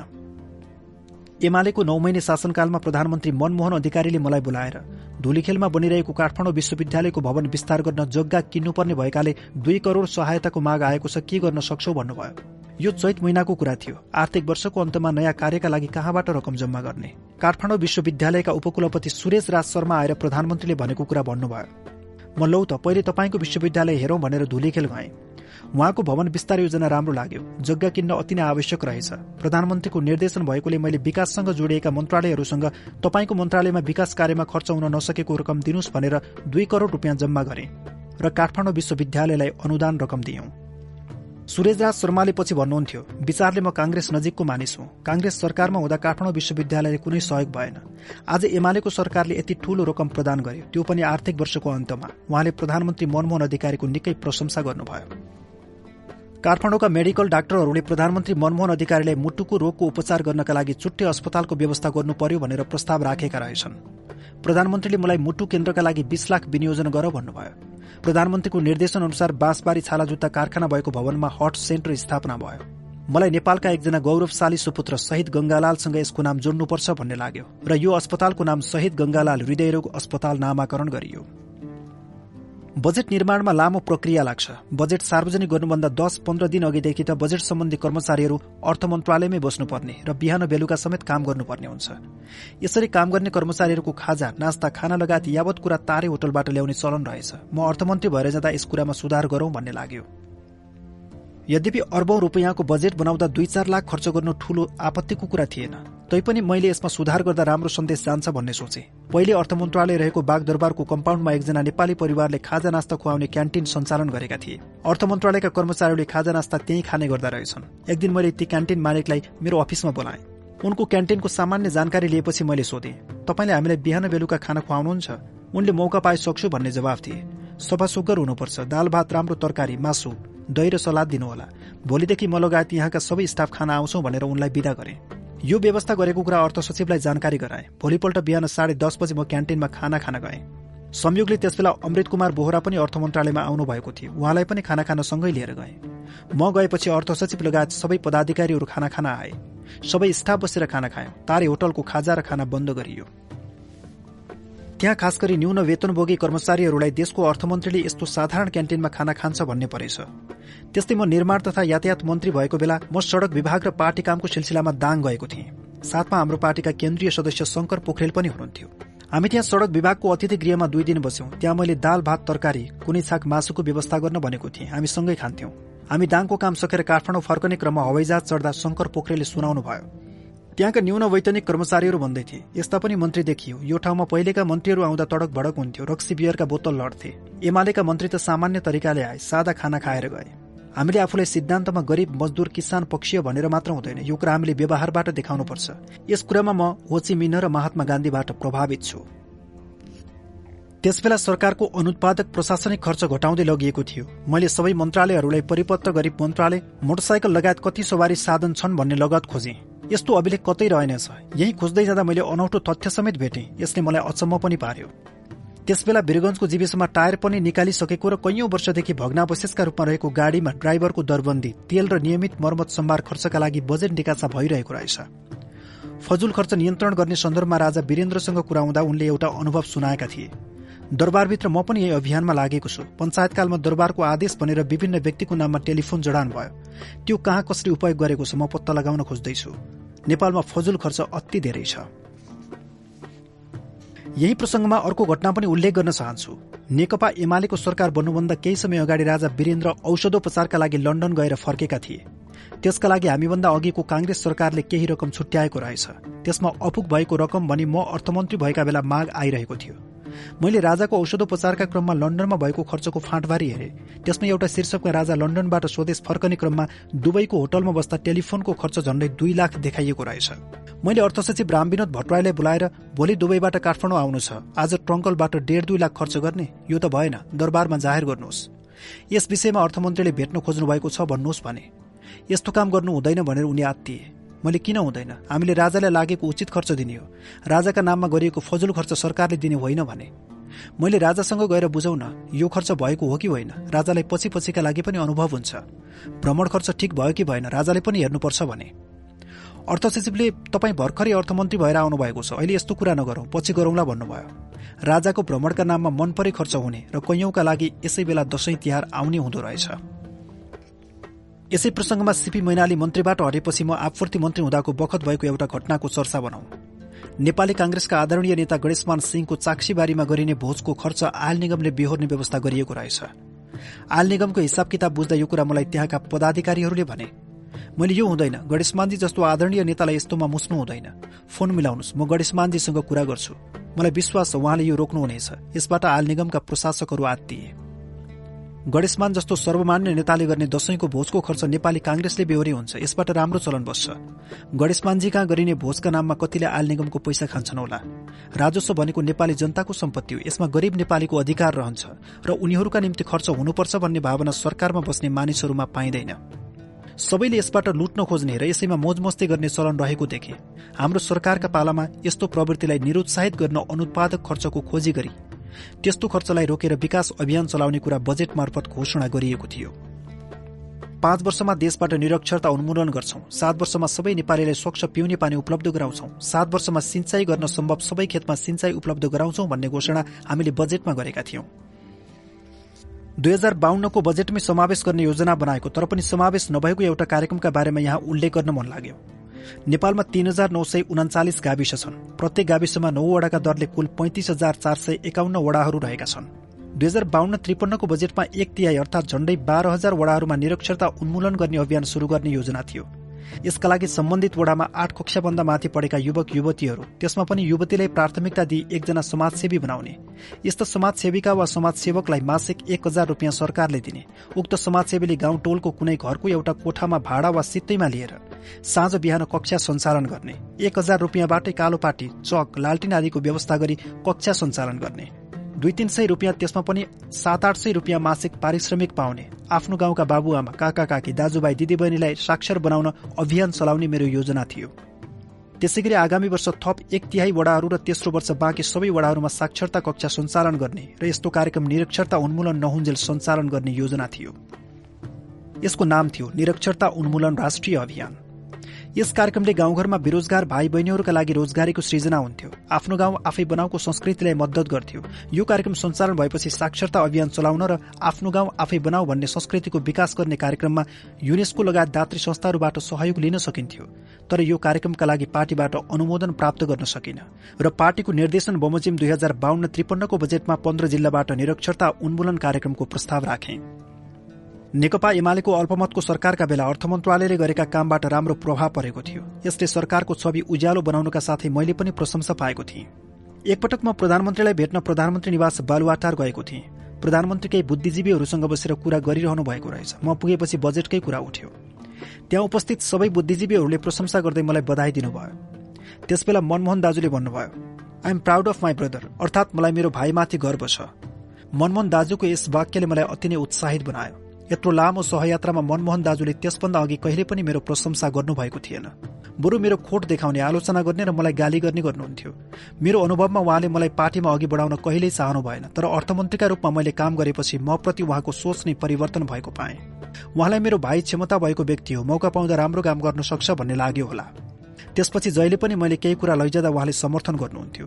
मन्त्री परिषदमा पनि अर्थ सम्बन्धी केही कुरा आयो भने अर्थमन्त्रीको मन्जुरी नभई केही गर्नु हुँदैन भन्नुहुन्थ्यो। एमालेको नौ महिने सरकारको बेला अर्थमन्त्रीका रूपमा मैले चीन बंगलादेश पाकिस्तान र न्यूजील्याण्डको भ्रमण गर्ने अवसर पाएको थिएँ। चीन बंगलादेश र पाकिस्तानमा दुई मुलुकको संयुक्त आर्थिक आयोगको बैठकमा भाग लिन गएको थिएँ। भने न्यूजील्याण्डमा एसियाली विकास बैंक एडीबीको वार्षिक बैठकमा पदेन गभर्नरको हैसियतले भाग लिन पुगेको थिएँ। चीनको भ्रमणमा त्यहाँका मेरा समकक्षीसँग लामो कुरा भएको थियो। उनी महिला थिइन्। उनीसँग औपचारिक अनौपचारिक धेरै कुरा भएको थियो। उनी भन्थिन् औपचारिक कुरा त आवश्यक परे मात्र गर्थ्यो। अनौपचारिक कुरा राम्रो हुन्छ। तपाईँको सम्मानमा मैले रात्रि भोजको अनौपचारिक कार्यक्रम राखेको छु। त्यसबेला चीनका लागि नेपाली राजदूत तुलसीलाल अमात्य पनि धेरै बैठकमा हामीसँगै हुनुहुन्थ्यो। सुरुमा उनले पारिवारिक कुरा गरिन्। प्रधानमन्त्री र तपाईँ दाजुभाइ हो भनी सोधिन्। हामी सहोदर दाजुभाइ उहाँ जेठो दाजु म कान्छो भाइ हुँ मैले भने। अहो अहिले तपाईँका मातापिता भएको भए कति खुसी हुनुहुन्थ्यो होला। छोराहरू प्रधानमन्त्री अर्थमन्त्रीको रूपमा देख्दा उनले भनिन्। चीन र नेपालका विगतका राजनैतिक घटनाहरूका बारेमा कुरा भयो। हामी दुवै एउटै उमेरका रहेछौं। उनी युवा अवस्थामा माओत्से तुङबाट प्रभावित रहेछन्। मैले पनि आफू माओत्से तुङबाट नै प्रभावित भएको बताए। उनले सांस्कृतिक क्रान्तिमा माओले राम्रो गर्नु भएन भने। सामान्य कुरा भइसकेपछि वर्तमान सन्दर्भमा मैले तीनवटा कुरा राखेको थिएँ। मैले भने नेपाल पछाडि परेको सानो देश छ। अहिलेको दृष्टिमा चीनका लागि नेपालको त्यति महत्व छैन होला। चीन त विश्व मानचित्रमा उदाइरहेको राष्ट्र हो। यसले आजभन्दा चालिस पचास वर्षपछिको सोच पनि राख्नुपर्छ। दीर्घकालीन दृष्टिकोणबाट नेपाल चीनको लागि महत्व राख्ने देश हो। नेपालसँगको आर्थिक सम्बन्ध बढाउने सोच चीनले राख्नुपर्छ। मैले पहिले प्रस्तावका रूपमा काठमाडौँ लासा बस सेवा शुरू गर्न अनुरोध गरे। उनले बाटो अप्ठ्यारो रहेको र अत्यन्त चिसो ठाउँ हुँदै हिँड्नुपर्ने बताइन्। मैले त्यसका लागि उपाय निकाल्न सकिन्छ। यदि बस सेवा सञ्चालन गर्न सकेमा यसले नेपाल र चीन दुई छिमेकी देश हुन् र अत्यधिक नजिक छन् भन्ने सन्देश दिन्छ। हप्तामा दुईवटा बस काठमाडौँबाट लासाका लागि छुट्ने र दुईवटा लासाबाट काठमाडौँका लागि पठाउने गर्दा राम्रो हुन्छ भने। यस कुरामा हामीबीच सहमति बन्यो र त्यसै अनुरूप संयुक्त विज्ञप्तिमा काठमाडौँ लासा बस सञ्चालन गर्ने कुरा समावेश भयो। हामीले हस्ताक्षर गरेको नौ दस वर्षपछि काठमाडौँ लासा बस सेवा सञ्चालन पनि भएको छ। एउटा भोजमा काठमाडौँ स्थित चिनिया राजदूतले भने तिमीले दस वर्ष अगाडि बेजिङमा हस्ताक्षर गरेर आएको बस सेवा अहिले सुरु भयो। तिमी त धेरै खुसी हुनु पर्ने हो। मैले ढिलो नै भए पनि सुरु भएको छ म खुसी नै छु भने। त्यसबेला मैले चिनिया समकक्षीसँग राखेको अर्को प्रस्ताव थियो। चीनको स्वायत्त भूभाग तिब्बत क्षेत्र र नेपाली अर्थतन्त्रलाई जोड्ने काम गरौं। चीनले नेपालको उद्योग व्यापारका क्षेत्रमा लगानी गरोस्। परम्परागत सम्बन्ध भनेर मात्र पुग्दैन अब त आर्थिक सम्बन्ध बढाउन आवश्यक छ। नेपाल र तिब्बतको अर्थव्यवस्थालाई जोड्न कदम चालौं। चीनका उद्यमी व्यापारी कम्पनीहरूले नेपालको उद्योग बन्द व्यापारमा लगानी गरून्। उनले हाँस्दै भनिन् तर उद्यमीहरू त मुनाफा नभई मैले भनेर मात्र जाँदैनन्। अहिले नेपालको आर्थिक कारोबारमा चीनले रुचि लिन थालेको छ तर जुन रूपमा बढ्नुपर्ने हो त्यस रूपमा पनि बढ्न सकेको छैन। चीन र नेपालको व्यापार असन्तुलनको मात्रा धेरै छ। तिब्बतसँग पनि नेपालको व्यापार घाटा छ। यसलाई सन्तुलनमा राख्न नेपालबाट तिब्बत र चीन तर्फको निर्यात व्यापारलाई बढाउनु जरुरी छ। चीनसँगको व्यापारको मात्रा कैयौं गुणा बढाउनु पर्छ। यसका लागि हामीले चिनिया माल सामान किनेर मात्र हुँदैन। तिब्बत र चीनले पनि नेपालको सामान किन्नुपर्छ। त्यसका लागि चीनमा खपत हुने सामान नेपालमा उत्पादन हुनुपर्छ। ठूलो संख्यामा चिनिया पर्यटकलाई नेपाल भित्याउन सक्नुपर्छ। यसतर्फ दुवै सरकार गम्भीरताका साथ योजना बनाएरै अघि बढ्न म जरुरी देख्छु। मैले भनेको तेस्रो कुरा थियो बैंक अफ चाइनाले नेपालमा पनि आफ्नो काम शुरू गर्नु पर्यो। कैयौं विदेशी बैंकले नेपालमा काम शुरू गरिसकेका छन्। यस कुरामा चिनिया समकक्षी मन्जुर भइन्। बैंक अफ चाइनाको शाखा नेपालमा ल्याउन प्रयास पनि गरिन्। चिनिया राजदूतले पनि निकै प्रयास गरे तर बैंक अफ चाइनाले सानो बजार छ नेपाल र चीनको कारोबार कम छ। त्यसैले हामीलाई पोसाउँदैन भनेर नेपाल आउन मानेन। छिमेकीहरूको सम्बन्ध गाडा पार्ने प्रसंगमा भारतीय राजदूत केबी राजनसँग भएको कुरा पनि चर्चा गरौं। केबी राजन र म बीच घनिष्ठता थियो। हामी औपचारिक अनौपचारिक रूपमा धेरै कुरा गर्थ्यौं। एकपटक मैले उनलाई भने भारतसँग नेपालको व्यापार घाटा धेरै छ र यो बढ्दै गइरहेको छ। नेपालले यति ठूलो व्यापार घाटा कसरी पुर्ताल गर्ने? त्यसका लागि नेपालसँग सुन हुनु पर्यो या त तेल हुनु पर्यो यी दुवै कुरा नेपालसँग छैनन्। नेपाल र भारतको संयुक्त लगानीमा नेपालमा उद्योग धन्दा बढाउनुपर्छ। विगतदेखि सानो मात्रामा हुँदै आएको यस्तो लगानीलाई व्यापक रूपमा बढाएर उद्योग धन्दा खोल्नुपर्छ। भारत ठूलो बजार छ। नेपालका केही सामान भारतमा गएर त्यहाँ ठूलो समस्या बन्ने होइन। खास गरेर नेपालको सीमा क्षेत्रमा रहेका भारतीय उद्यमीहरूले होहल्ला गर्छन्। समस्या त्यही मात्र हो उनले भने। हामीबीच छलफल हुँदा नेपाल भारत आर्थिक सम्बन्धलाई सुधार गरी दुवै देशको अर्थतन्त्रलाई कसरी अगाडि बढाउन सकिन्छ भनी राय सुझाव दिन तीनवटा आयोग गठन गर्ने प्रस्ताव मैले राखेँ। पहिलो दुवै देशका उद्योग व्यापारसँग सम्बन्धित संस्थाहरूको संयुक्त आयोग।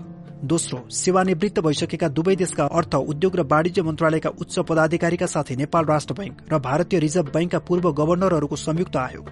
र तेस्रो बहालवाला अर्थ उद्योग वाणिज्य जस्ता मन्त्रालय र केन्द्रीय बैंकका उच्च प्रतिनिधिहरू रहेको आयोग। यी तीन आयोगहरूले नेपाल भारतको आर्थिक सम्बन्ध कसरी अगाडि बढाउन सकिन्छ? जनताको रोजगारी आय आर्जन लगायत जीवनस्तर कसरी सुधार गर्न सकिन्छ? औद्योगिकरणलाई कसरी अगाडि बढाउँदा राम्रो होला? यी विषयमा प्रतिवेदन पेश गरून्। यस्ता आयोगले निरन्तर काम गरिरहन् स्थायी हुन् र यसतर्फको प्रगतिको अनुगमन पनि गरिरहन्। मेरो यो प्रस्ताव केबी राजनलाई मन परेछ। हाम्रो सरकार भएको बखत दुवै देशका उद्योग व्यवसाय क्षेत्रसँग सम्बन्धित प्रतिनिधिहरू रहेको आयोग पनि बन्यो। यसले प्रतिवेदन पेश गर्यो तर त्यसपछिको सरकारले यस अभियानलाई निरन्तरता दिएन। यसलाई कार्यान्वयन गरेको भए नेपाल र भारतको आर्थिक सम्बन्धको विकासमा एउटा नयाँ अध्यायको शुरूआत हुन सक्थ्यो। प्रधानमन्त्री मनमोहन अधिकारीको चीनको भ्रमणसँगै नेपाल चीन संयुक्त आर्थिक समितिको बैठकको कार्यक्रम मिलाइएको थियो। चिनिया प्रधानमन्त्रीले नेपालका प्रधानमन्त्रीको नेतृत्वको प्रतिनिधि मण्डलका निम्ति एक दिन पूरै समय दिए। प्रधानमन्त्री मनमोहन अधिकारी र चिनिया प्रधानमन्त्री ली फङबीच एक्ला एक्लै भेटघाट कार्यक्रम राखिएको थियो र त्यसमा मलाई पनि समावेश गरिएको थियो। त्यस अवसरमा चिनिया प्रधानमन्त्री ली फङले हामीलाई दुईवटा कुराको जानकारी दिएका थिए। पहिलो नेपालका अर्थमन्त्रीको आग्रह अनुरूप नेपाललाई चीनले दिँदै आएको आर्थिक सहयोगमा दस मिलियन अमेरिकी डलर थप गरिएको छ। र दोस्रो तङ स्याओ पिङ सिकिस्त बिरामी भएकाले चियाङ चमिङलाई पार्टीको प्रमुख नेताका रूपमा केन्द्रीय समितिले निर्णय गरेको छ। दिवावोजमा चीनका तर्फबाट त्यहाँका प्रधानमन्त्री मन्त्रीहरू र उच्च पदाधिकारीहरूको उपस्थिति थियो। हाम्रा तर्फबाट प्रधानमन्त्री मनमोहन अधिकारी भाउजू साधना अधिकारी म निर्माण तथा यातायात राज्यमन्त्री अशोक राई प्रधानमन्त्रीका प्रमुख राजनैतिक सल्लाहकार ईश्वर पोखरेल पार्टीका संगठन विभाग प्रमुख विष्णु पौडेल लगायत प्रतिनिधि मण्डलमा रहेका सबैजना समावेश थियौं। त्यसपछि राष्ट्रपति चियाङ चमिङलाई भेट्न मनमोहन अधिकारी र म गयौं। राष्ट्रपतिले हाम्रो ठूलो स्वागत गर्नुभयो। साथै नेपाल चीन सम्बन्ध घनिष्ठ हुँदै जानुपर्नेमा जोड़ दिनुभयो। कुराकानीकै क्रममा राष्ट्रपतिले भन्नुभयो हामी चीनमा सबैलाई समृद्ध बनाउन चाहन्छौ। सबै एकैचोटि नभई पालै पालो गरेर समृद्ध हुन्छन् भने यसलाई समर्थन गर्छौं। बेजिङको कार्यक्रम सकेर प्रधानमन्त्री मनमोहन अधिकारी साङ्घाई र मंगोलियाको राजकीय यात्रामा जानुभयो। त्यो कार्यक्रममा मलाई पनि समावेश गरिएको थियो तर मैले म जान सक्दिनँ भने मनमोहन दाजुले किन नजाने भन्नुभयो। मैले नेपाल छोडेको सात आठ दिन भइसकेको थियो। एमाले सरकारले गाउँ विकास गर्ने आफ्नो गाउँ आफै बनाऊ कार्यक्रम सञ्चालन गरेको छ। त्यसका लागि स्रोत साधनको व्यवस्थापन गर्नु मेरो पहिलो दायित्व। त्यसरी अहिले घुमफिर गर्न भ्याउँदिन भनेर म सोझै काठमाडौँ आएँ। मंगोलियाको राजधानी उलान बटोरमा नेपाली प्रतिनिधि मण्डलको ठूलो स्वागत भएछ। यो कुरा मनमोहन दाजुसँग त्यो कार्यक्रममा सँगै जाने यातायात राज्यमन्त्री अशोक राईले पछि सुनाउनुहुन्थ्यो। बंगलादेश सरकारको निमन्त्रणामा नेपाल बंगलादेश संयुक्त आर्थिक आयोगको बैठकमा भाग लिन म ढाका गएको थिएँ। स्वागतका निम्ति बंगलादेशका अर्थमन्त्री त्यहाँको विमानस्थलमै आउनु भएको थियो। आर्थिक वर्ष दुई हजार बाहन्न त्रिपन्नको बजेट पेश गरिसकेपछि म बंगलादेश गएको थिएँ। त्यहाँका अर्थमन्त्रीले विमानस्थलमै स्वागत गर्दै राम्रो बजेटका लागि बधाई छ लोकप्रिय बजेट बनाउँछन् भनेर तपाईँ हामीलाई आरोप लगाउँछन्। यस्तो बजेट नबनाएर के बनाउने भन्नुभयो। बंगलादेशमा हाम्रो ठूलो स्वागत भयो। त्यहाँका राष्ट्रपति प्रधानमन्त्री परराष्ट्र मन्त्री लगायत अरू मन्त्रीहरूसँग पनि भेट भयो। सबैले विशेष समय दिएर मैसँग भेटे। बंगलादेशमा नेपालको निकै सम्मान हुँदो रहेछ भन्ने मैले अनुभव गरे। त्यस वखत ढाका स्थित नेपालका राजदूत लोकबहादुर श्रेष्ठ अत्यन्तै सक्षम व्यक्ति हुनुहुँदो रहेछ। उहाँले सरकारी गैर सरकारी लगायत विभिन्न क्षेत्रका व्यक्तिहरूसँग आत्मीय सम्बन्ध कायम गर्नुभएको रहेछ। उहाँले मेरो सम्मानमा आयोजना गरेको स्वागत समारोहमा त्यहाँका मन्त्री विभिन्न पार्टीका नेता साहित्यकार विद्वान पत्रकार उद्योगी व्यवसायी बैंक तथा वित्तीय क्षेत्रका प्रमुख लगायत सयौं मानिसको उपस्थितिले म छक्क पनि नेपालका अर्थमन्त्री आउँदा यस्तो राम्रो कार्यक्रम गर्न सक्नु उहाँको सफलता नै थियो। नभन्दै मलाई त्यहाँका मन्त्री पत्रकारहरू लगायत त्यहाँका उपस्थित केही मानिसहरूले भने पनि तपाईँका राजदूत साह्रै काबिल हुनुहुन्छ। म आफैले पनि यो कुराको अनुभव गरे। विदेशमा रहेका हाम्रा राजदूतहरूबारे मेरो त्यति अनुभव छैन। त्यति धेरै ठाउँमा म जान पनि पाइन। म संसदीय प्रतिनिधि मण्डलको सदस्यका रूपमा युरोपेली संघका पदाधिकारीहरूसँग भेट्न बेल्जियम गएको थिएँ। युरोपेली संघका लागि बेल्जियममा भएका नेपाली राजदूत दुर्गेशमान सिंहलाई पनि मैले त्यति नै काबिल पाएँ। मैले ढाकामा संयुक्त आर्थिक आयोगको बैठकमा भाग लिएँ। बैठक सम्पन्न भएपछि संयुक्त विज्ञप्ति समेत जारी भयो। त्यसपछि मैले बंगलादेशका केही गार्मेन्ट उद्योगको अवलोकन गरेँ। गार्मेन्ट उद्योगमा बंगलादेशले निकै सफलता हासिल गरेको रहेछ। बंगलादेशको सबैभन्दा बढी विदेशी मुद्रा आर्जन गर्ने क्षेत्र नै गार्मेन्ट रहेछ। यस क्षेत्रमा पन्ध्र लाख भन्दा बढी मानिसले रोजगारी पाइरहेका रहेछन्। गार्मेन्टका साथै उनीका स्तरीय राम्रा पोसाक बनाएर युरोप पठाइदो रहेछ। यस क्षेत्रमा बंगलादेशले निकै राम्रो प्रगति गरेको रहेछ भन्ने मलाई लाग्यो। त्यहाँका उद्यमीहरूसँग कुरा गर्दा उनीहरूले हामी नेपाललाई सहयोग गर्न तयार छौं। बजारको समस्या छैन। नेपालमा उत्पादन गर्नुहोस्। हामी कहाँ पठाउनु भयो भने हामी बेच्न सहयोग गर्छौं। बाटोको समस्या छ भने पनि उनी पोसाक र गार्मेन्टलाई काकड भिट्टाबाट ढाकासम्म हवाई जहाजबाट लिरुट गर्न सकिन्छ। देश निकासीका लागि चटगाउँको बन्दरगाहमा हामी सबै सुविधा दिउँला भनेका थिए। नेपालमा कपडा उद्योग संकटग्रस्त थियो। यसलाई कसरी विकास गर्न सकिन्छ भन्ने सोचमा म धेरै अघिदेखि थिएँ। बर्दिया दाङ लगायत पश्चिम नेपालका केही जिल्लामा कपास खेती गर्ने अभियान चलाइयो। तैपनि यो असफल भएर गयो। किसान निराश भए। यसको मूल दोष व्यवस्थापनको नै हो। यदि सरकारले तयारी पोसाक कपडा उद्योग र कपासको उत्पादनका बीचमा समन्वय कायम हुने अग्रगामी र पश्चगामी सम्बन्ध कायम गर्ने हो भने कपास खेती कपडा उद्योग र गार्मेन्ट उद्योगको विकास गर्न सकिन्छ भन्ने लाग्यो। गार्मेन्ट उद्योगले आफूलाई चाहिने धागो र कपडा भारतबाट ल्याउँछ। हामीले गार्मेन्ट उद्योगमा कम्तीमा पन्ध्र प्रतिशत नेपाली उद्योगबाट उत्पादित कपडा हुनुपर्छ भन्ने कुरा लागू गर्न सकेमा पनि कपडा उद्योगको विकास हुँदै जान्छ। यसबारेमा मैले कतिपटक संसदमा कराए पनि। शुद्ध कपासको लुगा अमेरिका र युरोपमा निकै लोकप्रिय भइरहेको छ। पश्चिम नेपालको कपास खेतीलाई प्रोत्साहित दिए कपास र कपडा दुवै फस्टाउँछ। यस्ता कुरा गर्नुपर्छ भन्ने सोच बनाएर म काठमाडौँ फर्केँ। यस कुरालाई योजना बनाई कार्यान्वयन गर्न के पाइन्थ्यो? सर्वोच्च अदालतले फैसलाबाट प्रतिनिधि सभाको पुनस्थापना भयो। सरकार ढल्यो काम गर्न पाइएन।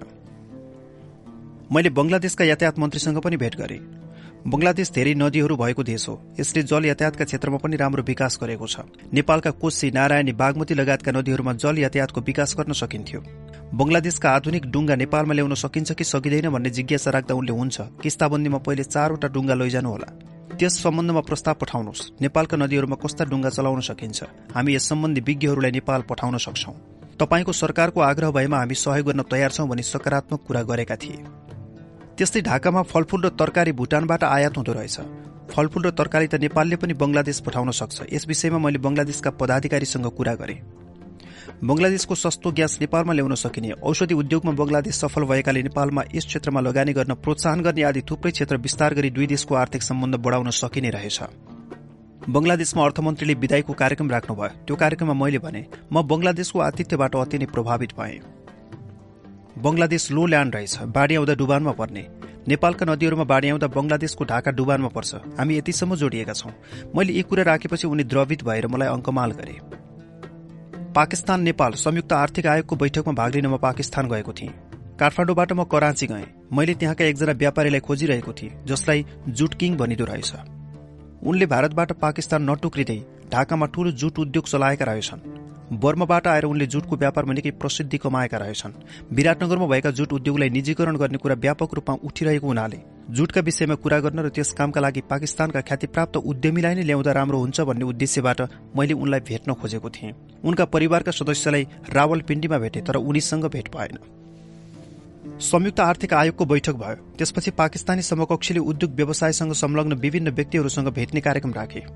नेपाल पाकिस्तान व्यापार बढाउनका लागि मैले पाकिस्तानी उद्यमीहरूलाई नेपालमा लगानी बढाउन प्रस्ताव राखे तर उनीहरूले चासो देखाएनन्। त्यसबेला सोभियत रूस विघटन भइसकेको थियो। पाकिस्तानी लगानीकर्ताहरूको ध्यान पूर्व सोभियत रूसमा मुस्लिम राष्ट्रहरूतिर बढेको थियो। उनीहरूले प्रश्नसँग भने बंगलादेश बनेपछि पाकिस्तानको मुख पूर्वतिर होइन पश्चिमतिर फर्केको छ। र हामी पूर्व सोभियत राष्ट्रसँग व्यापार व्यवसाय बढाउन लागेका छौं। धार्मिक सांस्कृतिक लगायतका कारणले त्यसो गर्दा राम्रो हुने उनीहरूको धारणा रहेछ। मैले नेपाल र पाकिस्तान दक्षिण एसियाली सहयोग संगठनका सदस्य राष्ट्र भएकाले पनि दुई सदस्यबीच आर्थिक क्षेत्रमा सम्बन्ध विस्तार गर्नुपर्ने कुरा राखे। मेरा पाकिस्तानी समकक्षीले हामी पाकिस्तान एयरलाइन्सबाट आउने सामानलाई ढुवानी भाडामा सहुलियत दिन सक्छौ भने मलाई नेपालको चिया कफी अदुवा सुठो लगायतका वस्तु तथा कम तौलका वस्तु पाकिस्तान निर्यात गर्न सकिन्छ भन्ने लाग्यो। उनले भने कराचीमा एउटा ठूलो जुट उद्योग छ। कच्चा जुट हामी कहाँ उत्पादन नहुने भएकाले हामीले त्यो उद्योग चलाउन जति कोसिस गर्दा पनि सकेनौं। सरकारले जति नै सहयोग गरे पनि जुट उद्योग चल्दैन। त्यसैले त्यसलाई बन्द गरी बरु अर्को कुनै उद्योग खोल भनेर हामीले जुट उद्योगका मालिकलाई भनेका छौं। कुराकानीका क्रममा उनले भनेको एउटा कुरा मार्मिक लाग्यो। वास्तवमा कुरा ठिक हो भन्ने मलाई लाग्यो। सरकारले जतिसुकै सहयोग गर्दा पनि नचल्ने उद्योगलाई बन्द गर्न लगाउनुपर्छ। त्यस्ता उद्योगमा गरिएको लगानीले त्यो उद्योग त डुब्छ नै त्यहाँ लगानी गर्ने बैंक तथा वित्तीय संस्था पनि डुब्छन्। साथै सरकारले समेत घाटा बेहोर्नुपर्छ। उद्योगको स्थापना र विकास गर्दा सरकारले पनि ध्यान दिनुपर्छ।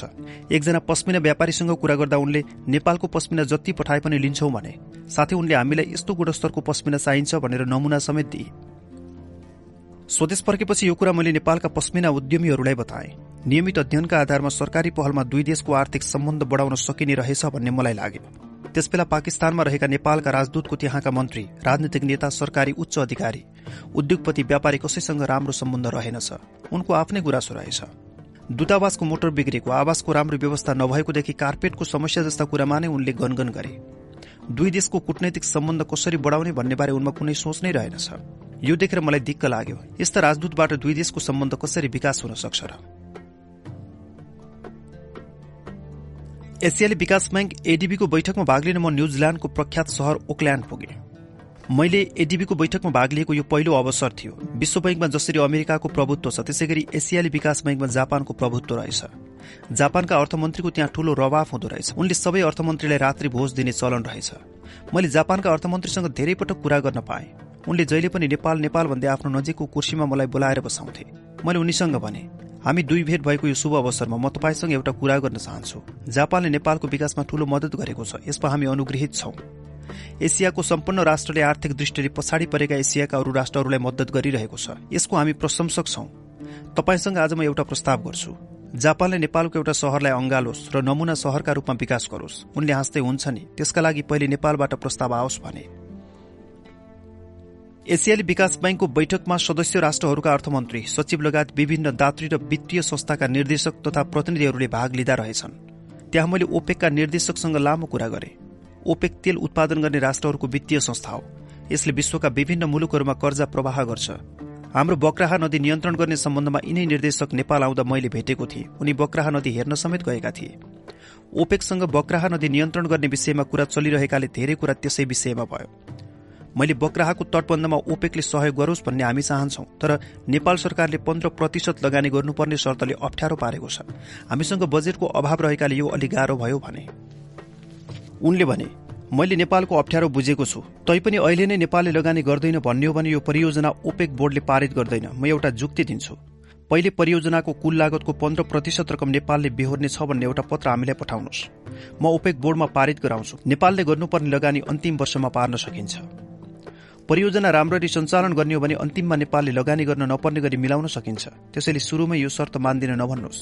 मैले तपाईँ नेपालको असल मित्र हुनुहुन्छ। तपाईँसँग अहिले कुरा गर्न पाएको मौकामा म केही कुरा राख्न चाहन्छु मैले भने। यो बग्राह परियोजनाका तीन अङ्ग छन्। पहिलो बक्राह नदी नियन्त्रण गरेर धनजनको रक्षा गर्ने। दोस्रो बक्राह नदी नियन्त्रण गरी त्यसबाट नहर निकालेर सिंचाईको व्यवस्था गर्ने। र तेस्रो बक्राह नदीको दायाँ बायाँ वृक्षारोपण गरी सुकुम्बासीलाई बसोबास मिलाउने। यी सबै कुरामा ओपेकले सहयोग गर्नुपर्छ। उनले तपाईँको दूरदृष्टि राम्रो तर यी सबै कुरा एकैचोटि भन्नुभयो भने बक्रा अर्बौं रुपियाँको परियोजना बन्न पुग्छ। यस्तो अवस्थामा ओपेक बोर्डले स्वीकृति जनाउन गाह्रो पर्छ। चरणबद्ध गर्नुहोस्। पहिलो चरणमा नदी नियन्त्रण दोस्रो चरणमा सिंचाई र तेस्रो चरणमा वृक्षारोपण र सुकुम्बासीले आवास गर्दा व्यवहारिक हुन्छ। साथै ओपेकलाई सहायता गर्न सजिलो हुन्छ भने। त्यसपछि मैले अझै केही थप कुरा भने। हामीले बक्रा नदीले मात्र नियन्त्रण गरेर पुग्दैन। त्यसैको छेउमा मावा खोला छ। पूर्व मेचीदेखि पश्चिम महाकालीसम्म धेरै साना ठूला खोला नाला छन्। जसले तराईको उर्वर भूमि नाश गरिरहेका छन्। यिनको नियन्त्रणमा पनि सहयोग गर्नु पर्यो। उनले हुन्छ दुई वर्षमा बक्राह परियोजना पूरा गर्नुहोस्। त्यसपछि अरू खोला नियन्त्रण गर्ने प्रस्ताव लिएर आउनुहोस्। हामी ऋण उपलब्ध गराउँछौ भन्ने वचन दिए। यो दुई हजार बाहन्न सालको कुरा हो। बक्राह परियोजना राम्रोसँग पूरा गरी ओपेकको चित्त बुझाउन सकेको भए र त्यसै अनुसार अन्य खोला नियन्त्रण गर्ने परियोजना बनाई काम गरेको भए आजसम्म करिब करिब नेपालका सबै खोला नियन्त्रण भइसकेका हुन्थे। बक्राह परियोजना एमालेको सरकारको बखत हामीले ल्याएका हौं। सम्झौता पनि हामीले नै गर्यौं तर कार्यान्वयन गर्ने बेलामा हामी सरकारमा रहेनौं। भ्रष्टाचार र अनियमितताले गर्दा बक्राह नदी नियन्त्रण परियोजना असफल भयो। बक्राह परियोजनाबाट जापान समेत प्रभावित भएर बक्राहकै मोडलमा सहयोग गर्ने कुरा जापानी सरकारले गरेको थियो। यही मोडलमा सातवटा खोला नियन्त्रण गर्ने प्रस्ताव उनीहरूले राखेका थिए। जापानले नदी नियन्त्रण गर्न तार जाली लगायतका कुरामा धेरै अघिदेखि सहयोग गरेको छ। प्रत्येक वर्ष तार जाली दिने र त्यसलाई खोलाले बगाएर लैजाने गरेको छ। बक्रा नदीकै मोडलमा अरू नदीलाई अगाडि बढाएको भए नेपालका सबै नदी नियन्त्रण भइसक्थे र एउटा समस्याबाट नेपालले मुक्ति पाइसक्थ्यो। वास्तवमा नेपालमा विकास निर्माण कार्यलाई अगाडि बढाउन साधन स्रोतको अभाव छैन। आजको युगमा पैसा समस्या होइन। समस्या त प्रष्ट सोच इमान्दारीपूर्ण कार्यान्वयन र भ्रष्टाचार मुक्त भएर अगाडि बढ्न नसक्नु हो। व्यवस्थापनको कमजोरी हो। यी कुरामा सचेत हुने हो भने छोटै समयमा देशको विकास गर्न सकिन्छ। एसियाली विकास बैंकको बैठक सकेर अर्थ सचिव राम विनोद भट्टराई र म सिंगापुर पुग्यौं। त्यहाँ इण्डियन चेम्बर अफ कमर्सले हाम्रो ठूलो स्वागत गर्यो। सिंगापुरमा व्यापार व्यवसाय दुई क्षेत्रमा विभाजित जस्तो रहेछ। एउटा चिनिया क्षेत्र जहाँ चीनका उद्योगी व्यवसायहरू रहेछन् भने अर्को भारतीय बाहुल्य भएको क्षेत्र जहाँ भारतीय उद्योगी व्यवसाय रहेछन्।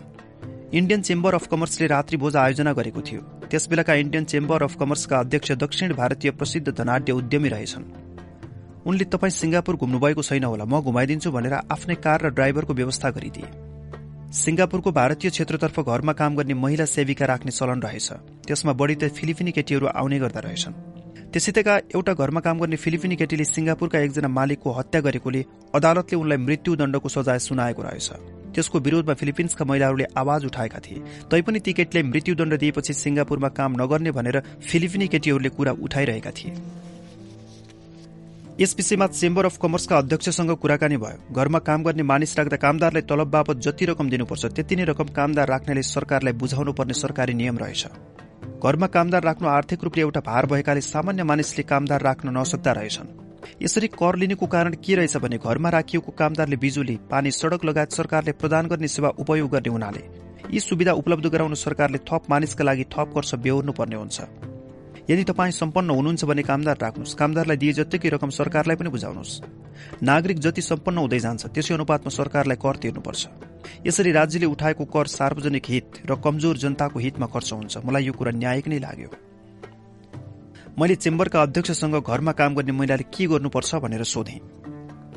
उनले सिंगापुरको भाषा अंग्रेजी भएकाले अंग्रेजी भाषा टाकटुको जान्नुपर्छ। प्राय सबै काम विद्युतीय उपकरणबाट गरिने हुनाले ती उपकरण चलाउन जान्नुपर्छ। विद्युतीय उपकरणबाट काम गर्ने बच्चा घुमाउने घरमा स्वास्नी मानिसलाई सघाउने हो। त्यसो काम गर्दा कामगारले कति पाउँछन् भनेर सोद्धा उनले डलरमा बताएको रकमलाई नेपाली रुपियाँमा हिसाब गर्दा त के देखियो भने? यदि हामीले कुनै नेपाली महिलालाई सिप र तालिम दिएर राम्रो सुरक्षाको व्यवस्था गरी सिंगापुरको काममा लगाउने हो भने तीन वर्षमा बाइसदेखि पच्चीस लाखसम्म कमाउन सक्ने रहेछन्। फिलिपिन्सबाट काम गर्ने केटी आउँदैनन् भने नेपालबाट हामीले पठायो भने हुन्छ कि हुँदैन? भन्दा उनले हुन्छ पठाउनुहोस् हामी सहयोग गर्छौं भने। नेपालमा फर्केपछि यसबारे मैले कुरा गरे। नेपाली श्रमिकलाई दक्षिण पूर्वी एसियाका कुन कुन मुलुकमा रोजगारीका लागि पठाउन सकिन्छ र के कस्तो व्यवस्था गर्नुपर्छ भन्ने कुराको अध्ययन गर्न नेपाल राष्ट्र बैंकका वरिष्ठ अधिकृत गणेश श्रेष्ठको नेतृत्वमा हामीले ती मुलुकमा अध्ययन टोली पठायौं। त्यस टोलीले अध्ययन प्रतिवेदन दियो तर त्यसबीचमा हाम्रो सरकार ढल्यो र हामीले त्यसमा काम गर्न पाएनौं। त्यसबेला हङकङमा हाम्रो कन्सुलर अफिस थियो। ब्रिटिस गोर्खासँग बेलायत सरकारले दिएको राम्रो घर थियो। मैले हङकङको कन्सुलर अफिसले दक्षिण पूर्वी एसिया कोरिया र जापानमा काम गर्ने नेपालीहरूको रेकर्ड राख्ने काम गरोस् र वर्षनी यो रेकर्डको नवीकरण गरियोस् भन्न चाहेको थिएँ। नवीकरण दस्तुर दस डलर लिने। अफिसले नेपाली कामदारहरूको अभिभावकको काम गर्ने कामदारको ठेगाना काम गर्ने थलो तलब स्वास्थ्य आदि समस्याबारे बुझ्ने र नेपालीहरूले कमाएको रकम उनीहरूले चाहे अनुरूप सुरक्षित रूपमा नेपाल पठाउन व्यवस्था मिलाउनेतर्फ सरकारले काम गर्नुपर्छ भन्ने लाग्यो। सरकारको स्वामित्व भएका उद्योग प्रतिष्ठानमा खुल्ला प्रतिस्पर्धाबाट व्यवस्थापक नियुक्त गर्ने परिपाटी शुरू गर्न हिमालय शमशेर जस्ता स्वतन्त्र व्यक्तिको अध्यक्षतामा छनौट कमिटी बनेको थियो र त्यसले छनौट गरेका व्यक्तिले महाप्रबन्धक नियुक्त गरिएको थियो। कांग्रेस सरकारले जस्तो आफ्नो पार्टीका कार्यकर्ता र नातेदारलाई नभई योग्य सक्षम र कुशल व्यवस्थापकलाई संस्थानको महाप्रबन्धक नियुक्त गरिएको थियो। एमाले सरकारले साक्षरता अभियान दलित र पछाडि परेका छात्र छात्रालाई छात्रवृत्तिको कार्यक्रम महिला तथा बाल विकास कार्यक्रम आदि सञ्चालन गर्यो। दुई हजार एकाउन्न सालको बजेटमा मैले मदन आश्रित प्रतिष्ठानका लागि पचास लाख रकम विनियोजन गरेको थिएँ भने दुई हजार बाहन्नको बजेटमा यसलाई दुई करोड़ पुर्याएको थिएँ। विद्या भण्डारीले यो कार्यक्रम ल्याउँदै हुनुहुँदो रहेछ यसबारे मलाई पहिले भन्नुपर्थ्यो भन्नुहुन्थ्यो। त्यस्तै नेपाल कम्युनिष्ट पार्टीका संस्थापक महासचिव पुष्पलालको स्मृतिमा पुष्पलाल स्मृति प्रतिष्ठान पूर्व प्रधानमन्त्री बीपी कोइरालाको नाम जोडेर बीपी मेमोरियल क्यान्सर अस्पताल र पूर्व प्रधानमन्त्री टंक प्रसाद आचार्यको स्मृतिमा टंक प्रसाद प्रतिष्ठान स्थापना गरिएको थियो। एक दिन विद्या भण्डारी अष्टलक्ष्मी साक्य सहितको महिलाहरूको टोली आएर खोइ महिलाहरूका सम्बन्धमा बजेट के कार्यक्रम ल्याउनुहुन्छ भनेर सोध्नुभयो। मैले तपाईँहरू नै भन्नुहोस् न के कार्यक्रम ल्याउँ भने? उहाँले तत्कालै केही कार्यक्रम भन्न नसकेपछि राष्ट्रिय विभूति स्वर्गीय पासाङ लामु शेर्पाको स्मृतिमा महिला आवास गृह बनाउने कुरामा सहमति भयो। तदनुरूप बजेट विनियोजन गरे। यसमा हिमाल आरोहण गर्ने समूहहरूले चिठी लेखी एमालेको सरकारलाई धन्यवाद दिएका थिए। महाकवि लक्ष्मीप्रसाद देवकोटाको सम्झनामा देवकोटा प्रतिभा उपचार कोषको स्थापना शिक्षा मन्त्रालयबाट भयो र त्यसका लागि बजेट व्यवस्था गरिएको थियो। आफ्ना क्षेत्रमा अत्यावश्यक विकासका ससाना कार्यक्रम सञ्चालन गर्नका लागि सांसदले पनि प्रत्यक्ष भूमिका खेल्न सकुन् भन्ने उद्देश्यले प्रत्येक निर्वाचन क्षेत्रमा त्यस क्षेत्रका सांसदको सिफारिशमा विकासका कार्यक्रम सञ्चालन गराउन हामीले निर्वाचन क्षेत्र विकास कार्यक्रम शुरू गरेका थियौं। निर्वाचन क्षेत्र विकास कार्यक्रममा प्रतिनिधि सभा र राष्ट्रिय सभा गरी दुवै सदनका सांसदहरूलाई संलग्न हुने व्यवस्था गरिएको थियो। संसदमा छलफल र बहसमा भाग लिई नीति निर्माणमा मात्र संसदको भूमिकालाई सीमित नराखी। जनसहभागितामा आफ्नो क्षेत्रमा विकास निर्माणका कार्यहरू सञ्चालन गर्नका लागि यस कार्यक्रम मार्फत रकम विनियोजन गरिएको थियो। सांसदहरूले आफ्नो निर्वाचन क्षेत्रको सधैँ हेरविचार गर्नुपर्छ भन्ने मेरो पुरानो मान्यता हो। हाम्रो पार्टी नेपाल कम्युनिष्ट पार्टी एमालेको पाँचौं महाधिवेशनको बखत। मैले पार्टीको विधानमा एमाले सांसदको कर्तव्यमा आफ्नो निर्वाचन क्षेत्रको हेरविचार गर्नुपर्छ भन्ने प्रस्ताव राखेको थिएँ। मदन भण्डारीलाई यो कुरा मन परेनछ उहाँले यस्तो के कुरा गरेको? अब पार्टी अध्यक्ष मनमोहन अधिकारीले धरान क्षेत्र हेरिबस्ने भन्नुभयो। मैले उहाँले आफ्नो कुरा बुझाउन भर मगदुर प्रयास गरे। सफल भएन। मदन भण्डारीले मन नपराएपछि मेरो प्रस्ताव पास हुने कुरै भएन। पाँच वर्षपछि हाम्रो पार्टीको छैठौं महाधिवेशनले भने मेरो कुरा पार्टी विधानमा समावेश गरेको छ। अहिले पनि मलाई हाम्रा केही साथीहरू भरतमोहनजीको मोरङ क्षेत्र नम्बर दुई भनी ठट्टा गर्छन्। मोरङ दुई नम्बर क्षेत्रबाट म लगातार तीन पटक प्रतिनिधि सभामा विजयी भए। विगत दश वर्षमा मोरङ क्षेत्र नम्बर दुईको विकास निर्माणका काममा मैले सक्दो काम गरेको छु। उर्लाबारी बरडङ्गा विराटनगर रंगेली ठूलो फराकिलो कालो पत्री सड़क बनेको छ। मधुमल्ला रवि बाटो बनाउने काममा लागिरहेको छु। यो बाटो निर्माणको कार्य अन्तिम चरणमा पुगेको छ। यो बाटो पूरा भएपछि रवि मधुमल्ला उर्लाबारी रंगेली जोडिन्छ। यो बाटोले मेची अञ्चलको पहाड़ी जिल्ला पाँच थरदेखि तराईको मोरङ जिल्लाको रंगेलीसम्म जोड्छ। यस भेगको लागि मधुमल्ला रवि बाटो निकै महत्वपूर्ण छ। वास्तवमा यो बाटो निर्माणको कुरा पञ्चायतकालदेखि नै उठेको कुरा धेरै हुन्थ्यो काम पनि केही हुन सकेको थिएन। दुई हजार अडचालिस सालमा म प्रतिनिधि सभामा विजयी भएपछि यो बाटो निर्माणमा लाग्छु भन्ने अठोट गरे। सदनमा कुरा उठाए तर मेरो कुराको कुनै सुनवाई भएन। दुई हजार एकाउन्न सालमा हाम्रो पार्टी नेपाल कम्युनिष्ट पार्टी एमालेको नौ महिने सरकारको बखत यस बाटोका लागि बजेट विनियोजन गरेको थिए। हाम्रो सरकार ढलेपछि नेपाली कांग्रेसका अर्थमन्त्री रामशरण महतले यो बाटो निर्माणका लागि विनियोजित गरेको रकम रोक्का गरे यस्ता पूर्वाग्रही थिए कांग्रेसी मन्त्री। यो बाटोसँग जोडिएको एउटा रमाइलो घटना छ। दुई हजार त्रिपन्न चौन्न सालमा म निर्माण तथा यातायात मन्त्री हुँदा पूर्वाञ्चलको सड़क निरीक्षणको काममा म पूर्वाञ्चल गएको थिएँ। दिनभरि विभिन्न जिल्लाको सड़क निरीक्षण गरी बेलुकी पूर्वाञ्चल सड़क विभाग कार्यालय दमकको अतिथि गृहमा रात बस्न पुगेको थिएँ। झापा जिल्लाका हाम्रो पार्टी नेपाल कम्युनिष्ट पार्टी एमालेका जिम्मेवार साथीहरू मलाई भेट्न आउनुभयो। केही भलाकुसारीपछि उहाँले भन्नुभयो भरतमोहन कमरेड तपाईँ निर्माण तथा यातायात मन्त्री हुँदा हामीलाई दुःख लाग्यो।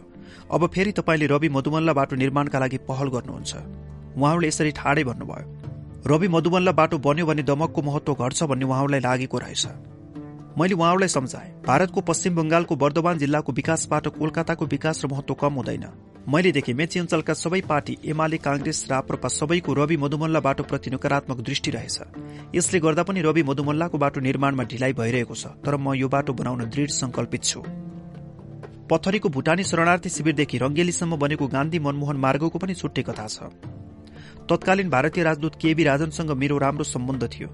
कुराकानीको सिलसिलामा मैले भने मोरङको अमरदह गाविसमा गान्धी आश्रम छ। त्यहाँका आदिवासी राजवंशीहरूले गान्धीको सम्झनामा जग्गा दान गरेका छन्। तपाईँले पनि त्यहाँ भारतीय सहयोगमा केही काम गर्नु पर्यो नि। उनले आश्चर्य मान्दै भने त्यहाँ गान्धी आश्रम छ र त्यसो हो भने म त्यो हेर्न मानिस पठाउँछु। गान्धी आश्रमका लागि राजदूतावासबाट नै पनि पचास लाख रुपियाँ दिन सक्छु। गान्धीको प्रतिमा स्थापना गरौं गान्धी पार्क बनाऊ। उनले भने। मैले त्यसो होइन गान्धी आश्रम हेर्न पार्क घुम्न पहिला बाटो त चाहियो भने। अन्तत बाटो बनाउने कुरामा उनी सहमत भए केवी राजनले भने भरत मोहनजी मोरङको अमरद गाविस त नम्बर निर्वाचन क्षेत्रमा पर्छ। यो गिरिजाप्रसाद कोइरालाको क्षेत्र पनि हो। गिरिजाप्रसाद कोइराला त धेरै पटक प्रधानमन्त्री हुनुभएको छ। उहाँले इच्छा मात्र गरेर भनेको भए बीस करोड़ रुपियाँ भन्दा बढीको सहयोग एक वचनमा आउन सक्थ्यो। यो कुरा किन गिरिजाप्रसादले उठाउनु भएन र तपाईँले उठाउनु भयो? मैले के भनौँ यो कुरा त गिरिजाप्रसाद कोइरालालाई नै सोध्नुहोस् भने। यसरी म र केबी राजनको कुराकानीबाट गान्धी मनमोहन मार्ग बनेको हो। रंगेलीमा पुल निर्माण भएको छ। अहिले त यो बाटोमा यात्रु बस ओहोर दोहोर गरिरहेका हुन्छन्। हामी यो बाटोलाई कालोपत्री बनाउन लागिरहेका छौं। मैले युएनएचसीआरलाई भनेर पत्थरी शनिश्चरी ग्राभेल बाटो बनाउन लगाएको थिएँ। मोरङ निर्वाचन क्षेत्र नम्बर एक र दुईका केही गाविसका जनताका लागि दुःख र पीड़ाको खोला भनी चिनिएको। बक्राहा नदी नियन्त्रण गर्ने कार्यक्रम मैले एमाले सरकार हुँदा ल्याएको थिएँ। मोरङ क्षेत्र नम्बर दुईको विकास निर्माणमा मैले आफूले सक्दो काम गरेको छु। विगत दस वर्ष अघिको दुई नम्बर क्षेत्र र अहिलेमा निकै परिवर्तन भएको अनुभूति त्यहाँका जनताले गरेका छन्। यद्यपि अझै धेरै कुरा गर्न बाँकी छ। मैले प्रतिनिधित्व गर्ने सबै गाविसहरूमा शिक्षा स्वास्थ्य खानेपानी बाटो बिजुली लगायत जनतासँग प्रत्यक्ष सरोकार राख्ने काममा मैले आफू सक्दो काम गर्दै आइरहेको छु। यहाँका बासिन्दा पनि यस कुरामा विश्वस्त छन्। नेपाली कांग्रेस माओवादी राप्रपाका स्थानीय नेताहरू पनि विकासको काम भरत मोहनले गर्छन् भन्छन् भने हाम्रा स्थानीय साथीहरू सुनाउनुहुन्छ। मैले इमान्दारीपूर्वक काम गरेको छु भन्ने कुरा जनतामा परेको छ। यसैमा मलाई सन्तोष छ। अहिले हाम्रा कतिपय सांसद निर्वाचन क्षेत्रको विकास निर्माणमा निकै ध्यान दिएको मैले पाएको छु। वास्तवमा जहाँका जनताले भोट दिएर हामीलाई राष्ट्रिय मञ्चमा पुर्याए हामीले हाम्रो त्यही व्यक्तित्वको उपयोग गरेर त्यहाँका जनताको जीवनस्तर माथि उठाउन स्वास्थ्य शिक्षा खानेपानी सिंचाई लगायतका क्षेत्रको विकास निर्माणका काम गर्नु हाम्रो कर्तव्य होइन र पहिला निर्वाचन क्षेत्रबाट विजयी हुने सांसदहरूले आफ्नो क्षेत्रको विकास निर्माणमा ध्यान दिनैपर्छ।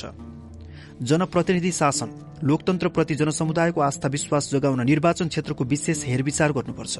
यसले सांसदको लोकप्रियताको अभिवृद्धि मात्र गर्दैन। लोकतन्त्रको जोरा तल गाउँ गाउँ कुना काप्चासम्म पुर्याउँछ। लोकतन्त्र बलियो हुन्छ। सीपी मैनाली सरकारबाट हटेपछि मलाई आपूर्ति मन्त्रालय पनि हेर्ने जिम्मेवारी थपियो। आपूर्ति मन्त्रालय सम्हाल्दा मैले सामान्य कुरा बाहेक दुईवटा थप व्यवस्था गरेको थिएँ। पहिलो पेट्रोलियम पदार्थको सुव्यवस्था गर्नका लागि सांसद राजेन्द्र प्रसाद पाण्डेको संयोजकत्वमा अध्ययन कार्यदल बनाएको थिएँ। त्यो कार्यदलले अध्ययन प्रतिवेदन बुझाउने र हामी सरकारबाट बाहिरिने समय एकैसाथ परेको हुनाले त्यसलाई कार्यान्वयन गर्न पाइएन। यो प्रतिवेदन अध्ययन गरी त्यसले दिएका सुझाव हामी पछिको सरकारले कार्यान्वयन गरेको भए नेपाल आयल निगमका समस्या त्यसै बेला समाधान हुन्थे। दोस्रो आधारभूत जनसमुदायलाई अत्यावश्यक वस्तु सहज र सुपथ मूल्यमा उपलब्ध होस् भन्ने उद्देश्यले काठमाडौँ उपत्यका तीनवटै शहरका विभिन्न ठाउँमा सुपथ मूल्यका पसल खोलिएका थिए। आम जनसमुदायले उपभोग गर्ने चामल पिठो दाल नुन तेलका साथै लुगा धुने साबुन लगायतका अत्यावश्यक वस्तु सुपथ मोलमा सरल प्रकारले पाउन सकुन् भनेर यो अभियान चलाइएको थियो। यो अभियानलाई काठमाडौँ उपत्यका बाहिर पनि रहिजाने सोच राखिएको थियो। देशमा कांग्रेस र राप्रपाले हल्ला मचाउन थाले। गिरिजाप्रसाद कोइरालाले भन्न थाल्नुभयो यसले त हामीलाई नसोधी बहुमत प्राप्त सरकार जस्तो गरी काम गर्न थाल्यो। देशमा शान्ति थियो विकासको लहर आएको थियो जनतामा आत्मविश्वास बढेको थियो। यो नौ महिने शासनकालमा प्रधानमन्त्री मनमोहन अधिकारी र एमाले सरकारको प्रतिष्ठा ज्यादै बढेको थियो। मनमोहन अधिकारी प्रधानमन्त्री भएर पनि उहाँले कुनै मन्त्रालय राख्नु भएन। त्यसैले पनि उहाँको प्रतिष्ठालाई बढायो। उहाँले मन्त्रीमण्डलमा अभिभावकको भूमिका खेल्नुभयो। कुनै मन्त्रीलाई कुनै काम गर्न दबाव दिनु भएन उहाँ राम्रा काम गर्नका लागि मन्त्रीहरूलाई प्रोत्साहित गर्नुहुन्थ्यो। यसले गर्दा उहाँप्रति मन्त्रीहरूको श्रद्धा दिन प्रतिदिन बढ्दै गयो। मलाई त के लाग्छ भने भरतमोहन अधिकारी जस्तो प्रधानमन्त्रीको नेतृत्वमा अर्थमन्त्री भई पाँच वर्ष काम गर्न पाउने हो भने म नेपालको अर्थतन्त्रको नक्सा नै बदल्न सक्छु। यो कुरा मैले मनमोहन दाजुको निधनमा उहाँप्रति श्रद्धाञ्जली दिँदै एउटा लेखमा पनि लेखेको थिएँ। नौ महिने शासनकालको प्रधानमन्त्रीत्व कालमा उहाँमाथि कुनै किसिमको आरोप नै लागेन। मनमोहन दाजु एउटा स्वच्छ छविको निष्कलङ्क र लोकप्रिय प्रधानमन्त्रीका रूपमा स्थापित हुन सक्नुभयो। दुई हजार सात सालदेखि आजसम्मका सरकारमध्ये सबैभन्दा राम्रो काम उहाँको नेतृत्वमा गठित सरकारले गर्यो। प्रधानमन्त्री मनमोहन अधिकारीले विदेश यात्रा गर्दा पनि राम्रो प्रभाव पार्नुभयो। देशभित्र र बाहिर एमाले सरकार र पार्टीको छवि माथि उठाउनुभयो। नेकपा एमालेको सरकारले ल्याएका जनपक्षीय कार्यक्रम जनताका बीचमा पुर्याउन पार्टीका तर्फबाट जनपरिचालनका कार्यक्रम चलाइयो। पार्टीले मेची महाकाली प्रशिक्षण अभियान विकास निर्माणमा जनशक्ति परिचालन र जनसांस्कृतिक अभियान चलाएको थियो। यी कार्यक्रमले सरकारको विकास अभियानलाई निकै मद्दत गरेका थिए। दुई हजार उनाचास सालको हाम्रो पार्टीको पाँचौं महाधिवेशनले जनताको बहुदलीय जनवादको कार्यक्रम पारित गरेपछि राजनैतिक फाँटमा हामीले आफ्नो बाटो पहिल्याएका थियौं। त्यसवखत आर्थिक फाँटमा मोटो कुरा मात्र भनिएको थियो। हामीले सरकारमा बस्दा प्रतिपक्षको भूमिका निर्वाह गर्दा चुनावी घोषणापत्र जारी गर्दा र यस्तै विविध अवसर पारेर हामी जनताको बहुदलीय जनवादको आर्थिक सोच प्रष्ट गर्न सफल भएका छौं। जनताको बहुदलीय जनवादको आर्थिक नीति प्रष्ट छ। मुलुकमा सामन्ती भूमि व्यवस्थाको पूर्ण अन्त्य गर्नुपर्छ। क्रान्तिकारी भूमि सुधार गरी भूमिहीन सुकुम्बासी र कमैयालाई उत्पादनको साधनका रूपमा जमिन उपलब्ध गराउनु आवश्यक छ।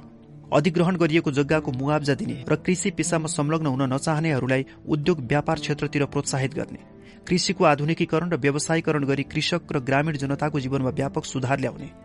देशको अर्थतन्त्र सञ्चालनको मुख्य आधार राज्य निजी क्षेत्र र सहकारीको समन्वयकारी भूमिकामा देशका विद्यमान सबै उत्पादक शक्तिको भरपूर उपयोग गरी उत्पादन र उत्पादकत्व वृद्धि गर्ने देशभित्र रोजगारीका अवसरको अभिवृद्धि गर्दै जाने किसान मजदूर र विपन्न वर्गको जीवनमा सुधार ल्याउनुको साथै राष्ट्रिय समृद्धिको साथै उनीहरूको जीवनमा सुधार ल्याउने कृषि जलस्रोत र पर्यटन क्षेत्रको विकास प्राथमिकता दिई मुलुकलाई औद्योगिक विकासको बाटोमा अघि बढाए।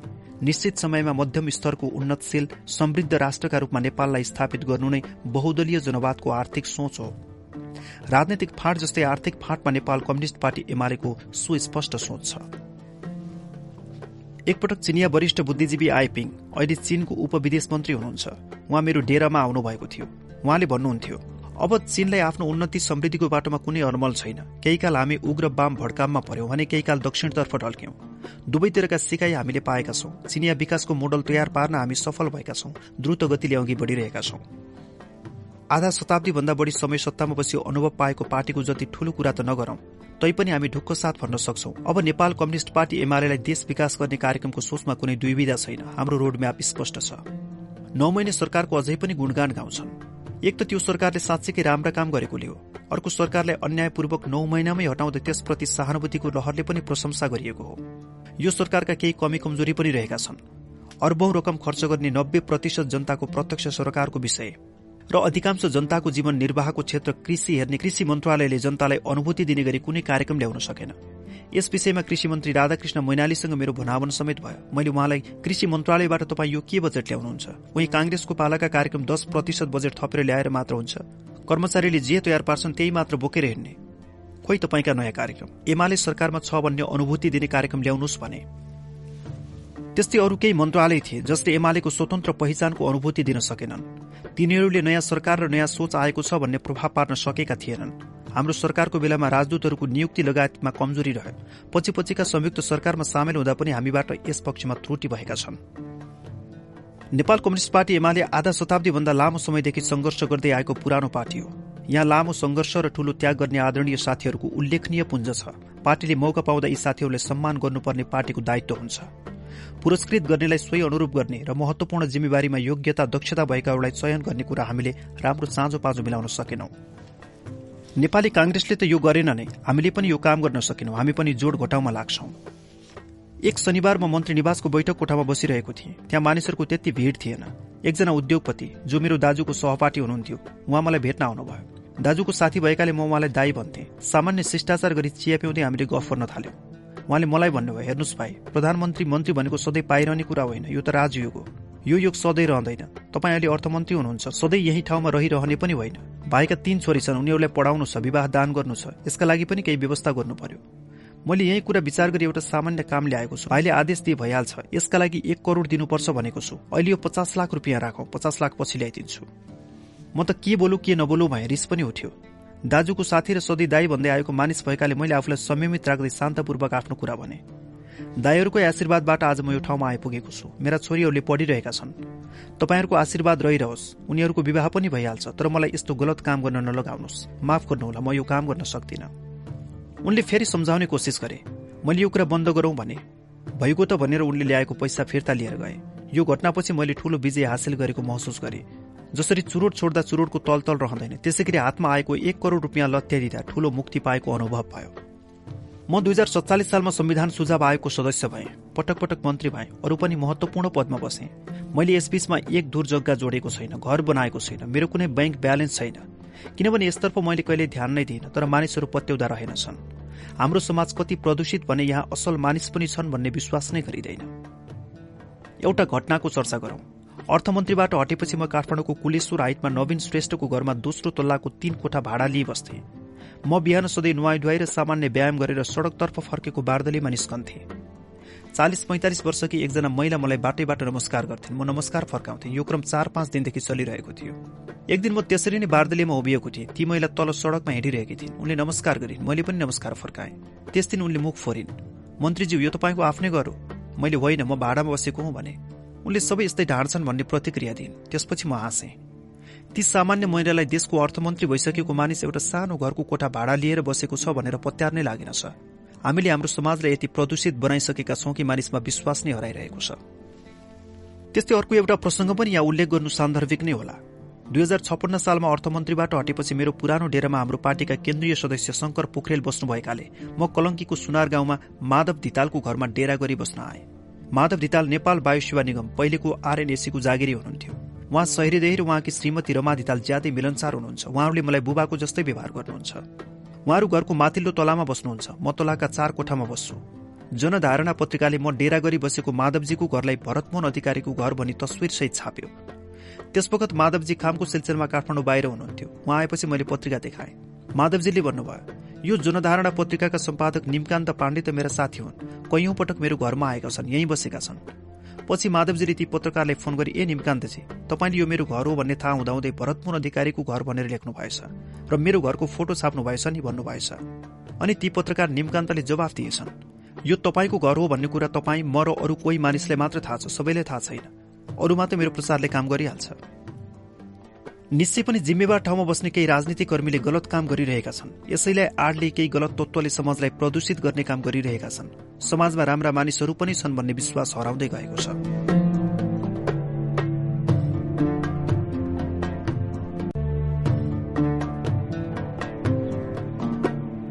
विपक्षीका मिथ्या आरोप। अरूण तेस्रो किन आएन? नेकपा एमालेको नौ महिने शासनकालमा विपक्षीहरूले सरकारमाथि केही आरोप लगाएका थिए। ती आरोप विरोधका नाममा विरोध र अस्वस्थ राजनीतिक प्रतिस्पर्धाका उपज मात्र थिए। विपक्षीले लगाएका आरोपहरूमध्ये अरूण तेस्रो जलविद्युत आयोजना एमाले तुहायो र एलसीमा घोटाला गर्यो भन्ने बारे केही चर्चा गरौं। अरूण तेस्रो आयोजना सङ्खुवासभा जिल्लाको अरूण नदीमा निर्माण गरिने जलविद्युत आयोजना हो।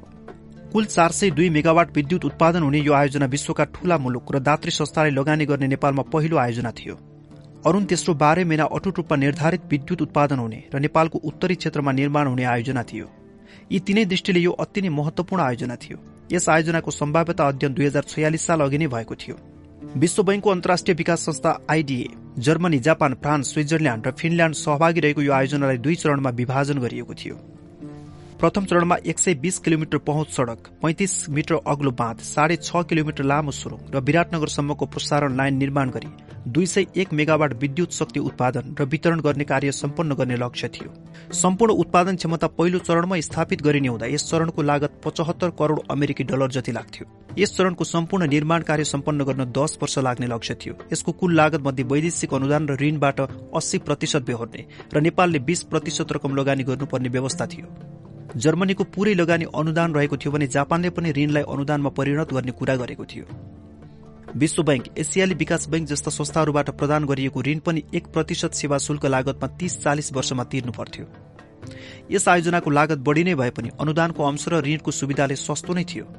यो आयोजनाको सबैभन्दा राम्रो पाटो बाह्रै महिना अविरल बग्ने पानीबाट सञ्चालन हुने भएकाले एक सय पञ्चानब्बे मेगावाट जस्तै सुक्खा मौसममा पनि विद्युत उत्पादन हुन्थ्यो। यस आयोजनाको कुल लागत मध्ये वैदेशिक सहायताको अंश जुटाउने जिम्मेवारी विश्व बैंकले लिएको थियो। अरूण आयोजना कार्यान्वयन गर्नका लागि विश्व बैंकले केही शर्त राखेको थियो। यो आयोजना प्राप्त गर्न नेपालले आफ्नो आर्थिक नीतिमा व्यापक परिवर्तन एवं सुधार गर्नुपर्ने। स्वदेशी तथा विदेशी लगानीकर्तालाई जुनसुकै क्षेत्रमा लगानी गर्न छूट दिनुपर्ने। दश वर्षको अवधिमा विद्युत महसुल करिब दोब्बर बढ़ाउनु पर्ने। अरूण तेस्रो आयोजना सम्पन्न नहुन्जेलसम्म दस मेगावाट भन्दा बढ़ी क्षमताका जलविद्युत आयोजना निर्माण गर्न चाहेमा विश्व ब्याङ्कबाट स्वीकृति लिनुपर्ने आदि शर्त राखिएका थिए। यी शर्त नेपाली कांग्रेसको सरकारले स्वीकार गरी कतिपय शर्त कार्यान्वयन समेत गरिसकेको थियो। डाक्टर रामशरण महतले आफ्नो पुस्तक एन डिफेन्स अफ डेमोक्रेसी पुस्तकमा अरूण तेस्रो तुहाउने एमाले हो भन्ने आरोप लगाउँदै नेकपा एमालेका महासचिव माधव कुमार नेपालले दुई हजार एकाउन्न सालको मध्यावधि निर्वाचनको बेला विश्व ब्याङ्कलाई अहिले चुनावी सरकार भएकाले यस सरकारसँग कुनै सम्झौता नगर्नु भनेर पत्र लेखेको उल्लेख गरेका छन्। दुई हजार एकाउन्न सालको प्रतिनिधि सभाको मध्यावधि निर्वाचनको सिलसिलामा म मोरङमा भएका बेला महासचिव माधव कुमार नेपालले विश्व ब्याङ्कलाई पत्र पठाएको कुरा रेडियोबाटै सुने। अब कांग्रेसीहरूले यसमा हल्ला मचाउने भयो भन्ने मलाई लाग्यो। तर अन्तर्राष्ट्रिय प्रचलन हेर्ने हो भने चुनाव गराउने सरकार काम चलाउ मात्र हुन्छ। निर्वाचनबाट जनादेश लिएर नयाँ सरकार आउँदैछ भने यस्तो काम चलाउ सरकारले ठूला ठूला काम गर्नु हुँदैन। अर्थात चुनावबाट आउने नयाँ सरकारको हात पहिल्यै बाँधिदिनु हुँदैन। दुई हजार छत्तीस सालमा जनमत संग्रहको घोषणा भएपछि बीपी कोइरालाले काठमाडौँमा आफ्नो पहिलो भाषणमा यो जनमत संग्रह गर्ने अन्तरिम सरकार हो। यसले ठूला निर्णय गर्नु हुँदैन। जनमत संग्रह पछिको सरकारले अप्ठ्यारो पार्ने काम गर्नु हुँदैन भन्नुभएको थियो।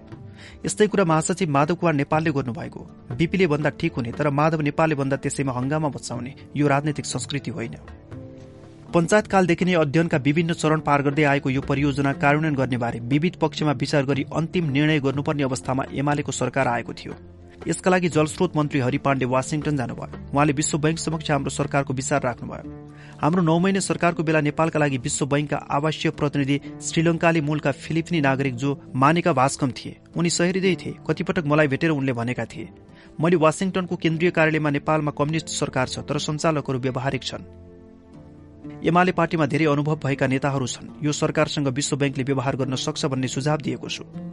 धेरै पछि उनी आफ्नो पदबाट निवृत्त भएपछि निजी भ्रमणमा काठमाडौँ आएका थिए। डाक्टर मंगल सिद्धि मानन्दर योजना आयोगका उपाध्यक्ष हुँदा जो मानिका भास्कमसँग उहाँको राम्रो सम्बन्ध थियो। मानिका भास्कमको स्वागतमा उहाँले दिवाभोज राख्नु भएको थियो। त्यस अवसरमा मलाई पनि बोलाएको थियो। त्यहाँ मानिका भास्कमले विगतका कुरा सुनाए। उनले भने तपाईँहरूको नौ महिने सरकारको बेला जलस्रोत राज्य मन्त्रीलाई धेरै पटक तपाईँ वासिङटन नजानुहोस्। बरु अरूण तेस्रोको कुरा गर्न विश्व बैंकको टोली झिकाइदिन्छु। यहाँ विश्व बैंकको टोली आयो भने त्यसले प्रधानमन्त्री उप प्रधानमन्त्री जलस्रोत विशेषज्ञ लगायत सबैलाई भेट्न पाउँछ। यस्तो भयो भने उनीहरूले धेरै कुरा बुझ्न सक्छन्। तपाईँ जानुभयो भने एक्लै जानुहुन्छ। नयाँ सरकार छ नयाँ सम्बन्ध कायम गर्नु छ। मैले धेरै पटक आग्रह गरेँ तर उहाँले मान्नु भएन र जानुभयो। मैले तपाईँको यो कुरा त्यसबेला हामीलाई किन भन्नु भएन भनेर प्रश्न राखे। हामीले मर्यादा नाग्नु हुँदैन भनेर तपाईँ उप प्रधानमन्त्री र प्रधानमन्त्रीलाई नभनेका हौ। पछि विश्व बैंकका उपाध्यक्ष उडले पनि यस्तै कुरा सुनाएका थिए। एसियाली विकास बैंकको बैठकमा ओकल्याण्ड जाँदा विश्व बैंकका उपाध्यक्ष उडसँग मेरो र अर्थ सचिव रामविनोद भट्टराईको भेट भएको थियो। उडले काठमाडौँमा फोन गरेर मसँग भेट्ने समय मिलाएका थिए। कुराकानीमा उनले भने म नेपाल धेरै पटक गएको छु तर तपाईँसँगको पहिलो भेट हो। म नेपाललाई माया गर्छु। मेरी छोरी अहिले विदामा नेपाल घुम्न आउँदैछिन्। मैले तपाईँकी छोरी कहिले नेपाल आउने? म घुम्ने बस्ने व्यवस्था मिलाइदिन्छु भने। उनले धन्यवाद। छोरीहरू आफै घुम्छन्। हामीलाई त वास्ता गर्दैनन्। तपाईँहरूले दुःख गर्नु पर्दैन भने। कुराकानीका क्रममा उनले फेरि भने म अरूण परियोजनाको पक्षपाती हुँ। यो योजना ल्याउने कुरामा मसँग बहस गर्नु पर्दैन। तपाईँको जलस्रोत राज्यमन्त्री वासिङटन आउनु भएको थियो। बैठकमा उहाँले अरूण तेस्रोको बाटो साह्रै महँगो भयो। यसभन्दा धेरै सस्तो हामी बनाउन सक्छौ भन्नुहुन्थ्यो। बारम्बार क्यालकुलेटरमा हिसाब गरेर कति नोक्सान पर्छ भनेर देखाउनुहुन्थ्यो। मलाई मन्त्री साह्रै सोझो लाग्यो। विश्वबैंक र एमाले सरकारबीच निरन्तर कुराकानी भइरहेको थियो। विश्व बैंकले आर्थिक मामिला भएकाले सम्पर्क मन्त्रालयका रूपमा अर्थ मन्त्रालयलाई राख्दा राम्रो हुने प्रस्ताव पठाएको थियो। यसपछि अरूण तेस्रोको विषयमा अर्थमन्त्रीका रूपमा म संलग्न भए। अरूण तेस्रो परियोजनाका सम्बन्धमा रहेका केही विवादका विषयमा एमाले सरकारले विश्व बैंकसँग केही प्रस्ताव राखेको थियो। पहुँच सड़क निर्माणमा ग्रामीण बस्ती हुँदै आयोजना स्थल पुग्ने एउटा र कुनै बस्तीलाई नछोई अरूण नदीको किनारै किनार भएर जाने अर्को गरी दुईवटा वैकल्पिक बाटो थिए तीमध्ये एउटा बनाउनु पर्ने थियो। तत्कालीन कांग्रेस सरकार र दात्री संस्थाले बस्तीलाई छुने उपत्यका मार्गलाई छाडी नदी किनारे किनार मार्ग निर्माण गर्ने कुरामा सहमति भई कुरा अघि बढ़िसकेको थियो। पहुँच सड़क बाँध सुरुङ र विद्युत गृह निर्माणलाई समेटी एउटा सिंगो आयोजना बनाइएको थियो। यी सबै काम एउटै ठेकेदारबाट गराउनु पर्ने भएकाले सड़क निर्माणको लागत पनि धेरै देखिएको थियो। त्यसैलाई सच्याउन एमाले सरकारले त्यस भेगका सबैजसो प्रमुख बस्तीलाई छुँदै जाने गरी पहुँच सड़क निर्माण गर्ने प्रस्ताव राखेको थियो। यसबाट कम लागतमा सड़क निर्माण भई सिंगो आयोजनाको लागतमा कमी आउँथ्यो। ग्रामीण बस्तीहरू समेत सड़क सुविधाबाट लाभान्वित हुन्थे। यही कुरा हामीले भनिरहेका थियौं तर कुरा मिलिरहेको थिएन। उनीहरू अरूण तेस्रो ग्लोबल टेन्डरको प्याकेजमा भएकाले यसमा परिवर्तन गर्न मिल्दैन भन्थे। हामीले यो समस्याको व्यावहारिक समाधान निकाल्यौं। यस कुरालाई व्यावहारिक रूपमा कार्यान्वयन गरौं। भइसकेको ग्लोबल टेन्डर मान्छौं। ठेकेदारले चैनपुर खादबारी माटो त्रिचालिस किलोमिटर बनाइदिनु सहमति गरौं हामीले भन्यौं। ती ठेकेदारले आफ्नै खर्चमा सड़क बनाइदिने कुरामा मंजूर भए। समस्या समाधान भयो। अरूण तेस्रोको बाटो महँगो भए पनि सैनपुर खाँदबारीको त्रिचालिस किलोमिटर बाटो बनाइदिने भएपछि यसबाट राष्ट्रलाई फाइदा हुने भयो। कांग्रेसले आँखा चिम्लेर गरेको सहमतिलाई यसरी सच्याइयो। त्यस्तै दस मेगावाट भन्दा बढ़ी क्षमताको विद्युत आयोजना निर्माण गर्न चाहेमा विश्व ब्याङ्कसँग स्वीकृति लिनुपर्ने शर्त र दस वर्षको अवधिमा विद्युत महसुल दोब्बर बढ़ाउनुपर्ने शर्त पनि हटाउन विश्व ब्याङ्क तयार भयो। यसबाट पहिलेका गल्तीलाई केही सुधार गर्ने काम गरियो। धेरै कुराकानीपछि विश्व बैंक र एमाले सरकारबीच अरूण तेस्रोका विषयमा समझदारी बन्यो। मैले राष्ट्रिय योजना आयोगका उपाध्यक्ष डाक्टर मंगलसिद्धि मानन्दरलाई पनि यसमा संलग्न गराए। अरूण तेस्रो निरीक्षण गर्ने विश्व बैंकको टोलीसँगै उहाँ पनि अरूण क्षेत्रमा जानुभयो। उहाँले पनि विश्व बैंकका पदाधिकारीलाई सहमति गराउने कार्यमा राम्रो भूमिका निर्वाह गर्नुभयो। हाम्रो सरकारले पूर्ववर्ती सरकारद्वारा राष्ट्रको स्वाभिमान तथा जनताको हितलाई उपेक्षा गरी स्वीकार गरिएका अरूण तेस्रो आयोजनाका शर्तहरूलाई विश्व बैंक र अन्य दात्री संस्थाको चित्त बुझाएर देशको स्वाभिमान तथा जनताको हित संरक्षण हुने गरी सुधार गरेको थियो। सरकारले अरूण तेस्रो कार्यान्वयन गर्ने निर्णय गरी अघि बढ़िरहेको बखत थरी थरीका विवाद जन्माउन थालियो। हिउँको ढिक्का फुट्ने र यसले बाँध समेत भत्काउने जस्ता कुरा अघि सार्दै यस आयोजनाका विरोधीहरूले प्रचार प्रसार गरिरहेका थिए। अरूण तेस्रो निर्माण गर्दा हुने जोखिमका आशंका सबै निराकरण गरेर विश्व बैंकले उठाएका सबै समस्या समाधान गरेर अब त परियोजना सञ्चालन हुने भयो भने म ढुक्क भएको थिएँ। नेपालको दुर्भाग्य वा के भनौं त्यही बेला अरूण तेस्रो आयोजनाका पक्षमा रहेका विश्व बैंकका अध्यक्षको मृत्यु भयो। उनको ठाउँमा उल फसन नयाँ अध्यक्ष आए। उनले एक दिन प्रधानमन्त्री मनमोहन अधिकारीले एक्कासी फोन गरी विश्व बैंकले अरूण तेस्रोबाट झिक्छ लगानी गर्दैन भने। प्रधानमन्त्री मनमोहन अधिकारीले यसको विरोध गर्दै यो विषय अर्थमन्त्रीले जिम्मा दिएको छ। उनीसँग कुरा गर्नुहोस् भन्नुभएछ उनले मसँग कुरा गरे। मैले उनको कुराको जोरदार विरोध गरे। दस वर्षसम्म विश्व बैंकले आश्वासन दियो। नेपालले पनि लगानी गर्यो। जनतालाई सपना देखाइयो अब परियोजना हुँदैन भन्नै मिल्दैन। यो विश्व बैंक जस्तो संस्थाले भन्न नसुहाउने कुरा हो। उनले नेपाल विद्युत प्राधिकरणले अरूण तेस्रो आयोजना सञ्चालन गर्न सक्दैन। यसको क्षमता छैन भने नयाँ बखेडा झिके। मैले त्यो कुरा मानिन। उनले बरु हामी कालीगण्डकीमा लगानी गर्छौं भने मैले कालीगण्डकीमा हामीले एसियाली विकास बैंकलाई लिड बैंक बनाएका छौं। विश्व बैंक अरूण तेस्रोमै आउनुपर्छ भने। हाम्रा विरोधीहरूले एमाले सरकारले अरूण तेस्रो आयोजना आउन दिएन भनेर आरोप लगाए। वास्तविकता त के रहेछ भने विश्व बैंकको बोर्डको बैठकमा छलफल नै नगराई। अध्यक्ष आफैले अरूण तेस्रो आयोजनाबाट हात झिक्ने निर्णय गरेका रहेछन्।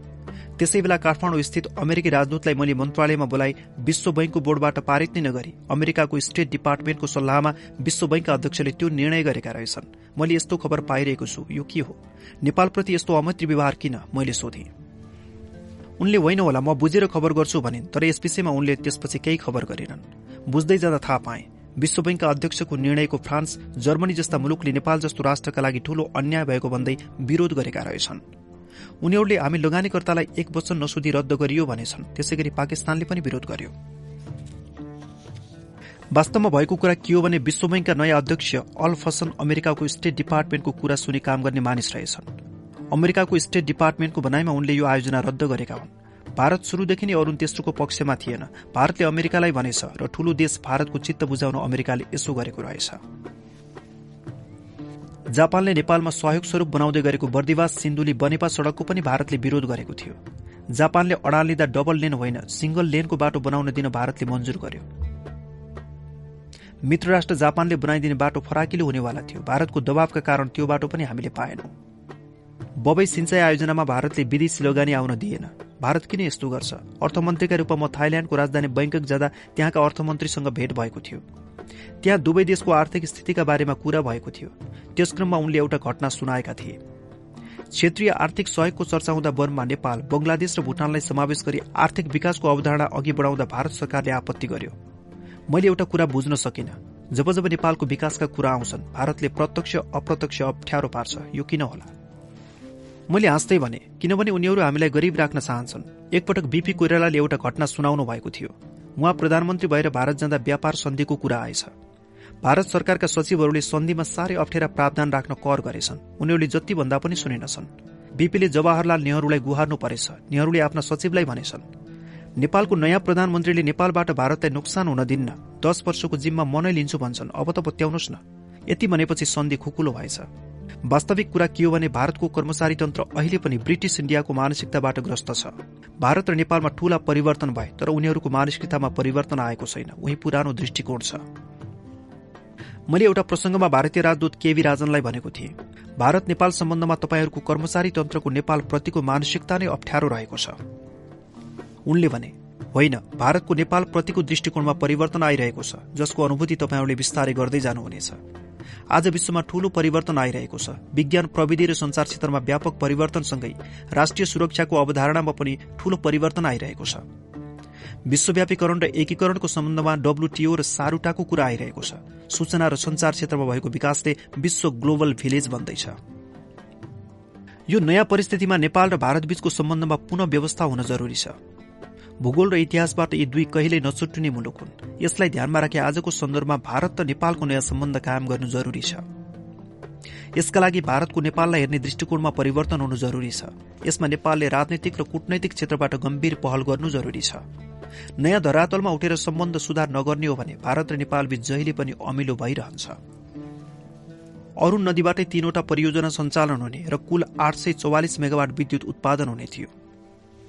सस्तो लागतमा बन्नुका साथै चीनको सीमासम्म बाटो निर्माण भई नेपालको हितमा हुने यस्तो परियोजना आउन सकेन। राष्ट्र हितका लागि राष्ट्रको विकासमा योगदान हुने कुरामा सम्पूर्ण नेपाली एक भएर लाग्नुपर्नेमा यसमा राजनीतिकरण गर्ने काम भयो। अरूण तेस्रो किन शुरू भएन कारण प्रष्ट थियो। तर नबुझेर हो या बुझेर पनि बुझ पचाएर हो एमाले सरकारको विरोध मात्र भयो। यी सबै कुराका बारेमा जानकारी हुँदाहुँदै पनि कांग्रेसका सभापति कृष्ण प्रसाद भट्टराई जस्ता जिम्मेवार व्यक्तिले तत्कालीन प्रधानमन्त्री मनमोहन अधिकारी र विश्व बैंकका अध्यक्षबीच सल्लाह भई अरूण तेस्रो रद्द गरिएको हो भनी सार्वजनिक सभामा आरोप लगाए। कस्तो दुर्भाग्य। लगानी गर्न तयार भएका दात्री राष्ट्रहरू समेत विश्व बैंकका अध्यक्षको निर्णयको विरोध गर्छन् तर कांग्रेसी मित्रहरू एमालेको सरकारलाई दोषारोपण गर्छन्। राजनैतिक दलहरू एक भएर लागेको भए दबाव सृजना गर्न केही सकिन्थ्यो होला।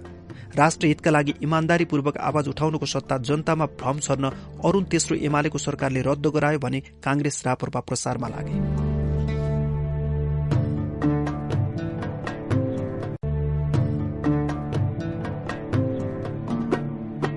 एलसी प्रकरण के थियो? एमाले सरकारले नौ महिने शासनकालमा जनतामा पारेको राम्रो प्रभावलाई मेट्न हाम्रा विरोधीहरूले मलाई माध्यम बनाएर सिंगो पार्टीको छवि धमिल्याउने उद्देश्यले प्रचार गरेको अर्को काण्ड हो कथित एलसी पत्र काण्ड यसबारे पनि चर्चा गर्नु आवश्यक छ। के हो त यो कथित पत्र काण्ड अन्तर्राष्ट्रिय व्यापारमा आयातकर्ता र निर्यातकर्ता बीच मध्यस्थता गरी निर्यातकर्ताको रकम भुक्तानीका लागि आयातकर्ताका तर्फबाट प्रत्याभूति गर्ने कार्य वाणिज्य बैंकहरूले पत्र एलसी मार्फत गर्छन्। यसरी पत्र खोलेर व्यापार गर्ने कार्य नेपालमा धेरै पहिलेदेखि नै हुँदै आएको छ। नेपाली कांग्रेसको सरकारका पालामा दुई हजार उनपचास सालदेखि आयातका लागि इजाजत पत्र नचाहिने व्यवस्था भएपछि कुनै पनि वस्तु आयात गर्न चाहने व्यापारीले वाणिज्य बैंकमा सोझै एलसी खोली सामान पैठारी गर्न सक्ने भए। एलसी खोल्दा लिइने मार्जिन राष्ट्र बैंकले तोक्न सक्ने गरेकोमा दुई हजार उनपचास सालदेखि नै वाणिज्य बैंकहरू आफैले मार्जिन तोक्ने व्यवस्था समेत भएको थियो। नेपालमा वैदेशिक व्यापार खुकुलो भएको तर पुँजीगत कारोबारका लागि विदेशी मुद्रामा नियन्त्रण रहेको र तुलनात्मक रूपमा छिमेकी देशको आयात नियन्त्रित रहेकाले वैदेशिक व्यापारमा विसंगति बढ्दै गएको थियो। नेपालका लागि भनेर विदेशबाट झिकाइएका कतिपय वस्तु छिमेकी मुलुकमै बिक्री गरी सामान नेपाल भित्राइएका नक्कली कागजात पेश गर्ने छिमेकी मुलुकको बजारलाई नै ध्यानमा राखेर सुन लगायत अन्य वस्तुहरूको समेत आयात गर्ने। भन्सार कर छल्ने उद्देश्यले पैठारी गर्ने सामानको मूल्य कम देखाउने सामानको बिल बदल्ने नक्कली एलसी प्रस्तुत गर्ने आदि प्रवृत्ति वैदेशिक व्यापारमा देखा परेका थिए। नेपाली कांग्रेसको सरकारले सम्भावित विकृतितर्फ कुनै ध्यान नदिए उदारवादी प्रणाली लागू गरेकाले एलसी खोलेर विदेशी मुद्राको दुरूपयोग गर्ने प्रवृत्तिको विकास भएको थियो। कांग्रेस सरकारको पालादेखि नै यस्ता विकृति शुरू भएका थिए। एक दिनको अखबारमा रामकुमार भद्रपुरिया भन्ने व्यापारीले राष्ट्रिय वाणिज्य बैंकको छ करोड़ रूपियाँ लिएर भागे भन्ने समाचार प्रकाशित भयो।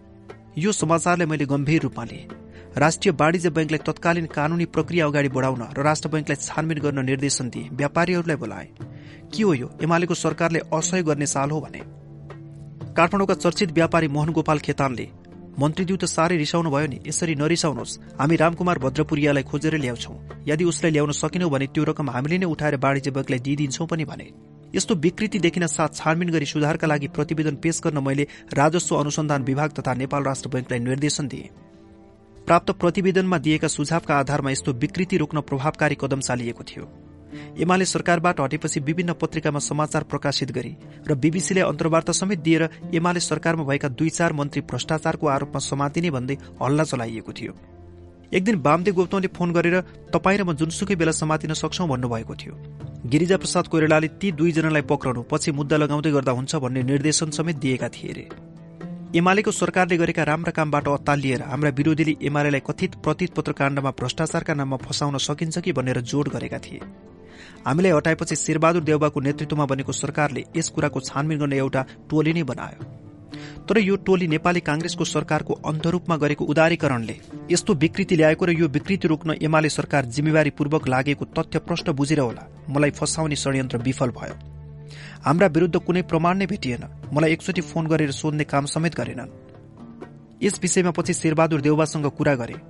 उनले मैले त पहिले नै भनेको थिएँ राजनैतिक प्रतिशोधमा यस्ता निकृष्ट काम गर्नु हुँदैन तर रामशरण महतहरूले मानेनन् भने। यस्तो रवैया थियो एमाले प्रति कांग्रेसको हाम्रो सरकार नेपालको इतिहासमा पहिलो पटक निर्वाचित कम्युनिस्ट सरकार थियो। यो सरकार नौ महिनाभन्दा बढी समय टिक्न सकेन। कि हाम्रा विरोधी प्रतिक्रियावादीहरूले ढालेर मात्र यो सरकार ढलेको हो त?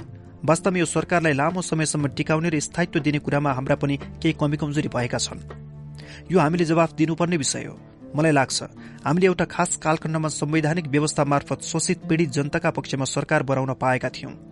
हामीले त्यो सरकारको महत्व कति बुझ्यौं त्यस मौकालाई कति बुद्धिमत्तापूर्वक उपयोग गर्यौं यो इतिहासमा हामीले जवाफ दिने कुरा हो। यस दृष्टिकोणबाट हेर्दा म के देख्छु भने एमालेको सरकार बनाउँदा केही कमजोरी भएका छन्। हामीले के कारणले क्याबिनेट र राज्यमन्त्री गरी पन्ध्रजनाको क्याबिनेट बनायौं?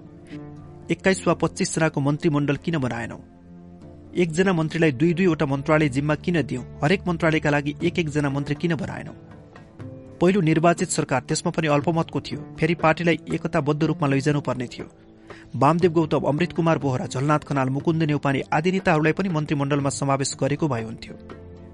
यसले सिंगो पार्टी सरकारमा एक भएर एक ठाउँमा उभिन्थ्यो एक एक मन्त्रालय भएको भए ती मन्त्रालयबाट राम्रा कार्यक्रम प्रस्तावित हुन्थे। कार्यान्वयन पक्ष अझ सुदृढ हुन सक्थ्यो।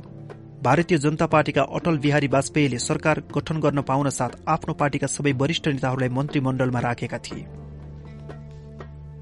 यसले पार्टी एक ढिक्का भएर एक ठाउँमा उभियो। हामीबाट यस सम्बन्धमा गल्ती भएको हो। त्यसबेला केन्द्रीय कमिटिले केही महत्वपूर्ण निर्णय गरेको थियो। तीमध्ये एक प्रतिनिधि सभाको सभामुख अर्को पार्टीलाई दिने निर्णय थियो।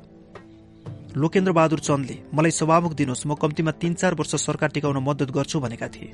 यो कुरा कसरी हरायो? हामीले मन्त्रीमण्डलका सदस्य सीपी मैनालीलाई सभामुख पदमा उम्मेद्वार बनायौं। यसले कांग्रेस राप्रपा एकातिर भयो भने हामी एक्लै भयौं। सभामुखमा कांग्रेसका रामचन्द्र पौडेल र उपसभामुखमा राप्रपाका रामविलास यादव निर्वाचित भए। संसदका समितिहरूको सभापतिमा पनि विपक्षीहरूलाई लिने कुरा भएको थियो। कांग्रेसमा पनि गिरिजा पक्ष बाहेक अरू सबैसँग राम्रो व्यवहार गर्ने र सबैलाई समेट्ने निर्णय केन्द्रीय कमिटिको बैठकले गरेको थियो तर व्यवहारमा उल्टो भयो। कुनै पनि संसदीय समितिको सभापति हाम्रो भएन। यहाँ पनि हामी चोक्यौं। राप्रपाका प्रकाश चन्द्र लोहनीले मलाई दुई तीन पटक भेटेर हामीलाई पनि सरकारमा सामेल गर्नुहोस् भनेका थिए। यो कुरा मैले पार्टी नेताहरूलाई सुनाएको थिएँ। दुई हजार एकाउन्न सालको निर्वाचनमा स्वतन्त्र उम्मेद्वारहरूले चुनाव जितेका थिए। उनीहरू राज्यमन्त्री सहायक मन्त्री दिनुहोस् हामी सहयोग गर्छौं भन्थे। त्यसवखत एमालेको साख निकै थियो। मन्त्री र राज्यमन्त्री गरी तीन चार सिट दिएको भए कति स्वतन्त्र सांसद आउँथे राप्रपा आउँथ्यो। राप्रपासँग लामो समयसम्म सरकारमा बस्न सकिँदैनथ्यो तैपनि उनीहरूलाई मन्त्रीमण्डलमा सामेल गरेर बहुमत बनाएर मध्यावधि निर्वाचन गर्ने रणनीति अख्तियारी गरी। मुख्य प्रतिद्वन्दी नेपाली कांग्रेसलाई हराउने नीति लिई अगाडि बढेको भए हामी दुई त्याई बहुमत ल्याउन सक्थ्यौं। यस कुरामा हामीले समयमै ध्यान दिन सकेनौं। कांग्रेस संवैधानिक व्यवस्थाको बाध्यताले छ महिना कुरेर बसेको थियो। नेकपा एमालेको सरकारले गरेका राम्रा कामबाट आत्तिएर देशभित्र र बाहिरका प्रतिक्रियावादी तत्वहरू यो सरकार ढाल्ने षड्यन्त्रमा लागेका थिए। षड्यन्त्रको श्रृङ्खलाको पहिलो कडी एमाले सरकार छ महिना पुगेको भोलिपल्टै अविश्वासको प्रस्ताव दर्ता गरियो। संवैधानिक व्यवस्था अनुरूप नेकपा एमालेको सरकार बनेको तीस दिनभित्र विश्वासको मतको प्रस्ताव राख्दा कांग्रेस लगायत सबै पार्टीले सर्वसम्मत मत दिएका थिए। यसरी विश्वासको मत पाएको सरकारका विरूद्ध छ महिनाभन्दा अघि अविश्वासको प्रस्ताव ल्याउन पाइँदैन भन्ने संवैधानिक व्यवस्था भएकाले मात्र नेपाली कांग्रेसले छ महिना कुर्न सकेको हो। छ महिना पुगेकै भोलिपल्ट कांग्रेसले अविश्वास प्रस्ताव दर्ता गरायो। सरकारले नयाँ जनादेश लिनका लागि प्रतिनिधि सभा विघटन र निर्वाचनको मिति घोषणा सिफारिश गर्यो। प्रधानमन्त्री मनमोहन अधिकारीले गरेको सिफारिश अनुरूप राजा वीरेन्द्रले प्रतिनिधि सभाको विघटन गरी मध्यावधि निर्वाचनको मिति तोके। यसका विरूद्ध कांग्रेसले सर्वोच्च अदालतमा मुद्दा दायर गर्यो। त्यसपछि सर्वोच्च अदालतले के फैसला गर्छ भन्ने बारे विभिन्न तर्क आउन थाले। विश्वको संसदीय परम्परा र नेपालको संवैधानिक व्यवस्था अनुसार प्रधानमन्त्रीको सिफारिशमा विघटन भएको संसद बिउतिन्छ र निर्वाचनको घोषणा बदर हुन्छ भन्ने कुरा संसदीय व्यवस्थाबारे सामान्य जानकारी राख्ने कसैले पनि सोचेकै थिएनन् सर्वोच्च अदालतले हामीलाई हराएर प्रतिनिधि सभा बिउताइदियो। एक दिन त्यसबेलाका जापानी राजदूतले अर्थ मन्त्रालयमा आएर मलाई भेटेका थिए। त्यस भेटमा उनले तिमी प्रधानमन्त्रीका भाइ हौ। अहिलेका मन्त्रीहरूमा मैले तिमीलाई विवेकशील र विचारवान पाएको छु। मन जितेर राजनीतिक कुरा गरौं र केही सुझाव दिउँ भनेर आएको हुँ भने। मैले भन्नुहोस् न तपाईँका कुरा भने। उनी भन्दै गए। निर्वाचित प्रधानमन्त्रीको सिफारिसमा विघटन भएको संसदलाई सर्वोच्च अदालतबाट बिउताउने काम भएको छ। हामी जापानमा यस्तो कुरा सोच्न र कल्पना गर्न त परै जाओस् सपनामा पनि देख्न सक्दैनौ। यो बहुतै बेटिक काम भयो तर भइहाल्यो। यस्तो बेला धैर्य गर र यो फैसला स्वीकार गर। ब्युटीको संसदमा भाग लिऊ। भोटमा हार्यो भने सरकार छोड। प्रजातन्त्र प्रतिको प्रतिबद्धता देखाऊ। उत्तेजना वा आवेगमा आएर अन्यथा नगर। कोइरेला पार्टी। उनी नेपाली कांग्रेसलाई कोइरेला पार्टी भन्थे। उसँग कुरा गरी संविधान संशोधन गरेर अब उपरान्त प्रधानमन्त्रीले विघटन गरेको सांसद सर्वोच्चले पुनस्थापित गर्न नहुने कुरा संविधानमा नै व्यवस्था गर। सर्वोच्चले गरेको यो फैसलाको नजिर कायम रहिरहने हो भने नेपालमा संसदीय व्यवस्था टिक्दैन। यी कुरा तिम्रा दाजु प्रधानमन्त्रीलाई भन यही सल्लाह दिन आएको हुँ। सर्वोच्च अदालतले फैसला गर्नु अघिका केही कुराबारे पनि चर्चा गरौं। फैसलाको मिति नजिकै जाँदा बजारमा विभिन्न हल्ला आउन थालेका थिए। कोही सरकारको निर्णय सदर हुन्छ भन्थे कोही सरकार उल्टिन्छ प्रतिनिधि सभा पुनस्थापना हुन्छ भन्थे। यस्तै हल्ला चलिरहेको बखत सर्वोच्चको फैसलाको मितिभन्दा एक सता अघि होला। विराटनगरका व्यापारी चिरञ्जीवी अग्रवाल मलाई भेट्न मन्त्री निवासमा आए। उनले भने होइन सर्वोच्चमा अल्पमत बहुमत भयो अरे। बहुमतको प्रतिनिधि सभा पुनस्थापना गर्ने मत चाहियो अरे। मैले तपाईँलाई कसले भन्यो भनेर सोधेँ। उहाँले नयाँ सड़कमा व्यापारीहरूबीच खुल्ला छलफल भइरहेको छ। तपाईँलाई थाहा छैन? भन्दै उनले पक्ष र विपक्षमा भएका न्यायाधीशहरूको संख्या समेत भने। फलाना फलाना न्यायाधीश पक्षमा र फलाना फलाना न्यायाधीश विपक्षमा छन् भनेर बजारमा चर्चा चलेको थियो। चिरञ्जीवी अग्रवालले मलाई जानकारी दिएपछि म उप प्रधानमन्त्री माधव कुमार नेपाललाई भेट्न गएँ। उहाँलाई यो कुरा सुनाए। उहाँले होइन होला तैपनि बुझौं भनेर न्याय कानून तथा संसदीय व्यवस्था मन्त्री सुभाष निम्बाङलाई फोन गर्नुभयो। उहाँले प्रतिनिधि सभा पुनस्थापना हुँदैन ढुक्क हुनुहोस् भन्नुभयो। सर्वोच्चको फैसला सुन्न बस्ने बेलासम्म पनि सुभाष नेमाङ प्रतिनिधि सभा पुनस्थापना हुँदैन भन्ने विश्वासमा हुनुहुन्थ्यो। संविधान कानून संसदीय व्यवस्थाको राम्रो जानकारी भएकाले होला उहाँमा यस्तो विश्वास थियो। बजारमा यस्तो हल्ला चलिरहेको बखत अब के हुन्छ? सरकार टिक्छ कि टिक्दैन भन्ने दोसाँत थियो। मानिसको मन विभाजित थियो। त्यस बेला कि अमेरिकी राजदूत मलाई भेट्न अर्थ मन्त्रालयमा आइन्। आफू विदा मनाउन केही हप्ताका लागि बाहिर जान लागेकाले विदामा रहन्जेल अर्को व्यक्तिले आफ्नो काम गर्ने जानकारी दिँदै उनले आवश्यक परेमा उनैसँग सम्पर्क गर्न भनिन्। उनले हेरौं सर्वोच्चको फैसला के हुन्छ? फर्केर आएपछि भेटौँला भनिन्। त्यसबेला यस वाक्यलाई मैले त्यति ध्यान दिएको थिएन। फैसला हुने दुई दिन अघि गणेशमानजीले मनमोहन दाजुलाई फोन गरी एकपटक भेट्नु पर्यो। तपाईँका वरिष्ठ मन्त्रीहरूलाई भेट्न पठाउनुहोस् भन्ने खबर गर्नुभएछ। मनमोहन दाजुले म र राधाकृष्ण मैनालीलाई गणेशमानजी कहाँ भेट्न जान भन्नुभयो। मैले झर्केर काङ्ग्रेस हाम्रो घाँटी रेट्ने काममा लाग्ने। अनि हामी किन भेट्न जाने? भने मनमोहन दाजुले होइन होइन हामी त शिष्ट हुनुपर्छ भेट्न जाउँ भन्नुभयो। म र राधाकृष्ण मैनाली गणेशमान सिंहलाई भेट्न गयौं। भेटमा गणेशमान सिंहले एक दुई दिनमा सर्वोच्चले फैसला गर्दैछ। जे फैसला आए पनि हामीले मान्नुपर्छ। फैसला तपाईँको पक्षमा भए हामी मान्छौं। हाम्रो पक्षमा भए तपाईँहरूले मान्नुपर्छ भनी उपदेश दिने तरिकाले कुरा गर्नुभयो। हामीले यो त भनिरहनु पर्ने कुरा होइन नि भन्यो। उहाँले एमाले पार्टीले मेरो प्रस्ताव छ। तपाईँहरूको अध्यक्ष मनमोहनजी र मैले आज एउटा संयुक्त वक्तव्य दिउँ भनेर भेट्न खोजेको हुँ भन्नुभयो। उहाँले जे फैसला भए पनि हामी दुई पार्टी यसलाई स्वीकार गर्छौं र नेपाली जनतालाई पनि प्रजातन्त्रको सम्मान गर्दै शान्तिपूर्वक यसलाई स्वीकार गर्न अनुरोध गर्छौं भनौं भन्ने प्रस्ताव राख्नुभयो। गणेशमानजीको मुखबाट यस्तो कुरा सुन्दा म त छक्क परे। बुढा मान्छेमाथि रहेको आस्था र सम्मान एकैचोटि झरामझुरुम भए जस्तो अनुभूति भयो। हामी वक्तव्य दिँदैनौं भने हामी दुईजना त्यहाँबाट हिँड्यौं। गणेशमान जस्तो व्यक्तिले पनि यस्तो भन्ने हामीले आपसमा कुरा गर्यौं। सर्वोच्च अदालतले के फैसला गर्न गइरहेको छ भन्ने कुरा गणेशमानलाई थाहा रहेछ। त्यस फैसलाका विरूद्ध एमाले आन्दोलन नगरोस् भन्नका लागि उहाँले यस्तो कुरा ल्याउनु भएको रहेछ। प्रधानमन्त्री मनमोहन अधिकारीले संसद विघटन गरेको सिफारिस अस्वीकार गर्न राजा वीरेन्द्रमाथि दबाव परेको थियो भन्ने कुरा मैले सुनेको थिएँ। त्यसबेला राजा वीरेन्द्रले संविधानको उल्लंघन गर्नेका मबाट हुँदैन भनेका थिए अरे सर्वोच्च अदालतले पनि प्रतिनिधि सभा पुनस्थापना गर्न नमानेको भए अरू अरू हत्खण्डा र षड्यन्त्रका श्रृंखला थिए। एमाले प्रस्ताव गरे अनुसार चुनाव हुन नदिन र एमालेलाई सरकारबाट हटाउन विभिन्न योजना छन् भनेर मानिसहरू सुनाउँथे। दुःख के लाग्छ भने प्रजातन्त्रका लागि पचास वर्ष लामो संघर्ष गर्ने नेपाली कांग्रेस सत्ताका लागि आफैले भोट दिएर स्थापना गरेको सरकारलाई हटाउन संविधान लत्याउन संसदीय व्यवस्थाका मूल्य मान्यता भत्काउन र देश तथा प्रजातन्त्रलाई जोखिममा पार्न पनि पछि हट्दैन भन्ने कुरा यस घटनाबाट देखियो। संसदमा सर्वसम्मतिबाट निर्वाचित प्रधानमन्त्रीले गरेको मध्यावधि निर्वाचनको घोषणालाई अदालतले खारेज गर्यो र प्रतिनिधि सभा पुनस्थापना गरिदियो। प्रतिनिधि सभामा कांग्रेसले अविश्वासको प्रस्ताव ल्यायो। कांग्रेस राप्रपा मिलेर हाम्रो सरकारले हार्यो। यसका लागि तत्कालीन प्रधान न्यायाधीश विश्वनाथ उपाध्यायले भूमिका खेले। संसदीय व्यवस्थामा विकृति त्यहीबाट शुरू भयो। संसदीय राजनीतिमा अस्थिरताको बीजारोपण गर्ने प्रमुख व्यक्ति विश्वनाथ उपाध्याय नै हुन्। हाम्रो सरकार ढलेपछि अस्थिरताको राजनीति शुरू भएर सरकार गठन विघटन तथा संसद विघटनको श्रृंखला बढ्दै गई। संविधान लत्याउँदै राजा ज्ञानेन्द्रले सत्ता आफ्नो हातमा लिने सम्मका घटना भए। हामीले पनि प्रयास गरी टिकाउनु पर्ने सरकार आफ्नै अदूरदर्शिता र अपरिपक्वताले टिकाउन सकेनौं। इतिहासको एउटा कालखण्डमा हाम्रो हातमा आएको सरकारको महत्व माल पाएर चाल नपाएको उखान जस्तै हामीले बुझ्न सकेनौं। वास्तवमा हामीले जुवाडेले झैं जुवा खेल्यौं अन्तत सरकार गयो। आज त्यही सरकार बनाउनका लागि हामी बाह्र तेह्र वर्षदेखि प्रयत्नरत छौं। हामीले हटाइएपछि शेरबहादुर देउबाको नेतृत्वमा कांग्रेस र राप्रपाको गठबन्धन सरकार बन्यो। त्यही सरकारको बेलादेखि विभिन्न खालका विकृति विसंगति देखा परे। सत्तामा टिकिरहनका लागि सांसदहरूको किनबेच अपहरण औषधि गर्ने नाममा बैंकक भ्रमण जस्ता फोहोरी खेल खेल्न थालियो। यसै वखत पजेरो काण्ड भयो। कांग्रेस सरकारले सांसदहरूलाई भन्सारमा छुट गाडी ल्याउने सुविधा दियो। यो सुविधा न्यायाधीश र मन्त्रालयका सचिवहरूले पनि लिए। हाम्रो पार्टीले पनि कानूनले दिएको सुविधा लिनुहुन्छ भने सांसदहरूलाई भन्सार सुविधामा गाडी मगाउने अनुमति दियो। पार्टी अध्यक्ष मनमोहन अधिकारी महासचिव माधव कुमार नेपाल र म लगायत कतिले भने यो सुविधा लिएनौ। पजेरो काण्डले सांसदहरूलाई साह्रै बदनाम गर्यो।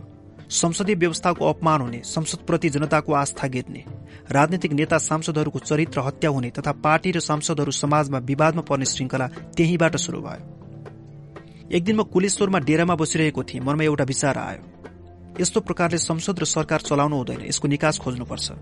कांग्रेस र कम्युनिष्ट बीच सहकारी हुनुपर्छ। नेपाली कांग्रेस र नेकपा एमाले आठ दश वर्षको योजना बनाएर सहकारी गर्नुपर्छ। होइन भने संसदीय व्यवस्थाले लिक छोड्न थालेपछि यो धेरै टिक्न सक्दैन। संसदीय व्यवस्थालाई टिकाउन विकृति विसंगति हटाउन र जनतालाई प्रजातन्त्रको प्रतिफल प्राप्त भएको अनुभूति दिन कांग्रेस एमाले बीच राजनीतिक समझदारी हुनु जरूरी छ। यो विचार आएपछि म महासचिव माधव कुमार नेपाललाई भेट्न उहाँको घर कोटेश्वर गए। मेरो विचार उहाँलाई सुनाए। यो कुरा उहाँले मन पराउनु भयो। र ल हुन्छ कांग्रेससँग कुरा गर्नुहोस् भन्नुभयो। म उत्साहित भएर घर फर्केँ। मैले शैलेजा आचार्यलाई फोन गरेँ। शैलेजासँग मेरो नाता पर्छ। उनलाई मैले पढाएको पनि थिएँ। उनी मलाई दाई भन्छन्। म पनि बहिनीको व्यवहार गर्छु। त्यस्ताका शैलजा पञ्चायती निरङ्कुशताका विरूद्धमा लड्ने साहसी नेत्रीका रूपमा स्थापित थिइन्। कांग्रेसमा उनको साख राम्रो थियो। गिरिजा बाबुकी भान्जी भएकाले नेपाली कांग्रेसमा उनको हैसियत माथि थियो। मैले तिहारको बेला छ खाना खाना गरी आऊ। केही राजनीतिक सल्लाह पनि गर्नु छ भनेपछि उनी आइन्। मैले कांग्रेस कम्युनिष्ट मिलेर नजानियो भने संसदीय व्यवस्थाले लिक छोड्छ प्रजातन्त्र धरापमा पर्छ। अहिले राप्रपाको चुरीफुरी बढेको छ भने हुन पनि त्यति बेला राप्रपाका सबै सांसद मन्त्री बनेका थिए। दुई हजार एकाउन्न सालको निर्वाचनमा राप्रपाबाट चुनाव जितेको भए मन्त्री हुने पक्का रहेछ भने नारायणी अञ्चलमा चर्चा हुन्थ्यो अरे। आठ दश वर्षको योजना कार्यक्रम बनाई कांग्रेस र एमाले सहकार्य गरेर अघि बढ्ने र जनतालाई प्रजातन्त्रको फल पाएको अनुभूति दिन। संसदीय व्यवस्था र प्रजातन्त्र सुदृढ गर्ने मेरो कुरामा उनी खुशी भइन्। मैले भने महासचिवसँग मेरो कुरा भएको छ। तिमी यो कुरा गिरिजा बाबुलाई भन नेताहरूलाई भेटाओ। यसरी अघि बढ्न सके यसले प्रजातन्त्रलाई ठिक ठाउँमा ल्याउन मद्दत गर्छ। शैलेजाले हुन्छ म यहाँबाट सिधै गिरिजा दाजु कहाँ जान्छु र तपाईँले भनेका सबै कुरा सविस्तार राख्छु भनिन्।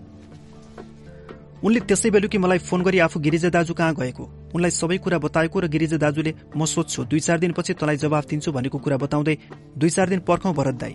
गिरिजा दाजुले के भन्नुहुन्छ भनिन् र त्यो दुई चार दिन कहिले आएन। इतिहासले अर्कै बाटो हिँड्नु रहेछ र त्यो कुरा अघि बढेन। शेरबहादुर देउबाको गठबन्धन सरकार चलिरहेको थियो। सत्तामा टिक्न यो सरकारले फोहोरी खेल खेल्दै थियो। यसकालमा हामीले पनि राम्रो भूमिका खेल्न सकेनौं। हाम्रो पार्टीको सरकारले नौ महिनामै अन्यायपूर्वक हटाइएको थियो। त्यो छोटो अवधिमा हामीले नेपाली जनताको ठूलो सेवा गरेका थियौं। त्यस अवधिमा हामीले गरेका र गर्न खोजेका काम लिएर गाउँ जागरणमा जानु पर्थ्यो पार्टीको केन्द्रीय कमिटिले गाउँ जागरणका अभियान चलाउने निर्णय पनि गरेको थियो। हामीले त्यसबेला विकृति विसंगतिको भण्डाफोर गर्नु पर्थ्यो र प्रतिपक्षमा बसेर अर्को निर्वाचन नहुँदासम्म चार वर्ष कुर्नु पर्थ्यो हामी पनि प्रतिशोधको राजनीतिमा लाग्यौं र शेरबहादुरको सरकार पल्टाउन राप्रपालाई खेलाउन थाल्यौं। राप्रपा हामीभन्दा माहिर थियो यसमा भूमिका खेल्ने रविन्द्रनाथ शर्मा थिए। उनी लडाउने भिडाउने तोड्ने फोड्ने जुटाउने र अन्तमा आफूले फाइदा लिने फोहोरी खेलका माहिर खेलाडी हुन् भने राप्रपाका मानिसहरू भन्थे। राप्रपाका तीन चारजनालाई मन्त्री दिएर बहुमतको सरकार टिकाई चुनावमा जाउँ भन्दा घनघोर विरोध गर्ने हाम्रै साथीहरू राप्रपालाई प्रधानमन्त्री बनाई सरकारमा जान तयार भए। अन्तत हामी पनि उही सरकार गठन विघटनकै खेलमा लाग्यौं।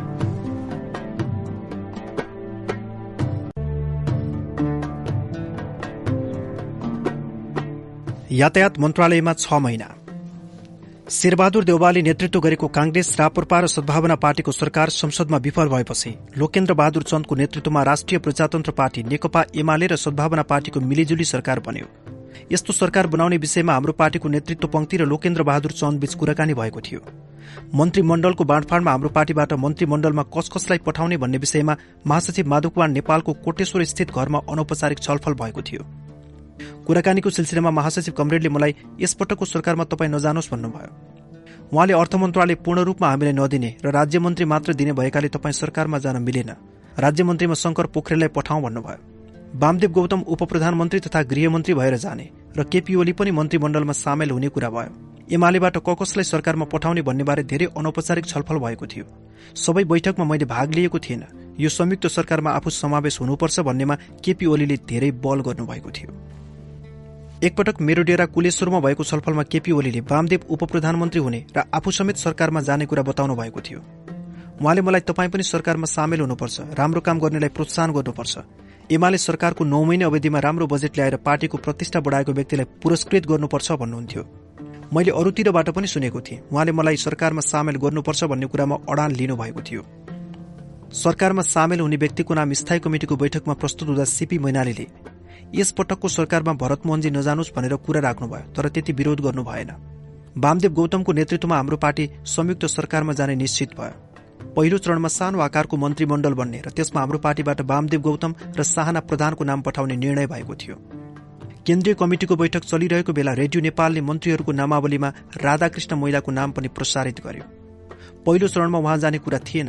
केन्द्रीय कमिटिका कति सदस्यहरूले त यसैका आधारमा राधाकृष्ण मैनालीको नाम हटाउनुपर्छ समेत भने। वास्तवमा भएको के रहेछ भने उहाँले लोकेन्द्र बहादुर चन्दलाई भनेर आफ्नो नाम पहिलो सूचीमै पार्नु भएको रहेछ र रेडियो नेपालबाट प्रसारण गर्न लगाउनु भएको रहेछ। दुई हजार त्रिपन्न चैत्र बाह्र गते मन्त्रीमण्डलले पूर्ण आकार लिँदा हामी मन्त्री भयौं। भोलिपल्ट चैत्र तेह्र गते म निर्माण तथा यातायात मन्त्रालय सम्हाल्न पुगे। मन्त्रालयको आकार र प्राविधिक पक्षलाई विचार गरी राष्ट्र बैंकका वरिष्ठ अधिकृत डाक्टर गोविन्द बहादुर थापाले सल्लाहकारका रूपमा ल्याए। पार्टीका नेताहरूको सल्लाह अनुसार नै निजी सचिवालय र स्वकीय सचिवालय गठन गरे। लोकेन्द्र बहादुर चन्दको नेतृत्वमा एमाले संलग्न त्यस सरकारले बीस सूत्रीय कार्यक्रम लागू गर्ने प्रतिबद्धता जाहेर गरेको थियो। शेरबहादुर देउवाको नेतृत्वमा गठन भएको सरकारले स्थानीय निर्वाचन पर सार्ने योजना बनाएको थियो। पार्टीभित्रको आन्तरिक कलहका कारण देउबा स्थानीय निर्वाचन पर सार्ने स्थितिमा पुगेका थिए। लोकेन्द्र बहादुर चन्दको नेतृत्वमा बनेको संयुक्त सरकारले स्थानीय निकायको निर्वाचन गरायो। समयमै राम्रोसँग निर्वाचन सम्पन्न गराउन विफल भएकोमा पार्टी अध्यक्ष मनमोहन अधिकारीले उप प्रधानमन्त्री तथा गृहमन्त्री वामदेव गौतमलाई सार्वजनिक रूपमै बधाई दिनुभयो। कांग्रेस राप्रपा लगायत विपक्षमा रहेका पार्टीहरूले स्थानीय निर्वाचनमा गृहमन्त्रीले प्रशासनको दुरूपयोग गरे भने निकै होहल्ला मचाए त्यस्तो नभई हामीले नौ महिने शासनकालमा राम्रो काम गरेको प्रभावका कारणले स्थानीय निर्वाचनमा राम्रो उपलब्धि हासिल गरेका थियौं। अति उत्साही वामदेव कमरेडले स्थानीय निर्वाचनमा पार्टीलाई जिताउनका लागि विगतमा कांग्रेसबाट हुने गरेका धाँधली रोक्न केही ठाउँमा स्थानीय प्रशासनको उपयोग गर्नु भएको पनि हो। यसै प्रसंगमा कांग्रेसका नेता गोविन्दराज जोशी मसँग भन्थे प्रशासनको उपयोग नगरेको भए पनि तनावमा तपाईँहरू जित्न सक्नुहुन्नथ्यो जनतामा एमालेको त्यस्तो राम्रो छवि थियो। सीट संख्या र मत परिणामको स्थिति हेर्दा पहिलो प्रतिनिधि सभाको निर्वाचनमा भन्दा दुई हजार पचास सालको उपनिर्वाचनमा उपनिर्वाचनभन्दा दुई हजार एकाउन्नको मध्यावधि निर्वाचनमा र मध्यावधि निर्वाचनमा भन्दा स्थानीय सरकारको निर्वाचनमा हाम्रो पार्टीले थप सफलता पाउँदै आएको थियो। एमालेको प्रतिष्ठा बढ्दै गइरहेको थियो। आफ्नो कमजोरी नहेरी पूर्वाग्रही भएर कांग्रेस र राप्रपाले गृहमन्त्रीले सत्ताको दुरूपयोग गरी चुनाव जिताए भन्ने आरोप लगाए। स्थानीय निकायको निर्वाचन सम्पन्न गराउनुका साथै सन् उन्नाइस सय पचासको नेपाल भारत शान्ति तथा मैत्री सन्धिलाई पुनर्लेखन गर्न एमाले सरकारको पालामा दुई सरकारका बीचमा सम्पन्न समझदारीलाई अगाडि बढाउने काम यो सरकारले गर्यो। फुलबारी बंगला बन्द। बंगलादेशको पारवाहन मार्ग प्राप्त गर्ने कामलाई यो सरकारको महत्वपूर्ण काम मान्नुपर्छ। सरकारले बीस सूत्रीय कार्यक्रम घोषणा गरेको भए पनि राप्रपाकै मन्त्रीहरूको असहयोगका कारण उक्त कार्यक्रम प्रभावकारी रूपमा अघि बढ्न सकेन। आतंकवाद नियन्त्रण ऐन र राजनीतिक नियुक्तिका विषयमा सरकार विवादमा फस्यो। विशेष गरी अच्युत खरेललाई प्रहरी महानिरीक्षकबाट हटाउनु र विशेष गरी विभागको डीआईजीमा नरहरि संग्रौलालाई नियुक्त गर्नु यो सरकारको कमजोरी थियो। विभिन्न विमानस्थलबाट सुन तस्करी भएको घटनाले यो सरकारलाई साह्रै अप्ठ्यारोमा पार्यो। थापा समूहले राप्रपाका सांसदहरूले आफ्नो पक्षमा ल्याउन सबै प्रकारका हत्कण्डा प्रयोग गर्यो भने कांग्रेसका तर्फबाट निरन्तर षड्यन्त्र जारी थियो। सूर्यबहादुर थापा आफ्नै पार्टीका नेताको नेतृत्वमा बनेको सरकारलाई ढालेर आफै प्रधानमन्त्री हुने खेलमा लागे। अर्थमन्त्री रविन्द्रनाथ शर्मा कांग्रेससँग मिली आफै सम्मिलित सरकारलाई हटाउन लागे फलत सरकार अल्पमतमा पर्यो। लोकेन्द्र बहादुर चन्दको नेतृत्वमा बनेको सरकारमा हाम्रो पार्टीका तर्फबाट गएका मन्त्रीहरूले आफ्नो मन्त्रालयमा के कस्ता काम गर्न सक्नुभयो भन्ने बारेमा विस्तारमा उहाँहरूले नै बताउन सक्नुहुन्छ। म निर्माण तथा यातायात मन्त्रीका रूपमा आफूले गरेका केही कार्यहरूका बारेमा मात्र चर्चा गर्न चाहन्छु। निर्माण तथा यातायात मन्त्रालय ठूलो जटिल र प्राविधिक मन्त्रालय हो। यस मन्त्रालयमा छ महिना बस्दा मैले साह्रै कटु अनुभव बोकेँ यस्तो सरकारमा म जान नहुने थियो। मेरो एउटा कमजोरी छ जे कुरामा पनि हुन्छ भन्ने। हाम्रा पार्टीकी केन्द्रीय सदस्य अष्टलक्ष्मी साक्यले हाम्रो संसदीय विभागको बैठकमा एकपटक मलाई भन्नुभयो तपाईँ पूरै कुरा नबुझी हुन्छ भन्नुहुन्छ। त्यति बेला पनि त्यस्तै भयो। पार्टीले प्रस्ताव गर्यो म निर्माण तथा यातायात मन्त्री भए। समझदारी नभएको संयुक्त सरकारमा काम गर्दा कति गाह्रो हुन्छ भन्ने कुरा मैले यो मन्त्रालयमा प्रवेश गरेपछि अनुभव गरे। राप्रपाका अर्थमन्त्री रविन्द्रनाथ शर्मा अत्यन्त कुटिल प्रवृत्ति भएका मानिस थिए। उनले मलाई पल पलमा दुःख दिएका थिए। एमालेको नौ महिने सरकारमा अर्थमन्त्रीका रूपमा म अर्थ मन्त्रालयमा बसिसकेकाले त्यहाँका कर्मचारीले नचिन्ने कुरा भएन। मैले त्यहाँबाट थाहा पाउँथे। रविन्द्रनाथ शर्मा दिनौ एमाले प्रति विष ममन गर्थे। उनी भन्थे रे एमालेको लोकप्रिय कार्यक्रमलाई सघाउनका लागि पैसा दिन म यहाँ आएको होइन। त्यसका लागि म पैसा दिन्न। हुन पनि उनले आफ्नो भनाइअनुसार काम गरी छाडे जसको भुक्तभोगी म छु। मन्त्रालयमा प्रवेश गरेपछि त्यस आर्थिक वर्षको बाँकी साढे तीन महिनाको अवधिमा जनताले अनुभूति गर्ने के काम गर्न सकिन्छ भन्ने कुरामा मैले ध्यान दिन थाले। अब नयाँ पैसा निकास गराउने कुरा थिएन। आर्थिक वर्षको अन्तिम चौमासिक भई मन्त्रालयको विनियोजित बजेट निश्चित कार्यमा निर्दिष्ट भइसकेकाले त्यस्ता कार्यका निम्ति थप बजेट निकासा माग्नु वा उपयोग नहुने बजेटबाट रकमान्तर गर्नु सिवाय अरू उपाय थिएन। अर्थ मन्त्रालयले लक्ष्य अनुसार पनि राजस्व परिचालन गर्न नसकेकाले थप बजेट निकासाको सम्भावना थिएन। निर्माण तथा यातायात मन्त्रालयकै उपयोग हुन नसकेको बजेट रकमान्तर गर्ने प्रस्ताव गर्दा अर्थमन्त्री रविन्द्रनाथ शर्माले सहमति नै दिएनन्। उनले निकै निर्दय व्यवहार गरे। यति मात्र होइन विभिन्न शीर्षकमा विनियोजित रकम कुनै कारणले तोकिएको शीर्षकमा सबै खर्च हुन सकेन भने त्यसलाई सम्बन्धित मन्त्रालयले अर्को शीर्षकमा रकमान्तर गरेर खर्च गर्न पाउने नियम सरकारको आर्थिक नियमावलीमा छ। यसका लागि सम्बन्धित मन्त्रालयले निर्णय गर्ने र अर्थ मन्त्रालयबाट सहमति लिने व्यवस्था गरिएको छ। मन्त्रालयका लागि विनियोजित रकममा मन्त्रीले रकमान्तरको निर्णय गर्दा औपचारिकता पूरा गर्न मात्र अर्थ मन्त्रालयको सहमति लिने गरिन्छ। खर्च नभएको रकम खर्च गरौं। विकासका कामलाई तीव्रता दिउँ भनेर रकमान्तर प्रस्ताव बनाई राष्ट्रिय योजना आयोगबाट स्वीकृति लिई मैले कार्यक्रम बनाए। तर अर्थमन्त्री शर्माले सहमति नै दिएनन् र काम गर्न पाइएन। मैले निर्माण तथा यातायात मन्त्रालयमा नयाँ थप कार्यक्रम गर्न पाइन। कतिसम्म भयो भने अर्थ मन्त्रालय र यातायात मन्त्रालयका विवादहरू संसदमा छरपष्ट भए।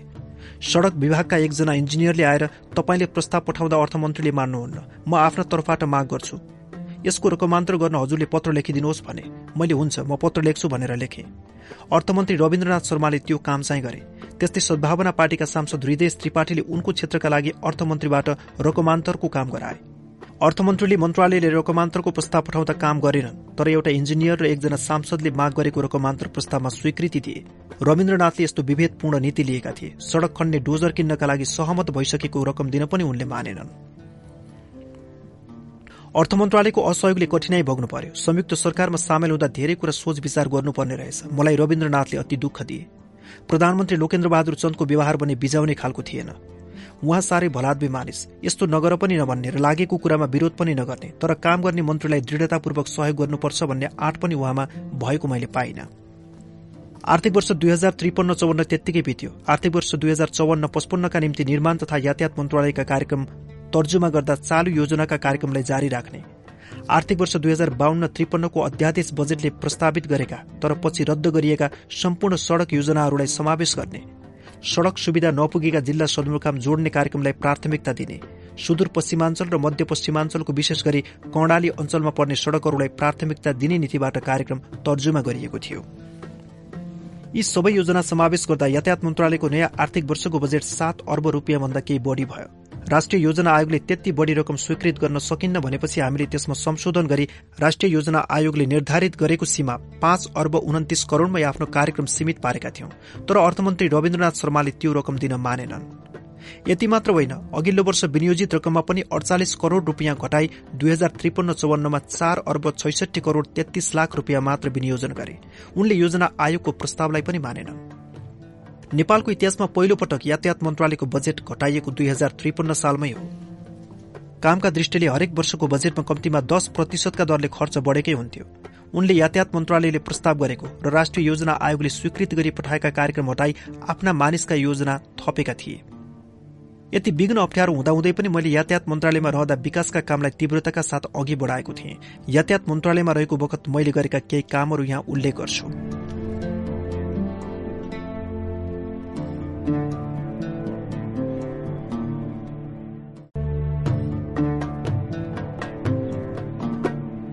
राष्ट्रिय यातायात नीति तर्जुमा कार्यदल।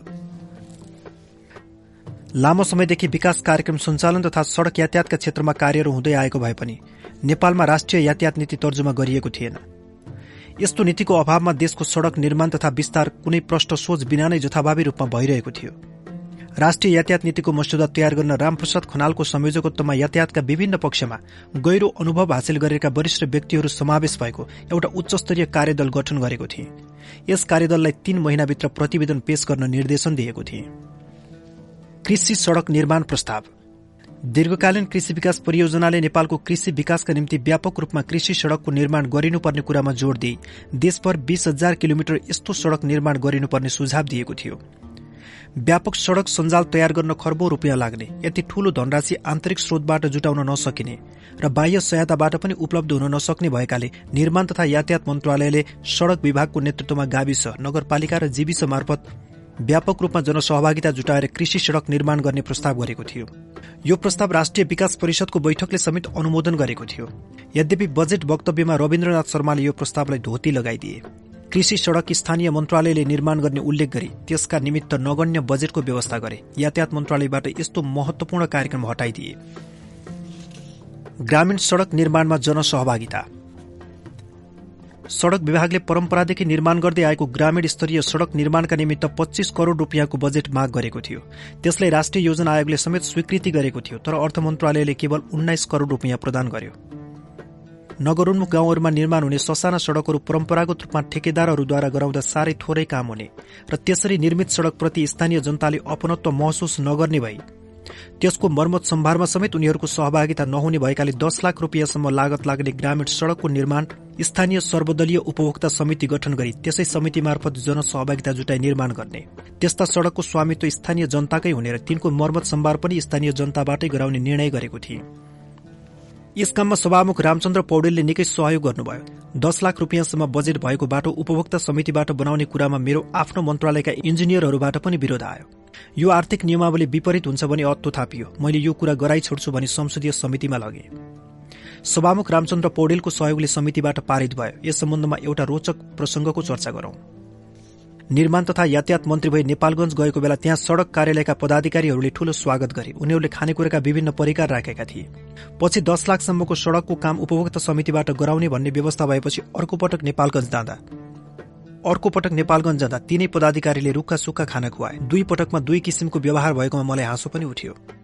ग्रामीण सड़कको निर्माण उपभोक्ता समिति मार्फत गराएमा सरकारले उपलब्ध गराएको रकमबाट निकै बढ़ीको काम हुने र उक्त सड़कको गुणस्तर बढ़ी हुने तथा मर्मत सम्भार स्थानीय जनताबाटै भई सरकारले मर्मत सम्भारका लागि अतिरिक्त रकम छुट्याउनु नपर्ने र विकास निर्माणमा जनसहभागिता हुने हुँदा यस काममा बढ़ी जोड़ दिएको थिए। राष्ट्रिय विभूतिहरूका नाममा सड़क नामाकरण।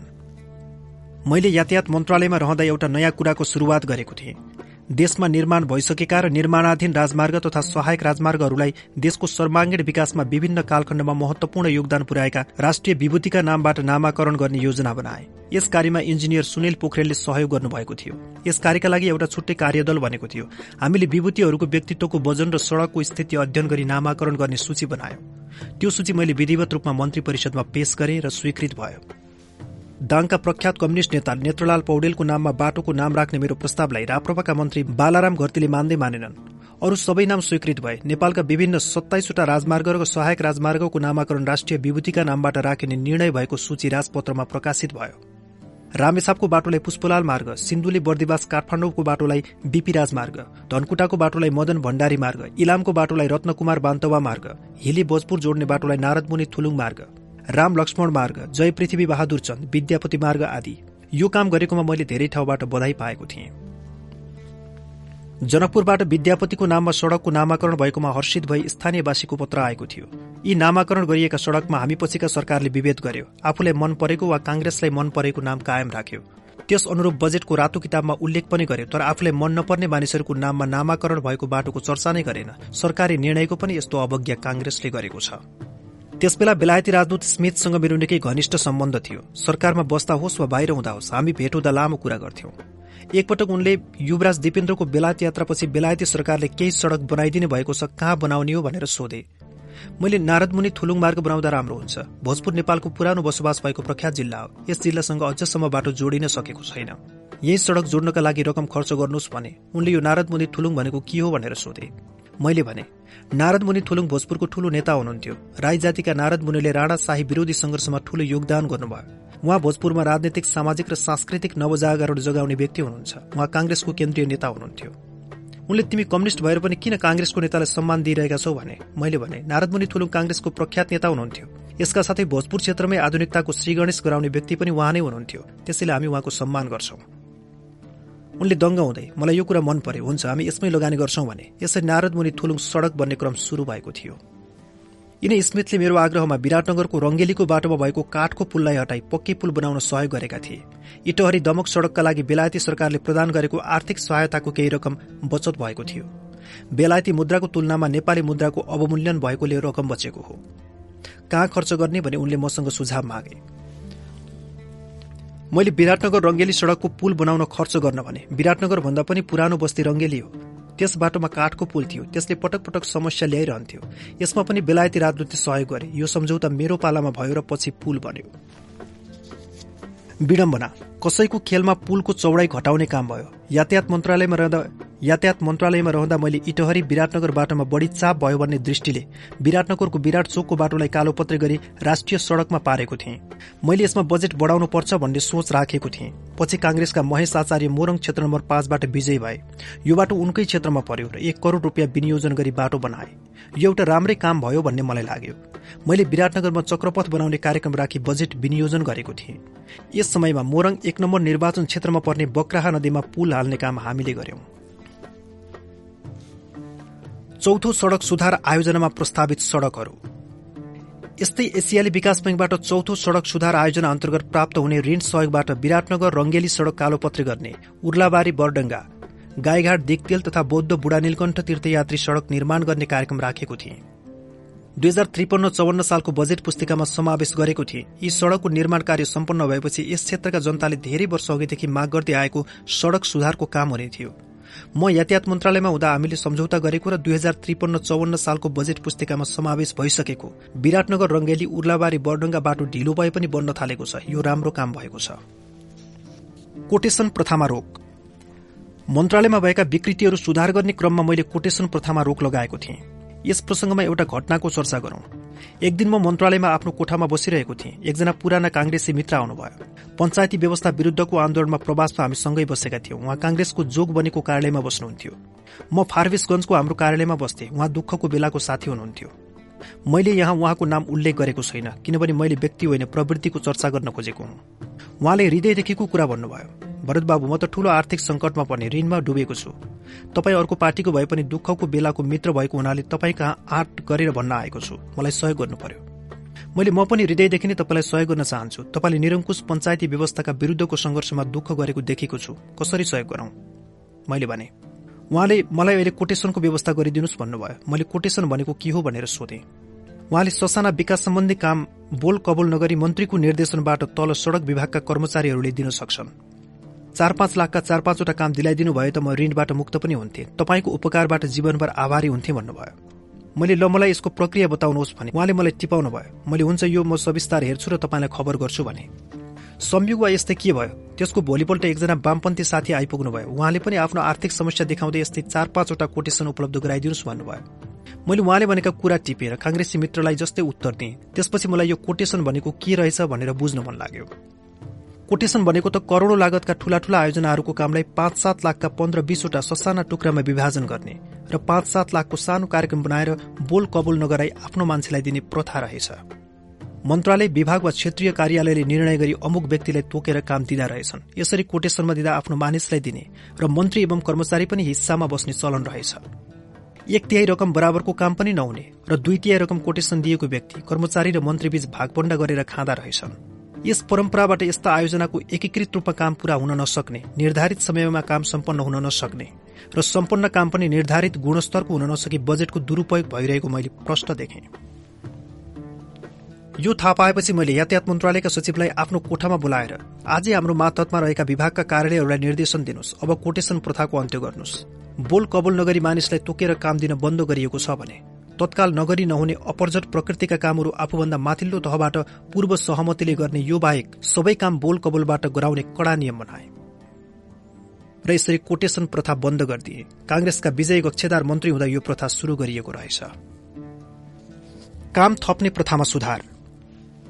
सड़क पुल निर्माण गर्दा कन्सल्टेन्ट योजना प्रमुख र ठेकेदारको मिलिमतोमा काम थप्ने र त्यो काम त्यसै ठेकेदारलाई गर्न लगाई भुक्तानी दिने अनुमतिका लागि मात्र विभाग र मन्त्रालयमा पठाउने चलन रहेछ। यस्ता काम शुरूको लागत अनुमानभन्दा दो वर्षमा हुने चलन रहेछ। यस्तो परम्पराबाट बजेटको व्यापक दुरूपयोग हुने गरेको पाइयो। यस्तो चलन रोक्ने एसियाली विकास बैंक विश्व बैंक अन्य दात्री राष्ट्र संस्था विदेशी कन्सल्टेन्ट र सड़क विभागका वरिष्ठ इन्जिनियरहरूको प्रतिनिधित्व गराई एउटा गोष्ठी आयोजना गरियो। त्यसका सुझावका आधारमा मूलत लागत अनुमानभन्दा दस प्रतिशत भन्दा माथिको भेरिएसन अर्डर गर्दा माथिल्लो तहको अनुमति लिनुपर्ने र यस्तो थप काम गराउँदा मूल संरचना बदल्न नपाइने व्यवस्था गरियो। त्यस्तै अर्को विकृति एनसीसीएनसँग सम्बन्धित थियो। यो कम्पनी नेपाल र इजरायल सरकारको संयुक्त लगानीमा तीन दशक अघि स्थापना गरिएको यातायात मन्त्रालयका पुल सड़क बनाउने सरकारी कम्पनी थियो। शुरूमा यस कम्पनीले सड़क पुल तथा सरकारी भवन निर्माण कार्यमा अग्रणी भूमिका खेलेको थियो। पछि सरकारमा रहेकाले यो कम्पनीको विकास र सुदृढीकरण गर्दै जानुको सट्टा आफ्नो निहित स्वार्थ पूर्तिका निम्ति यसलाई दुरूपयोग गरेकोले कम्पनीको अवस्था दिनानुदिन बिग्रिँदै गएको थियो। म यातायात मन्त्रालय जाँदा यस कम्पनीको कारोबारले कर्मचारीहरूलाई तलब खुवाउनसम्म धौधौ थियो। प्रत्येक वर्षको बजेटमा सड़क पुलको कार्यक्रम रहने तीमध्ये एनसीसीएनले गर्ने परियोजना छुट्याएर दिने चलन रहेछ। एनसीसीएनलाई छुट्याएको परियोजना बोल कबुल गराउन नपर्ने व्यवस्था गरिएको रहेछ।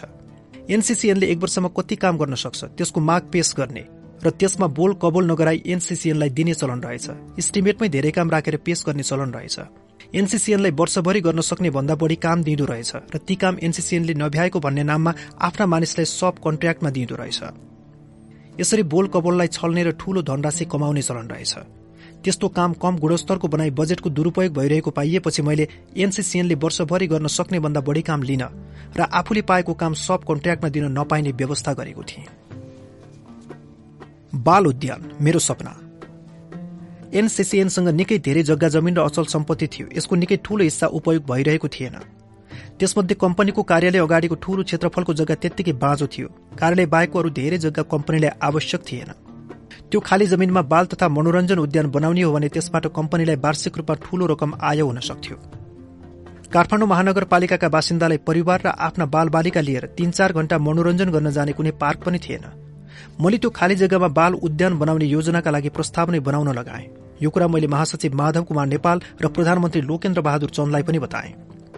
बालबालिका मनोरञ्जन पार्क स्थापना गर्न निजी क्षेत्रसँग प्रस्ताव आह्वान गरियो। स्वदेशी तथा विदेशी निजी क्षेत्रबाट सातवटा प्रस्ताव प्राप्त भएका थिए। एउटा कम्पनीले बनाउने चिल्ड्रेन पार्कको डिजाइन ल्यायो। महासचिव माधव कुमार नेपालले त्यो डिजाइन मन पराउनु भयो। प्रधानमन्त्री लोकेन्द्र बहादुर चन्दले पनि यो मन पराउनु भयो। निर्माण तथा यातायात मन्त्रालयबाट चिल्ड्रेन पार्कको प्रस्ताव अर्थ मन्त्रालय पठायौं। कम्पनीको जग्गा निजी क्षेत्रलाई भाडा दिने कार्य निजीकरण ऐन अनुसार अर्थ मन्त्रालयको कार्यक्षेत्रभित्र पर्छ। अर्थ मन्त्रालयले लिजमा दिन स्वीकृति दिनु पर्थ्यो तर यस कार्यलाई अर्थ मन्त्रालयले समर्थन नै गर्न परेन र काम अगाडि बढाउन दिएन। एनसीसीएनको उपयोगमा आई नरहेको जग्गा मनोरञ्जन पार्क बनाउने उपयुक्त थलो भएकाले मैले यो कुरालाई अघि बढाएको थिएँ। यसबाट कम्पनीलाई वर्षेनी आय प्राप्त हुन्थ्यो। यसमा सहमति जनाउन प्रस्ताव पठाउँदा अर्थमन्त्री रविन्द्रनाथले स्वीकृति दिएनन्। त्यस जग्गामा अहिले सशस्त्र प्रहरी बल बसेको छ। काठमाडौँमा अति आवश्यक बाल उद्यान बनाउने मेरो सपना रविन्द्रनाथ शर्माले पूरा हुन दिएनन्। निरीक्षण र अनुगमनको नयाँ व्यवस्था। निर्माण स्थलमा रहने कन्सल्टेन्ट योजना प्रमुख र ठेकेदार आपसमा मिलेर गुणस्तरहीन सड़क पुल निर्माण गर्दा कहीँ कसैले सोधपुछ गर्ने चलन थिएन। यसबाट खर्च पूरै हुने तर सड़क र पुल भने न्यून गुणस्तरको भई राष्ट्रलाई हानि नोक्सानी पुगेको देखियो। यसलाई नियन्त्रण गर्न निर्माणाधीन सड़क र पुलको केन्द्रबाट नियमित रूपमा निरीक्षण र रेखदेख गर्न मन्त्रालयका सचिव र सड़क विभागका महानिर्देशकको वर्षभरिको निरीक्षण भ्रमणको कार्यतालिका बनाए गुणस्तर कायम राख्ने र निर्धारित समयमै योजना निर्माण सम्पन्न गर्ने व्यवस्था मिलाइयो। म आफैले पनि निर्माणाधीन अवस्थामा गएर पुलहरूको निरीक्षण गरेको थिएँ। पूर्व पश्चिम राजमार्गले पश्चिमका बाइसवटा पुल नबन्द समस्या आइरहेको थियो। यसै त पश्चिममा विकासका कार्यक्रम कम भएका थिए। त्यसमा पनि यी पुलहरू नबन्दा अझै अप्ठ्यारो परिरहेको थियो। यी पुलहरूको निर्माण कार्यलाई तीव्रता दिन आफै निरीक्षणमा गएको थिएँ। त्यस भ्रमणमा सविता पनि थिइन्। डाक्टर गोविन्द बहादुर थापा पनि साथमा हुनुहुन्थ्यो। ती सबै पुलको स्थलगत निरीक्षण गरी आवश्यक निर्देशन दिएको थिएँ। यसका लागि एकजना अवकाश प्राप्त इन्जिनियरलाई सड़कको गुणस्तर जाँच गर्न खटाएको थिएँ। मैले ठेकेदारबाट सड़क बुझ्नुभन्दा अघि ठाउँ ठाउँमा खनेर भए पनि ठेक्कामा तोकिए बमोजिम सड़क बने नबनेको यकिन गर्नुपर्ने व्यवस्था मिलाएको थिएँ। जनकपुर महोत्तरी सड़क बारेमा पनि केही चर्चा गरौं। यो सड़क बनाउन संयुक्त राष्ट्र संघीय विकास कार्यक्रम युएनडीपी तयार भएको थियो। पछि मन्त्री र त्यहाँका इन्जिनियरहरूबीच किचलो भएको कारणबाट त्यो बनाउने विषयमा कुनै निर्णय हुन सकेको थिएन। म यातायात मन्त्रालयमा जाँदा युएनडिपीले यो बाटो बन्न नसक्ने भएकाले लगानी नगर्ने निर्णय गरेको अवस्था थियो। यो कुरा थाहा पाउन साथ मलाई यो त राष्ट्रका लागि हानि भयो स्थानीय जनताका लागि अन्याय भयो यो सड़क बन्नुपर्छ त्यसैले यसलाई कसरी जोगाउने भन्ने लाग्यो। त्यसबेला युएनडिपीकी आवासीय प्रतिनिधि क्यारोल सिलङ थिइन्। एक दिन मैले उनलाई मन्त्रालयमा बोलाएँ। उनले तपाईँको मन्त्रालय र मन्त्रीको असहयोगले हामीले यो बाटो बनाउन नसक्ने निर्णय गर्यौं भनिन्।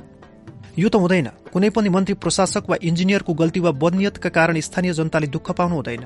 यो त त्यहाँका जनताका लागि बनाइदिने बाटो हो। त्यसकारण तपाईँहरूले यो निर्णय फेर्नुपर्छ। बरु के गर्नुपर्छ? यसका लागि म तयार छु। हामी सल्लाह गरौँ मैले भने। उनले तपाईँको कुरा मन पर्यो तर केन्द्रीय कार्यालयले यो परियोजना नगर्ने निर्णय गरिसक्यो। म के गर्न सक्छु भनिन्। उनलाई मेरो नाम लिएर नयाँ मन्त्री आएको छ। पुनर्विचार गर्न अनुरोध गरेको छ भनेर खबर गर्नुहोस् न भने। उनले हाँस्दै तपाईँको भाग्य हेरौँ भनेर मसँग विदा लिएनिन्। उनले इमान्दारीका साथ फोन गरी केन्द्रीय कार्यालयलाई सबै कुरा भनिछन्। उसको पनि मन पग्लेछ र लगानी गर्न सहमत भएछ। त्यसैको परिणामस्वरूप धनुषा महोत्तरी बाटो बन्न सक्यो। अहिले जनताले त्यसको उपयोग गर्न पाएका छन्।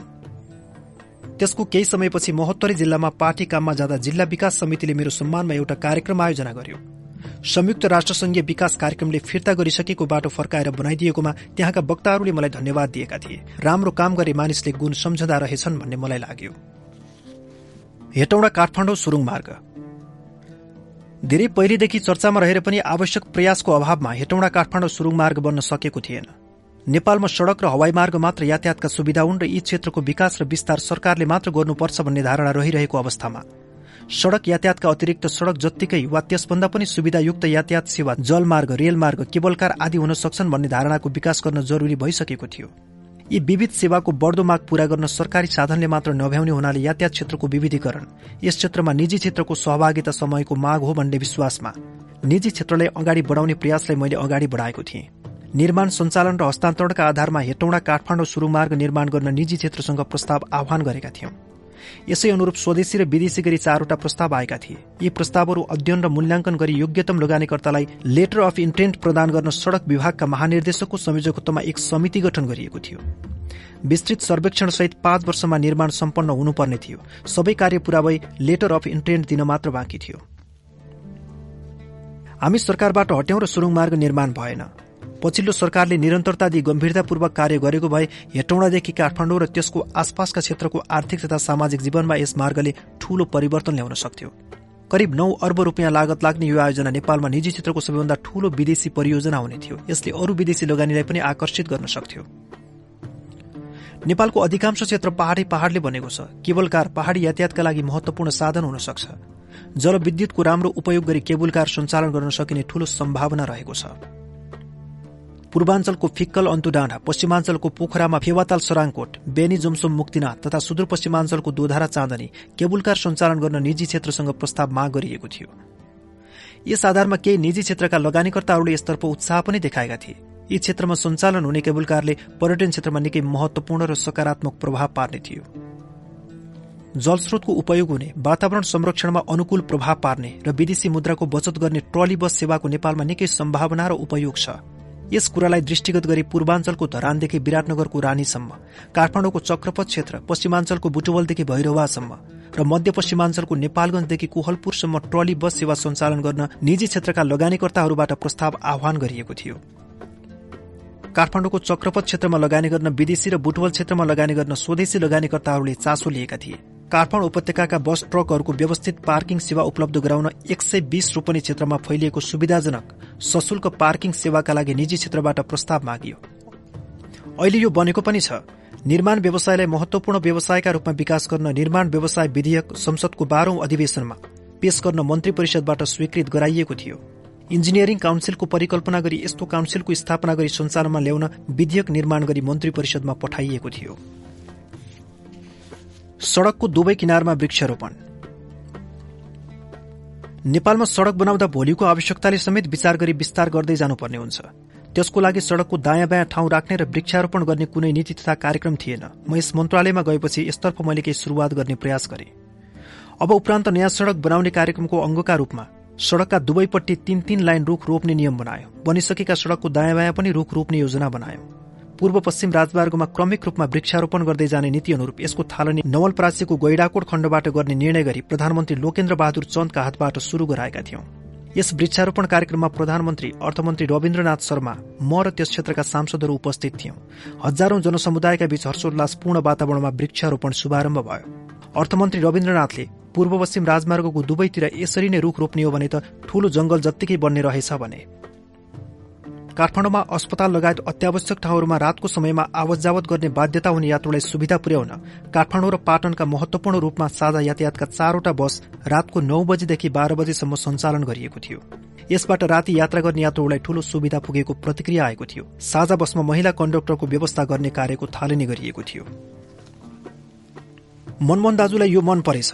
हाम्रा पार्टीका केन्द्रीय कमिटी सदस्य हाल स्थायी समितिमा हुनुहुन्छ। युवराज गेवानीले भन्नुहुन्थ्यो भरतमोहन कमरेडलाई लोकप्रिय कार्यक्रम बनाउन आउँछ। सहकारी ऐन दुई हजार सोह्र अन्तर्गत दुई हजार अठार सालमा स्थापना भएको साझा यातायातले दुई हजार उन्नाइस सालमा काठमाडौँ उपत्यकाबाट बस सेवा प्रदान शुरू गरेको थियो। जापानी सरकारको सहयोगमा पटक पटक गरी एक सय सत्तालिसवटा बस थपिए र राजधानी लगायत देशका थुप्रै महत्वपूर्ण शहरहरूमा सेवा प्रदान गरिरहेको थियो। एउटा बस किनेर चलाउने व्यक्तिले पाँच सात वर्षमा थुप्रै बसको मालिक बन्न सक्थे तर साझा यातायातको आर्थिक स्थिति दिनानुदिन ओह्रालो लाग्दै थियो। साझा संस्थान झण्डै बेबारिसी अवस्थामा पुगेको थियो। यसको व्यवस्थापनमा सुधार गरी संस्थानलाई बचाउन तत्काल के गर्न आवश्यक छ भन्ने सुझाव दिनको लागि हाम्रो party Nepal communist party UML संसदीय दलका प्रमुख सचेतक राजेन्द्र पाण्डेको संयोजकत्वमा साझा यातायातका तत्कालीन प्रबन्ध निर्देशक मुकुन्दराज सत्याल हङकङ राणा र अधिवक्ता भूमिप्रसाद त्रिपाठीको सदस्य रहेको चार सदस्यीय साझा यातायात सुदृढीकरण उच्चस्तरीय कार्यदल गठन गरेको थिए। त्यस उच्चस्तरीय कार्यदलले महत्वपूर्ण सुधारात्मक सुझाव पेश गरेको थियो। एक शनिबार बिहान मैले मेरो निवासमा निर्माण तथा यातायात मन्त्रालयका सचिव सल्लाहकार डाक्टर गोविन्द बहादुर थापा सड़क विभागका महानिर्देशक भारती शर्मा र उपत्यकाका विभिन्न सड़क डिभिजनका डिभिजनल इन्जिनियरहरूलाई उपत्यकाको सड़कका विषयमा छलफल गर्न बोलाएको थिएँ। मैले सड़क विभाग अन्तर्गतका डिभिजनल इन्जिनियरहरूलाई मेरोमा भेट्न आउन रोक लगाएको थिएँ। म उनीहरूलाई भन्थे तपाईँहरूले भेट्ने मानिस भनेको सड़क विभागका महानिर्देशक हुन्। त्यसभन्दा माथिको काम परेमा सचिवसँग भेट्नुहोस् तर मलाई भेट्नु पर्दैन। महानिर्देशक र सचिव भन्दा पनि माथिबाटै निर्णय गर्नुपर्ने भएमा समय लिएर मन्त्रालयमै भेट्न आउनुहोला। मैले उपत्यकाका सबै डिभिजनल इन्जिनियर सचिव र सल्लाहकारलाई एकै ठाउँमा राखी मन्त्री निवासको माथिल्लो बैठक कोठामा कुरा गरिरहेको थिएँ। त्यहाँ उपस्थित हुनेहरूमध्ये एकजना बुढा डी भक्तपुरमा थिए। उनले मन्त्रीज्यूसँग एउटा निजी कुरा छ समय पाऊ भने मैले यहीँ भन्नुहोस् भने।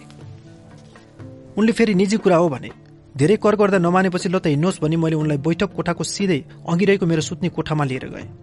कोठाभित्र पुगेपछि उनले रुपियाँको प्याकेट देखाएर मैले यो हजुरले ल्याएको भने मलाई झोक छल्यो यत्रो हिम्मत मेरो हात उठिसकेको थियो तर सम्हाले थरथर काँप्दै उनले तत्कालै माफी मागे हामी कोठा बाहिर आयौं। मलाई साह्रै नराम्रो लागिरहेको थियो। यिनै डीका साला अर्थ मन्त्रालयमा शाखा अधिकृत रहेछन्। केही दिनपछि उनी मलाई भेट्न आए। उनले भिनाजुले माफी माग्नु भएको छ ठूलो गल्ती भयो मन्त्रीज्यू रिसाउनु भयो। यसबाट मेरो नोकरी जान्छ कि पनि उहाँ डराउनु भएको छ। पहिले पहिले यसरी महिना महिनामा पुर्याउने चलन थियो। मैले त्यही गरेको मानिस चिनिन माफ पाऊ भन्नुभएको छ भनी माफी दिन अनुरोध गरे। यो घटना त एउटा सानो झलक मात्र हो। निर्माण तथा यातायात मन्त्रालयमा मैले के पाएँ भने यो मन्त्रालयमा अत्यधिक चुहावट अनियमितता र भ्रष्टाचार हुने गरेको रहेछ।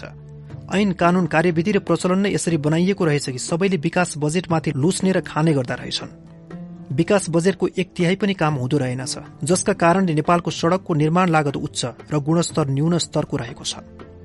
म निर्माण तथा यातायात मन्त्रालयमा साढे छ महिना मात्र रहे। यो छोटो अवधिका यस्ता सबै विकृति विसंगति चुहावट अनियमितता र भ्रष्टाचार पूर्णत रोक्न कठिन पर्थ्यो। तैपनि यसका विरूद्ध मैले सुधारका कार्यहरू तीव्रताका साथ अघि बढाएको थिएँ। म हटेपछि मैले गरेका सबै सुधारलाई धोती लगाइयो।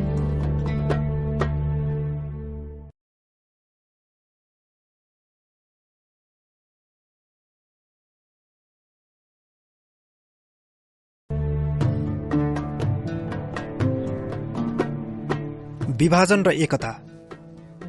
महाकाली विवाद।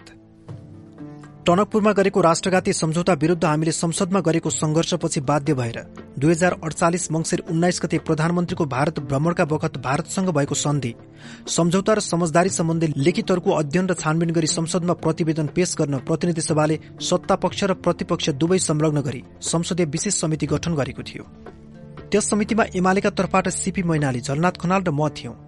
हामीले सन्धि सम्झौता र समझदारी सम्बन्धी माइनेटहरूको अध्ययन र टनकपुर परियोजनाको स्थलगत निरीक्षण गरी सरकारी एवं गैर सरकारी कानूनी एवं प्राविधिक विशेषज्ञ परराष्ट्र मन्त्रालयका प्रतिनिधि र जलस्रोत मन्त्रालयका प्राविधिकहरूको राय लिएका थियौं। हाम्रो देशको चौतर्फी विकासका निम्ति जलस्रोत क्षेत्रको विकास अत्यन्तै महत्वपूर्ण कुरा हो। यसका लागि राष्ट्रिय सहमतिको आवश्यकता पर्ने कुरालाई ध्यान दिए विशेष समितिमा रहेका हामी सबै प्रतिपक्षका सदस्यहरूले सहमति निर्माण गर्न भर मगदुर प्रयत्न गर्यौं। तर कांग्रेसी मित्रहरूले जे कुरामा पनि पेलेर लैजान खोज्ने र आफ्नो कुरा जसरी पनि सदर गर्न खोज्ने प्रवृत्तिले विशेष समितिमा एउटै राय बन्न सकेन। सत्तापक्षले एउटा प्रतिवेदन पेश गर्यो भने हामी प्रतिपक्षले छुट्टै मत प्रस्तुत गर्यौं। हामीले आम जनसमुदायले राष्ट्रघाती सन्धिका विरूद्ध जागरूक बनाउन सड़कमा आन्दोलन सञ्चालन गर्यौं जसले गर्दा सत्तापक्ष बल मिच्याई गरेर अगाडि बढ्न सकेन। सर्वोच्च अदालतले पनि गिरिजाप्रसाद कोइरालाले भारतीय पक्षसँग दिल्लीमा गरेको समझदारी होइन सन्धि नै हो र यसलाई संविधानको व्यवस्था अनुसार संसदबाट पारित गर्नुपर्छ भन्ने फैसला गर्यो। यसबाट पनि कांग्रेसी घिनाइ रोकिएन। उनीहरूले सन्धि ऐनलाई नै परिवर्तन गरी आफ्नो कुरा सदर गर्ने कोसिस गरि नै रहे। एमाले लगायत सबै प्रतिपक्षहरूले दृढतापूर्वक संघर्ष गरिरहेकाले सरकारको कुनै चाल पनि सफल भइरहेको थिएन। कोइरालाले दिल्लीमा गरेका सन्धि सम्झौता र समझदारीका लिखतहरू बेबारिसी अवस्थामा रहेका थिए। नेपाली कांग्रेसबाट महाकालीका सम्बन्धमा राष्ट्रहित विपरीत भएका कामहरूलाई सच्याएर नेपालको राष्ट्रहितमा महाकालीका विषयमा भारतसँगको विवादलाई किनारा लगाउने दायित्व राष्ट्रका सामु थियो। यसै सम्बन्धमा दिल्लीमा भएको सन्धि सम्झौता र समझदारीबाट नेपालको अहितमा हुने नोक्सानलाई सच्याउनु पर्ने त सधैँ थियो। नेपालको हितलाई प्राथमिकता दिई महाकाली नदी सीमा नदी भएकोले यो विवादलाई यथाशीघ्र टुङ्गो लगाई नेपालले पाउनुपर्ने फाइदा लिने र नेपाल भारतबीचको सम्बन्ध सुमधुर बनाउने र जलस्रोतको उपयोगका सम्बन्धमा नयाँ समझदारीको विकास गर्ने महत्वपूर्ण दायित्व थियो।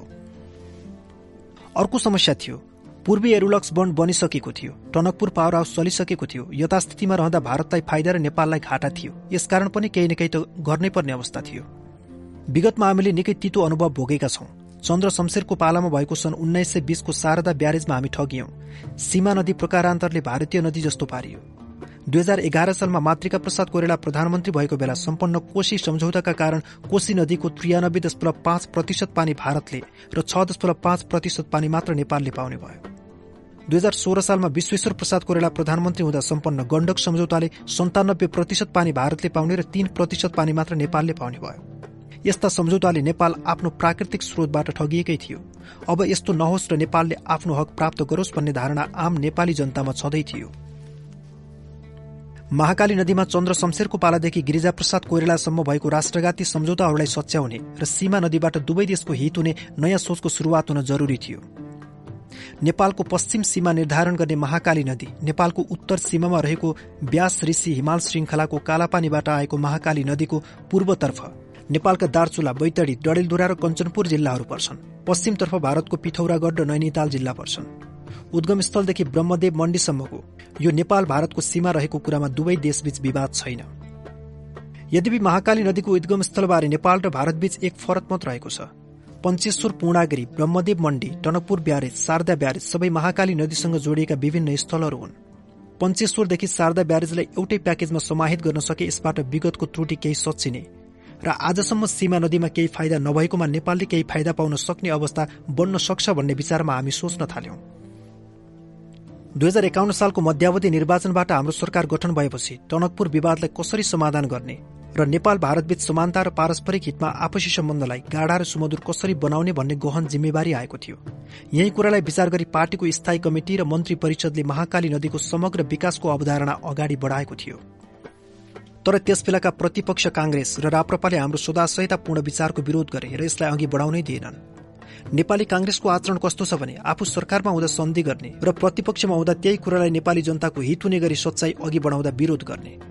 कांग्रेसको यो रवैयाका कारण हाम्रो नौ महिने सरकारका बेला यो सोचलाई अघि बढाउन सकेनौं। त्यसपछि कांग्रेस राप्रपाको संयुक्त सरकारले भने त्यही महाकालीको एकीकृत विकास सम्बन्धी धारणालाई नै अघि बढाए। हामी भने कांग्रेसी शैलीमा जान सक्दैनथ्यौं। प्रतिपक्षले पनि राष्ट्रहितमा काम गर्नुपर्छ भन्ने जिम्मेवारीलाई महसुस गरी। नेपाल भारतबीच सम्पन्न महाकाली नदीको एकीकृत विकास सम्बन्धी सन्धिलाई पार्टीको केन्द्रीय कमिटिको बैठकले सर्वसम्मतिबाट समर्थन गर्यो। पार्टीको राष्ट्रिय परिषदको दोस्रो बैठकले पनि यसलाई समर्थन गर्दै प्रस्ताव पारित गर्यो। यसैबीच दिल्लीमा दुई देशका प्रधानमन्त्री स्तरमा महाकाली सन्धिमा हस्ताक्षर भयो। सो हस्ताक्षरित सन्धि र नेपालमा सहमति भएको सन्धि पत्रबीच फरक छ भन्ने चर्चा पनि चल्न थाल्यो। यसबारे यथार्थ पत्ता लगाई पार्टीको निश्चित धारणा बनाउन दुई हजार बाहन्न चैत्र अठाइस गते केन्द्रीय कमिटिको छब्बीसौं बैठकले केपी ओलीको अध्यक्षतामा जलनाथ खनाल हिरण्यलाल श्रेष्ठ प्रेमसिंह दामी खगराज अधिकारी ऋषिराज रुम्साली र म रहेको कार्यदल बनायो। यस कार्यदलले महाकाली सम्बन्धी सम्पूर्ण पक्षको अध्ययन गरेर यस सन्धिमा धेरै अस्पष्टता छ। यस्तो अस्पष्टतामा जहिले पनि बढी क्षमतावानले धेरै लाभ लिने हुन्छ। यसको फाइदा पनि भारतले उठाउनेछ। नेपालबाट बग्ने आधा जस्तो पानी कोशी र गण्डकीबाट बग्छ।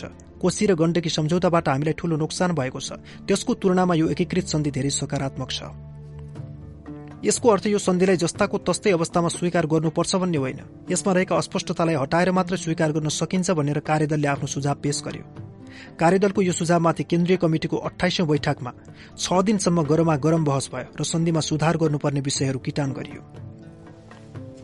नेपाल र भारत सरकारबाट आवश्यक प्रतिबद्धता व्यक्त गरेपछि मात्र सन्धि अनुमोदन गरिनुपर्ने महाकाली नदीलाई आधारभूत सीमा नदी मान्ने पानीमा समान हक रहनुपर्ने दार्चुला जिल्लामा रहेका भारतीय सेना हटाउनु पर्ने शारदा बाँध निर्माण गर्दा भारतले नेपाललाई फिर्ता गर्न बाँकी छत्तीस दशमलव तीन सात एकड़ जग्गा अविलम्ब फर्काउनु पर्ने र भारतले नेपालबाट किन्नुपर्ने विद्युतको लागत प्रतिस्थापनको सिद्धान्त कस्ट एभोइडेड प्रिन्सिपलका आधारमा गर्नुपर्ने प्रतिबद्धता प्राप्त गरेपछि सन्धि अनुमोदन गर्ने निर्णय केन्द्रीय कमिटिले गर्यो।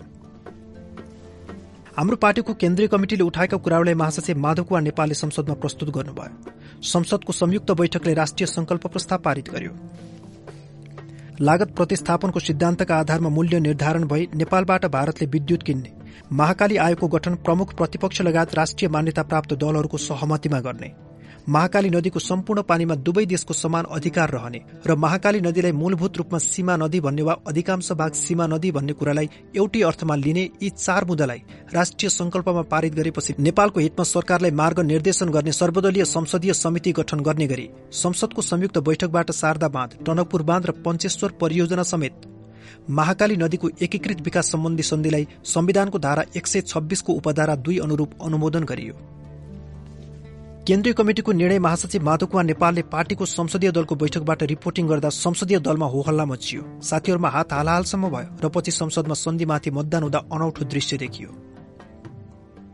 हाम्रै पार्टीका कतिपय नेतासहित केही सांसदहरूले पार्टीको व्हिप उल्लंघन गरी सन्धिको विपक्षमा मतदान गर्नुभयो। अरू वाम सांसदहरूले त गरे नै यसरी महाकाली सन्धि संसदबाट अनुमोदन त भयो तर यसले हाम्रो पार्टीमा समस्या बल्झाइदियो। एमाले महाकालीमा राष्ट्रघात गर्यो भनेर प्रचार गर्न थाल्यो। पार्टीमा ठूलै विवाद सृजना भयो। महाकाली सन्धिका सम्बन्धमा पार्टीले बनाएको कार्यदलले काम गरिरहेकै बेला हाम्रै पार्टीमा असहज स्थिति देखेर झलनाथ खनाल र मैले यो हिउँदी अधिवेशनमा महाकाली सन्धि अनुमोदन नगरौं। दुई तीनवटा अधिवेशनसम्म टारौं। पार्टीमा स्वस्थ वातावरण तयार गरी पारित गरौंला भन्ने कुरा राखेका थियौं। पार्टी नेतृत्वले सरकारलाई यो सन्धि अहिले अनुमोदन नगरौं पनि भनेको तर शेरबहादुर देवा कुनै पनि अवस्थामा सन्धि पारित गरेरै छाड्ने अडानमा रहे।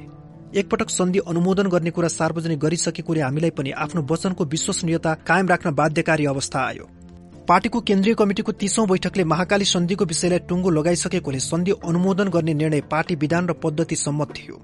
तर पार्टीभित्र उत्पन्न समस्या समाधान नगरी सन्धिलाई राष्ट्रहित अनुरूप कार्यान्वयन गराउन पार्टी एकताबद्ध रूपमा अघि बढ्न सक्दैनथ्यो यसमा केही कमजोरी भएको हृदयङ्गम गरी अब एक रायबाट अघि बढ्ने। महाकाली नदीका विषयमा पारित संकल्पलाई कार्यान्वयन गर्ने र त्रुटि कमजोरी गर्ने साथीहरूले आत्मालोचना गर्ने पार्टीमा निर्णय भएको थियो। त्यसपछि अब त महाकाली विवाद टुङ्गियो भन्ने लागेको थियो। तर यो विवाद छैटौं महाधिवेशनमा ठोकियो र पार्टी विभाजन गराउनमा एउटा कारक बन्न पुग्यो। महाकाली सन्धिलाई देशका उग्र वामपन्थी र दक्षिण वामपन्थीले राष्ट्रघाती बन्दै विरोध गरे। तर यो सन्धिलाई कार्यान्वयन गर्न भारतले नै रुचि नलिरहेको कुरातर्फ कसैको ध्यान गएको छैन। शेरबहादुर देउबाको सरकार विघटन भएपछि लोकेन्द्र बहादुर चन्दको नेतृत्वमा एमाले राप्रपा र सद्भावनाको संयुक्त सरकार बन्यो। सरकारमा रहँदा हामीले महाकाली सन्धिलाई कार्यान्वयन गर्नका लागि कदम चाल्यौं। भारतीय प्रधानमन्त्री आइके गुजराल नेपाल भ्रमणमा आएको बेला उक्त सन्धि सम्बन्धी पत्र आदान प्रदान गरियो। सन्धि कार्यान्वयनको तहमा प्रवेश गर्यो। छ महिनाभित्रमा विस्तृत परियोजना प्रतिवेदन डीपीआर बनाउने कुरामा सहमति भयो। भारतीय प्रधानमन्त्री आइके गुजरालले म भारतीय पदाधिकारीहरूलाई छ महिनाभित्र डीपीआर बनाउन निर्देशन दिन्छु भनी हामीलाई आश्वासन दिनुभएको थियो। राष्ट्रिय संकल्प अनुरूप सभामुखको अध्यक्षतामा संसदीय अनुगमन समिति गठन भयो। यसमा म पनि सदस्य थिएँ यसले धेरै बैठक गर्यो तर पनि परिणाम निकाल्न सकेन। भारत नै सन्धिमा भएको सहमति अनुरूप कार्य गर्न सहमत छैन इच्छुक छैन। पञ्चेश्वरमा उच्च बाँध बनाउने कुरामा भारतले विरोध गर्न थाल्यो र विभिन्न खालका समस्याहरू तेर्साउन थाल्यो। भारतले सन्धिमा प्रष्ट उल्लेख भएको पञ्चेश्वर बाँध नबनाउने र अर्कै ठाउँ पूर्णागिरीमा बाँध बनाउने कुरा गर्न थाल्यो। महाकाली सन्धि कार्यान्वयन हुन नसक्नुमा अरू केही कारण थिएन। भारतले हुन दिइरहेको थिएन। कोशी गण्डकी शारदा र पूर्वी एरोलक्स वन बनाउन हतारिने भारत अहिले यो सन्धिलाई लागू गर्न किन अग्रसर हुँदैन? यसतर्फ कसैको ध्यान गइरहेको थिएन। यस सम्बन्धी एउटा अर्को घटना उल्लेख गरौं। दिल्लीमा नेपाल भारत बीचको सम्बन्धका विषयमा एउटा कार्यशाला गोष्ठी भएको थियो। त्यहाँ भारतका परराष्ट्र जलस्रोत रक्षा र गृह मन्त्रालयका पूर्व सचिवहरू नेपालका राजनैतिक नेताहरू पूर्व सचिवहरू दुवै देशका बुद्धिजीवी र पत्रकारहरूको उपस्थिति थियो। मैले नेपाल भारत आर्थिक सम्बन्ध विषयमा कार्यपत्र पेश गरेको थिएँ। जलस्रोतका विषयमा नेपालका पूर्व जलस्रोत सचिव द्वारिकानाथ ढुङ्गेलले कार्यपत्र पेश गर्नुभएको थियो। जलस्रोत विषयमा छलफल गर्ने क्रममा महाकाली सन्धिको कुरा आयो। त्यस विषयमा भारतीय पक्षको अनौठो कुरा सुनेर म छक्क परे र मैले बोल्नै पर्ने भयो। मैले यस विषयमा म केही बोल्छु भन्ने समय लिएँ। मैले नेपालका लागि पूर्व भारतीय राजदूत केबी राजन यही कार्यक्रममा हुनुहुन्छ। म उहाँले साक्षी राखेर कुरा गर्छु भनेर कुरा सुरु गरे। मैले भने त्यसबेला भारतका जलस्रोत मन्त्री शुक्लाले नेपाल भारतबीच सम्पन्न हुने महाकाली नदी सम्बन्धी प्रस्ताव प्रतिपक्षमा रहेको हाम्रो पार्टी नेकपा एमालेलाई पठाउनु भयो उहाँले एमाले नेपालको संसदमा सन्धिलाई समर्थन गर्छ भने मात्र भारत यसमा अघि बढ्छ भन्ने आशयका साथ पत्र पठाउनु भएको थियो। हामीले नेपाल भारतबीच जलस्रोत सम्बन्धमा नयाँ अध्याय शुरू हुने हो भने हामी संसदबाट अनुमोदन गर्छौं भन्यौं र सन्धि अनुमोदन गरायौं। यसले हाम्रो पार्टीमा विवाद आयो र पार्टी फुट्यो। हामीले पार्टी फुट्नसम्मको खतरा मोलेर सन्धि अनुमोदन गर्यौं। तर आज यहाँ भारतीय मित्रहरूबाट महाकाली सन्धिको विरोधको कुरा सुन्छु। सन्धि कार्यान्वयन गर्न सकिन्न भनेको सुन्दा त म छक्क परे। साना छिमेकी मुलुकहरूलाई भारतले कस्तो व्यवहार गर्दैछ? हामीले तपाईँहरूको आग्रहमा सन्धि अनुमोदन गर्यौं तर अहिले तपाईँहरू नै कार्यान्वयन गर्न मान्नुहुन्न। यो के हो? मेरो कुरा सुनेर भारतीय पूर्व जलस्रोत सचिवले ठाडै महाकाली सन्धि त्रुटिपूर्ण छ र भारतको हितमा छैन। हाम्रा इन्जिनियर प्राविधिकहरूले गल्ती गरे त्यसलाई कार्यान्वयन गर्न सकिन्न भने। एकजना अर्का पूर्व सचिवले अधिकारी महोदय म तपाईँको भावनालाई कदर गर्छु तर अर्थतन्त्र भावनाले चल्दैन यथार्थबाट चल्छ। वर्षेनी यति ठूलो घाटा सहेर भारतले यो सन्धि कार्यान्वयन गर्न सक्दैन भने। बैठकको अध्यक्षता गरिरहेका भारतका पूर्व परराष्ट्र सचिव रज कोत्राले त ठाडै यो महाकाली सन्धि भारतको हितमा छैन र हामी यसलाई मान्दैनौ भने। मैले यो कुरा सविस्तार उल्लेख गर्नको कारण के हो भने नेपालमा महाकाली सन्धि राष्ट्रघाती भन्नेहरूले राम्ररी बुझ्न सकुन्। वास्तविकता के रहेछ? नेपालमा यो सन्धिलाई राष्ट्रघाती भन्ने अनि भारतीयहरूले भारतको अहितमा छ भन्ने यो के हो? वास्तविक रूपमा भन्ने हो भने यो सन्धि पूर्ण त राम्रो चाहिँ होइन। चन्द्र शमशेरले शारदा ब्यारेजमा गरेको राष्ट्रघात। पञ्चायतकालमा भारतले मिचेर बनाएको टनकपुर ब्यारेज र गिरिजाप्रसाद कोइरालाले पूर्वी एरुलक्स बन्ड बनाउन दिएर गरेको राष्ट्रघातबाट सीमा नदी महाकालीबाट हाम्रो अधिकार गुम्दै गएको थियो र साझा नदीका रूपमा रहेको महाकाली भारतको एकलौटी जस्तो बन्न गएको थियो। यस्तो स्थितिमा राष्ट्र हितमा नेपालले फाइदा पाउने गरी सच्याइएको हो। यसबाट भारतलाई पनि फाइदा हुन्छ। पुरानो भत्के बिग्रीको घरलाई मर्मत गरेर बनाउँदा स्वाभाविक रूपमा नयाँ घर जस्तो राम्रो त हुँदैन यो त सुधार मात्र हो। अर्को कुरा यो सन्धि कार्यान्वयन गरेमा नेपाल भारतबीच जलस्रोतको उपयोगका सम्बन्धमा नयाँ सोचको शुरूआत हुन्थ्यो। नेपालमा भएको अपार जलस्रोतका सम्बन्धमा नेपाल भारत बंगलादेश र पाकिस्तान अझ सकिन्छ भने चीन समेत समावेश भई क्षेत्रीय सहयोगको विस्तार गर्नु सबैको हितमा छ। यसतर्फ अगाडि बढ्न यो सन्धिले नयाँ दृष्टिकोण ल्याएको थियो तर भारत आफ्नो पुरानो चिन्तन र सोच छाड्न तयार छैन। भारत अहिले पनि शारदा ब्यारेज कोशी र गण्डक सम्झौता जस्तै सम्झौता चाहन्छ। भारतको मानसिकता नै यस्तो छ।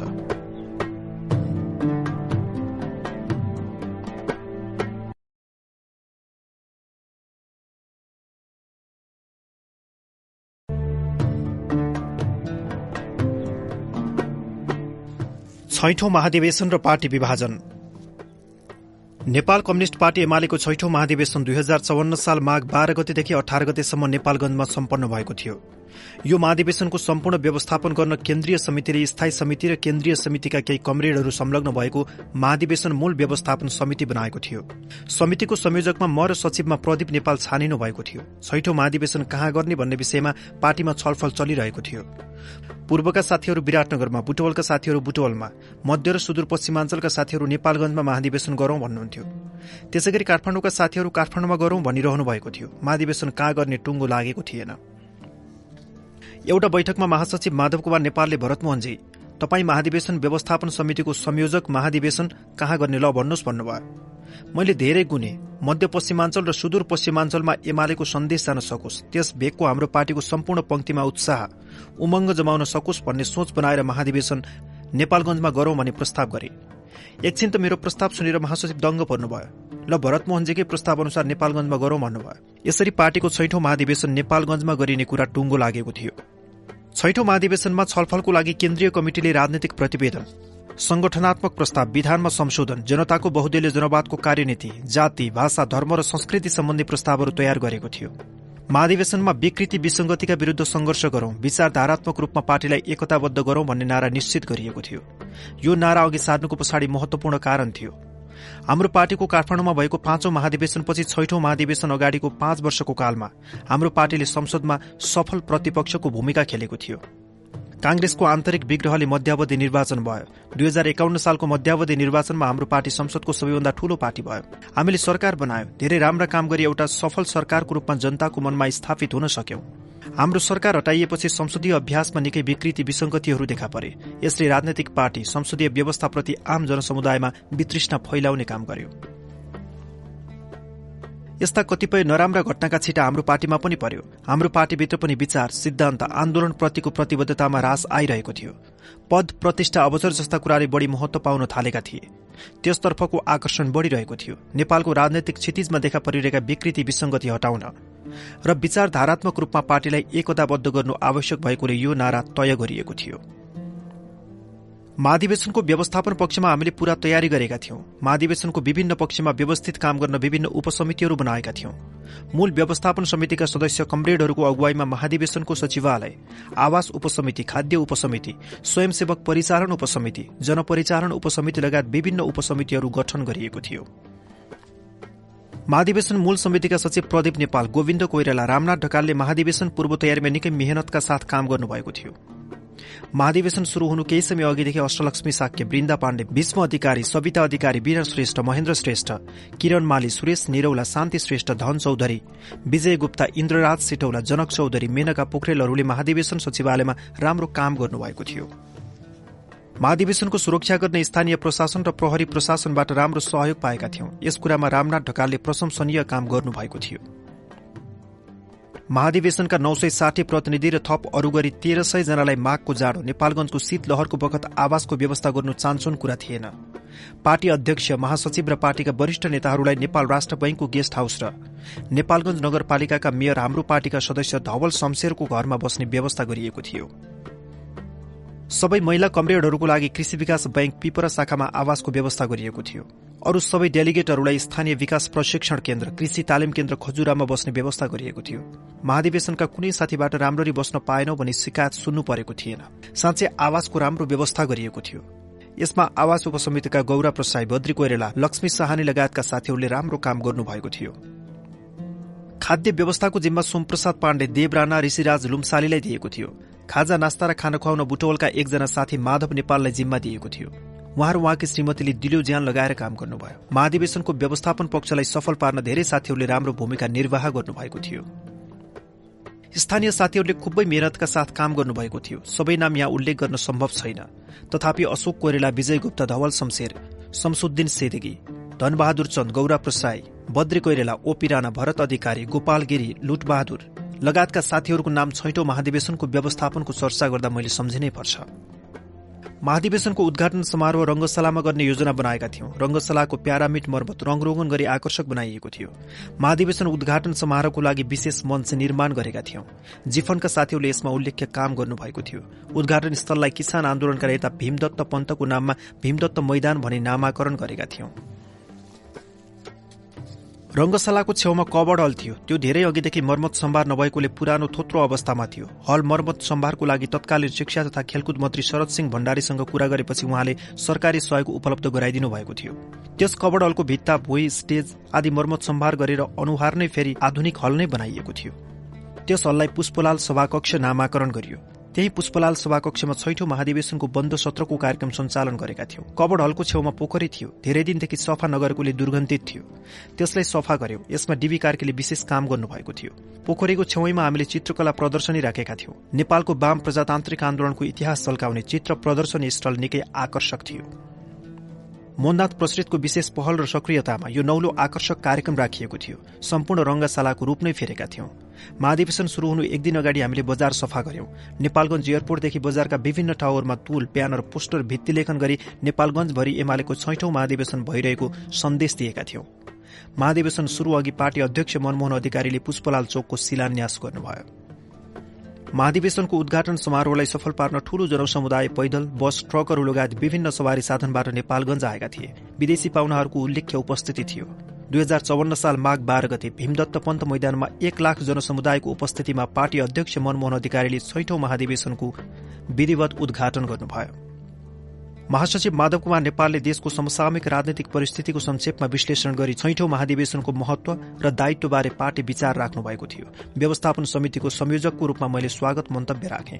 विदेशी पाहुनाहरूले शुभकामना मन्तव्य दिनुभयो। गोविन्द कोइरालाले धन्यवाद मन्तव्य दिनुभयो। छैठौं महाधिवेशनको विधिवत शुरूआत यसरी भएको थियो।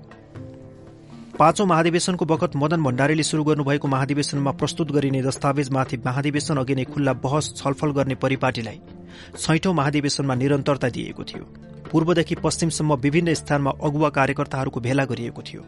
वामदेव गौतम लगायतका साथीहरूले फरक मत लिएर अघि बढ्नु भन्नुभएको थियो। यस विषयमा छुट्टै पुस्तिका छपाएर विभिन्न पत्र पत्रिकामा लेख अन्तर्वार्ता दिएर आफ्ना कुराहरू खुल्ला रूपमा राख्नु भएको थियो। त्यस कार्यक्रममा महासचिव माधव नेपाल वामदेव गौतम लगायतका साथीहरूले बोल्नु भएको थियो। मेरो पनि बोल्ने कार्यक्रम थियो। वामदेव गौतमले पाँच छ घण्टा लगातार बोल्नुभयो। मेरो समय पनि खाइदिनु भयो उता मलाई महाधिवेशन व्यवस्थापनको काममा नेपालगञ्ज हिँड्नु थियो। वामदेव गौतमको लामो भाषणले गर्दा मैले बोल्नै पाइनँ। यस्तै अगुवा कार्यकर्ताबीच महाधिवेशनका दस्तावेजहरूको छलफल कार्यक्रम भद्रपुर चितवन धनगढ़ी महेन्द्रनगर लगायतका विभिन्न ठाउँमा भएको थियो। कार्यक्रममा महाधिवेशनका प्रतिनिधि लगायत सम्पूर्ण अगुवा कार्यकर्ताहरूले उत्साहका साथ भाग लिएका थिए। सम्पूर्ण एमाले पार्टी पंक्तिमा संस्थापन पक्ष र फरक मत राख्ने कमरेडहरूका विचार पूर्ण रूपमा उजागर भएको थियो। पाँचौं महाधिवेशनको बखत पनि पार्टीभित्र विचारको द्वन्द्व थियो। महाधिवेशन अगाडि र महाधिवेशनको बीचमा यो द्वन्द्व प्रकट रूपमा उद्घाटित भएको थियो। महाधिवेशनबाट केन्द्रीय सदस्य चयनको बखत हामी गम्भीर संकटमा नै पर्यौं। तथापि पाँचौं महाधिवेशनपछि यसले लिएका नीति कार्यक्रमको स्वभाव नेतृत्वले स्थिति राम्ररी सम्हाल्दा सबै कुरा नियन्त्रणमा रह्यो। पार्टी अझ जोश जागरका साथ अघि बढ्यो। यस्तो अवस्था छैठौं महाधिवेशनमा भएन। छैठौं महाधिवेशनमा विचारको मतभेद मात्र थिएन। त्यहाँ व्यक्तित्वबीच टकराव थियो नेताहरू बीचको सम्बन्ध कटुतापूर्ण थियो महत्वाकांक्षा थियो। बहुमत र अल्पमत पक्षका बीच राय बाजिएका प्रमुख विषयमा महाकाली सन्धि अमेरिका र भारतलाई हेर्ने दृष्टिकोण प्रमुख रूपमा अघि सारिएका थिए। फरक मत राख्ने साथीहरू आफूहरू बहुमतबाट पेलिएको गुनासो गर्नुहुन्थ्यो तर गहिराईमा हेर्ने हो भने छैठौं महाधिवेशनमा फरक मत आउनुमा व्यक्तिगत कटुता नै प्रमुख कारण रहेको थियो। दुई हजार एकाउन्न सालमा नेपाल कम्युनिष्ट पार्टीको सरकार बन्दाको बखत वामदेव गौतमलाई उपमहासचिव बनाइएको थियो। पार्टी अध्यक्ष प्रधानमन्त्री महासचिव उप प्रधानमन्त्री भई सरकारको नेतृत्व गर्ने भएपछि केन्द्रीय कमिटिको बैठकले उपमहासचिवको पद सृजना गरी केन्द्रीय कमिटिको दैनिक काम गर्ने महासचिवका सम्पूर्ण अधिकार र कर्तव्यहरू उपमहासचिवलाई प्रत्यायोजित गर्ने अध्यक्ष र महासचिवको अनुपस्थितिमा केन्द्रीय कमिटी स्थायी कमिटी तथा सचिवालयको बैठकको अध्यक्षता गर्ने पार्टी प्रवक्ताको काम गर्ने जस्ता अधिकार उपमहासचिवलाई दिएको थियो।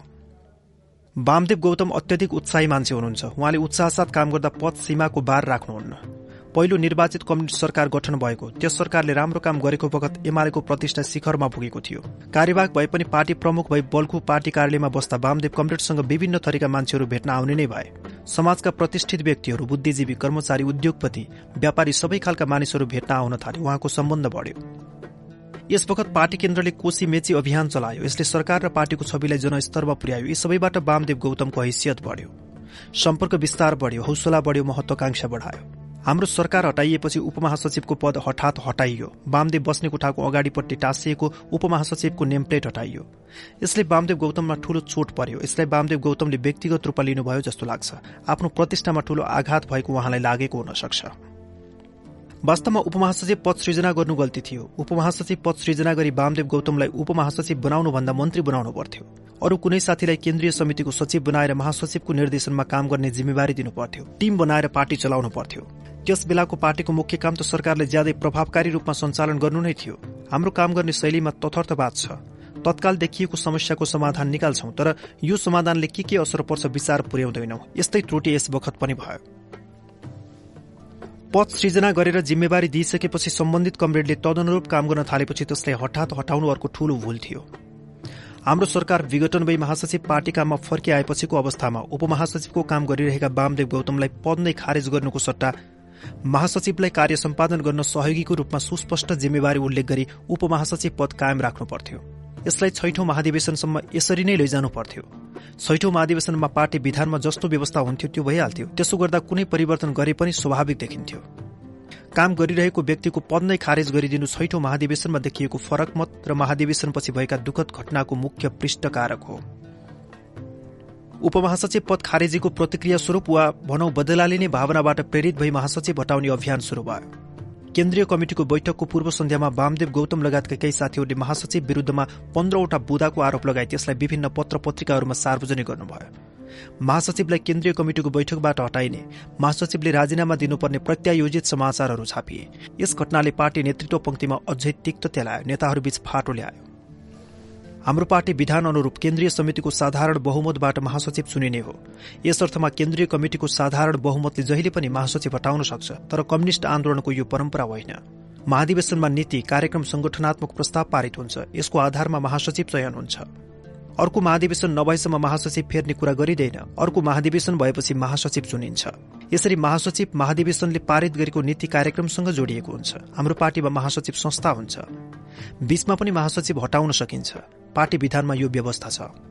त्यसको लागि महासचिव पदमा रहेको व्यक्तिको नैतिक पतन भएको महाधिवेशनको लाइनबाट पछि हटेको असक्षम भएको वा पार्टीको प्रतिष्ठामा आँच पुर्याउने जस्ता कार्य भएको हुनुपर्छ। केन्द्रीय समितिको साधारण बहुमतबाट सामान्य रूपमा महासचिव चुन्ने हटाउने गरिरहने हो भने त सधैँ जोड घटाउको खेल भइ नै रहनेछ।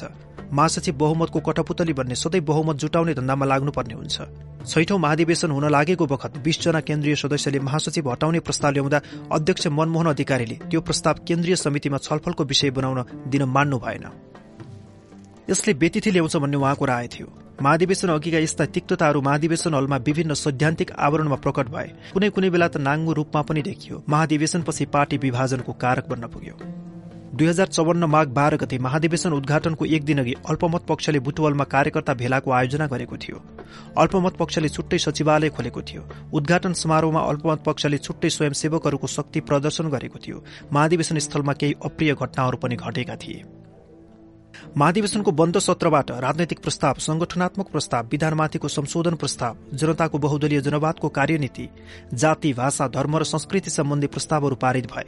राजनैतिक प्रतिवेदनमा मतदान हुँदा पक्षमा पाँच सय आठ र विपक्षमा दुई सय चौवालिस मत परेको थियो। भने जनताको बहुदलीय जनवादको कार्यनीतिमाथि मतदान हुँदा पक्षमा छ सय पाँच र विपक्षमा दुई सय बयालिस मत परेको थियो। अन्य दस्तावेजहरू सुझाव सहित सर्वसम्मतिबाट पारित भएका थिए। महाधिवेशनमा बहुमत पक्ष र अल्पमत पक्ष प्रष्ट देखियो। महाधिवेशनबाट फर्केर आएपछि पार्टी नेतृत्वले अल्पमतलाई पनि नयाँ बन्ने केन्द्रीय कमिटिमा समेट्न प्रयास गर्यो। संस्थापन पक्ष अल्पमतलाई समेट्न महाधिवेशनले पारित गरेको दस्तावेजमा समेत अल्पमत पक्षलाई चित्त बुझ्ने गरी संशोधन गर्न तयार भयो। अल्पमतका साथीहरूलाई समेट्न विभिन्न औपचारिक अनौपचारिक बैठक छलफलहरू पनि भए। विभिन्न तहका विभिन्न साथीहरूबाट पार्टीलाई फुटबाट जोगाउन र एकता कायम राख्न धेरै प्रयासहरू भयो। दुई हजार चौवन्न फागुन पाँच गते महासचिव माधव कुमार नेपालको निवासमा नेताहरूको वार्ता भयो। अल्पमत पक्षले राखेका सबै नीतिगत मागहरू बहुमतले पूरा गर्यो। महासचिवले नीतिगत विषयमा सहमति भएको कुरा सार्वजनिक पनि गर्नुभयो। वास्तवमा महाकाली सम्बन्धी विषय केन्द्रीय समितिले महाधिवेशन अघि नै टुङ्गो लगाई। अब छलफलमा नल्याउने भन्ने निर्णय गरिसकेको थियो। यस विषयमा अघिको अध्यायमा नै मैले सविस्तार चर्चा गरिसकेको छु। अमेरिका र भारतलाई हेर्ने दृष्टिकोणमा पनि पार्टीमा फरक मत नै थिएन। वामदेव सीपी राधाकृष्ण मैनाली साहना प्रधान। भारतीय विस्तारवाद अमेरिकी साम्राज्यवाद भन्दै हिँड्नुहुन्छ र यस विषयमा उहाँहरूको पनि व्यावहारिक सोच नै भएको हामीले पाएका छौं। अमेरिका र भारतले गर्ने व्यवहारका आधारमा विषयगत प्रतिक्रिया दिने नेपालको अहित हुने काम गरेमा यो विषय औंलाई कडा विरोध गर्ने व्यावहारिक दृष्टिकोणबाट अघि बढ्ने सहमति थियो। फरक मतको दस्तावेजमा पनि त्यति धेरै सैद्धान्तिक मतभेद नभएको कुरा दस्तावेज अध्ययनबाट देखिन्छ। यी त विवादको लागि सृजना गरिएका विचार थिए। राष्ट्रियताको भावना उराल्न सके त्यसमा राजनीति गर्न सकिन्छ भन्ने सोच थियो। जे फरक मतका साथीहरूको विचारलाई समेट्ने काम भयो तर यसले समस्या कहाँ समाधान गर्यो र? वामदेव गौतम फरक मत भए पनि पार्टी विभाजन हुँदैन भन्नुहुन्थ्यो तर उहाँ आफ्नो भनाइमा अड्न सक्नु भएन। यसअघि पार्टी फोड्नुहुन्न फोड्नुपर्छ यसैमा वामदेव गौतम डोलायमान हुनुहुन्थ्यो। पार्टी फोड्ने दबाब दिनेहरूमा मैनाली बन्धु देवी ओझा केशव स्थापित प्रमुख थिए। यिनीहरूको दबावको सामु वामदेव अड्न सक्नु भएन। फरक मत पक्षधरले कर्णाली चिसापानीमा पुगेर भेला आयोजना गरे। अल्पमत पक्षले पार्टी केन्द्रीय समितिमा न्यूनतम चालिस प्रतिशतको माग गरेको थियो। पार्टी अध्यक्ष मनमोहन अधिकारीले अल्पमतलाई समेट्न उनीहरूले महाधिवेशनमा पाएको अठाइस प्रतिशत बराबर सिट पार्टीको केन्द्रीय समितिदेखि सबै तहको कमिटिमा दिने प्रस्ताव गर्नुभयो। अल्पमतका साथीहरूले मान्नु भएन। फागुन बीस गति राति र एक्काइस गति बिहान पार्टी अध्यक्ष मनमोहन अधिकारीले वामदेव गौतमसँग छलफल गरौं भन्ने प्रस्ताव गर्नुभयो। वामदेव गौतमले त्यसलाई अस्वीकार गर्नुभयो। राधाकृष्ण मैनाले हाका हाकी हामीलाई केन्द्रीय समितिमा चालिस प्रतिशत सीट चाहिन्छ भन्नुभयो। बहुमत पक्षले पेलेमा पार्टी फोड्न कानून बमोजिमको अधिकार रहने गरी चालिस प्रतिशत नै चाहिन्छ भन्नुभयो। सहमतिमा नआएपछि अल्पमत पक्षधरले दुई हजार चौवन्न फागुन एक्काइस गते पार्टी विभाजन भएको घोषणा गरे। प्रतिनिधि सभाका उन्चालिस र राष्ट्रिय सभाका छजना सांसदहरूले हस्ताक्षर गरी सभामुख र राष्ट्रिय सभाका अध्यक्ष समक्ष नेपाल कम्युनिष्ट पार्टी एमाले संसदीय दल विभाजन भएको निवेदन दिए। एमाले संसदीय दलको विभाजनलाई विधिवत गर्न हतार हतार हेलिकप्टर चढी सभामुख रामचन्द्र पौडेल पश्चिम नेपालबाट काठमाडौँ आइपुगे। यसरी नेपाल कम्युनिष्ट पार्टी एमाले पार्टीमा विभाजन आयो। एउटा नयाँ party Nepal communist party Male भन्यो नेपाल कम्युनिष्ट पार्टी एमालेको विभाजन हामी एमाले गर्यौं। यो नै सत्य हो। तर यस विभाजनमा आगोमा घिउ थप्ने काम पंखा हम्कने काम कांग्रेसले गर्यो। दरबारले गर्यो। रामचन्द्र पौडेल र खुम्बहादुर खड्का शुरूदेखि नै यस काममा लागेका थिए।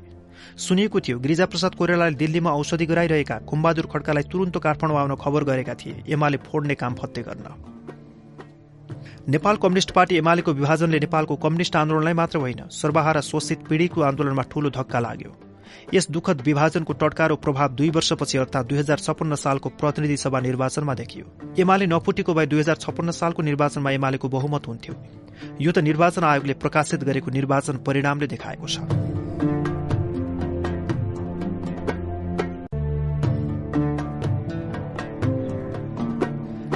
दुई हजार पचपन्न सालको चुनावी सरकार। छैठौं महाधिवेशनपछि हामीले पार्टी विभाजनको पीड़ा भोगिरहेका थियौं। त्यही समयमा नेपाली कांग्रेस आन्तरिक सत्ता संघर्षमा फँसिरहेको थियो। पुनः उत्थानवादीहरूले बहुदलीय प्रजातान्त्रिक व्यवस्था विरूद्ध खुलेआम गतिविधि गर्न थालेका थिए। यस परिस्थितिमा दुई हजार छयालिस सालको जनआन्दोलनका उपलब्धिको रक्षाका लागि गम्भीरतापूर्वक अगाडि बढ्नुपर्ने आवश्यकता थियो। उग्र वामपन्थी र पुनः उत्थानवादीहरू मुलुकमा अझ व्यापक अन्यल सृजना गर्नमा तल्लीन थिए। मुलुकलाई अन्यल र अस्थिरताबाट मुक्त गर्न यथाशीघ्र आम निर्वाचन सम्पन्न गराउनु बाहेक अर्को विकल्प थिएन। यस्तो आवश्यकता महसुस गरी नयाँ जनादेशद्वारा मुलुकलाई सुनिश्चित मार्गतिर अग्रसर गराउने उद्देश्यबाट हाम्रो पार्टीले नेपाली कांग्रेससँग सात सूत्रीय सहमति गरी सरकारमा जाने निर्णय गर्यो। दुई हजार पचपन्न पुषमा चुनावी सरकार बन्यो। यसभन्दा अगाडि कांग्रेस र हामीबाट विभाजित भएको नेपाल कम्युनिष्ट पार्टी मालेको संयुक्त सरकार थियो। त्यो असफल भएपछि प्रतिनिधि सभाको निर्वाचन गर्ने उद्देश्यका साथ नेपाली कांग्रेससँग संयुक्त सरकारको गठनसँगै प्रतिनिधि सभा विघटन गरी निर्वाचनको घोषणा गर्ने सहमतिका साथ गिरिजा प्रसाद कोरेलाको नेतृत्वमा एमाले कांग्रेस र सद्भावना पार्टीको संयुक्त सरकार बनेको थियो। त्यस सरकारमा नेकपा एमालेका तर्फबाट अमृत कुमार बोहरा स्थानीय विकास मन्त्री प्रदीप नेपाल स्वास्थ्य मन्त्री भीमरावल पर्यटन मन्त्री र म अर्थमन्त्री थियौं।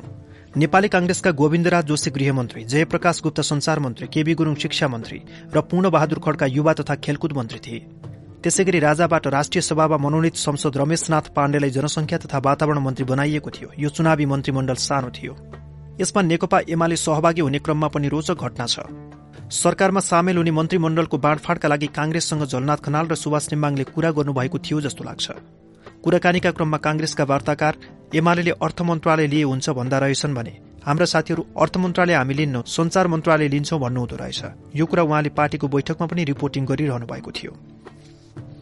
रामशरण महतलाई गिरिजाबाबुले अर्थमन्त्री बनाउन चाहिरहनु भएको रहेनछ यस्तो संकेत हाम्रो पार्टीका नेताहरूले पनि पाउनुहुँदो रहेछ। खास गरी केपी ओलीलाई यो खबर आएको रहेछ। उहाँले हामीले अर्थ मन्त्रालय लिनुपर्छ भनेर अडान लिनुभयो।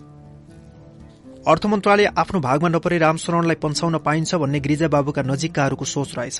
तर दीप कुमार उपाध्यायको भने अर्थ मन्त्रालय एमालेलाई नपरे हुन्थ्यो। यदि यस्तो भयो भने म अर्थ राज्य मन्त्रीका रूपमा मन्त्रीमण्डलमा सामेल हुन पाउँछु भन्ने सोच रहेछ। उहाँले यो कुरा अनौपचारिक रूपमा हाम्रो पार्टीका नेताहरूसँग पनि गर्नुभएको रहेछ।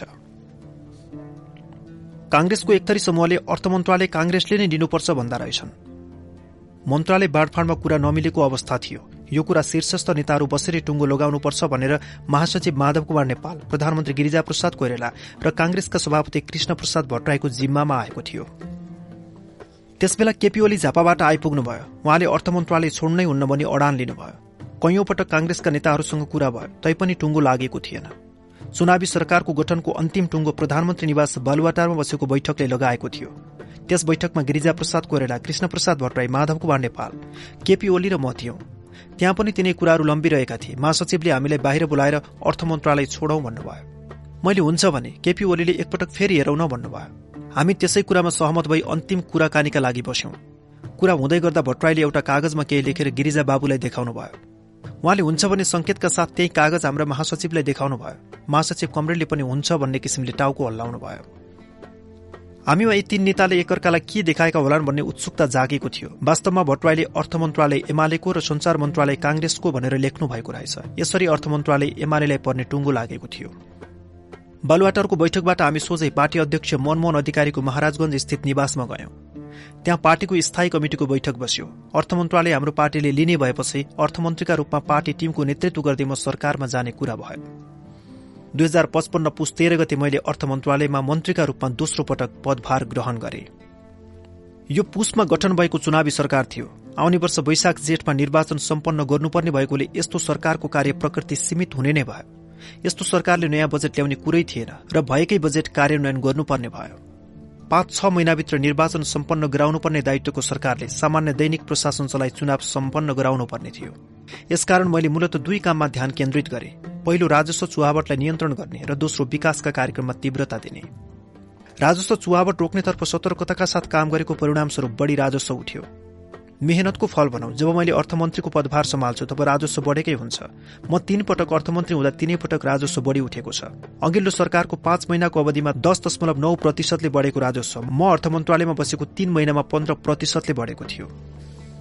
चैत मसान्तसम्म आइपुग्दा राजस्व सत्र दशमलव पाँच प्रतिशतले बढ्न पुग्यो। म साधारण खर्च कम गर्दै विकासका कार्यक्रममा तीव्रता दिने अभियानमा लागेको थिएँ।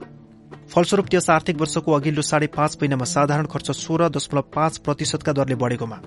पछिल्लो पुस अठारदेखि चैत्र उन्नाइस गतिसम्मको तीन महिनामा बाह्र दशमलव तीन प्रतिशतमा सीमित रह्यो। यस्तै अघिल्लो अवधिमा विकास खर्च आठ दशमलव नौ प्रतिशतले घटेकोमा पछिल्लो अवधिमा यो क्रम रोकिएर थप आठ दशमलव तीन प्रतिशतले बढेको थियो। यसरी साधारण खर्च घटाउन र विकास खर्च बढाउन म सफल भएको थिएँ। अघिल्लो सरकारले नेपाल चिया विकास निगम अन्तर्गत पूर्वाञ्चलमा रहेका सातवटा चिया बगान दक्षिण भारतका पालास्वामी नाम गरेका एकजना भारतीय नागरिकलाई पचास वर्षका लागि भाडामा दिने निर्णय गरेको थियो जसका बारेमा म पछि चर्चा गर्नेछु। त्यति बेला चिया विकास निगमका कर्मचारीहरूलाई तलब खुवाउन समस्या थियो। त्यहाँका कर्मचारीलाई तलबका लागि पचास लाख रुपियाँ दिनु पर्यो भन्ने प्रस्ताव मन्त्री परिषदबाट पारित गराई कर्मचारीहरूलाई तलब निकासा गरेको थिए। त्यो रकमबाट कर्मचारीहरूले तलब पाए। दोस्रो पटक पनि तलब दिनुपर्ने भयो। मजदुरहरूले तलब पाउनुपर्ने सरको आवाज उठाउँदै आएका थिए। दुई महिनापछि चुनाव हुँदै थियो। मैले कर्मचारीहरूको तलब कुनै पनि हालतमा रोक्नु हुँदैन भन्ने सोच बनाए र दोस्रो पटक कर्मचारीलाई तलब खुवाउन रकम स्वीकृतिका लागि मन्त्री परिषदमा प्रस्ताव राखे। शिक्षा मन्त्री केबी गुरूङले यसको विरोध गर्दै अर्थमन्त्रीजी तपाईँ निजीकरण पनि गर्न नदिने। यसरी घरिघरि सरकारको राजस्व खर्च गरेर कर्मचारीलाई तलब दिन पाउनुहुन्न भन्नुभयो। मैले नेपाल चिया विकास निगमको नयाँ व्यवस्थापन गर्न अर्थ मन्त्रालयबाट भइरहेका कामबारे सविस्तार बताए तर शिक्षा मन्त्री मानिरहनु भएको थिएन। हाम्रो छलफल चलिरहेको थियो।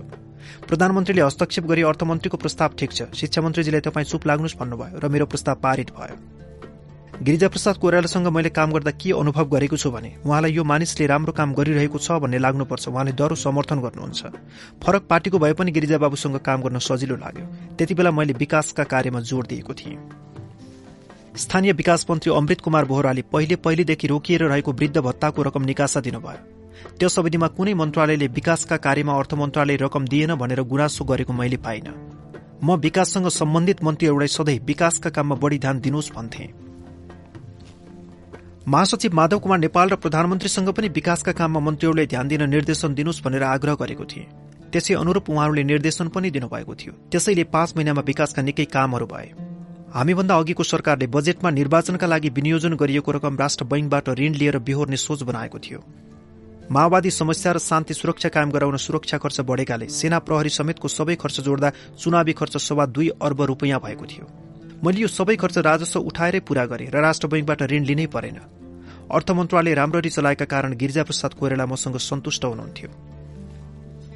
चुनावपछि सरकारको विदाईमा प्रधानमन्त्री गिरिजाप्रसाद कोइरालाले एउटा रात्रि भोज दिनुभएको थियो। त्यसमा कांग्रेस र एमालेका मन्त्रीहरू महासचिव माधव कुमार नेपाल कृष्ण प्रसाद भट्टराई लगायत हुनुहुन्थ्यो। एमालेका मन्त्रीहरूले राम्रोसँग काम गर्नुभयो भने प्रधानमन्त्रीले महासचिव माधव कुमार नेपाललाई भन्नुभयो। प्रधानमन्त्रीले अर्थमन्त्रीको पर्फर्मेन्स असाध्यै राम्रो रह्यो। भरतपुर हाम्रो पार्टीमा हुने हो भने हामीले अर्को अर्थमन्त्री खोज्नुपर्ने थिएन भन्नुभयो। किसुनजीले त्यस्तो हो र भन्दा गिरिजाप्रसाद कोइरालाले साँच्चै त्यही हो भनेर जवाफ दिनुभयो। यो संवाद आफैले सुन्दा राम्रो काम गरेछु भनी सन्तोष लाग्यो। मैले माथि नै उल्लेख गरेको छु। अघिल्लो सरकारले नेपाल चिया विकास निगमको कारखाना सहित सातैवटा बगान भारतीय नागरिक पाला स्वामीलाई दिने निर्णय गरेको थियो। त्यति बेलासम्म पाला स्वामीले चिया विकास निगम लिइसकेका थिएनन्। त्यस अनुरूपको सम्झौता सम्पन्न भई किस्ता रकम बुझाई नामसारी गर्न मात्र बाँकी थियो। सम्झौतामा तोकिएको समयमा किस्ता रकम नबुझाई पाला स्वामीले पटक पटक म्याद थपिरहेका थिए। यो अन्तिम पटकको म्याद भनिदिएको रहेछ। त्यसबेला रकम नबुझाएमा उनले चिया विकास निगम पाउन नसक्ने प्रावधान पनि थियो। यो किनबीचको बोल कबुलको विषयमा मुद्दा परेकोले अख्तियार दुरूपयोग अनुसन्धान आयोगले सक्कलै मिसिल खिचेर हेरिरहेको थियो। अर्थ मन्त्रालयमा मिसिलको फोटोकपी मात्र थियो। यो स्थिति देखेपछि मैले फाइल सचिवलाई फर्काइन आफ्नै टेबलको घर्रामा राखेँ। किस्ता तिर्नुपर्ने समय आउन सायद त्यस्तै दस पन्ध्र दिन बाँकी थियो होला। मलाई यो सम्झौता हुन दिन्न र रद्द गर्नुपर्छ भन्ने लाग्यो। किन रद्द गर्ने भन्ने विषयमा मैले दुईवटा जायज तर्क देखेँ। एक त चिया बगान भारतीय सीमासँग जोडिएका छन्। उता विशाल भारत छ यता सानो नेपाल छ। भारतले सधैँ अर्घेलाइ गर्दै सीमा मिच्दै आएको छ भन्ने हामीलाई परिरहेको छ। यस्तो अवस्थामा नेपालका चिया बगान भारतीय नागरिकलाई दिने हो भने त दुवैतिर भारत जस्तो हुने भयो। यो त राम्रो कुरा होइन। दोस्रो चिया विकास निगमलाई सरकारले नै चलाउनु पर्छ भन्नेमा मेरो जोड होइन। तर यी सातवटै बगान एउटा करोडपतिलाई दिएर उसलाई धनमाथि धन थोपर्नु सामाजिक न्यायका दृष्टिले पनि राम्रो होइन भन्ने लाग्यो। आखिर नेपालमा पनि चिया उद्यमीहरू छन्। बैंकबाटै ऋण लिएर बगान लिने हो। यी सातवटा चिया बगान सातजना नेपाली चिया उद्यमीलाई दिने हो भने चिया उद्योग पनि राम्ररी चल्थे सातजना नेपाली करोडपति पनि हुन सक्थे। वास्तवमा एउटै व्यक्तिले धनी बनाउनु भन्दा त धेरै व्यक्तिले धनी बनाउने कुरा पो राम्रो हो भन्ने लाग्यो। चिया विकासको प्रचुर सम्भावना देखेर निजी क्षेत्रका उद्यमीहरू यसतर्फ लगानी गर्न अग्रसर भइरहेका थिए। यही सोचेर मैले यो सम्झौता रद्द गर्छु भन्ने अठोट गरे। यो कुरा मैले मेरा सहयोगीहरूलाई भनिन। यतिसम्म कि आर्थिक सल्लाहकार डाक्टर गोविन्द बहादुर थापालाई पनि भनिन। साथै मैले यो कुरा पार्टीलाई पनि जानकारी गराइन। कुरा चुहिन्छ र दबाव खेप्नुपर्छ भन्ने सोचेर मैले कसैलाई पनि थाहा दिइन। निर्धारित दिन आयो। कतै त्यो मानिस आइपुगे पो हाल्ने हो कि भन्ने पनि लाग्यो। घडी हेरेर बसेँ। पाँच पनि बज्यो। मैले टेबलको घर्राबाट फाइल निकालेर निज पालास्वामीले सम्झौता अनुसार निर्धारित समयमा किस्ता रकम नबुझाएको हुनाले यो सम्झौता रद्द गरिएको छ भन्ने लेखेर सही गरी मितिहाले। अनि निजी सचिवलाई बोलाएर त्यो फाइल अर्थ सचिव कहाँ पठाइदिन भने। बडो रमाइलो भयो। म मन्त्रालयमै छु। फाइलमा सहीको मसी राम्ररी सुक्न पाएको छैन। भारतीय राजदूत केबी राजनको फोन आयो। उनले भने भरतमोहनजी तपाईँ त हाम्रो असल मित्र हुनुहुन्छ। तपाईँले पालास्वामीको फाइल रद्द गरिदिनु भएछ। मलाई एक वचन भएको भए भारतीय राजदूतावासले केही गर्थ्यो नि। तपाईँले यस्तो के काम गर्नुभएको? मैले भने अहो तपाईँ भारतीय राजदूतावादको पनि यसमा रुचि छ भन्ने मलाई थाहै भएन। तपाईँले पहिले भनेको भए त विचार गर्नुहुन्थ्यो नि। अब मेरो हातबाट सही भएर फाइल गइसक्यो। म केही गर्न सक्दिनँ। मेरो यो बनावटी जवाफले उनको चित्त बुझ्यो वा बुझेन मैले थाहा पाउन सकिनँ। तर उनी नाजवाफ भएर केही नभनी फोन राखे।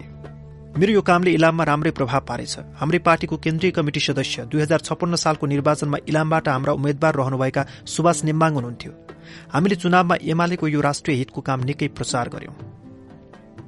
यो अध्याय त्यत्तिकैमा सकिएन। नेपाल आएर पालास्वामीले प्रधानमन्त्री गिरिजाप्रसाद कोइरालालाई भेटे।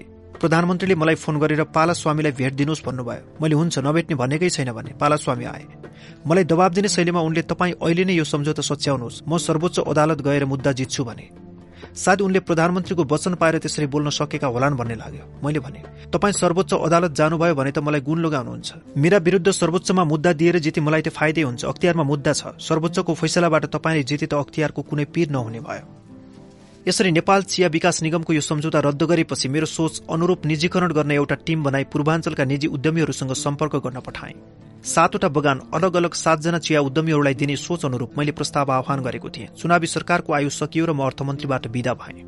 म हटेको एक महिनापछि नेपाली कांग्रेसको सरकारले चिया विकास निगम नेपालका एकजना उद्योगपति सुभाष संघाईलाई बेच्यो। सातजना नेपालीलाई धनी बनाउने मेरो सपना अधुरै रह्यो।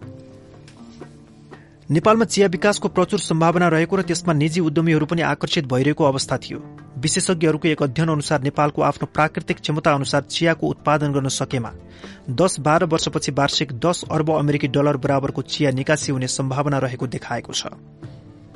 चिया नेपालको निर्यात हुन सक्ने वस्तु तर यस क्षेत्रमा लगानी गर्न अग्रसर भएका निजी क्षेत्रका उद्यमीहरूले बैंकिङ क्षेत्रबाट आवश्यक मात्रामा वित्तीय सहयोग पाउन सकेका थिएनन्। त्यसबेला चिया विकासका लागि नेपाल राष्ट्र बैंकले कृषि विकास बैंकलाई पुनः कर्जा दिने व्यवस्था गरेको थियो। कृषि विकास बैंकले चिया खेती गर्ने किसानलाई कर्जा त दिँदो रहेछ तर यसको ब्याज दर महँगो भएकाले चिया खेती गर्ने कृषकलाई पोसाउँदो रहेनछ। चिया खेती गर्दा त्यसबाट प्रतिफल आउन छ सात वर्ष लाग्छ। यस अवधिको बैंकको सावा ब्याजको हिसाब गर्दा किसानलाई मर्का पर्ने हुनाले किसानहरू चिया खेती गर्न निरुत्साहित भएका रहेछन्। अर्कातर्फ साना किसानले चिया लगाउँदा त्यस जग्गामा उब्जनी हुने अन्न छ सात वर्षका लागि उत्पादन हुन नसक्ने भयो। त्यस अवधिमा परम्परागत कृषिमा आश्रित किसानले कसरी जीवन निर्वाह गर्ने? यी कारणले आफ्नै स्रोत साधन भएका धनी किसानहरूले मात्र चिया खेती गरिरहेका रहेछन्। चियाबाट आय आर्जन शुरू नहुने अवधिसम्म उनीहरूको जीवन धान्न सरकारले कुनै योजना बनाउनु पर्यो। यसतर्फ सरकारले कुनै ध्यान दिएको थिएन। नेपालको पूर्वाञ्चल क्षेत्रमा दार्जीलिङमा उत्पादन हुने चियाभन्दा बढी गुणस्तरको चिया उत्पादन हुन सक्थ्यो। दार्जीलिङ क्षेत्रमा लगाइएका चियाका बोट एक सय वर्ष पुराना भएकाले ती बोटबाट उत्पादन हुने चिया कम गुणस्तरको हुन्थ्यो। नेपाल चिया उत्पादक राष्ट्र भएर पनि चिया आयात गर्नुपर्ने अवस्था थियो। विश्वका चिया उत्पादक मुलुकहरूको सूचीमा नेपाल थिएन। यस्तो अवस्थालाई विचार गरी मैले कृषि विकास बैंकका महाप्रबन्धकलाई बोलाएर कुरा गरेँ। निजी क्षेत्रमा दिइने कर्जाको ब्याजदर महँगो भएकोले यसलाई घटाउनु पर्ने कुरा गरेँ। मैले कुरा गरेपछि कृषि विकास ब्याङ्कले चियामा दिने ऋणको ब्याज दर घटाएको थियो। यसले गर्दा त्यसपछिका वर्षहरूमा चिया खेती केही मात्रामा बढ्न थालेको थियो। तर जुन रूपमा चिया क्षेत्रको विकास हुनुपर्ने त्यो हुन सकेको थिएन। परम्परागत लगानी शैली भएका बैंकहरूले त्यो परम्पराको घेराबाट बाहिर आए। चिया खेतीमा आवश्यकता अनुसार लगानी बढाउन के कस्ता उपाय अवलम्बन गर्न सकिन्छ? साना किसानलाई चिया खेतीमा कसरी आकर्षित गर्न सकिन्छ र नेपालको चिया खेती के कसरी विकास गर्ने? यसका लागि एग्रेसिभ योजना बनाउनका लागि नेपाल राष्ट्र बैंकका वरिष्ठ अधिकृत गणेश श्रेष्ठको संयोजकत्वमा बैंकहरू र निजी क्षेत्रको समेत प्रतिनिधित्व गराई एक अध्ययन कार्यदल बनाएको थिए। त्यो कार्यदलले विश्वको सबैभन्दा बढी चिया निर्यात गर्ने मोरिसस लगायतका मुलुकहरूको चिया उत्पादनको अवलोकन गरी व्यापक छलफल पश्चात राय सुझाव सहित आफ्नो प्रतिवेदन पेश गरेको थियो। म अर्थमन्त्री हुँदा बनाएको कार्यदलले दिएको प्रतिवेदनलाई त्यसपछिको सरकारले वास्तै गरेन। यो चुनावी सरकार अल्पमतको थियो। साढे पाँच महिनाको अवधिमा राम्रो काम गरे जस्तो लाग्छ। पार्टीभित्र र बाहिर पनि सबैले राम्रै भने। यस वखत एउटा नमिठो घटना भएको छ। एक दिन मलाई प्रधानमन्त्री कार्यालयबाट बोलावट भयो। प्रधानमन्त्री म र अर्थ सचिव रामविनोद भट्टराई थियौं। यसभन्दा अघि प्रधानमन्त्रीको निर्देशन हो वा सल्लाहले हो अर्थ सचिवले दात्री संस्थाहरूसँग कुरा गर्नुभएको रहेछ। कुरा धेरै अघि बढेको रहेछ। मलाई त्यहाँ जानकारी दिन वा सहमति लिन बोलाइएको रहेछ। अर्थ सचिवले ब्रिफिङ शुरू गरे। मैले भइसकेका कुराहरूको सिलसिला जोड्दै उनले आगामी दिनमा गर्ने कामको प्रस्ताव गर्न थाले। मलाई साह्रै नराम्रो लाग्यो। मैले अर्थ सचिवलाई बीचमा रोकेर भने यो सबै कुरा मलाई जानकारी नदिई किन गर्नुभएको? यसमा मेरो आपत्ति छ। प्रधानमन्त्री केही बोल्नु भएन। अर्थ सचिव पनि बोलेनन्। मैले थपे। सरकारमा सहभागी पार्टीहरू र जनताले बुझेको कुरा यही हो। अर्थ मन्त्रालयमा भएको कामको जिम्मा मैले लिनुपर्छ। मलाई नागेर तपाईँले प्रधानमन्त्रीलाई पनि भन्न पाउनुहुन्न। निर्देशन लिन पनि पाउनुहुन्न। अर्थ मन्त्रालय सम्बन्धी निर्देशन गर्नुपर्दा प्रधानमन्त्रीले मलाई दिने हो तपाईँलाई सोझै दिने होइन। मैले यति के भनेको थिएँ अर्थ सचिवले कालो निलो मुख लगाए। प्रधानमन्त्रीले केही बोल्नु भएन। बैठक यत्तिकैमा टुङ्गियो। नेकपा एमालेको नौ महिने कालमा यिनै रामविनोद भट्टराई अर्थ मन्त्रालयमा कायम मुकायम अर्थ सचिव थिए। पार्टीले नयाँ अर्थ सचिव ल्याउने प्रस्ताव ल्यायो। यो कुरा बाहिर पनि हल्ला भएछ। राम विनोदले म कहाँ आए। मलाई अर्थ मन्त्रालयमा कायम राखिदिनुहोस्। म मन्त्रीज्यूको निर्देशनमा काम गर्छु भने। मैले हुन्छ तपाईँ राम्रो काम गर्नुहोस्। तपाईँलाई सचिवमा बढुवा गर्ने प्रस्ताव पनि लगाउँला भने। मन्त्री परिषदमा कुरा गर्दा मैले सचिव नफेर्ने अडान लिए। प्रधानमन्त्री मनमोहन अधिकारीले अर्थमन्त्रीको यस्तो इच्छा छ भने नफेर्ने भन्नुभयो। यसरी उनी अर्थ सचिव कायम रहेर राम्रो काम पनि गरे। उनै सचिवले पछि मसँग यस्तो व्यवहार गरे। म निर्माण तथा यातायात मन्त्री हुँदा एकजना कार्की सचिव थिए। मैले विराटनगरमा वकालत गर्दा उनी जिल्ला न्यायाधीश थिए। पुरानो चिन्जान भएकाले राम्रै सहयोग गर्लान् भन्ने लागेको थियो। तर मैले उनको राम्रो काम देखेन। उनलाई विदा गरेर नयाँ सचिव ल्याएँ चुनावी सरकारको बखत मैले के अनुभव गरेँ भने संयुक्त सरकारमा सचिवहरू मन्त्रीको निर्देशनमा कमै चल्दा रहेछन्। राजनैतिक नेतृत्व कमजोर हुँदा यसले कर्मचारी तन्त्रमा असर पार्दो रहेछ। कर्मचारी तन्त्रलाई उसको पद्धति अनुसार चल्न दिनुपर्छ। अनावश्यक हस्तक्षेप गर्नु हुँदैन। साथै मन्त्रीको राजनीतिक नेतृत्वलाई कर्मचारीले हुबहु पालन गर्नुपर्छ। मन्त्रीलाई उछिनेर काम गर्नु हुँदैन। मन्त्रालय मन्त्रीकै नेतृत्वमा चल्नुपर्छ। मन्त्री पनि यस कुरामा चनाको हुनुपर्छ। प्रधानमन्त्रीले पनि थिति बिगार्ने काम गर्नु हुँदैन। प्रधानमन्त्रीलाई आवश्यक लागेको निर्देशन मन्त्रीलाई दिने हो। मन्त्रीलाई नागेर जानु हुँदैन।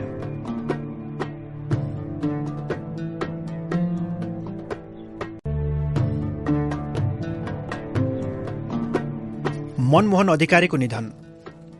दुई हजार छप्पन्न वैशाखमा देशमा तेस्रो प्रतिनिधि सभाको निर्वाचनका लागि सरगर्मी बढेको थियो। आम निर्वाचन घोषणा भएपछि नेकपा एमालेको बहुमतको सरकार स्थापना गर्न आफ्नो प्रतिकूल स्वास्थ्यका बावजुद अध्यक्ष मनमोहन अधिकारी अत्यधिक क्रियाशील भई चुनावी अभियानमा लाग्नु भएको थियो।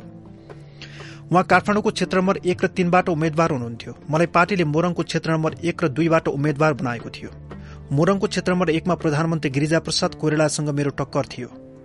मन्त्रालयको काम हेर्नुको साथै चुनाव प्रचार अभियानमा लाग्नु परेकोले मैले अधिकांश समय एक नम्बर क्षेत्रमै लगाएको थिएँ। यसै क्रममा म त्यस क्षेत्रको एउटा गाउँमा चुनावी सभालाई सम्बोधन गर्दै थिएँ। तुरन्तै काठमाडौँ फर्कनु पर्यो। मनमोहन अधिकारी बिरामी पर्नुभयो भन्ने खबर पाए। आफ्नो भाषणलाई छोट्याएर काठमाडौँ आए। मनमोहन दाजु वैशाख छ गति बिहान चिया मात्रै पिएर काठमाडौँको क्षेत्र नम्बर एकको गोठाटारमा आयोजित चुनावी सभालाई सम्बोधन गर्न जानुभएको रहेछ। वैशाख महिनाको चर्को घाम थियो। केही नखाइ जानुभएको रहेछ। उहाँले चुनावी सभामा बोल्नुभयो। उहाँको मोटर साधारण खालको थियो। खुल्ला घाममा गाडी राखिएको थियो। निकै तातिएर मोटरभित्र हावा घुम्सिएको थियो। भाषण सकेर निवास फर्कने क्रममा गाडी चढ्दा एक्कासी बेहोस भएपछि उहाँलाई दौडाएर शिक्षण अस्पताल ल्याई सघन उपचार कक्षमा भर्ना गरिएको रहेछ। उहाँ अचेत अवस्थामा हुनुहुँदो रहेछ।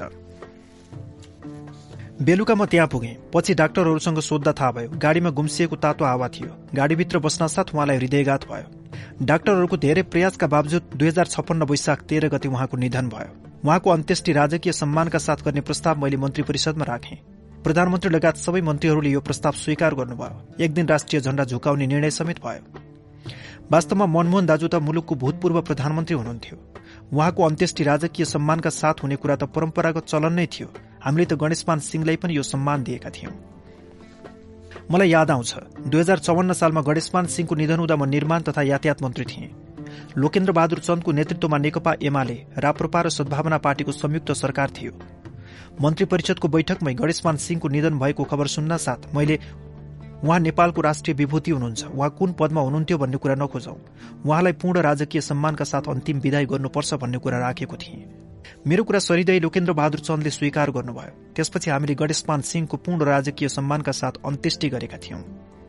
उहाँको शवयात्रामा हेर्दा केही कांग्रेसी मित्रले मलाई भन्नुभयो आज कांग्रेसकै सरकार भएको भए पनि यो सम्मान दिँदैनथ्यो तपाईँहरूले सम्मान दिनुभयो। स्वच्छ संस्कृति विकास गर्न हामी ठूलो समस्या छ। त्यस्तो संस्कृति निर्माण गर्ने यस्ता कार्यले राम्रो प्रभाव पार्छन् भन्ने सोचका कारण मैले त्यो प्रस्ताव राखेको थिएँ। मनमोहन दाजुको अन्तिम विदाई पूर्ण राजकीय सम्मानका साथ हुने भयो। अन्त्येष्टिका लागि महासचिव माधव कुमार नेपालको अध्यक्षतामा दुई सय एकतीस सदस्यीय अन्त्येष्टि व्यवस्थापन कमिटी गठन भयो। उहाँप्रति अन्तिम श्रद्धाञ्जली अर्पण गर्न वैशाख तेह्र र चौध गते अपराह चार बजेसम्म उहाँको पार्थिव शरीरलाई काठमाडौँको शहीद मञ्चमा राखिएको थियो। उहाँको निधनमा शोक प्रकट गर्दै वैशाख तेह्र र चौध गते पार्टीका सम्पूर्ण कार्यालयहरू बन्द गरिएका थिए भने तीन दिनसम्म पार्टीको झण्डा आधा झुकाइएको थियो। उहाँको अन्त्येष्टिको बिहान हामी अधिकारी परिवारसँगै जाउँ भन्ने सोच्दै पुल्चोक स्थित मन्त्री निवासमा भेला भयौं।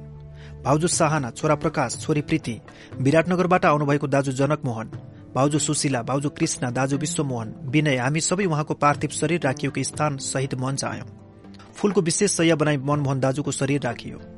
छेउमा हामी तीन भाइ जनकमोहन विश्वमोहन र म बस्यौं। पार्टीका नेताहरू माधव कुमार नेपाल र केपी ओली पनि त्यही गाडीमा बस्नुभयो। प्रधानमन्त्री मन्त्री र पार्टीका अरू नेताहरू सब यात्रामा पैदलै हिँड्नुभयो। विदेशी कूटनैतिक नियोगका प्रतिनिधि सरकारी उच्च पदाधिकारी लगायत लाखौं मानिसले उहाँलाई अन्तिम श्रद्धाञ्जली दिए। राजकीय सम्मानका साथ उहाँलाई पशुपति आर्यघाटमा अन्तिम विदाई गरियो। एक्काइस वर्षको उमेरमा सक्रिय राजनैतिक जीवन आरम्भ गरेर सन्ताउन्न वर्ष लामो राजनैतिक यात्रा पूरा गरी उहाँ हामीबाट सधैँका लागि विदा हुनुभयो। आफ्नो अभिभावकलाई सदाका लागि गुमाउनु पर्दा कसलाई पो दुःख लाग्दैन र? केही समय त म निकै दुखित र विचलित भए। तर सबै कुरा सम्झँदा त्यति धेरै दुखी भएन। बरु म जगतमोहन दाजुको मृत्युमा ज्यादै विचलित भएको थिएँ। उहाँ पचास वर्षको उमेरमा क्यान्सर रोगबाट बित्नुभयो।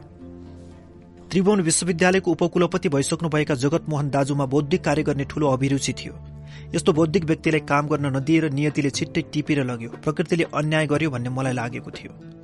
मनमोहन दाजुको देहान्तमा त्यति विचलित भएन किनभने मनमोहन दाजुले आफ्नो पूर्ण जीवन सफलताका साथ जिउनुभयो। उहाँ नेपाली कम्युनिष्ट आन्दोलनमा आदरणीय नेताका रूपमा युगौं युगसम्म बाँचिरहनुहुनेछ भन्ने लाग्यो अनि मनले सन्तोष लियो।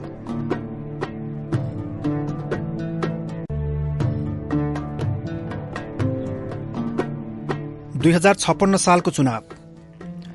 नेपाली कांग्रेस नेकपा एमाले र नेपाल सद्भावना पार्टीको संयुक्त सरकारले दुई हजार पचपन्न माघ चार गते प्रतिनिधि सभा विघटन गरी आम निर्वाचन गर्ने निर्णय गर्यो। हाम्रो पार्टी राजनीतिक स्थिरता र राष्ट्रिय स्वाभिमान एमालेको बहुमतका निम्ति सूर्यमा मतदान भन्ने नाराका साथ चुनावी मैदानमा अघि बढ्यौं। दुई सय पाँच स्थानमध्ये त्यस निर्वाचनमा हामीले एक सय पञ्चानब्बे स्थानमा उम्मेद्वारी दिएका थियौं। हामीले राष्ट्रिय जनमोर्चालाई छ र संयुक्त जनमोर्चालाई पनि तीन स्थानमा समर्थन गर्यौं। निष्पक्ष र धाँधली रहित चुनाव सम्पन्न गर्न गठित सरकारकै पालामा पनि कांग्रेसले प्रहरी प्रशासन संचार माध्यम र सरकारी स्रोत साधनको अत्यधिक दुरूपयोग गर्यो।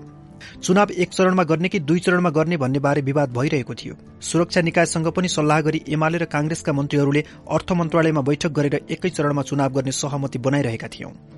त्यसै बेला एक्कासी निर्वाचन आयोगले दुई चरणमा चुनाव गर्ने घोषणा गर्यो। निर्वाचनका सम्बन्धमा भएको समझदारी विपरीत कांग्रेसबाट भएको व्यवहार देखेर एमालेका हामी चार मन्त्रीले अब राजीनामा गरौं भनेर पार्टीमा प्रस्ताव लगेका थियौं। पार्टी अध्यक्ष मनमोहन अधिकारीले यस्तो कुरामा राजीनामा गरिहाल्नु हुँदैन भन्नुभयो। कांग्रेसीहरू मतदान केन्द्र घटाउने बुथ कब्जा गर्ने र प्रहरी प्रशासनको निर्लज दुरूपयोग गर्ने अत्यन्तै घटिया काम गर्न समेत पछि परेनन्। दुई हजार अडचालिस र दुई हजार एकाउन्न सालको संसदीय निर्वाचनमा पनि कांग्रेसले सत्ताको दुरूपयोग र धाँधली गरेकै थियो। दुई हजार छप्पन्नको निर्वाचनमा अघिल्ला दुई निर्वाचनमा आफैले गरेको धाँधलीलाई मात गर्ने गरी कांग्रेसले प्रधानमन्त्री पद र गृह प्रशासनको चरम दुरूपयोग गर्यो। म यसअघि दुई पटक मोरङ क्षेत्र नम्बर दुईबाट विजयी भएको थिएँ। पार्टीले यसपटक पनि मलाई मोरङ क्षेत्र नम्बर दुईबाटै उम्मेद्वार बनाउने निर्णय गर्यो। जिल्ला पार्टी र विशेष गरी मोरङ क्षेत्र नम्बर एकका साथीहरूले तपाईँ क्षेत्र नम्बर एकबाट पनि उठ्नुपर्छ भनेर मलाई दबाव दिन थालेका थिए। यो कुरा केन्द्रमा पनि आइरहेको थियो। हामीले यस्तो गर्नु हुँदैन। अरू कमरेडहरू उठाउनुहोस् भन्ने सल्लाह पठाइरहेका थियौं। सरकारमा भएको हुँदा हप्ताको दुई दिन चुनाव प्रचार गर्न म मोरङ क्षेत्र नम्बर दुईमा पुग्थेँ। अरू समय काठमाडौँमै बसेर अर्थ मन्त्रालयको काम हेर्थे। म विराटनगरमै भएको बेला क्षेत्र नम्बर एकका साथीहरूले तपाईँ क्षेत्र नम्बर एकबाट समेत उठ्नै पर्छ भनेर दबाब दिइरहनु भएको थियो। यो एउटा समस्या बन्यो र यसको समाधान गर्न झापाबाट केपी ओलीलाई बोलाइयो। उहाँले पनि एक नम्बर क्षेत्रका साथीहरूलाई सम्झाउनु भयो उहाँले एउटै सरकारमा प्रधानमन्त्री पछिको दोस्रो स्थानमा रहेको व्यक्तिले प्रधानमन्त्रीका विरूद्ध लड्नु हुँदैन। यो संयुक्त सरकारको भावना अनुरूप पनि हुँदैन। त्यसैले अरू नेताहरूलाई लड्नुहोस् भन्नुभयो। यति सबै कुरा भइसकेपछि यो विषय शान्त भयो होला भन्ने लागेको थियो। म दुई नम्बर क्षेत्रमा चुनाव प्रचारमा थिएँ। त्यहाँबाट फर्किने क्रममा कानून व्यवसाय उमेश नेउपानेले फोन गरेर दाईको नाम त दुवै निर्वाचन क्षेत्रबाट घोषणा भयो नि भन्नुभयो। मैले होइन होला भने पछि रेडियोमा समाचार सुन्दा त केन्द्रीय कार्यालयको विज्ञप्ति भन्दै मोरङ क्षेत्र नम्बर एक र दुईबाट पार्टीको उम्मेद्वारमा मेरो नाम प्रसारित भयो। मलाई एक वचन पनि नसोधी दुवै क्षेत्रबाट मेरो उम्मेद्वारीको घोषणा भएछ। पार्टीको निर्णयलाई शिरोधार्य गर्दै मैले दुवै निर्वाचन क्षेत्रमा मैले उम्मेद्वारी दाखिला गरे। निर्वाचन सकिएपछि यो कसरी भयो भनेर बुझ्दा ईश्वर पोखरेलले मोरङबाट धेरै दबाव आयो र तपाईँको नाम दुवै क्षेत्रबाट घोषणा भएको हो भन्नुभयो। क्षेत्र नम्बर एकबाट पनि उम्मेद्वार भएपछि धेरै समय यही क्षेत्रमा लगाउनु पर्छ भन्ने सोचेर मैले दुई नम्बरका साथीहरूलाई अब दुई नम्बरमा प्रचार प्रसार गर्ने जिम्मा तपाईँहरूको पार्टीले क्षेत्र नम्बर एकबाट पनि उठाइदिएको छ। म त्यहाँ एक सरो घुम्छु भने। मोरङ एक नम्बर क्षेत्रका सबै गाउँमा एकपटक पुग्नेसम्म पनि समय थिएन। एक नम्बर क्षेत्रमा सहयोग गर्ने पार्टीको बुद्धिजीवी विभागबाट गुरू नेउपाने र भीम नेउपाने आउनु भएको थियो। क्षेत्र नम्बर एकमा प्रधानमन्त्री गिरिजा प्रसाद कोइरालासँग टक्कर पर्ने भयो। केही साथीहरूलाई लिएर मैले प्रचार शुरू गरेँ। शुरूमा त रंगेली बजारमा मेरो कार्यक्रम राख्नसम्म पनि त्यहाँका मानिसहरू डराएका थिए। धेरै मुस्किलले साठी सत्तरीजना मानिस भेला पारेर मैले आफ्ना कुरा राखेँ। त्यहाँका कति बुजुर्ग मानिसहरूले त छुट्टै भेटेर भने यहाँ त कांग्रेसी आतंक छ। कांग्रेसको विरोधमा र तपाईँसँग हिँडेको देखियो भने प्रशासनले झुट्टा मुद्दा लगाई यातना दिन्छ। यहाँको प्रहरी कार्यालय त कांग्रेसको कार्यालय जस्तै छ। मैले पनि त्यो अनुभव गरिरहेकै थिएँ। मैले कांग्रेसको यो आतंक तोड्छु भन्ने अठोट गरेँ। मोरङ क्षेत्र नम्बर एकमा नेपाल सद्भावना पार्टीका मानिसहरू कांग्रेसका कट्टर विरोधी रहेछन्। उनीहरूलाई पनि कांग्रेसले बहुतै दुःख दिएको रहेछ। प्रशासनले झुट्टा मुद्दामा फसाएर यातना दिएको रहेछ।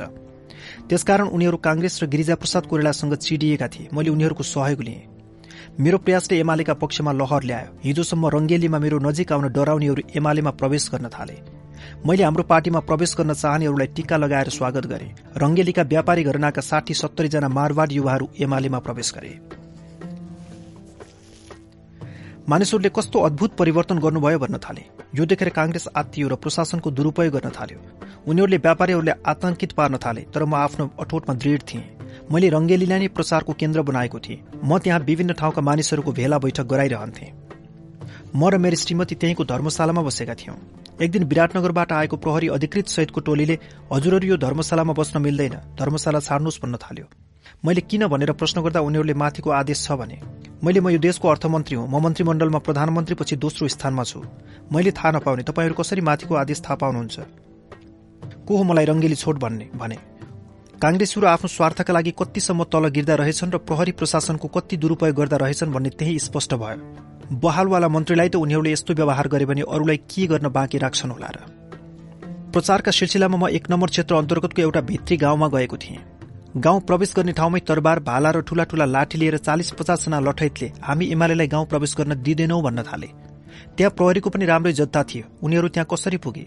मैले थाहा पाइन तर प्रहरीहरू मलाई गाउँ प्रवेश गर्न नदिने उश्रृङ्खल हुललाई केही गर्दैनन्। केवल मन्त्रीज्यूको सुरक्षाका लागि आएका हौ भन्छन्। वास्तवमा उनीहरू हुलदङ्गालाई आठ दिन त्यहाँ आएका रहेछन्। एमालेको नेता देशको अर्थमन्त्रीलाई निर्वाचनमा उम्मेद्वार हुँदा पनि जनतासँग भेट्नै नदिने। कांग्रेसहरू यस्तो निकृष्ट काम पनि गर्दा रहेछन्। कांग्रेससँग जनताको मन रिजाउने कुरा केही थिएन। कुरा र तथ्यबाट जित्न नसक्ने भएपछि मलाई जनता समक्ष पुग्नै नदिन उनीहरूले यस्तो अशोभनीय काम गर्न थाले। चुनावको शुरूमा सद्भावना पार्टीका अध्यक्ष गजेन्द्र नारायण सिंहले एउटा प्रस्ताव राख्नु भएको थियो। चुनावको शुरूमै उहाँले मोरङको क्षेत्र नम्बर एकमा उठेको हाम्रा पार्टीका उम्मेद्वारलाई उम्मेद्वारी फिर्ता गर्न लगाई हामी तपाईँलाई समर्थन गर्छौं। तपाईँहरूले मोरङ सात नम्बरबाट तपाईँको पार्टीका उम्मेद्वारलाई उम्मेद्वारी फिर्ता गर्न लगाई हामीलाई समर्थन गर्नुहोस् भन्ने प्रस्ताव मसँग राख्नु भएको थियो। एउटै मन्त्री परिषदमा भएकाले प्राय भेट भइरहन्थ्यो। गजेन्द्र बाबुले मेरो प्रस्तावमा राम्ररी विचार गर्नुहोस्। यसपटक गिरिजालाई एक नम्बर क्षेत्रबाट हराउन सकिन्छ भनिरहनु भएको थियो। यो कुरा मैले महासचिव र केपी ओलीलाई भनेको थिएँ तर कार्यान्वयन गराउन सकिएन। मोरङ एक नम्बर क्षेत्रमा सद्भावना पार्टीलाई भोट दिने छ सात हजार मतदाता रहेछन्। यिनीहरू कांग्रेससँग ज्यादै चिडिएका थिए। यदि उनीहरूको समर्थन लिन सकेको भए यो मत एमालेमा आउँथ्यो। त्यसबाट हामीले जित्न सक्ने रहेछौं। एक नम्बर क्षेत्रमा गिरिजाको विरोधमा चान्चुन उम्मेद्वार होइन। राष्ट्रिय स्तरकै उम्मेद्वार दिनुपर्छ भनेर पार्टीले मलाई उम्मेद्वार बनायो। तर त्यस अनुरूप अरू काम भने भएन। मलाई उम्मेद्वार बन्नै पर्छ भनी अडान लिने मोरङ जिल्ला कमिटिले क्षेत्र नम्बर एकमा विशेष ध्यान दिन सकेन। गिरिजाप्रसाद कोइरालासँग निर्वाचन हार्नु अस्वाभाविक थिएन। निर्वाचन सम्पन्न भइसकेपछि संसदमा एक दिन डाक्टर प्रकाश चन्द्र लोहनीले प्रधानमन्त्रीका विरूद्ध पनि तपाईँले सोह्र हजार मत ल्याउनु भएछ पाँच छ हजार मात्रै कम हो। यो त तपाईँको जित हो भन्नुभयो। दुई हजार छप्पन्न सालको चुनावको मेरो कथा अझै सकिएको छैन। मैले मोरङ क्षेत्र नम्बर दुईमा प्रचार प्रसार गर्नका लागि जान पाएको थिइनँ। प्रचार प्रसारको सबै काम स्थानीय साथीहरूलाई जिम्मा दिएको थिएँ। साथीहरूले राम्ररी प्रचार प्रसार गर्नुभएको थियो। त्यहाँबाट नेकपा एमाले नजित्ने कुरै थिएन। चुनाव सम्पन्न भयो। मतगणना शुरू हुन थाल्यो। मतगणनाको शुरूआतसँगै मेरो मत धेरै आउन थाल्यो। त्यसपछि काङ्ग्रेसीहरूले उत्पात मचाउन थालिहाले। काङ्ग्रेसका उम्मेद्वार वसन्त भट्टराई मतगणना गर्न नदिने कसरतमा लागे। उनले खुलेया मतदान अधिकृतलाई धम्काउन थाले। प्रहरी प्रशासनले पनि उनैलाई साथ दियो। प्रधानमन्त्रीबाट मतदान अधिकृतलाई। काङ्ग्रेसका उम्मेद्वार वसन्त भट्टराईले विजयी भएको घोषणा गरिदेऊ भरतमान मुद्दा लड्दै गर्छन् नि भनेर फोन गर्नुहुने रहेछ। गिरिजाप्रसाद कोइरालाका आफन्त पर्ने वसन्त भट्टराईले गिरिजाप्रसाद कोइरालालाई मैले अहिले पनि नजित्ने जसरी पनि जित्नै पर्छ भन्दा रहेछन्। त्यसपछि उहाँको फोन आउँदो रहेछ। तर यहाँका मतदान अधिकृत मतगणना गराउँछु जे परिणाम आउँछ त्यही घोषणा गर्छु भनेर अडान लिई बसेका थिए। काङ्ग्रेसीहरूले मतदान अधिकृतलाई लगातार धम्क्याउन थाले। उनीहरू भएन यो चुनावै बदर गर्नुपर्छ मतपट्टिका फाल्नुपर्छ भनेर उफ्रिन थाले। जति गर्दा पनि ती उद्दण्ड काङ्ग्रेसीहरूलाई प्रहरीले नियन्त्रण गर्नै चाहेन।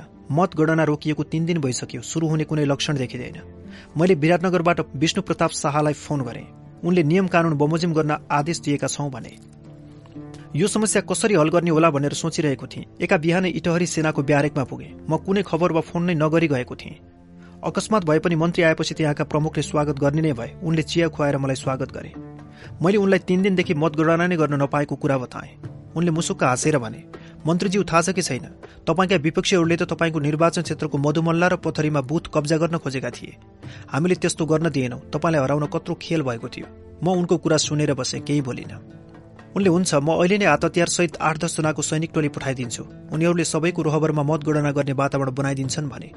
इटहरी ब्यारेकबाट सेना आएपछि हुलदङ्गा गर्न खोज्नेहरू शान्त भए। त्यसपछि मतगणना शुरू भयो र मैले जिते। यो त मेरो क्षेत्रमा काङ्ग्रेसीहरूले गरेको नाङ्गो नाचको एउटा कथा हो। यस्तो निकृष्ट कार्य मेरो क्षेत्रमा मात्र होइन देशका धेरै निर्वाचन क्षेत्रमा भयो। म अर्थमन्त्री स्वयं उम्मेद्वार हुँदा त यस्तो गरियो भने अरू सामान्य उम्मेद्वारलाई काङ्ग्रेसीहरूले कस्तो गरे होला? सहजै अनुमान लगाउन सकिन्छ। मतदान केन्द्रदेखि मतगणनामा समेत धाँधली गर्न कैयौं घटना भए। काङ्ग्रेसको यस्तो व्यवहारले जनतामा संसदीय व्यवस्थाप्रति उदासीनता बढेको हो। चित्त नबुझे जनताले निर्वाचनका माध्यमद्वारा सरकार फेर्न सक्छन् र मन नपराएकालाई हराउन सक्छन् भन्ने धारणा जनतामा हराएपछि संसदीय व्यवस्थाप्रति उनीहरू निराश हुन स्वाभाविक हो। एकातिर पार्टी विभाजन र अर्कोतिर काङ्ग्रेसको यस्तो धाँधलीका बावजुद हाम्रो पार्टीले राम्रो मत पाएको थियो। चुनावकै बीचमा वैशाख पाँच गते मनमोहन दाजु बिरामी हुनुभयो। पार्टीका सबै नेता काठमाडौँ आएर दस दिन जति उहाँको स्वास्थ्य उपचारका क्रममा रोकिनु पर्यो। यसले गर्दा चुनाव प्रचारका लागि समय कम भयो। हाम्रो पार्टीले आगामी प्रधानमन्त्रीका रूपमा अघि सारेका मनमोहन अधिकारीको निधन भएपछि यसबाट पनि प्रतिकूलता नै थपियो। नेकपा एमालेबाट फुटेर बनेको नेकपा माले आफूले जित्नुभन्दा नेकपा एमालेलाई हराउन कम्मर कसेर लाग्यो। मेरो निर्वाचन क्षेत्रमा पनि मालेलाई भोट दिनुहोस्। एमालेलाई नदिने भए काङ्ग्रेसलाई दिनुहोस् तर एमालेलाई नदिनुहोस् भनेर मालेका कार्यकर्ताले प्रचार गरे। हाम्रो पार्टीले नौ स्थानमा कम उम्मेद्वारी पठाएर पनि खसेको कुल मतको तीस दशमलव सात प्रतिशत अर्थात सत्ताइस लाख चौतिस हजार पाँच सय अडसठी मत ल्यायो। दुई सय पाँच स्थानमा उम्मेद्वारी दिएको नेपाली काङ्ग्रेसले छत्तीस दशमलव एक चार प्रतिशत अर्थात बत्तीस लाख चौध हजार सात सय छयासी मत पायो। हामीसँग टुक्रिएर गएको नेकपा माले छ दशमलव चार सात प्रतिशत अर्थात सात लाख मात्र मत पायो। यसले नै के देखाउँछ भने काङ्ग्रेसी धाँधलीलाई रोक्न सकेको भए हामीले कम्तीमा नब्बे स्थानमा सजिलै जित्न सक्थ्यौं। यो कुरा पनि प्रष्ट छ। पार्टी नफुटेको भए नेकपा एमालेको बहुमत आउँथ्यो। त्यसपछि देशको तस्विर नै अर्कै बन्थ्यो। जनताले व्यापक सुधार चाहेका थिए। यसका लागि उनीहरू सत्तामा परिवर्तन चाहन्थे तर काङ्ग्रेसको बहुमत भएको हुँदा तेस्रो प्रतिनिधि सभाबाट पनि उही काङ्ग्रेसी सरकार बन्यो। काङ्ग्रेसले कहिले कृष्णप्रसाद भट्टराई त कहिले गिरिजाप्रसाद कोइरेला अनि कहिले शेरबहादुर देउबालाई प्रधानमन्त्री बनाउने खेलमा लाग्यो। काङ्ग्रेसको आन्तरिक कलहले तेस्रो संविधान सभा असमयमै विघटन भयो। देशले दुर्गामी परिवर्तन खोजेको थियो। काङ्ग्रेसका कारण त्यो हुन पाएन। फलस्वरूप अन्तत संसदीय व्यवस्था नै धरापमा पर्यो।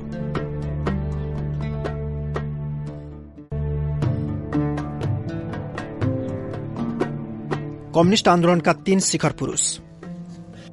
मदन भण्डारी र जीवराज आश्रितको षड्यन्त्रपूर्वक हत्या भएको कुरा मैले माथि चर्चा गरिसकेको छु। यस्तो दुर्घटनाको अनुसन्धान राम्ररी गरियोस् भन्ने हाम्रो पार्टी र आम जनसमुदायको आवाजलाई गिरिजाप्रसाद कोइरालाको सरकारले व्यवस्था गरिरह्यो। यसको विरोध गर्न र उच्चस्तरीय न्यायिक जाँच गराउन हाम्रो पार्टीले देशव्यापी आन्दोलन शुरू गर्यो। यो आन्दोलनमा सक्रिय रूपमा भाग लिन म पूर्वाञ्चल घटिएँ मोरङकी महिला नेत्री गंगा डाँगे लगायत केही नेतालाई साथमा लिई म ठाउँ ठाउँमा आमसभा गर्दै हिँडे। हामी दासटुङ्गा हत्याकाण्डको यथार्थ तस्विर जनतालाई बताउँथ्यौं। यसको गहिराईमा पुगेर अनुसन्धान हुनुपर्छ भन्थ्यौं। हामी जनतालाई आन्दोलनको आवश्यकता र औचित्यका बारेमा बुझाउँथ्यौं। म ठाउँ ठाउँमा मदन भण्डारीले कम्युनिष्ट आन्दोलनमा पुर्याएको योगदानको सविस्तार चर्चा गर्थे। उर्लाबारीको आमसभामा मैले कम्युनिष्ट आन्दोलनले एउटा विश्वासिलो नेता जन्माएको थियो। नेपालको पृष्ठभूमिमा मार्क्सवादको सृजनात्मक विकास गरेर नेपालको कम्युनिष्ट आन्दोलनलाई धेरै माथि उठाउने व्यक्तित्व मदन भण्डारी हुनुहुन्थ्यो। मुलुकले एउटा जल्दो बल्दो विचारक पाएको थियो। त्यस्तो विचारकलाई षड्यन्त्रपूर्वक हत्या गरिएको छ भन्दै बोलेको थिए। अखबारहरूले मैले बोलेका कुरा छापेका थिए। काठमाडौँ फर्केपछि केही साथीहरूले तपाईँ त उर्लाबारीको आमसभामा मदन भण्डारीलाई नेपालको दोस्रो बुद्ध भन्नुभएछ नि भन्नुभयो। वास्तवमा मैले त्यहाँ मदन भण्डारीलाई नेपालको दोस्रो बुद्ध भनेकै थिइनँ। मैले त्यहाँ भनेको कुरा थियो विगत आधा शताब्दीको नेपालको कम्युनिष्ट आन्दोलनले तीन शिखर पुरूष जन्माएको छ। पुष्पलाल मनमोहन र मदन भण्डारी। आज मदन भण्डारी हामीबीच हुनुहुन्न। उहाँको षड्यन्त्रपूर्वक हत्या गरियो। तर सानै उमेरमा पनि मदन भण्डारीले नेपालको कम्युनिष्ट आन्दोलनलाई एउटा उचाइमा पुर्याउनु भयो। पार्टीको सातौं महाधिवेशनले यी तीन नेताहरूलाई आफ्नो ब्यानर बनाएर मौलिक परम्पराको शुरूआत गरेको छ। जनकपुरमा भएको सातौं महाधिवेशनको उद्घाटन समारोह स्थल र बन्द सत्रको हलमा मुख्य ब्यानरमा यी तीन नेताहरूलाई प्रस्तुत गरिएको थियो। यो देखेर भारतीय कम्युनिष्ट पार्टी मार्क्सवादी लेनिनवादीका महासचिव दीपशंकर भट्टाचार्यले मलाई भन्नुभयो। यो तपाईँहरूले धेरै राम्रो गर्नुभयो। दुनियाँले बुझे। नेपाली कम्युनिष्ट आन्दोलनको आफ्नै परम्परा छ आफ्नै नेता छन्। मेरो त यो धेरै अघिदेखिको सोच हो।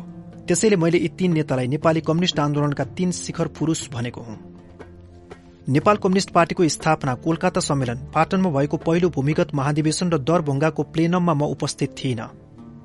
ती बाहेक नेपाल कम्युनिष्ट पार्टीका राष्ट्रिय स्तरका सबै कार्यक्रममा मैले नबिराई भाग लिइरहेको छु। मैले पुष्पलाल तुलसीलाल मनमोहन मदन भण्डारी मोहन विक्रम सिंह निर्मल लामा नरबहादुर कर्माचार्य देवेन्द्रलाल काइलाबा शम्भुराम श्रेष्ठ लगायत धेरैजसो चर्चित नेताहरूसँग एउटै कमिटीमा बसेर काम गरेको छु।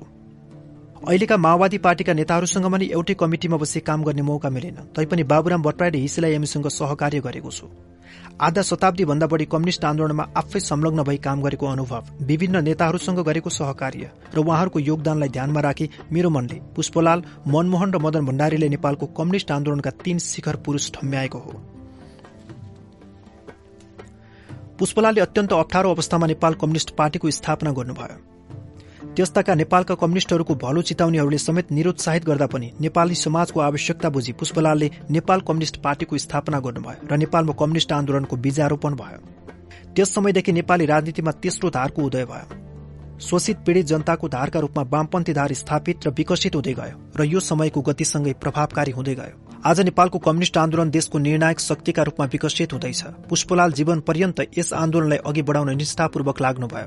यही योगदानका कारण उहाँ सधैँभरि नेपाली कम्युनिष्टका लागि प्रेरणाको स्रोत भइरहनुहुनेछ। मनमोहन अधिकारीले आफ्नो जीवनको झण्डै छ दशक लामो राजनैतिक यात्रामा कम्युनिष्ट आन्दोलनलाई अघि बढाउन निष्ठापूर्वक काम गर्नुभयो। भारतको स्वतन्त्रता संग्रामबाट आफ्नो राजनैतिक यात्रा शुरू गर्नुभएका मनमोहन अधिकारीले नेपालको पहिलो जनआन्दोलनका रूपमा स्थापित विराटनगरको मजदूर आन्दोलनको नेतृत्व गर्नुभयो। उहाँले नेपाली धरतीमा कम्युनिष्ट आन्दोलनलाई चिनाउनुभयो मनमोहन अधिकारी नेपाल कम्युनिष्ट पार्टीको पहिलो महाधिवेशनबाट निर्वाचित महासचिव र नेपालको पहिलो जननिर्वाचित कम्युनिष्ट प्रधानमन्त्री हुनुभयो। उहाँलाई नेपालको कम्युनिष्ट आन्दोलनले जहिले पनि शिखरमा राख्यो। सधैँ कम्युनिष्ट आदर्शप्रति निष्ठापूर्वक समर्पित भई मनमोहन अधिकारीले आफ्नो लामो राजनैतिक यात्राका क्रममा निरङ्कुश राणाशाही र निर्दलीय पञ्चायती व्यवस्थाका विरूद्ध अविराम संघर्ष गर्नुभयो। उहाँले नेपालका शोषित पीड़ित जनताको हक अधिकार प्राप्ति र प्रजातन्त्रको आन्दोलनलाई अघि बढाउनु भयो। नेपालको कम्युनिष्ट आन्दोलनलाई नेपाली जनतामाझ लोकप्रिय बनाउनु भयो। विदेशमा नेपाल कम्युनिष्ट पार्टीको प्रतिष्ठा बढाउनु भयो। मदन कुमार भण्डारी आफ्ना अग्रज नेताहरूभन्दा कम बाँच्नुभयो तर उहाँले अल्पायुमै नेपालको कम्युनिष्ट आन्दोलनलाई ठूलो गुण लगाउनु भएको छ। उहाँले जनताको बहुदलीय जनवादको कार्यक्रम र यसको कार्यनीति प्रतिपादन गर्दै आजको सन्दर्भमा नेपालको कम्युनिष्ट आन्दोलनलाई कसरी अगाडि बढाउन सकिन्छ भनेर नयाँ सोच अघि सार्नुभयो। मूलत उहाँकै योगदानले नेकपा एमाले नेपालमा सबैभन्दा ठूलो पार्टीका रूपमा स्थापित भएको छ। उहाँ नेपाली जनतामा अत्यधिक लोकप्रिय हुनुहुन्थ्यो। उहाँ असाधारण प्रतिभाको धनी हुनुहुन्थ्यो। वास्तवमा यस्तो व्यक्तिलाई अल्पायुमा गुमाउनु पर्दा नेपालको कम्युनिष्ट आन्दोलनलाई ठूलो क्षति पुगेको छ। पुष्पलाल मनमोहन र मदन भण्डारी तिनैजनाको आफ्नै विशिष्ट व्यक्तित्व खुबी र योगदानले नेपालको कम्युनिष्ट आन्दोलनलाई आज यो उचाइमा पुर्याएको हो। त्यसैले उहाँहरू नेपालको कम्युनिष्ट आन्दोलनका शिखर पुरुषका रूपमा हुनुहुन्छ र सधैँ रहिरहनुहुनेछ भन्ने मेरो विश्वास छ।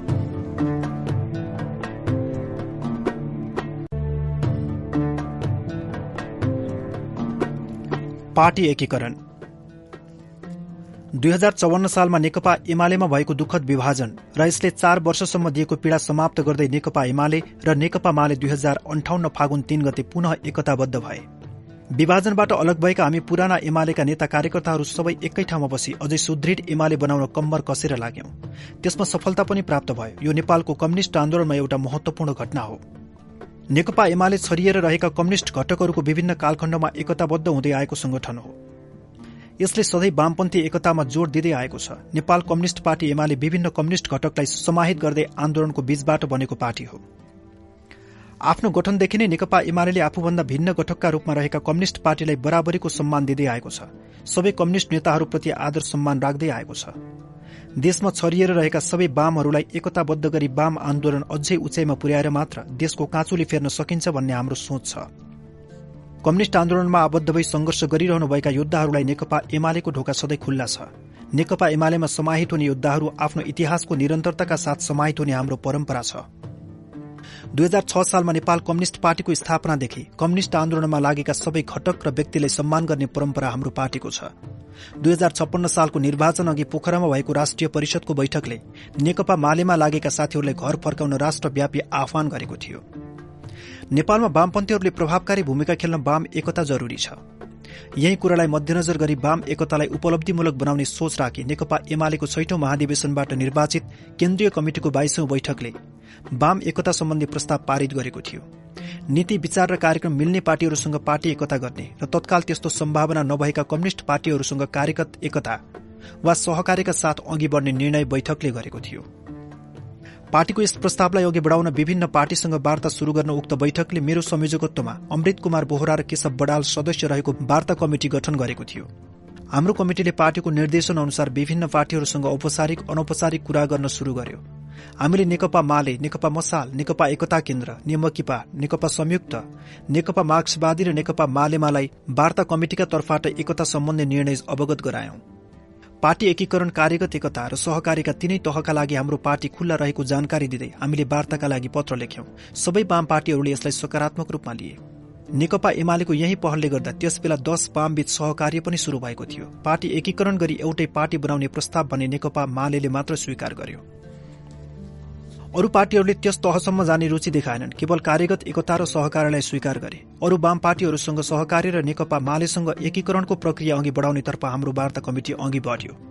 नेकपा माले पनि सिद्धिलाल सिंहको संयोजकत्वमा अशोक राई र त्रिलोचन ढकाल रहेको तीन सदस्यीय वार्ता टोली बनायो। दुवै वार्ता टोलीबीच वार्ता शुरू भयो। हामीले दुवै पार्टीबीच समानताको भावलाई समान गर्ने दृष्टिले दुवै पार्टीको केन्द्रीय कार्यालयमा आलो पालो गरी वार्ता गर्ने निर्णय गर्यौं। तीन चरणमा वार्ता भयो तर वार्ताले केही फल निकाल्न सकेन। एकता हुने ठूलो आकांक्षा हुँदाहुँदै पनि वार्ता अघि बढ्न सकेको थिएन। मालेका साथीहरूले विभिन्न लिखित प्रस्ताव ल्याउनुहुन्थ्यो तर हाम्रो बारम्बारको आग्रह थियो दुवै पार्टी मार्क्सवाद लेनिनवाद प्रति प्रतिबद्ध छौं। पाँचौं महाधिवेशनले अघि सारेको जनताको बहुदलीय जनवादमाथि हामी दुवै पार्टीको आस्था छ।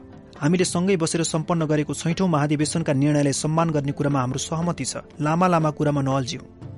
केही विषयमा छिनोफानो गर्न जरूरी छ भने छुट्टै हुन गइरहेको सातौं महाधिवेशनमा टुङ्गो लगाउला।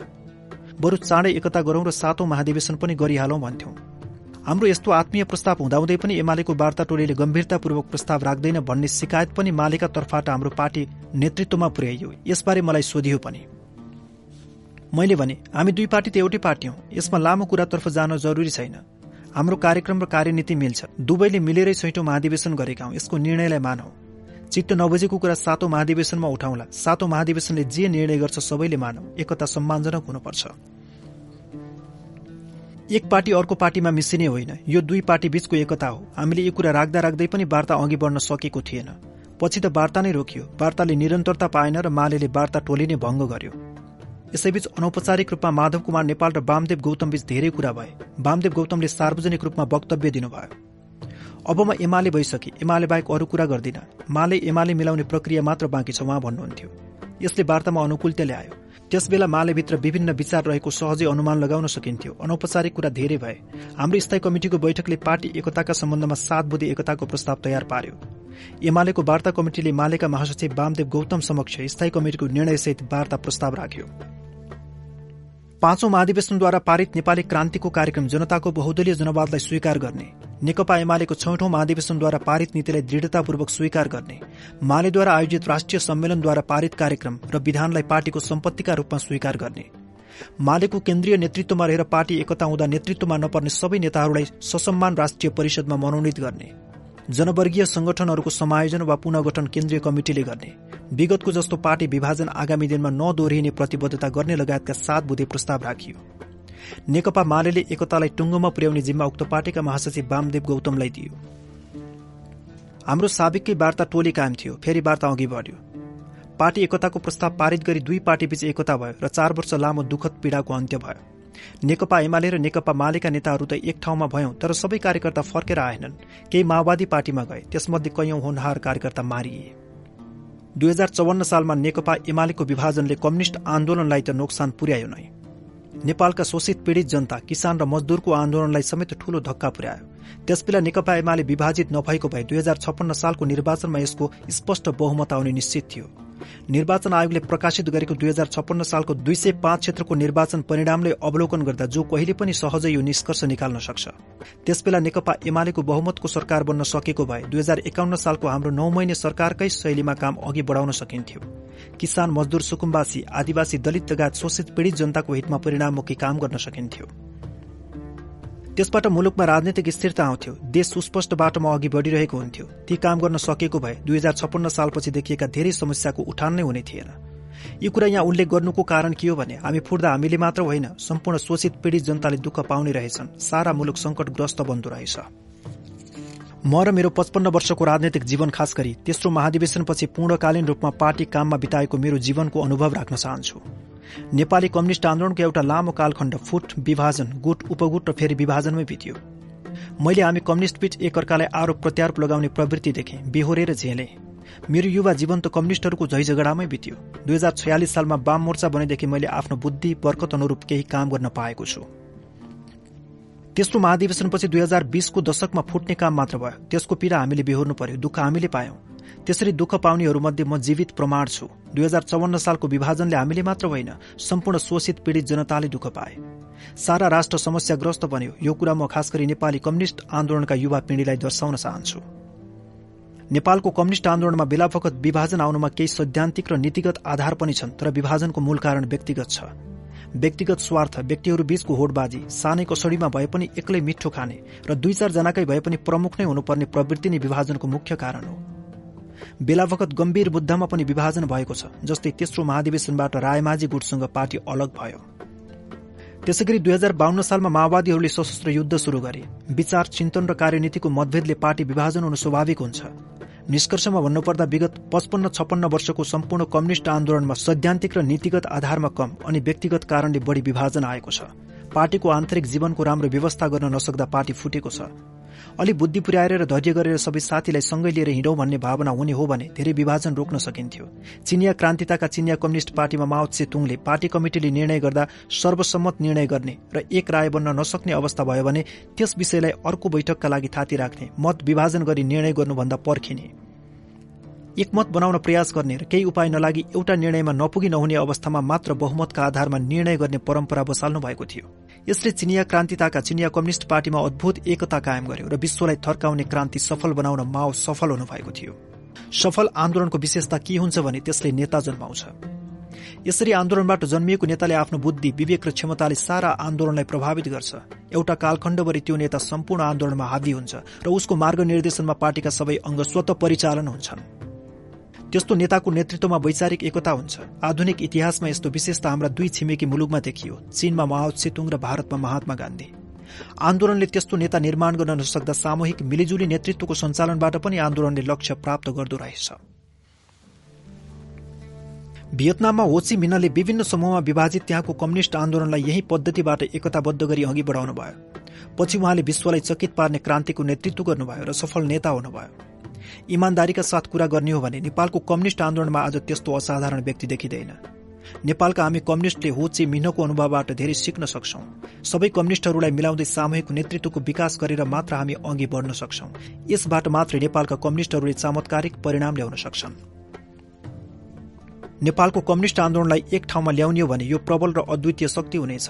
दुई हजार छयालिस सालमा वाम मोर्चा बनाउँदा यसले देशभरका कम्युनिष्टहरूमा नयाँ उत्साह जगाएको थियो र नेपालमा पहिलोपटक राष्ट्रको प्रभावकारी शक्तिको रूपमा वाम मोर्चा उभिएको थियो।